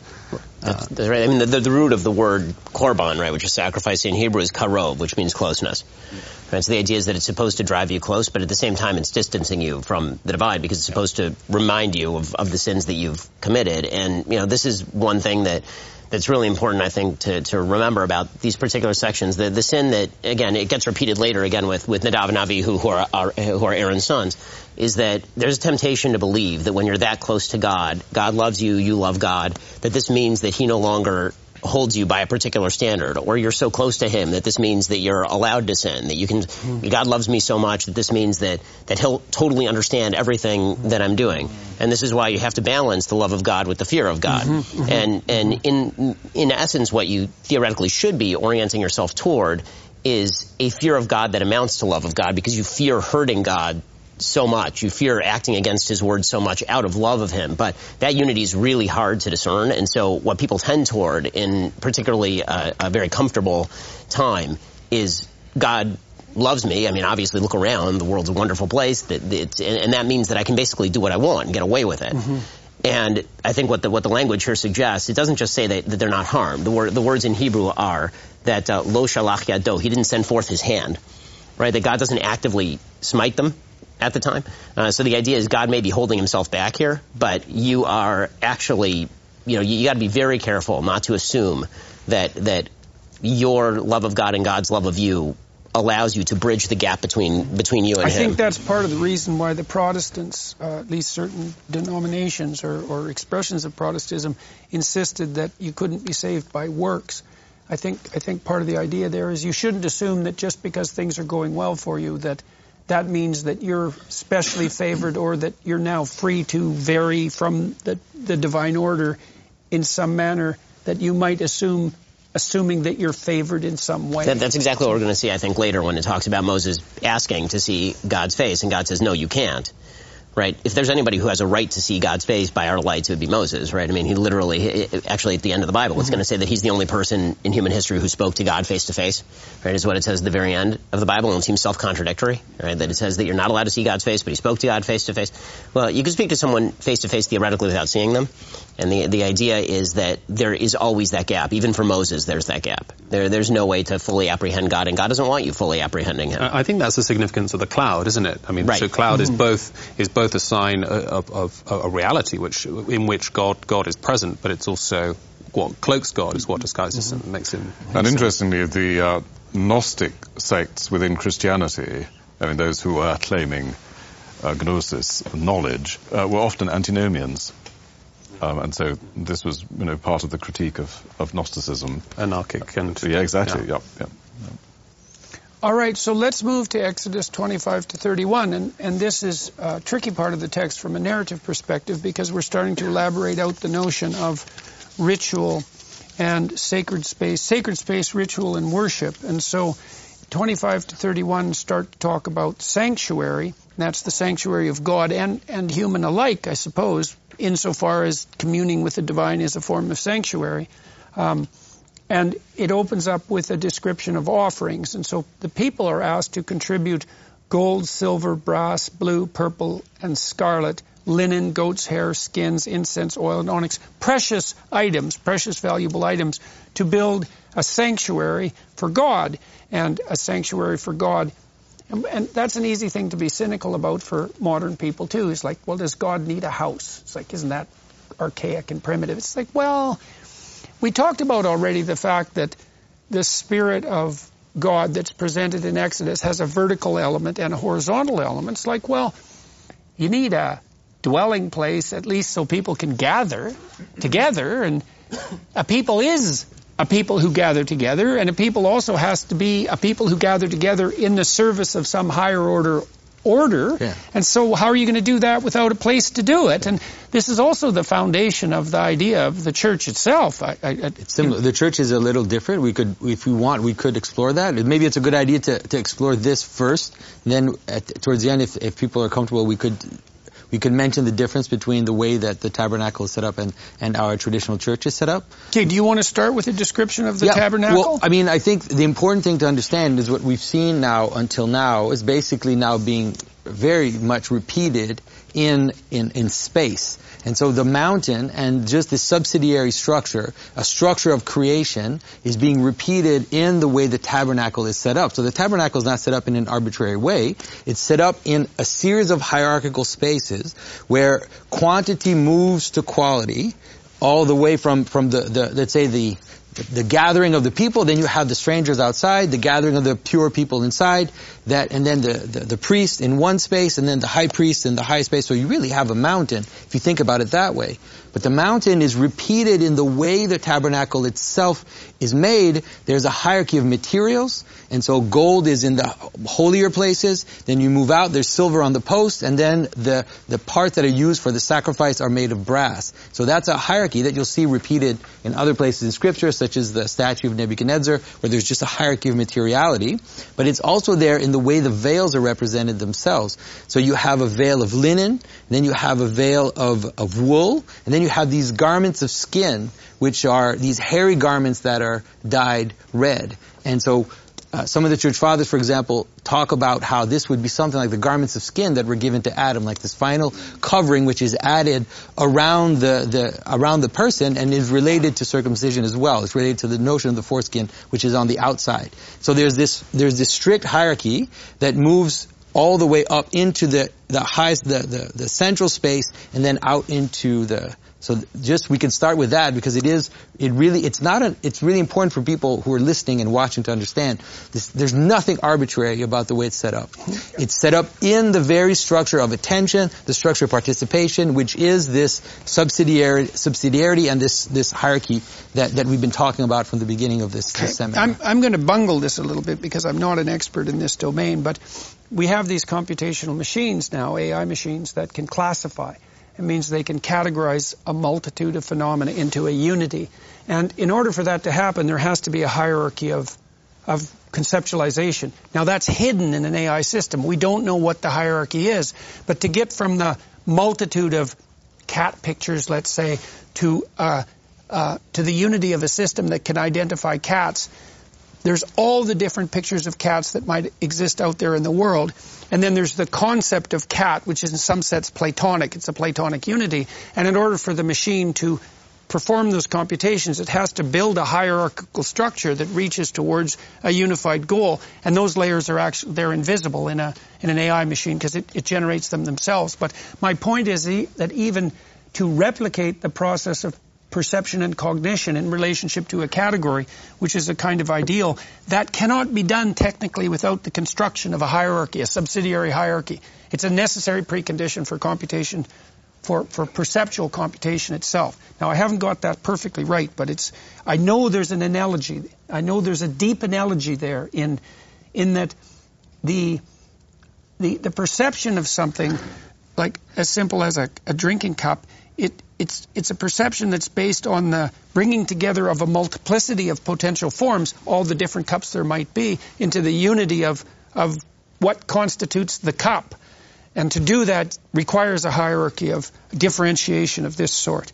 And, so, it, the, and the, the structure has, I mean, there's so many elements. We, we could name many, but a simple one is that when we talked about the two pillars, the pillar of water, the pillar of cloud and the pillar of fire, well then this now gets captured in here as well. You have the, the altar of sacrifice, which is this fire going up. Then you have the water, which is to cleanse. There, there's many, many versions. And the way to structure it in your mind is that on the outside of the, the holiest place, you burn the animals and you offer it up. So you can imagine, right, the smoke of cloud, the cloud of smoke going up into the heavens, and then on the other side, in the in the western house, then the glory of God descends. So it's like a, it's not you, it's it's annoying to see it as a transaction, but it's like if you give up mm-hmm. the sacrifice, then you will receive the purpose. You receive the glory, which will descend on the on the body. Is a well. Here, here's here's a way of thinking about that. So imagine this might be this might constitute a useful prayer. Let's say you're in despair, um, to the point where you're depressed, you're anxious, you're you're you're ill enough to see a psychotherapist. Well, one thing that you might do is begin with an offering. It's something like, and people do this automatically. They say, well, what is it that I might be doing wrong? right? And Rogers, for example, pointed out that before you could enter into the contract of psychotherapeutic transformation, you had to admit that there was a problem and admit that change was necessary. So basically what you're doing is you're you're approaching the problem of of of of being that can't progress in a spirit of humility. And that's an offering. What am I doing wrong is something like, well, if I could just find out what wrong was, I might be willing to give it up and change. Well, that's a that's a sacrifice. That's, that's, the, that's an offering of the willingness to sacrifice.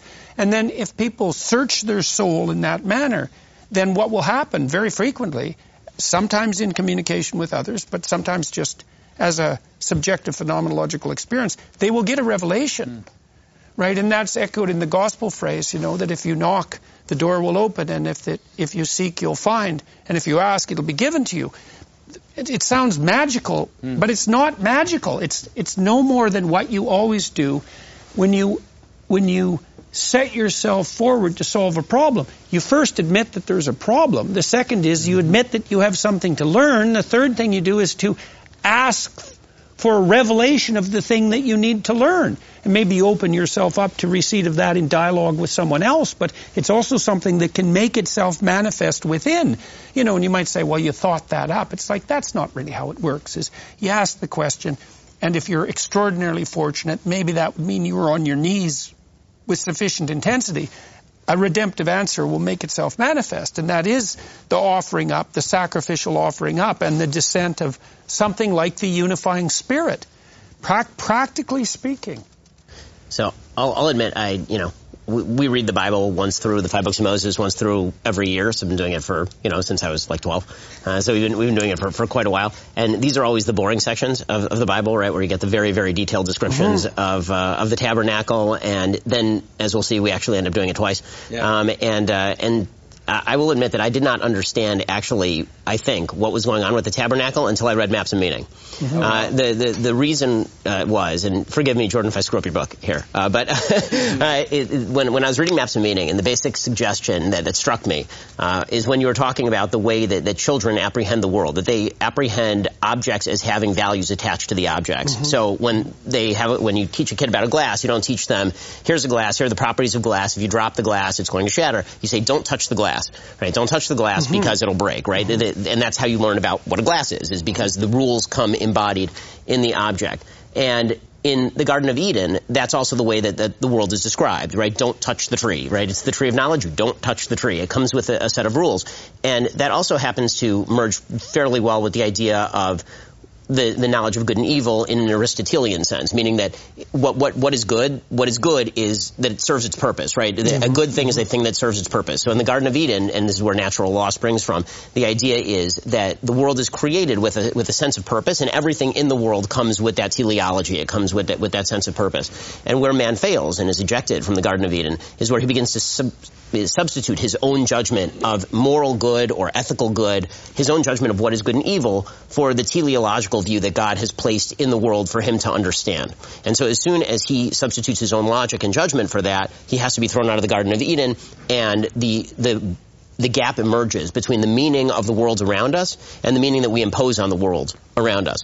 And when it comes to the tabernacle and it comes to this section of the Bible, this is the reimposition of the Garden of Eden, and it's very clear that that's what's happening in the language. Right? You can you can you can see the words that are used are used only a couple of times in all of the Bible. Right? You're you're speaking of the skins, right? The the orod, right? That are that are given to the ketonot orod, which are given to Adam. The the skins that are given to Adam, which make their appearance here again. You see the the angels with the swinging swords reappearing atop the atop the the ark, right? And and so the idea here is that what God is saying is that with the commandments and with the law, I'm reinstantiating yes, yes, yes. the world with rules and meaning that exist in the world. And they've been gone for, for a long time. And now the law is the way that you are going to be able to re-access a world mm-hmm. where the meaning is embedded in the world and not separate from the world, which is why now what's behind the, the what's behind the angels, right? But, before, what was behind the angels was, was the Garden of Eden. Now, what's behind the angels, what the angels are guarding, are the are the uh, the Ten Commandments,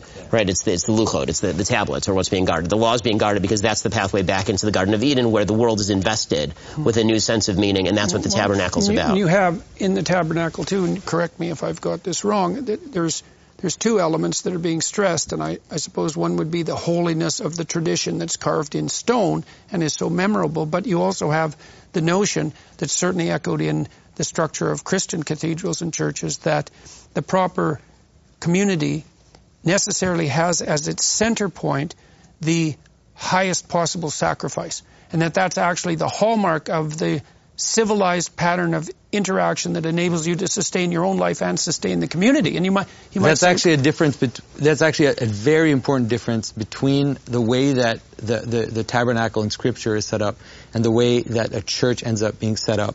The way that the because the way that the church happens uh, ends up being set up, and which is related to the, the, the problem or let's say the paradox of Christ, is that the altar and the and the and the uh, Ark of the Covenant are fused.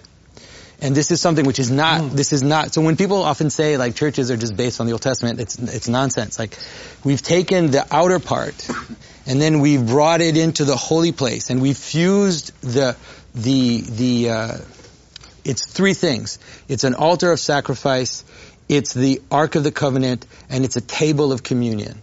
And so it's the table that mm-hmm. Abraham mm-hmm. shared with the mm-hmm. angels, and that's what the altar is in in a Christian church. So it's it's different from here. It is definitely a movement from this, like it's related to this, but it, it is based in the, a vision in, uh, from Revelation. Because in Revelation, it's the lamb on the altar around which all things turn. And so it's that vision in Revelation which brought Christians to ultimately fuse the, the, those together in the in the holy of holies. Whereas, by the way, synagogues tend to be more structured like the, right, like probably. the tabernacle, right? Mm-hmm. You have the you have the aron, you actually have the ark up front, and then you have the bema, which is where you actually read the Torah. That's, that's located kind of in the center of the congregation, which is where the the mizbeach would be, the the, ta- the uh, and would the that altar. be related to the? Would that be related to the altar, like symbolically? Would be related to the altar? I mean, it makes sense that that's how it's constructed. I mean, it's, it's literally set up for for the reading of the, the public reading is done in exactly that Yeah, area, and then you take the you take the, the Torah out of the ark and bring it down into the people, and then you read yeah, it. yeah. I have a question for you uh, and for, for Dennis. I, I don't know if there's a tradition in Judaism, there is a, in Syrian Christianity and Orthodox Christianity, there's a sense in which uh, Eden is a mountain.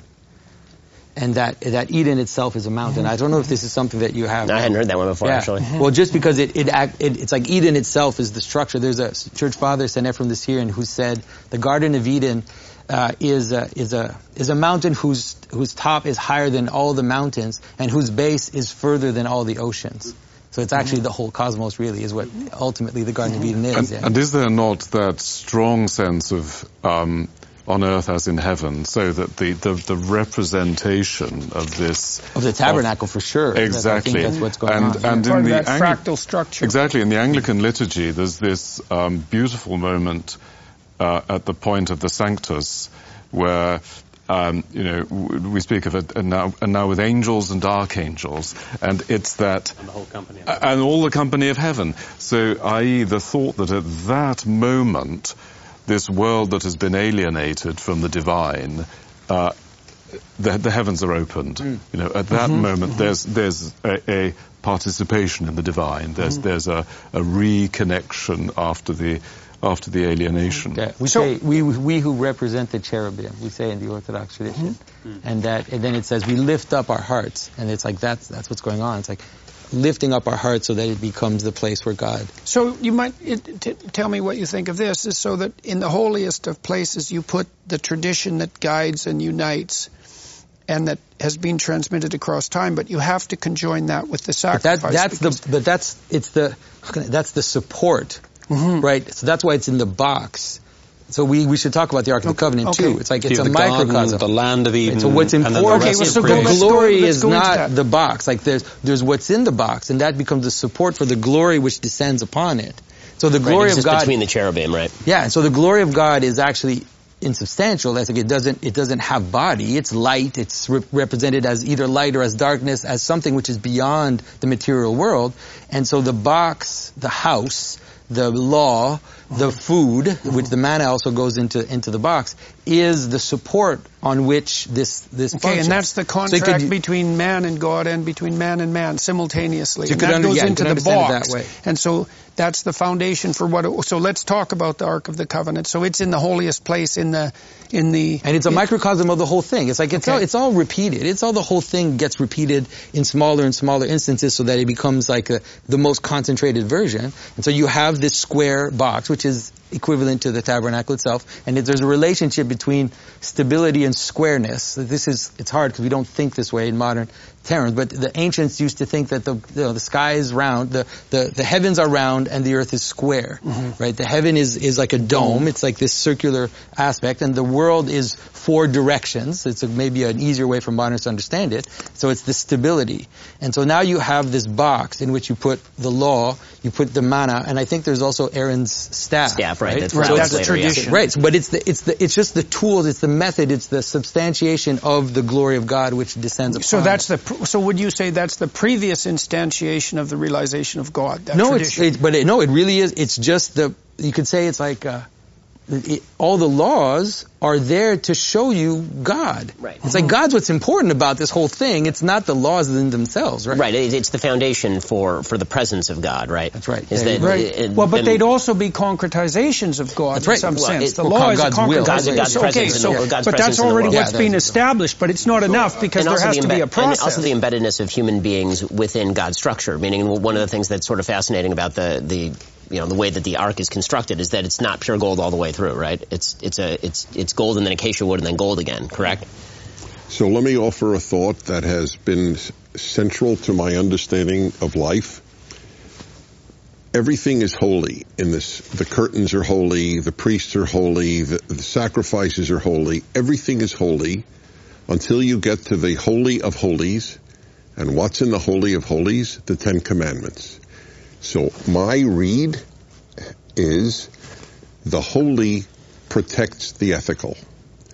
Our society has completely lost the concept of the holy, and as a result, we have lost ethics. It's a source of the ethical, you could say. Oh, I, I, I don't say that. Okay. I, I, I'm okay with it, but, but I, I, I'm saying it very precisely as the, it protects it.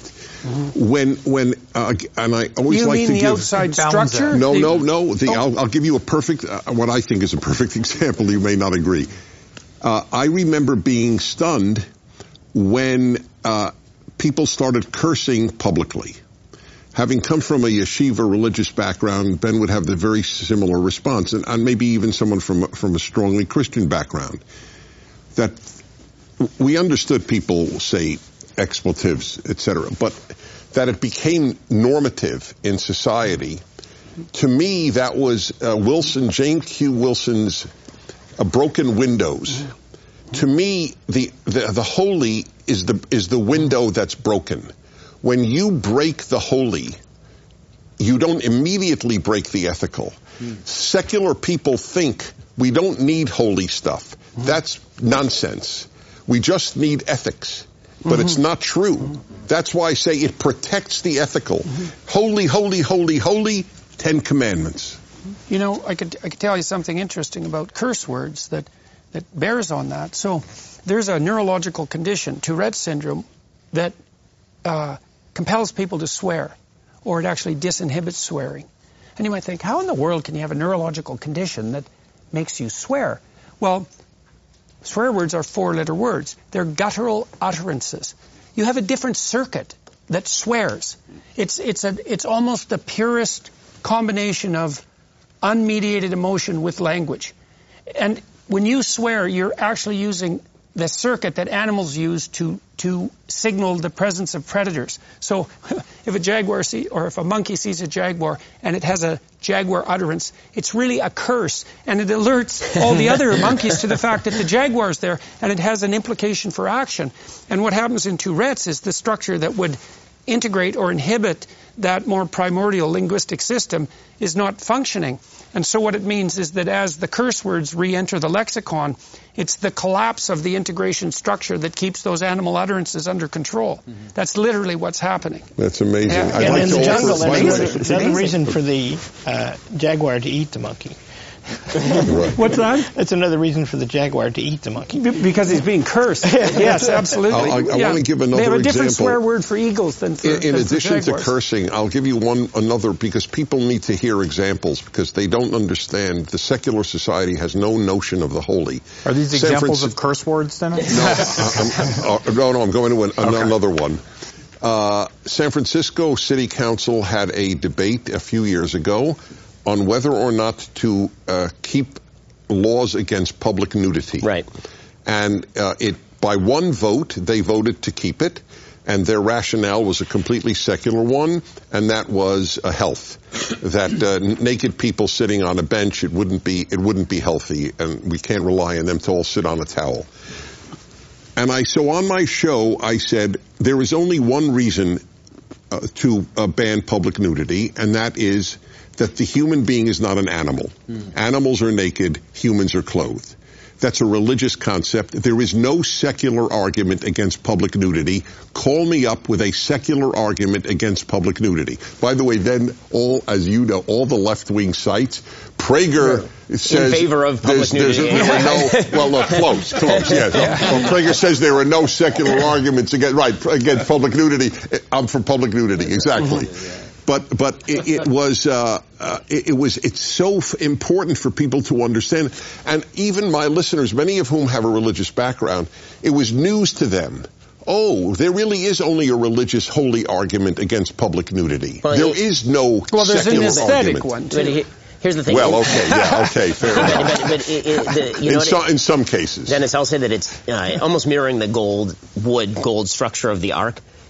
Holiness protects uh, holiness protects the ethical, which does protect the holy in the end. Mm-hmm. And, and the reason I say that is because there really is no rationale for any ethical system absent certain core assumptions mm-hmm. about about the human being, the, the, the human being made in God's image, the, the mm-hmm. innate value of human beings. Like once you get rid of that, there's no rationale for, for any of the ethical systems that exist. And so these are all just assumptions that are made silently by people who deny there's a God, but they're living off the fumes of, of systems that have been created long before Mhm, yes. they were created. And, and so the, the death of the sacred, I mean, you're totally right about this. It also means the inability to defend society against predations against it on, on the ethical level as, as you're discussing. The proper response to people should be able to walk around naked in the streets is to laugh at that.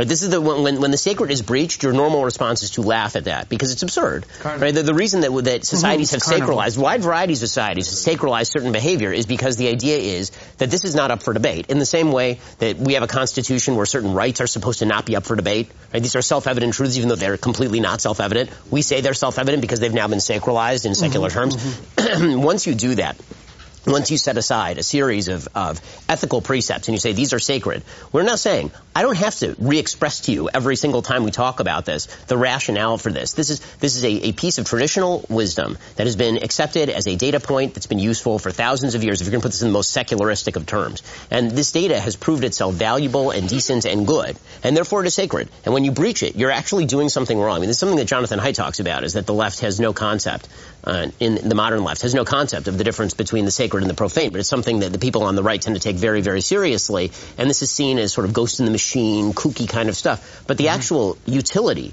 of being able to say there are certain first principles that we are not going to argue over. These are just things that exist in the world. And if you breach that, the proper answer to that is not a rationalistic response. The proper answer is laughter. Well, The without proper- that agreement that there are certain things that are sacred, you don't have a community. Right. Because everything's up for up for dispute. You only have a community when some things aren't up for dispute.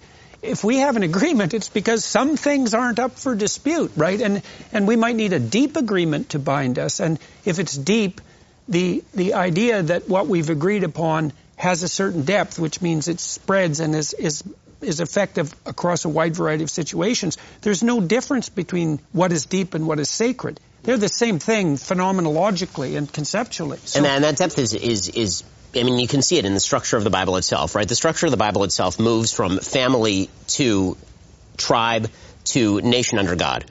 Right? And, and what that is, it's taking the deepest, most profound, sacred thing in everybody's life, which is their family. That is the most sacred thing in your life. It's inviolable, and anybody who tells you they love a stranger the way they love their family is lying to you. They're just completely full of it. And then it moves it up to the idea of tribe, which is still a blood kin tie. And then what religion does, that moves it up to the level of sacred ethical principles that bind entire communities of people, and that allows for the possibility of progress. And there's a social scientist over at Harvard, Joseph Henrich, who wrote a great book um, about you know the weird people, right? The the, the Western educated, uh, right, industrialized, right. right? And and his basic his basic foundation is that it is the presence of the church and development of religion over time that actually creates the West specifically because it ends up abstracting ethical principles from belief in God that are now that, that can now trump things as deep as, as family and nation.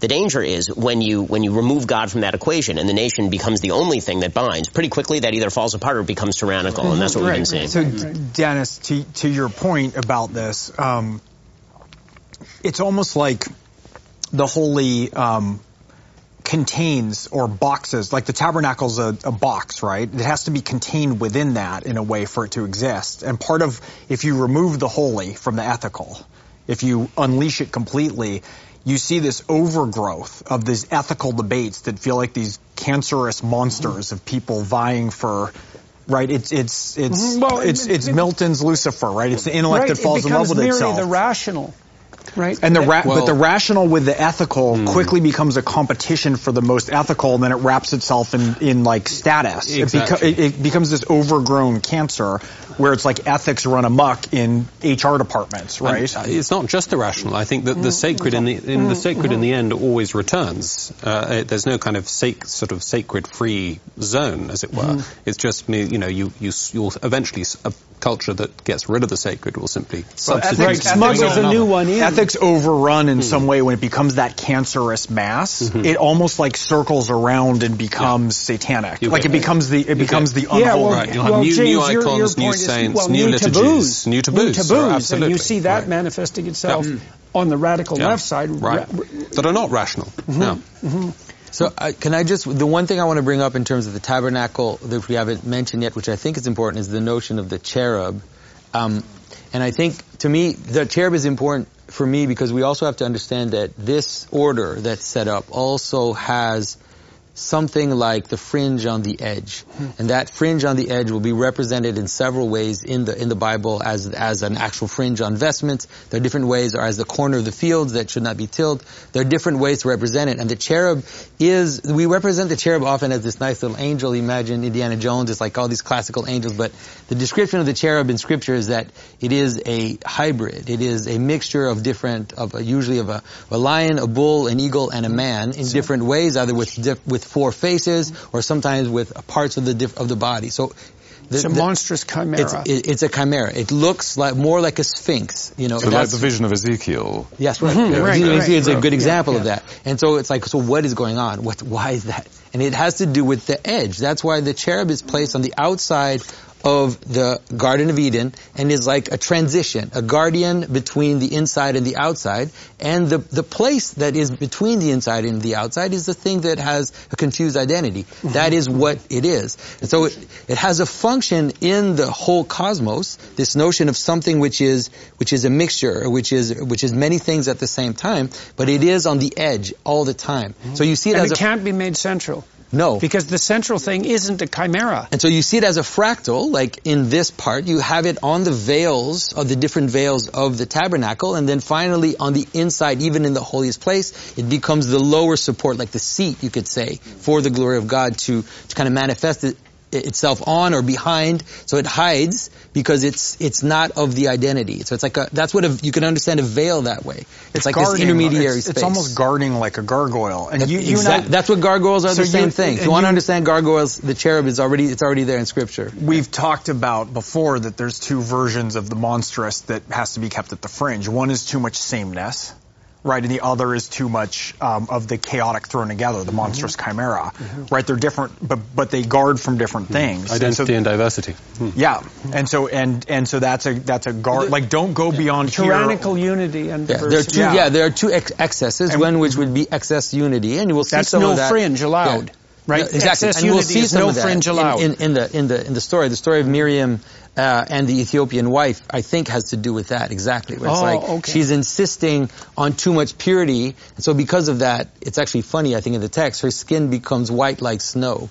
And she's objecting to Moses having a darker wife, you could say, and she becomes like too white. It's it's not framed in racial. It's not a racial question, but it's it, it's a it's an idea of being too pure, you could say, so that you mm-hmm. can't function inside the system. But so this is every. You're saying the tabernacle, right? There, there's echoes of Garden of Eden. There's echoes of creation, right? It's the Yeah. point. It's the meeting point of everything that we're saying. And so what the gargoyle is guarding is, I'm already a composite of various things. Go beyond me, and the center won't hold, Mm, right? Yeah, it's the edge, right? It's it's the thing on the edge, right? Right. Well, it's part of the problem of categorization per se, because we like to think that the way we make a category is we have a list of, of features, and everything in that category has that list of features and no other features. And none of our categories are like that, except there are categories called proper sets, like triangles, where you can exactly define what's in the category and what isn't. But hardly any categories are like that. Most of our categories have an ideal at the center, and then there's a bunch of other categories, and so that brings up the problem of, well, what exists at the margin of the category? Because you can't just make a qualitative shift from one category to another.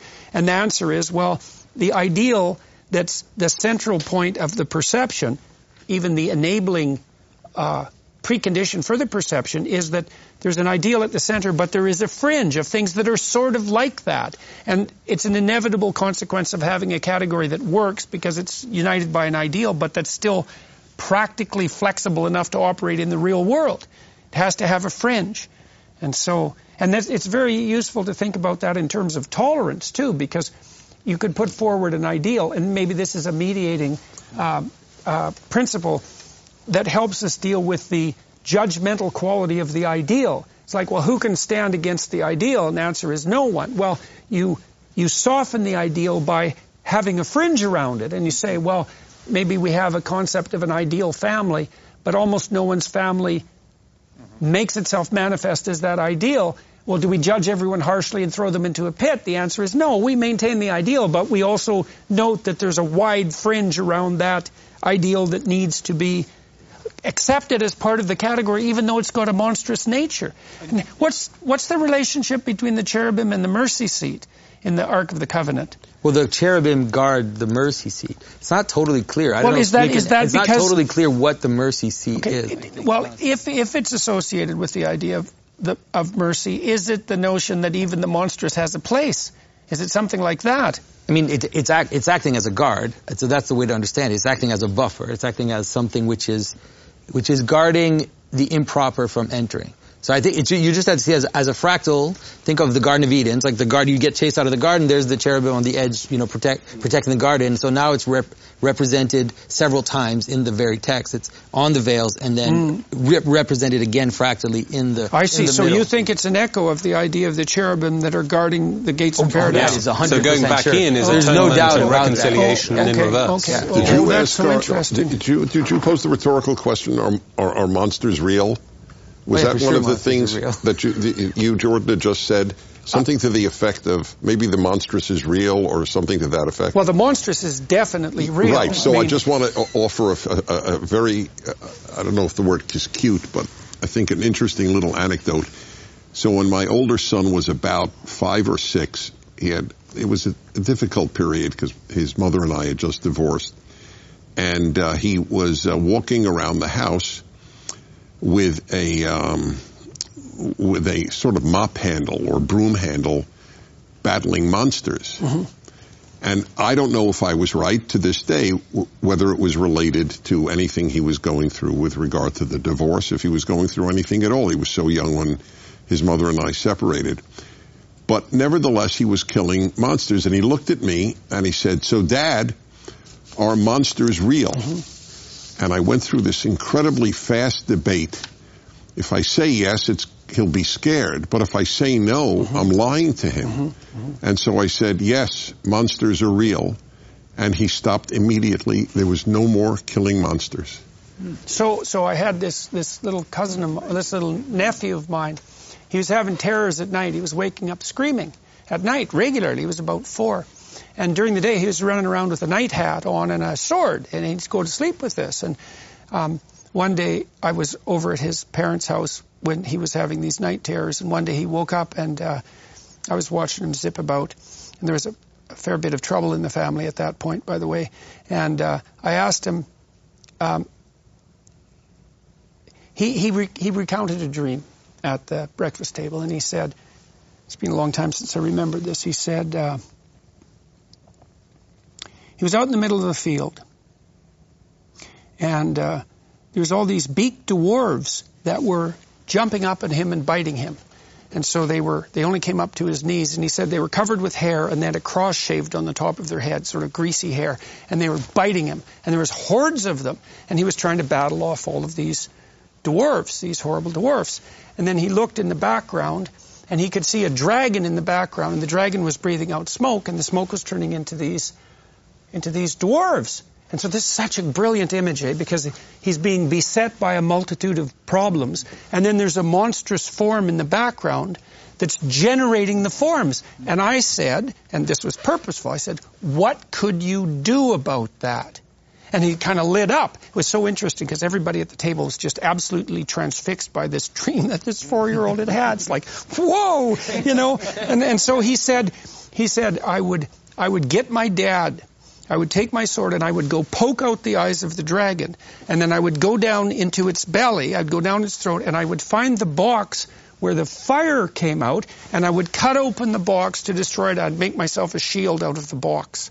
And I thought, oh my God, kid, that's so brilliant. But it was so interesting because by asking him what he would do about it, I suggested to him that he could take arm against a sea of troubles, right? And then this whole mythological story just snapped into his imagination. And you might say, well, where did it come from? I mean, he'd watched Disney movies and his parents had read all sorts of stories to him and he was already running around like a little knight.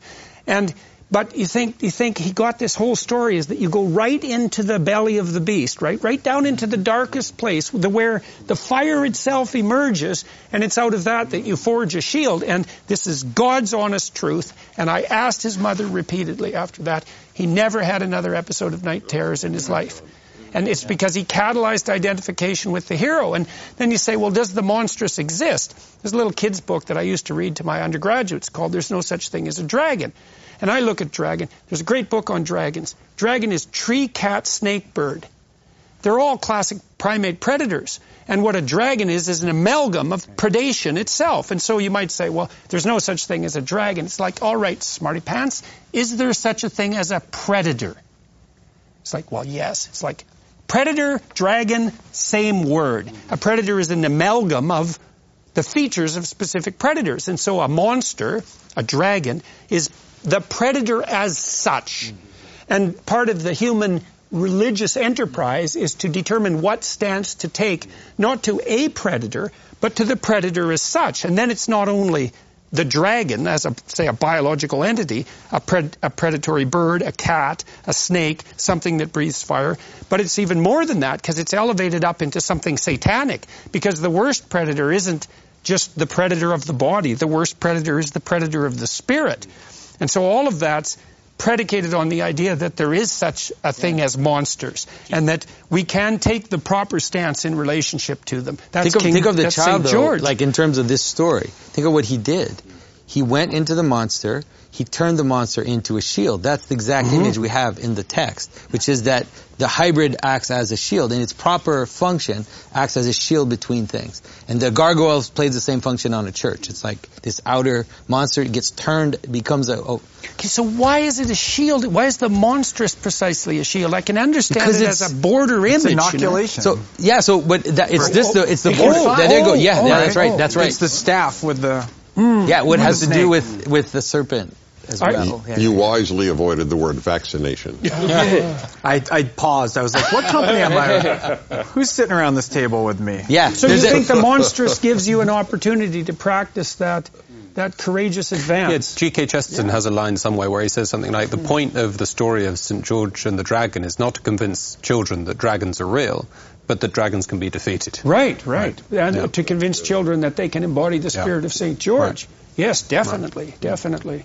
We mock them at our peril. There's Well, stories. look, look. One of the hmm. things we know from this from the psychotherapeutic endeavor of the past hundred years is that if you invite people to take the stance of courageous approach to those things that they're afraid of or disgusted by, both, because it works for obsessive compulsive disorder as well, if you can put them in proper relationship to those things, which is courageous advance, they don't get less afraid. They get braver, and that generalizes. And that's, that's a universal, what would you say? That's a universal emergent observation across classes of psychotherapeutic practice. So the Freudians will re-expose people to their childhood traumas, for example, voluntarily. And the behaviorists will just take you out and have you confront as much as you can something that you're afraid of. And that catalyzes a process of psychological transformation that generalizes. You get braver. You develop a So more... where is this nonsense in our society about safety come It's from? compl- uh, it, the fact that psychologists aren't up in arms about this very thing Great, is great an point. indication of That the great. immense terror and cowardice that Yeah, the whole enterprise is now laboring under. Because one thing every single psychotherapist worth his or her salt knows is that you do not protect people from what they're afraid of. You find the the edge, you find the monstrous edge, and you you invite them to participate in dancing on that edge, and that's curative. You know, And the so- prudishness around art, bizarrely coming from the left now, right, is somebody where, the, the, the, like the left, it should be when they're burning copies of Ulysses show up with buckets of water. But it's a similar um, concern of constraining this prudishness of the hybridization in some way. Because who's like the artists are, are another version of the of the hybrid. You have a David mm-hmm. Bowie, you have a Prince, mm-hmm. you have people from mm-hmm. the outside who are mo- moderating and interpreting the chaos and the unknown through a form that then is is more pleasing.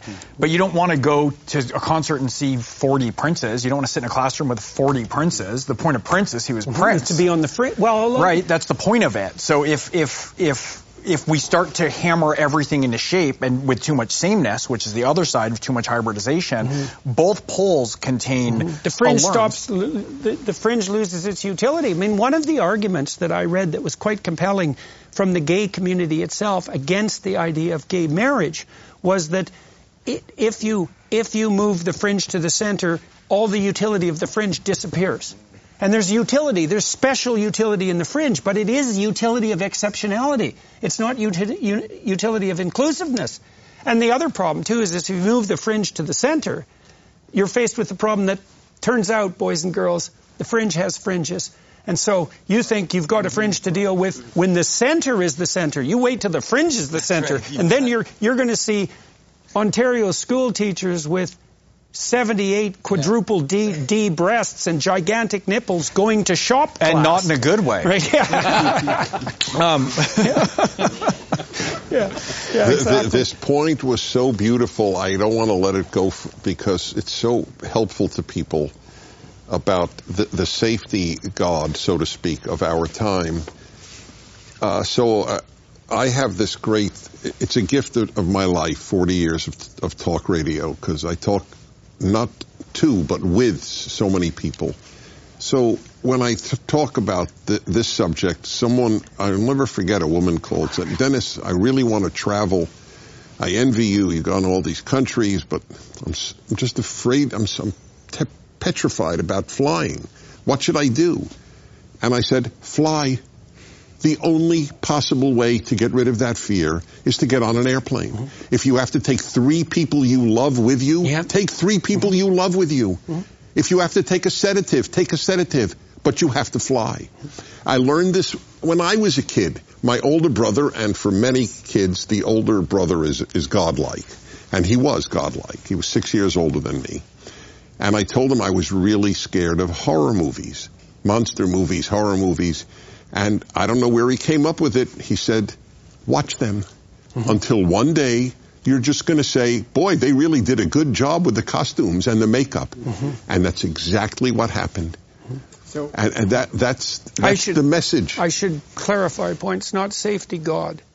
It's safety goddess, and it's the devouring mother, right? And the safety goddess that's the devouring mother is then the predator. Well, then that's the predator. Because if you're the person who insists that everything be made as safe as possible, you are now the snake in the garden. I Right, think I think also we in in this political discussion around this, which it consolidates to right away, we get so lost in content. And so much of it is like, what is the process by which aspects of the fringe rightly move to the center? Mm-hmm. And that tends to be um, a moral and righteous engagement that has aspects that are sacrificial, civil rights movement, mm-hmm. maybe Stonewall, Harvey mm-hmm. Milk. There's a negotiation with the public in a way where aspects of what are considered the fringe are rightly brought in, I think rightly, brought in towards the center.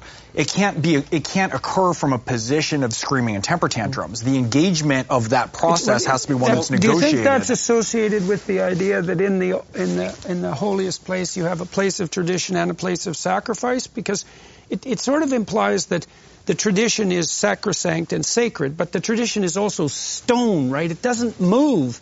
And that's actually the problem with tradition because the future changes. And so the fringe does have to be incorporated in a transformative way into the center. Hmm. And it's sacrifice that enables that to occur, right? I mean, when you're when well, it's, it's armor, right? Armor protects you but limits your flexibility. There- and there's certain negotiations that have been successful. We're not going to say when you're talking about this teacher, we don't have that conversation anymore about certain groups who we all accept. I mean, even the differences between us sitting at this table. There's groups, there's a process by which there's a righteous negotiation and but the negotiation has to mean that you are taking on the burden of whatever the punishment is um, for your perceived transgressions to the society.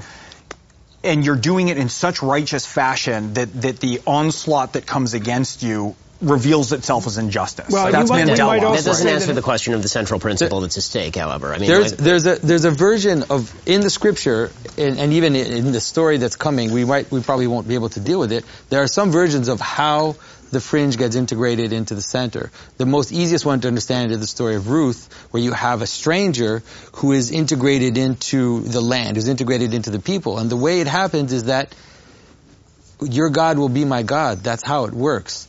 And there's another version in, well, she in first says your people will be my people. that's right. Your and then people your will be- will make so God, the right? idea is that it's like I am I am actually going to join with you. Like Right. I'm actually going to This is right. recognize the highest ideal as the same and participate in the body. And so in in when the it's like I'm spoiling this story. Sorry. But it's like when we get to the promised land and you have only two people left from this entire group that enter into the promised land. One of the versions of that is that one of those two is a Kenizzite. He's he's possibly not even uh, Hebrew, and he gets the fringe of the land. They'd say that he gets the border of the camp. And so his, so it's, so you have uh, Joshua, who is the savior and who is the central part, and then you have the, the the outside. And one reading of his name, Caleb, is dog actually. And so it's like you have the you have the outside and the inside, and they're all integrated together. It's possible, but for that to happen, it has to be real. It has to be. It also has to be subservience to the system, right? I mean, like, right, the- yeah. when, when you talk about movement with regard to the to the ark, for example, in this particular story, there is movement to the ark. In fact, one of the most interesting things about the ark is that the the staves that are that are put there to carry it are never to be removed. Right, you're never supposed to take them out. Theoretically, you could take them out and then you could replace them every time you wanted to move the ark, and that's what you would normally do if you if you were building something and then you were going to leave it there for a while, not knowing when you were going to do it next. You would take out the staves, you would put them in the closet somewhere, you would take them back, but you're not allowed in the biblical text to actually remove the staves because the ark it could theoretically be moving any time, right? I mean, the, the idea is that where God tells you to go, you go. But the actual mm-hmm. interior contents of the ark and the, the composition of the ark itself, the eternal principles, are unchanging. You're going to take those principles into foreign lands and you're going to take them into wilderness and you're going to take them into places you don't understand. You can't let those places change the interior content. stone. Right, that's why they're stone. That's why they're made of gold. They're made of unchangeable Yeah, materials, gold right? is, is better than stone, Right, in terms right. of unchangeability. Right, it's the right, ultimate right. unchangeable material. Yeah. Do you want to comment on the vestments? And we can close with that for today. Yeah, we could. I mean, it, the vestments. I don't know if there's someone else who wants to talk about the vestments. I have one quick word to Go say. it, yes, uh, not about vestments as a general rule and the Torah's preoccupation with the right ones. This is a uh, is the word hobby horse. This is a passion of mine. Again, it's our age of complete secularization and is related to the absence of the belief that clothing is important. Beginning, for example, with the idiocy that kids do not need dress codes in schools every study, and I'm not a study fan because I have a motto, either studies either confirm what common sense suggests or they're wrong. But uh, in, any event, uh, study after study shows kids with dress codes have less violence in school, their grades improve, they respect their teachers more. And likewise that the teacher has a dress code. Clothing is critical and we, we have lost that sense. And and I know many many many of my listeners, and as as Larry Arnn sweetly said, even supporters are Christian. And I think my biggest single difference with them is not a Jewish Christian difference. It's a clothing at church difference. Hmm. I say it matters what you wear at church, and then Christian after Christian calls my show and said, God doesn't care what I wear.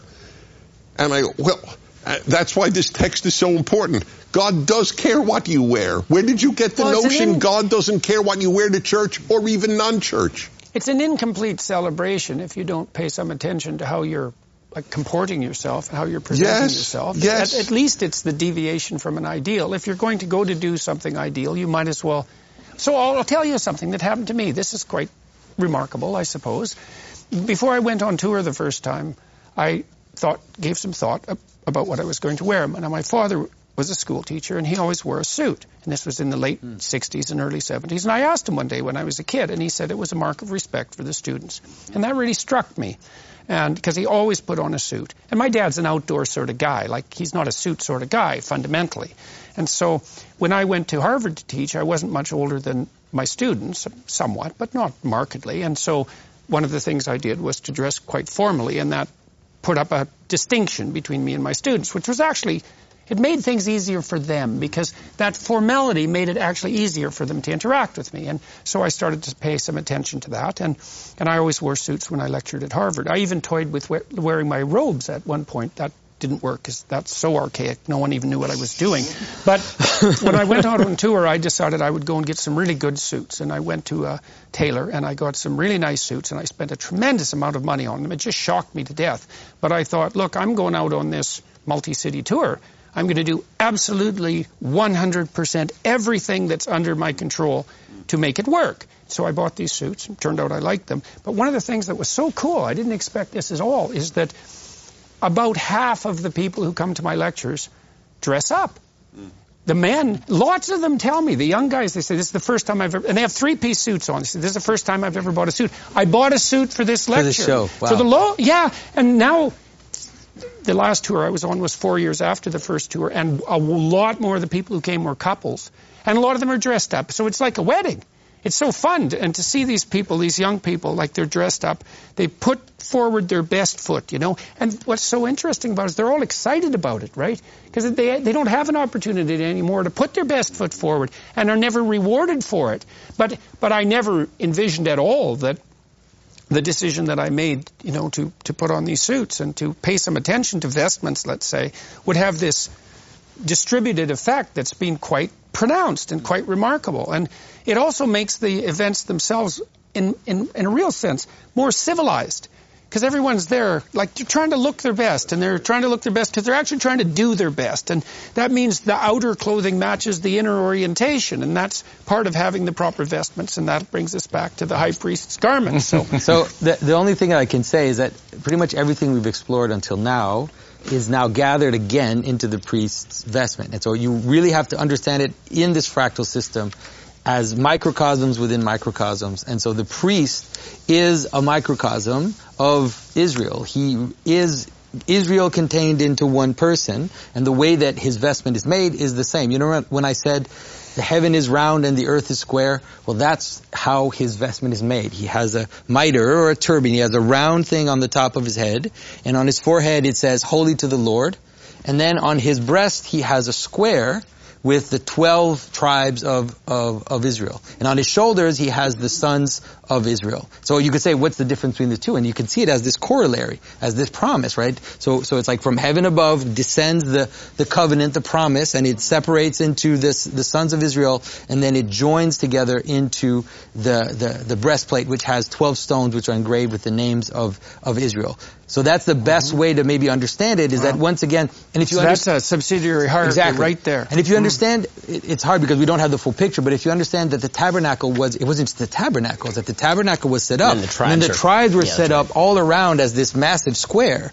And so it's like this is now gathered all the way back into the high priest who kind of carries that into the holiest place. So the subsidiary structure is there the whole way through. Mm-hmm. And there's a fringe on the on the edges of the vestments yeah. as well. Well, on the yeah, there's the bells, yeah. And for Dennis, there's also undergarments which say made from linen, covering the naked flesh from the hips to the thighs, so the high priest doesn't bear guilt in the holy place and die.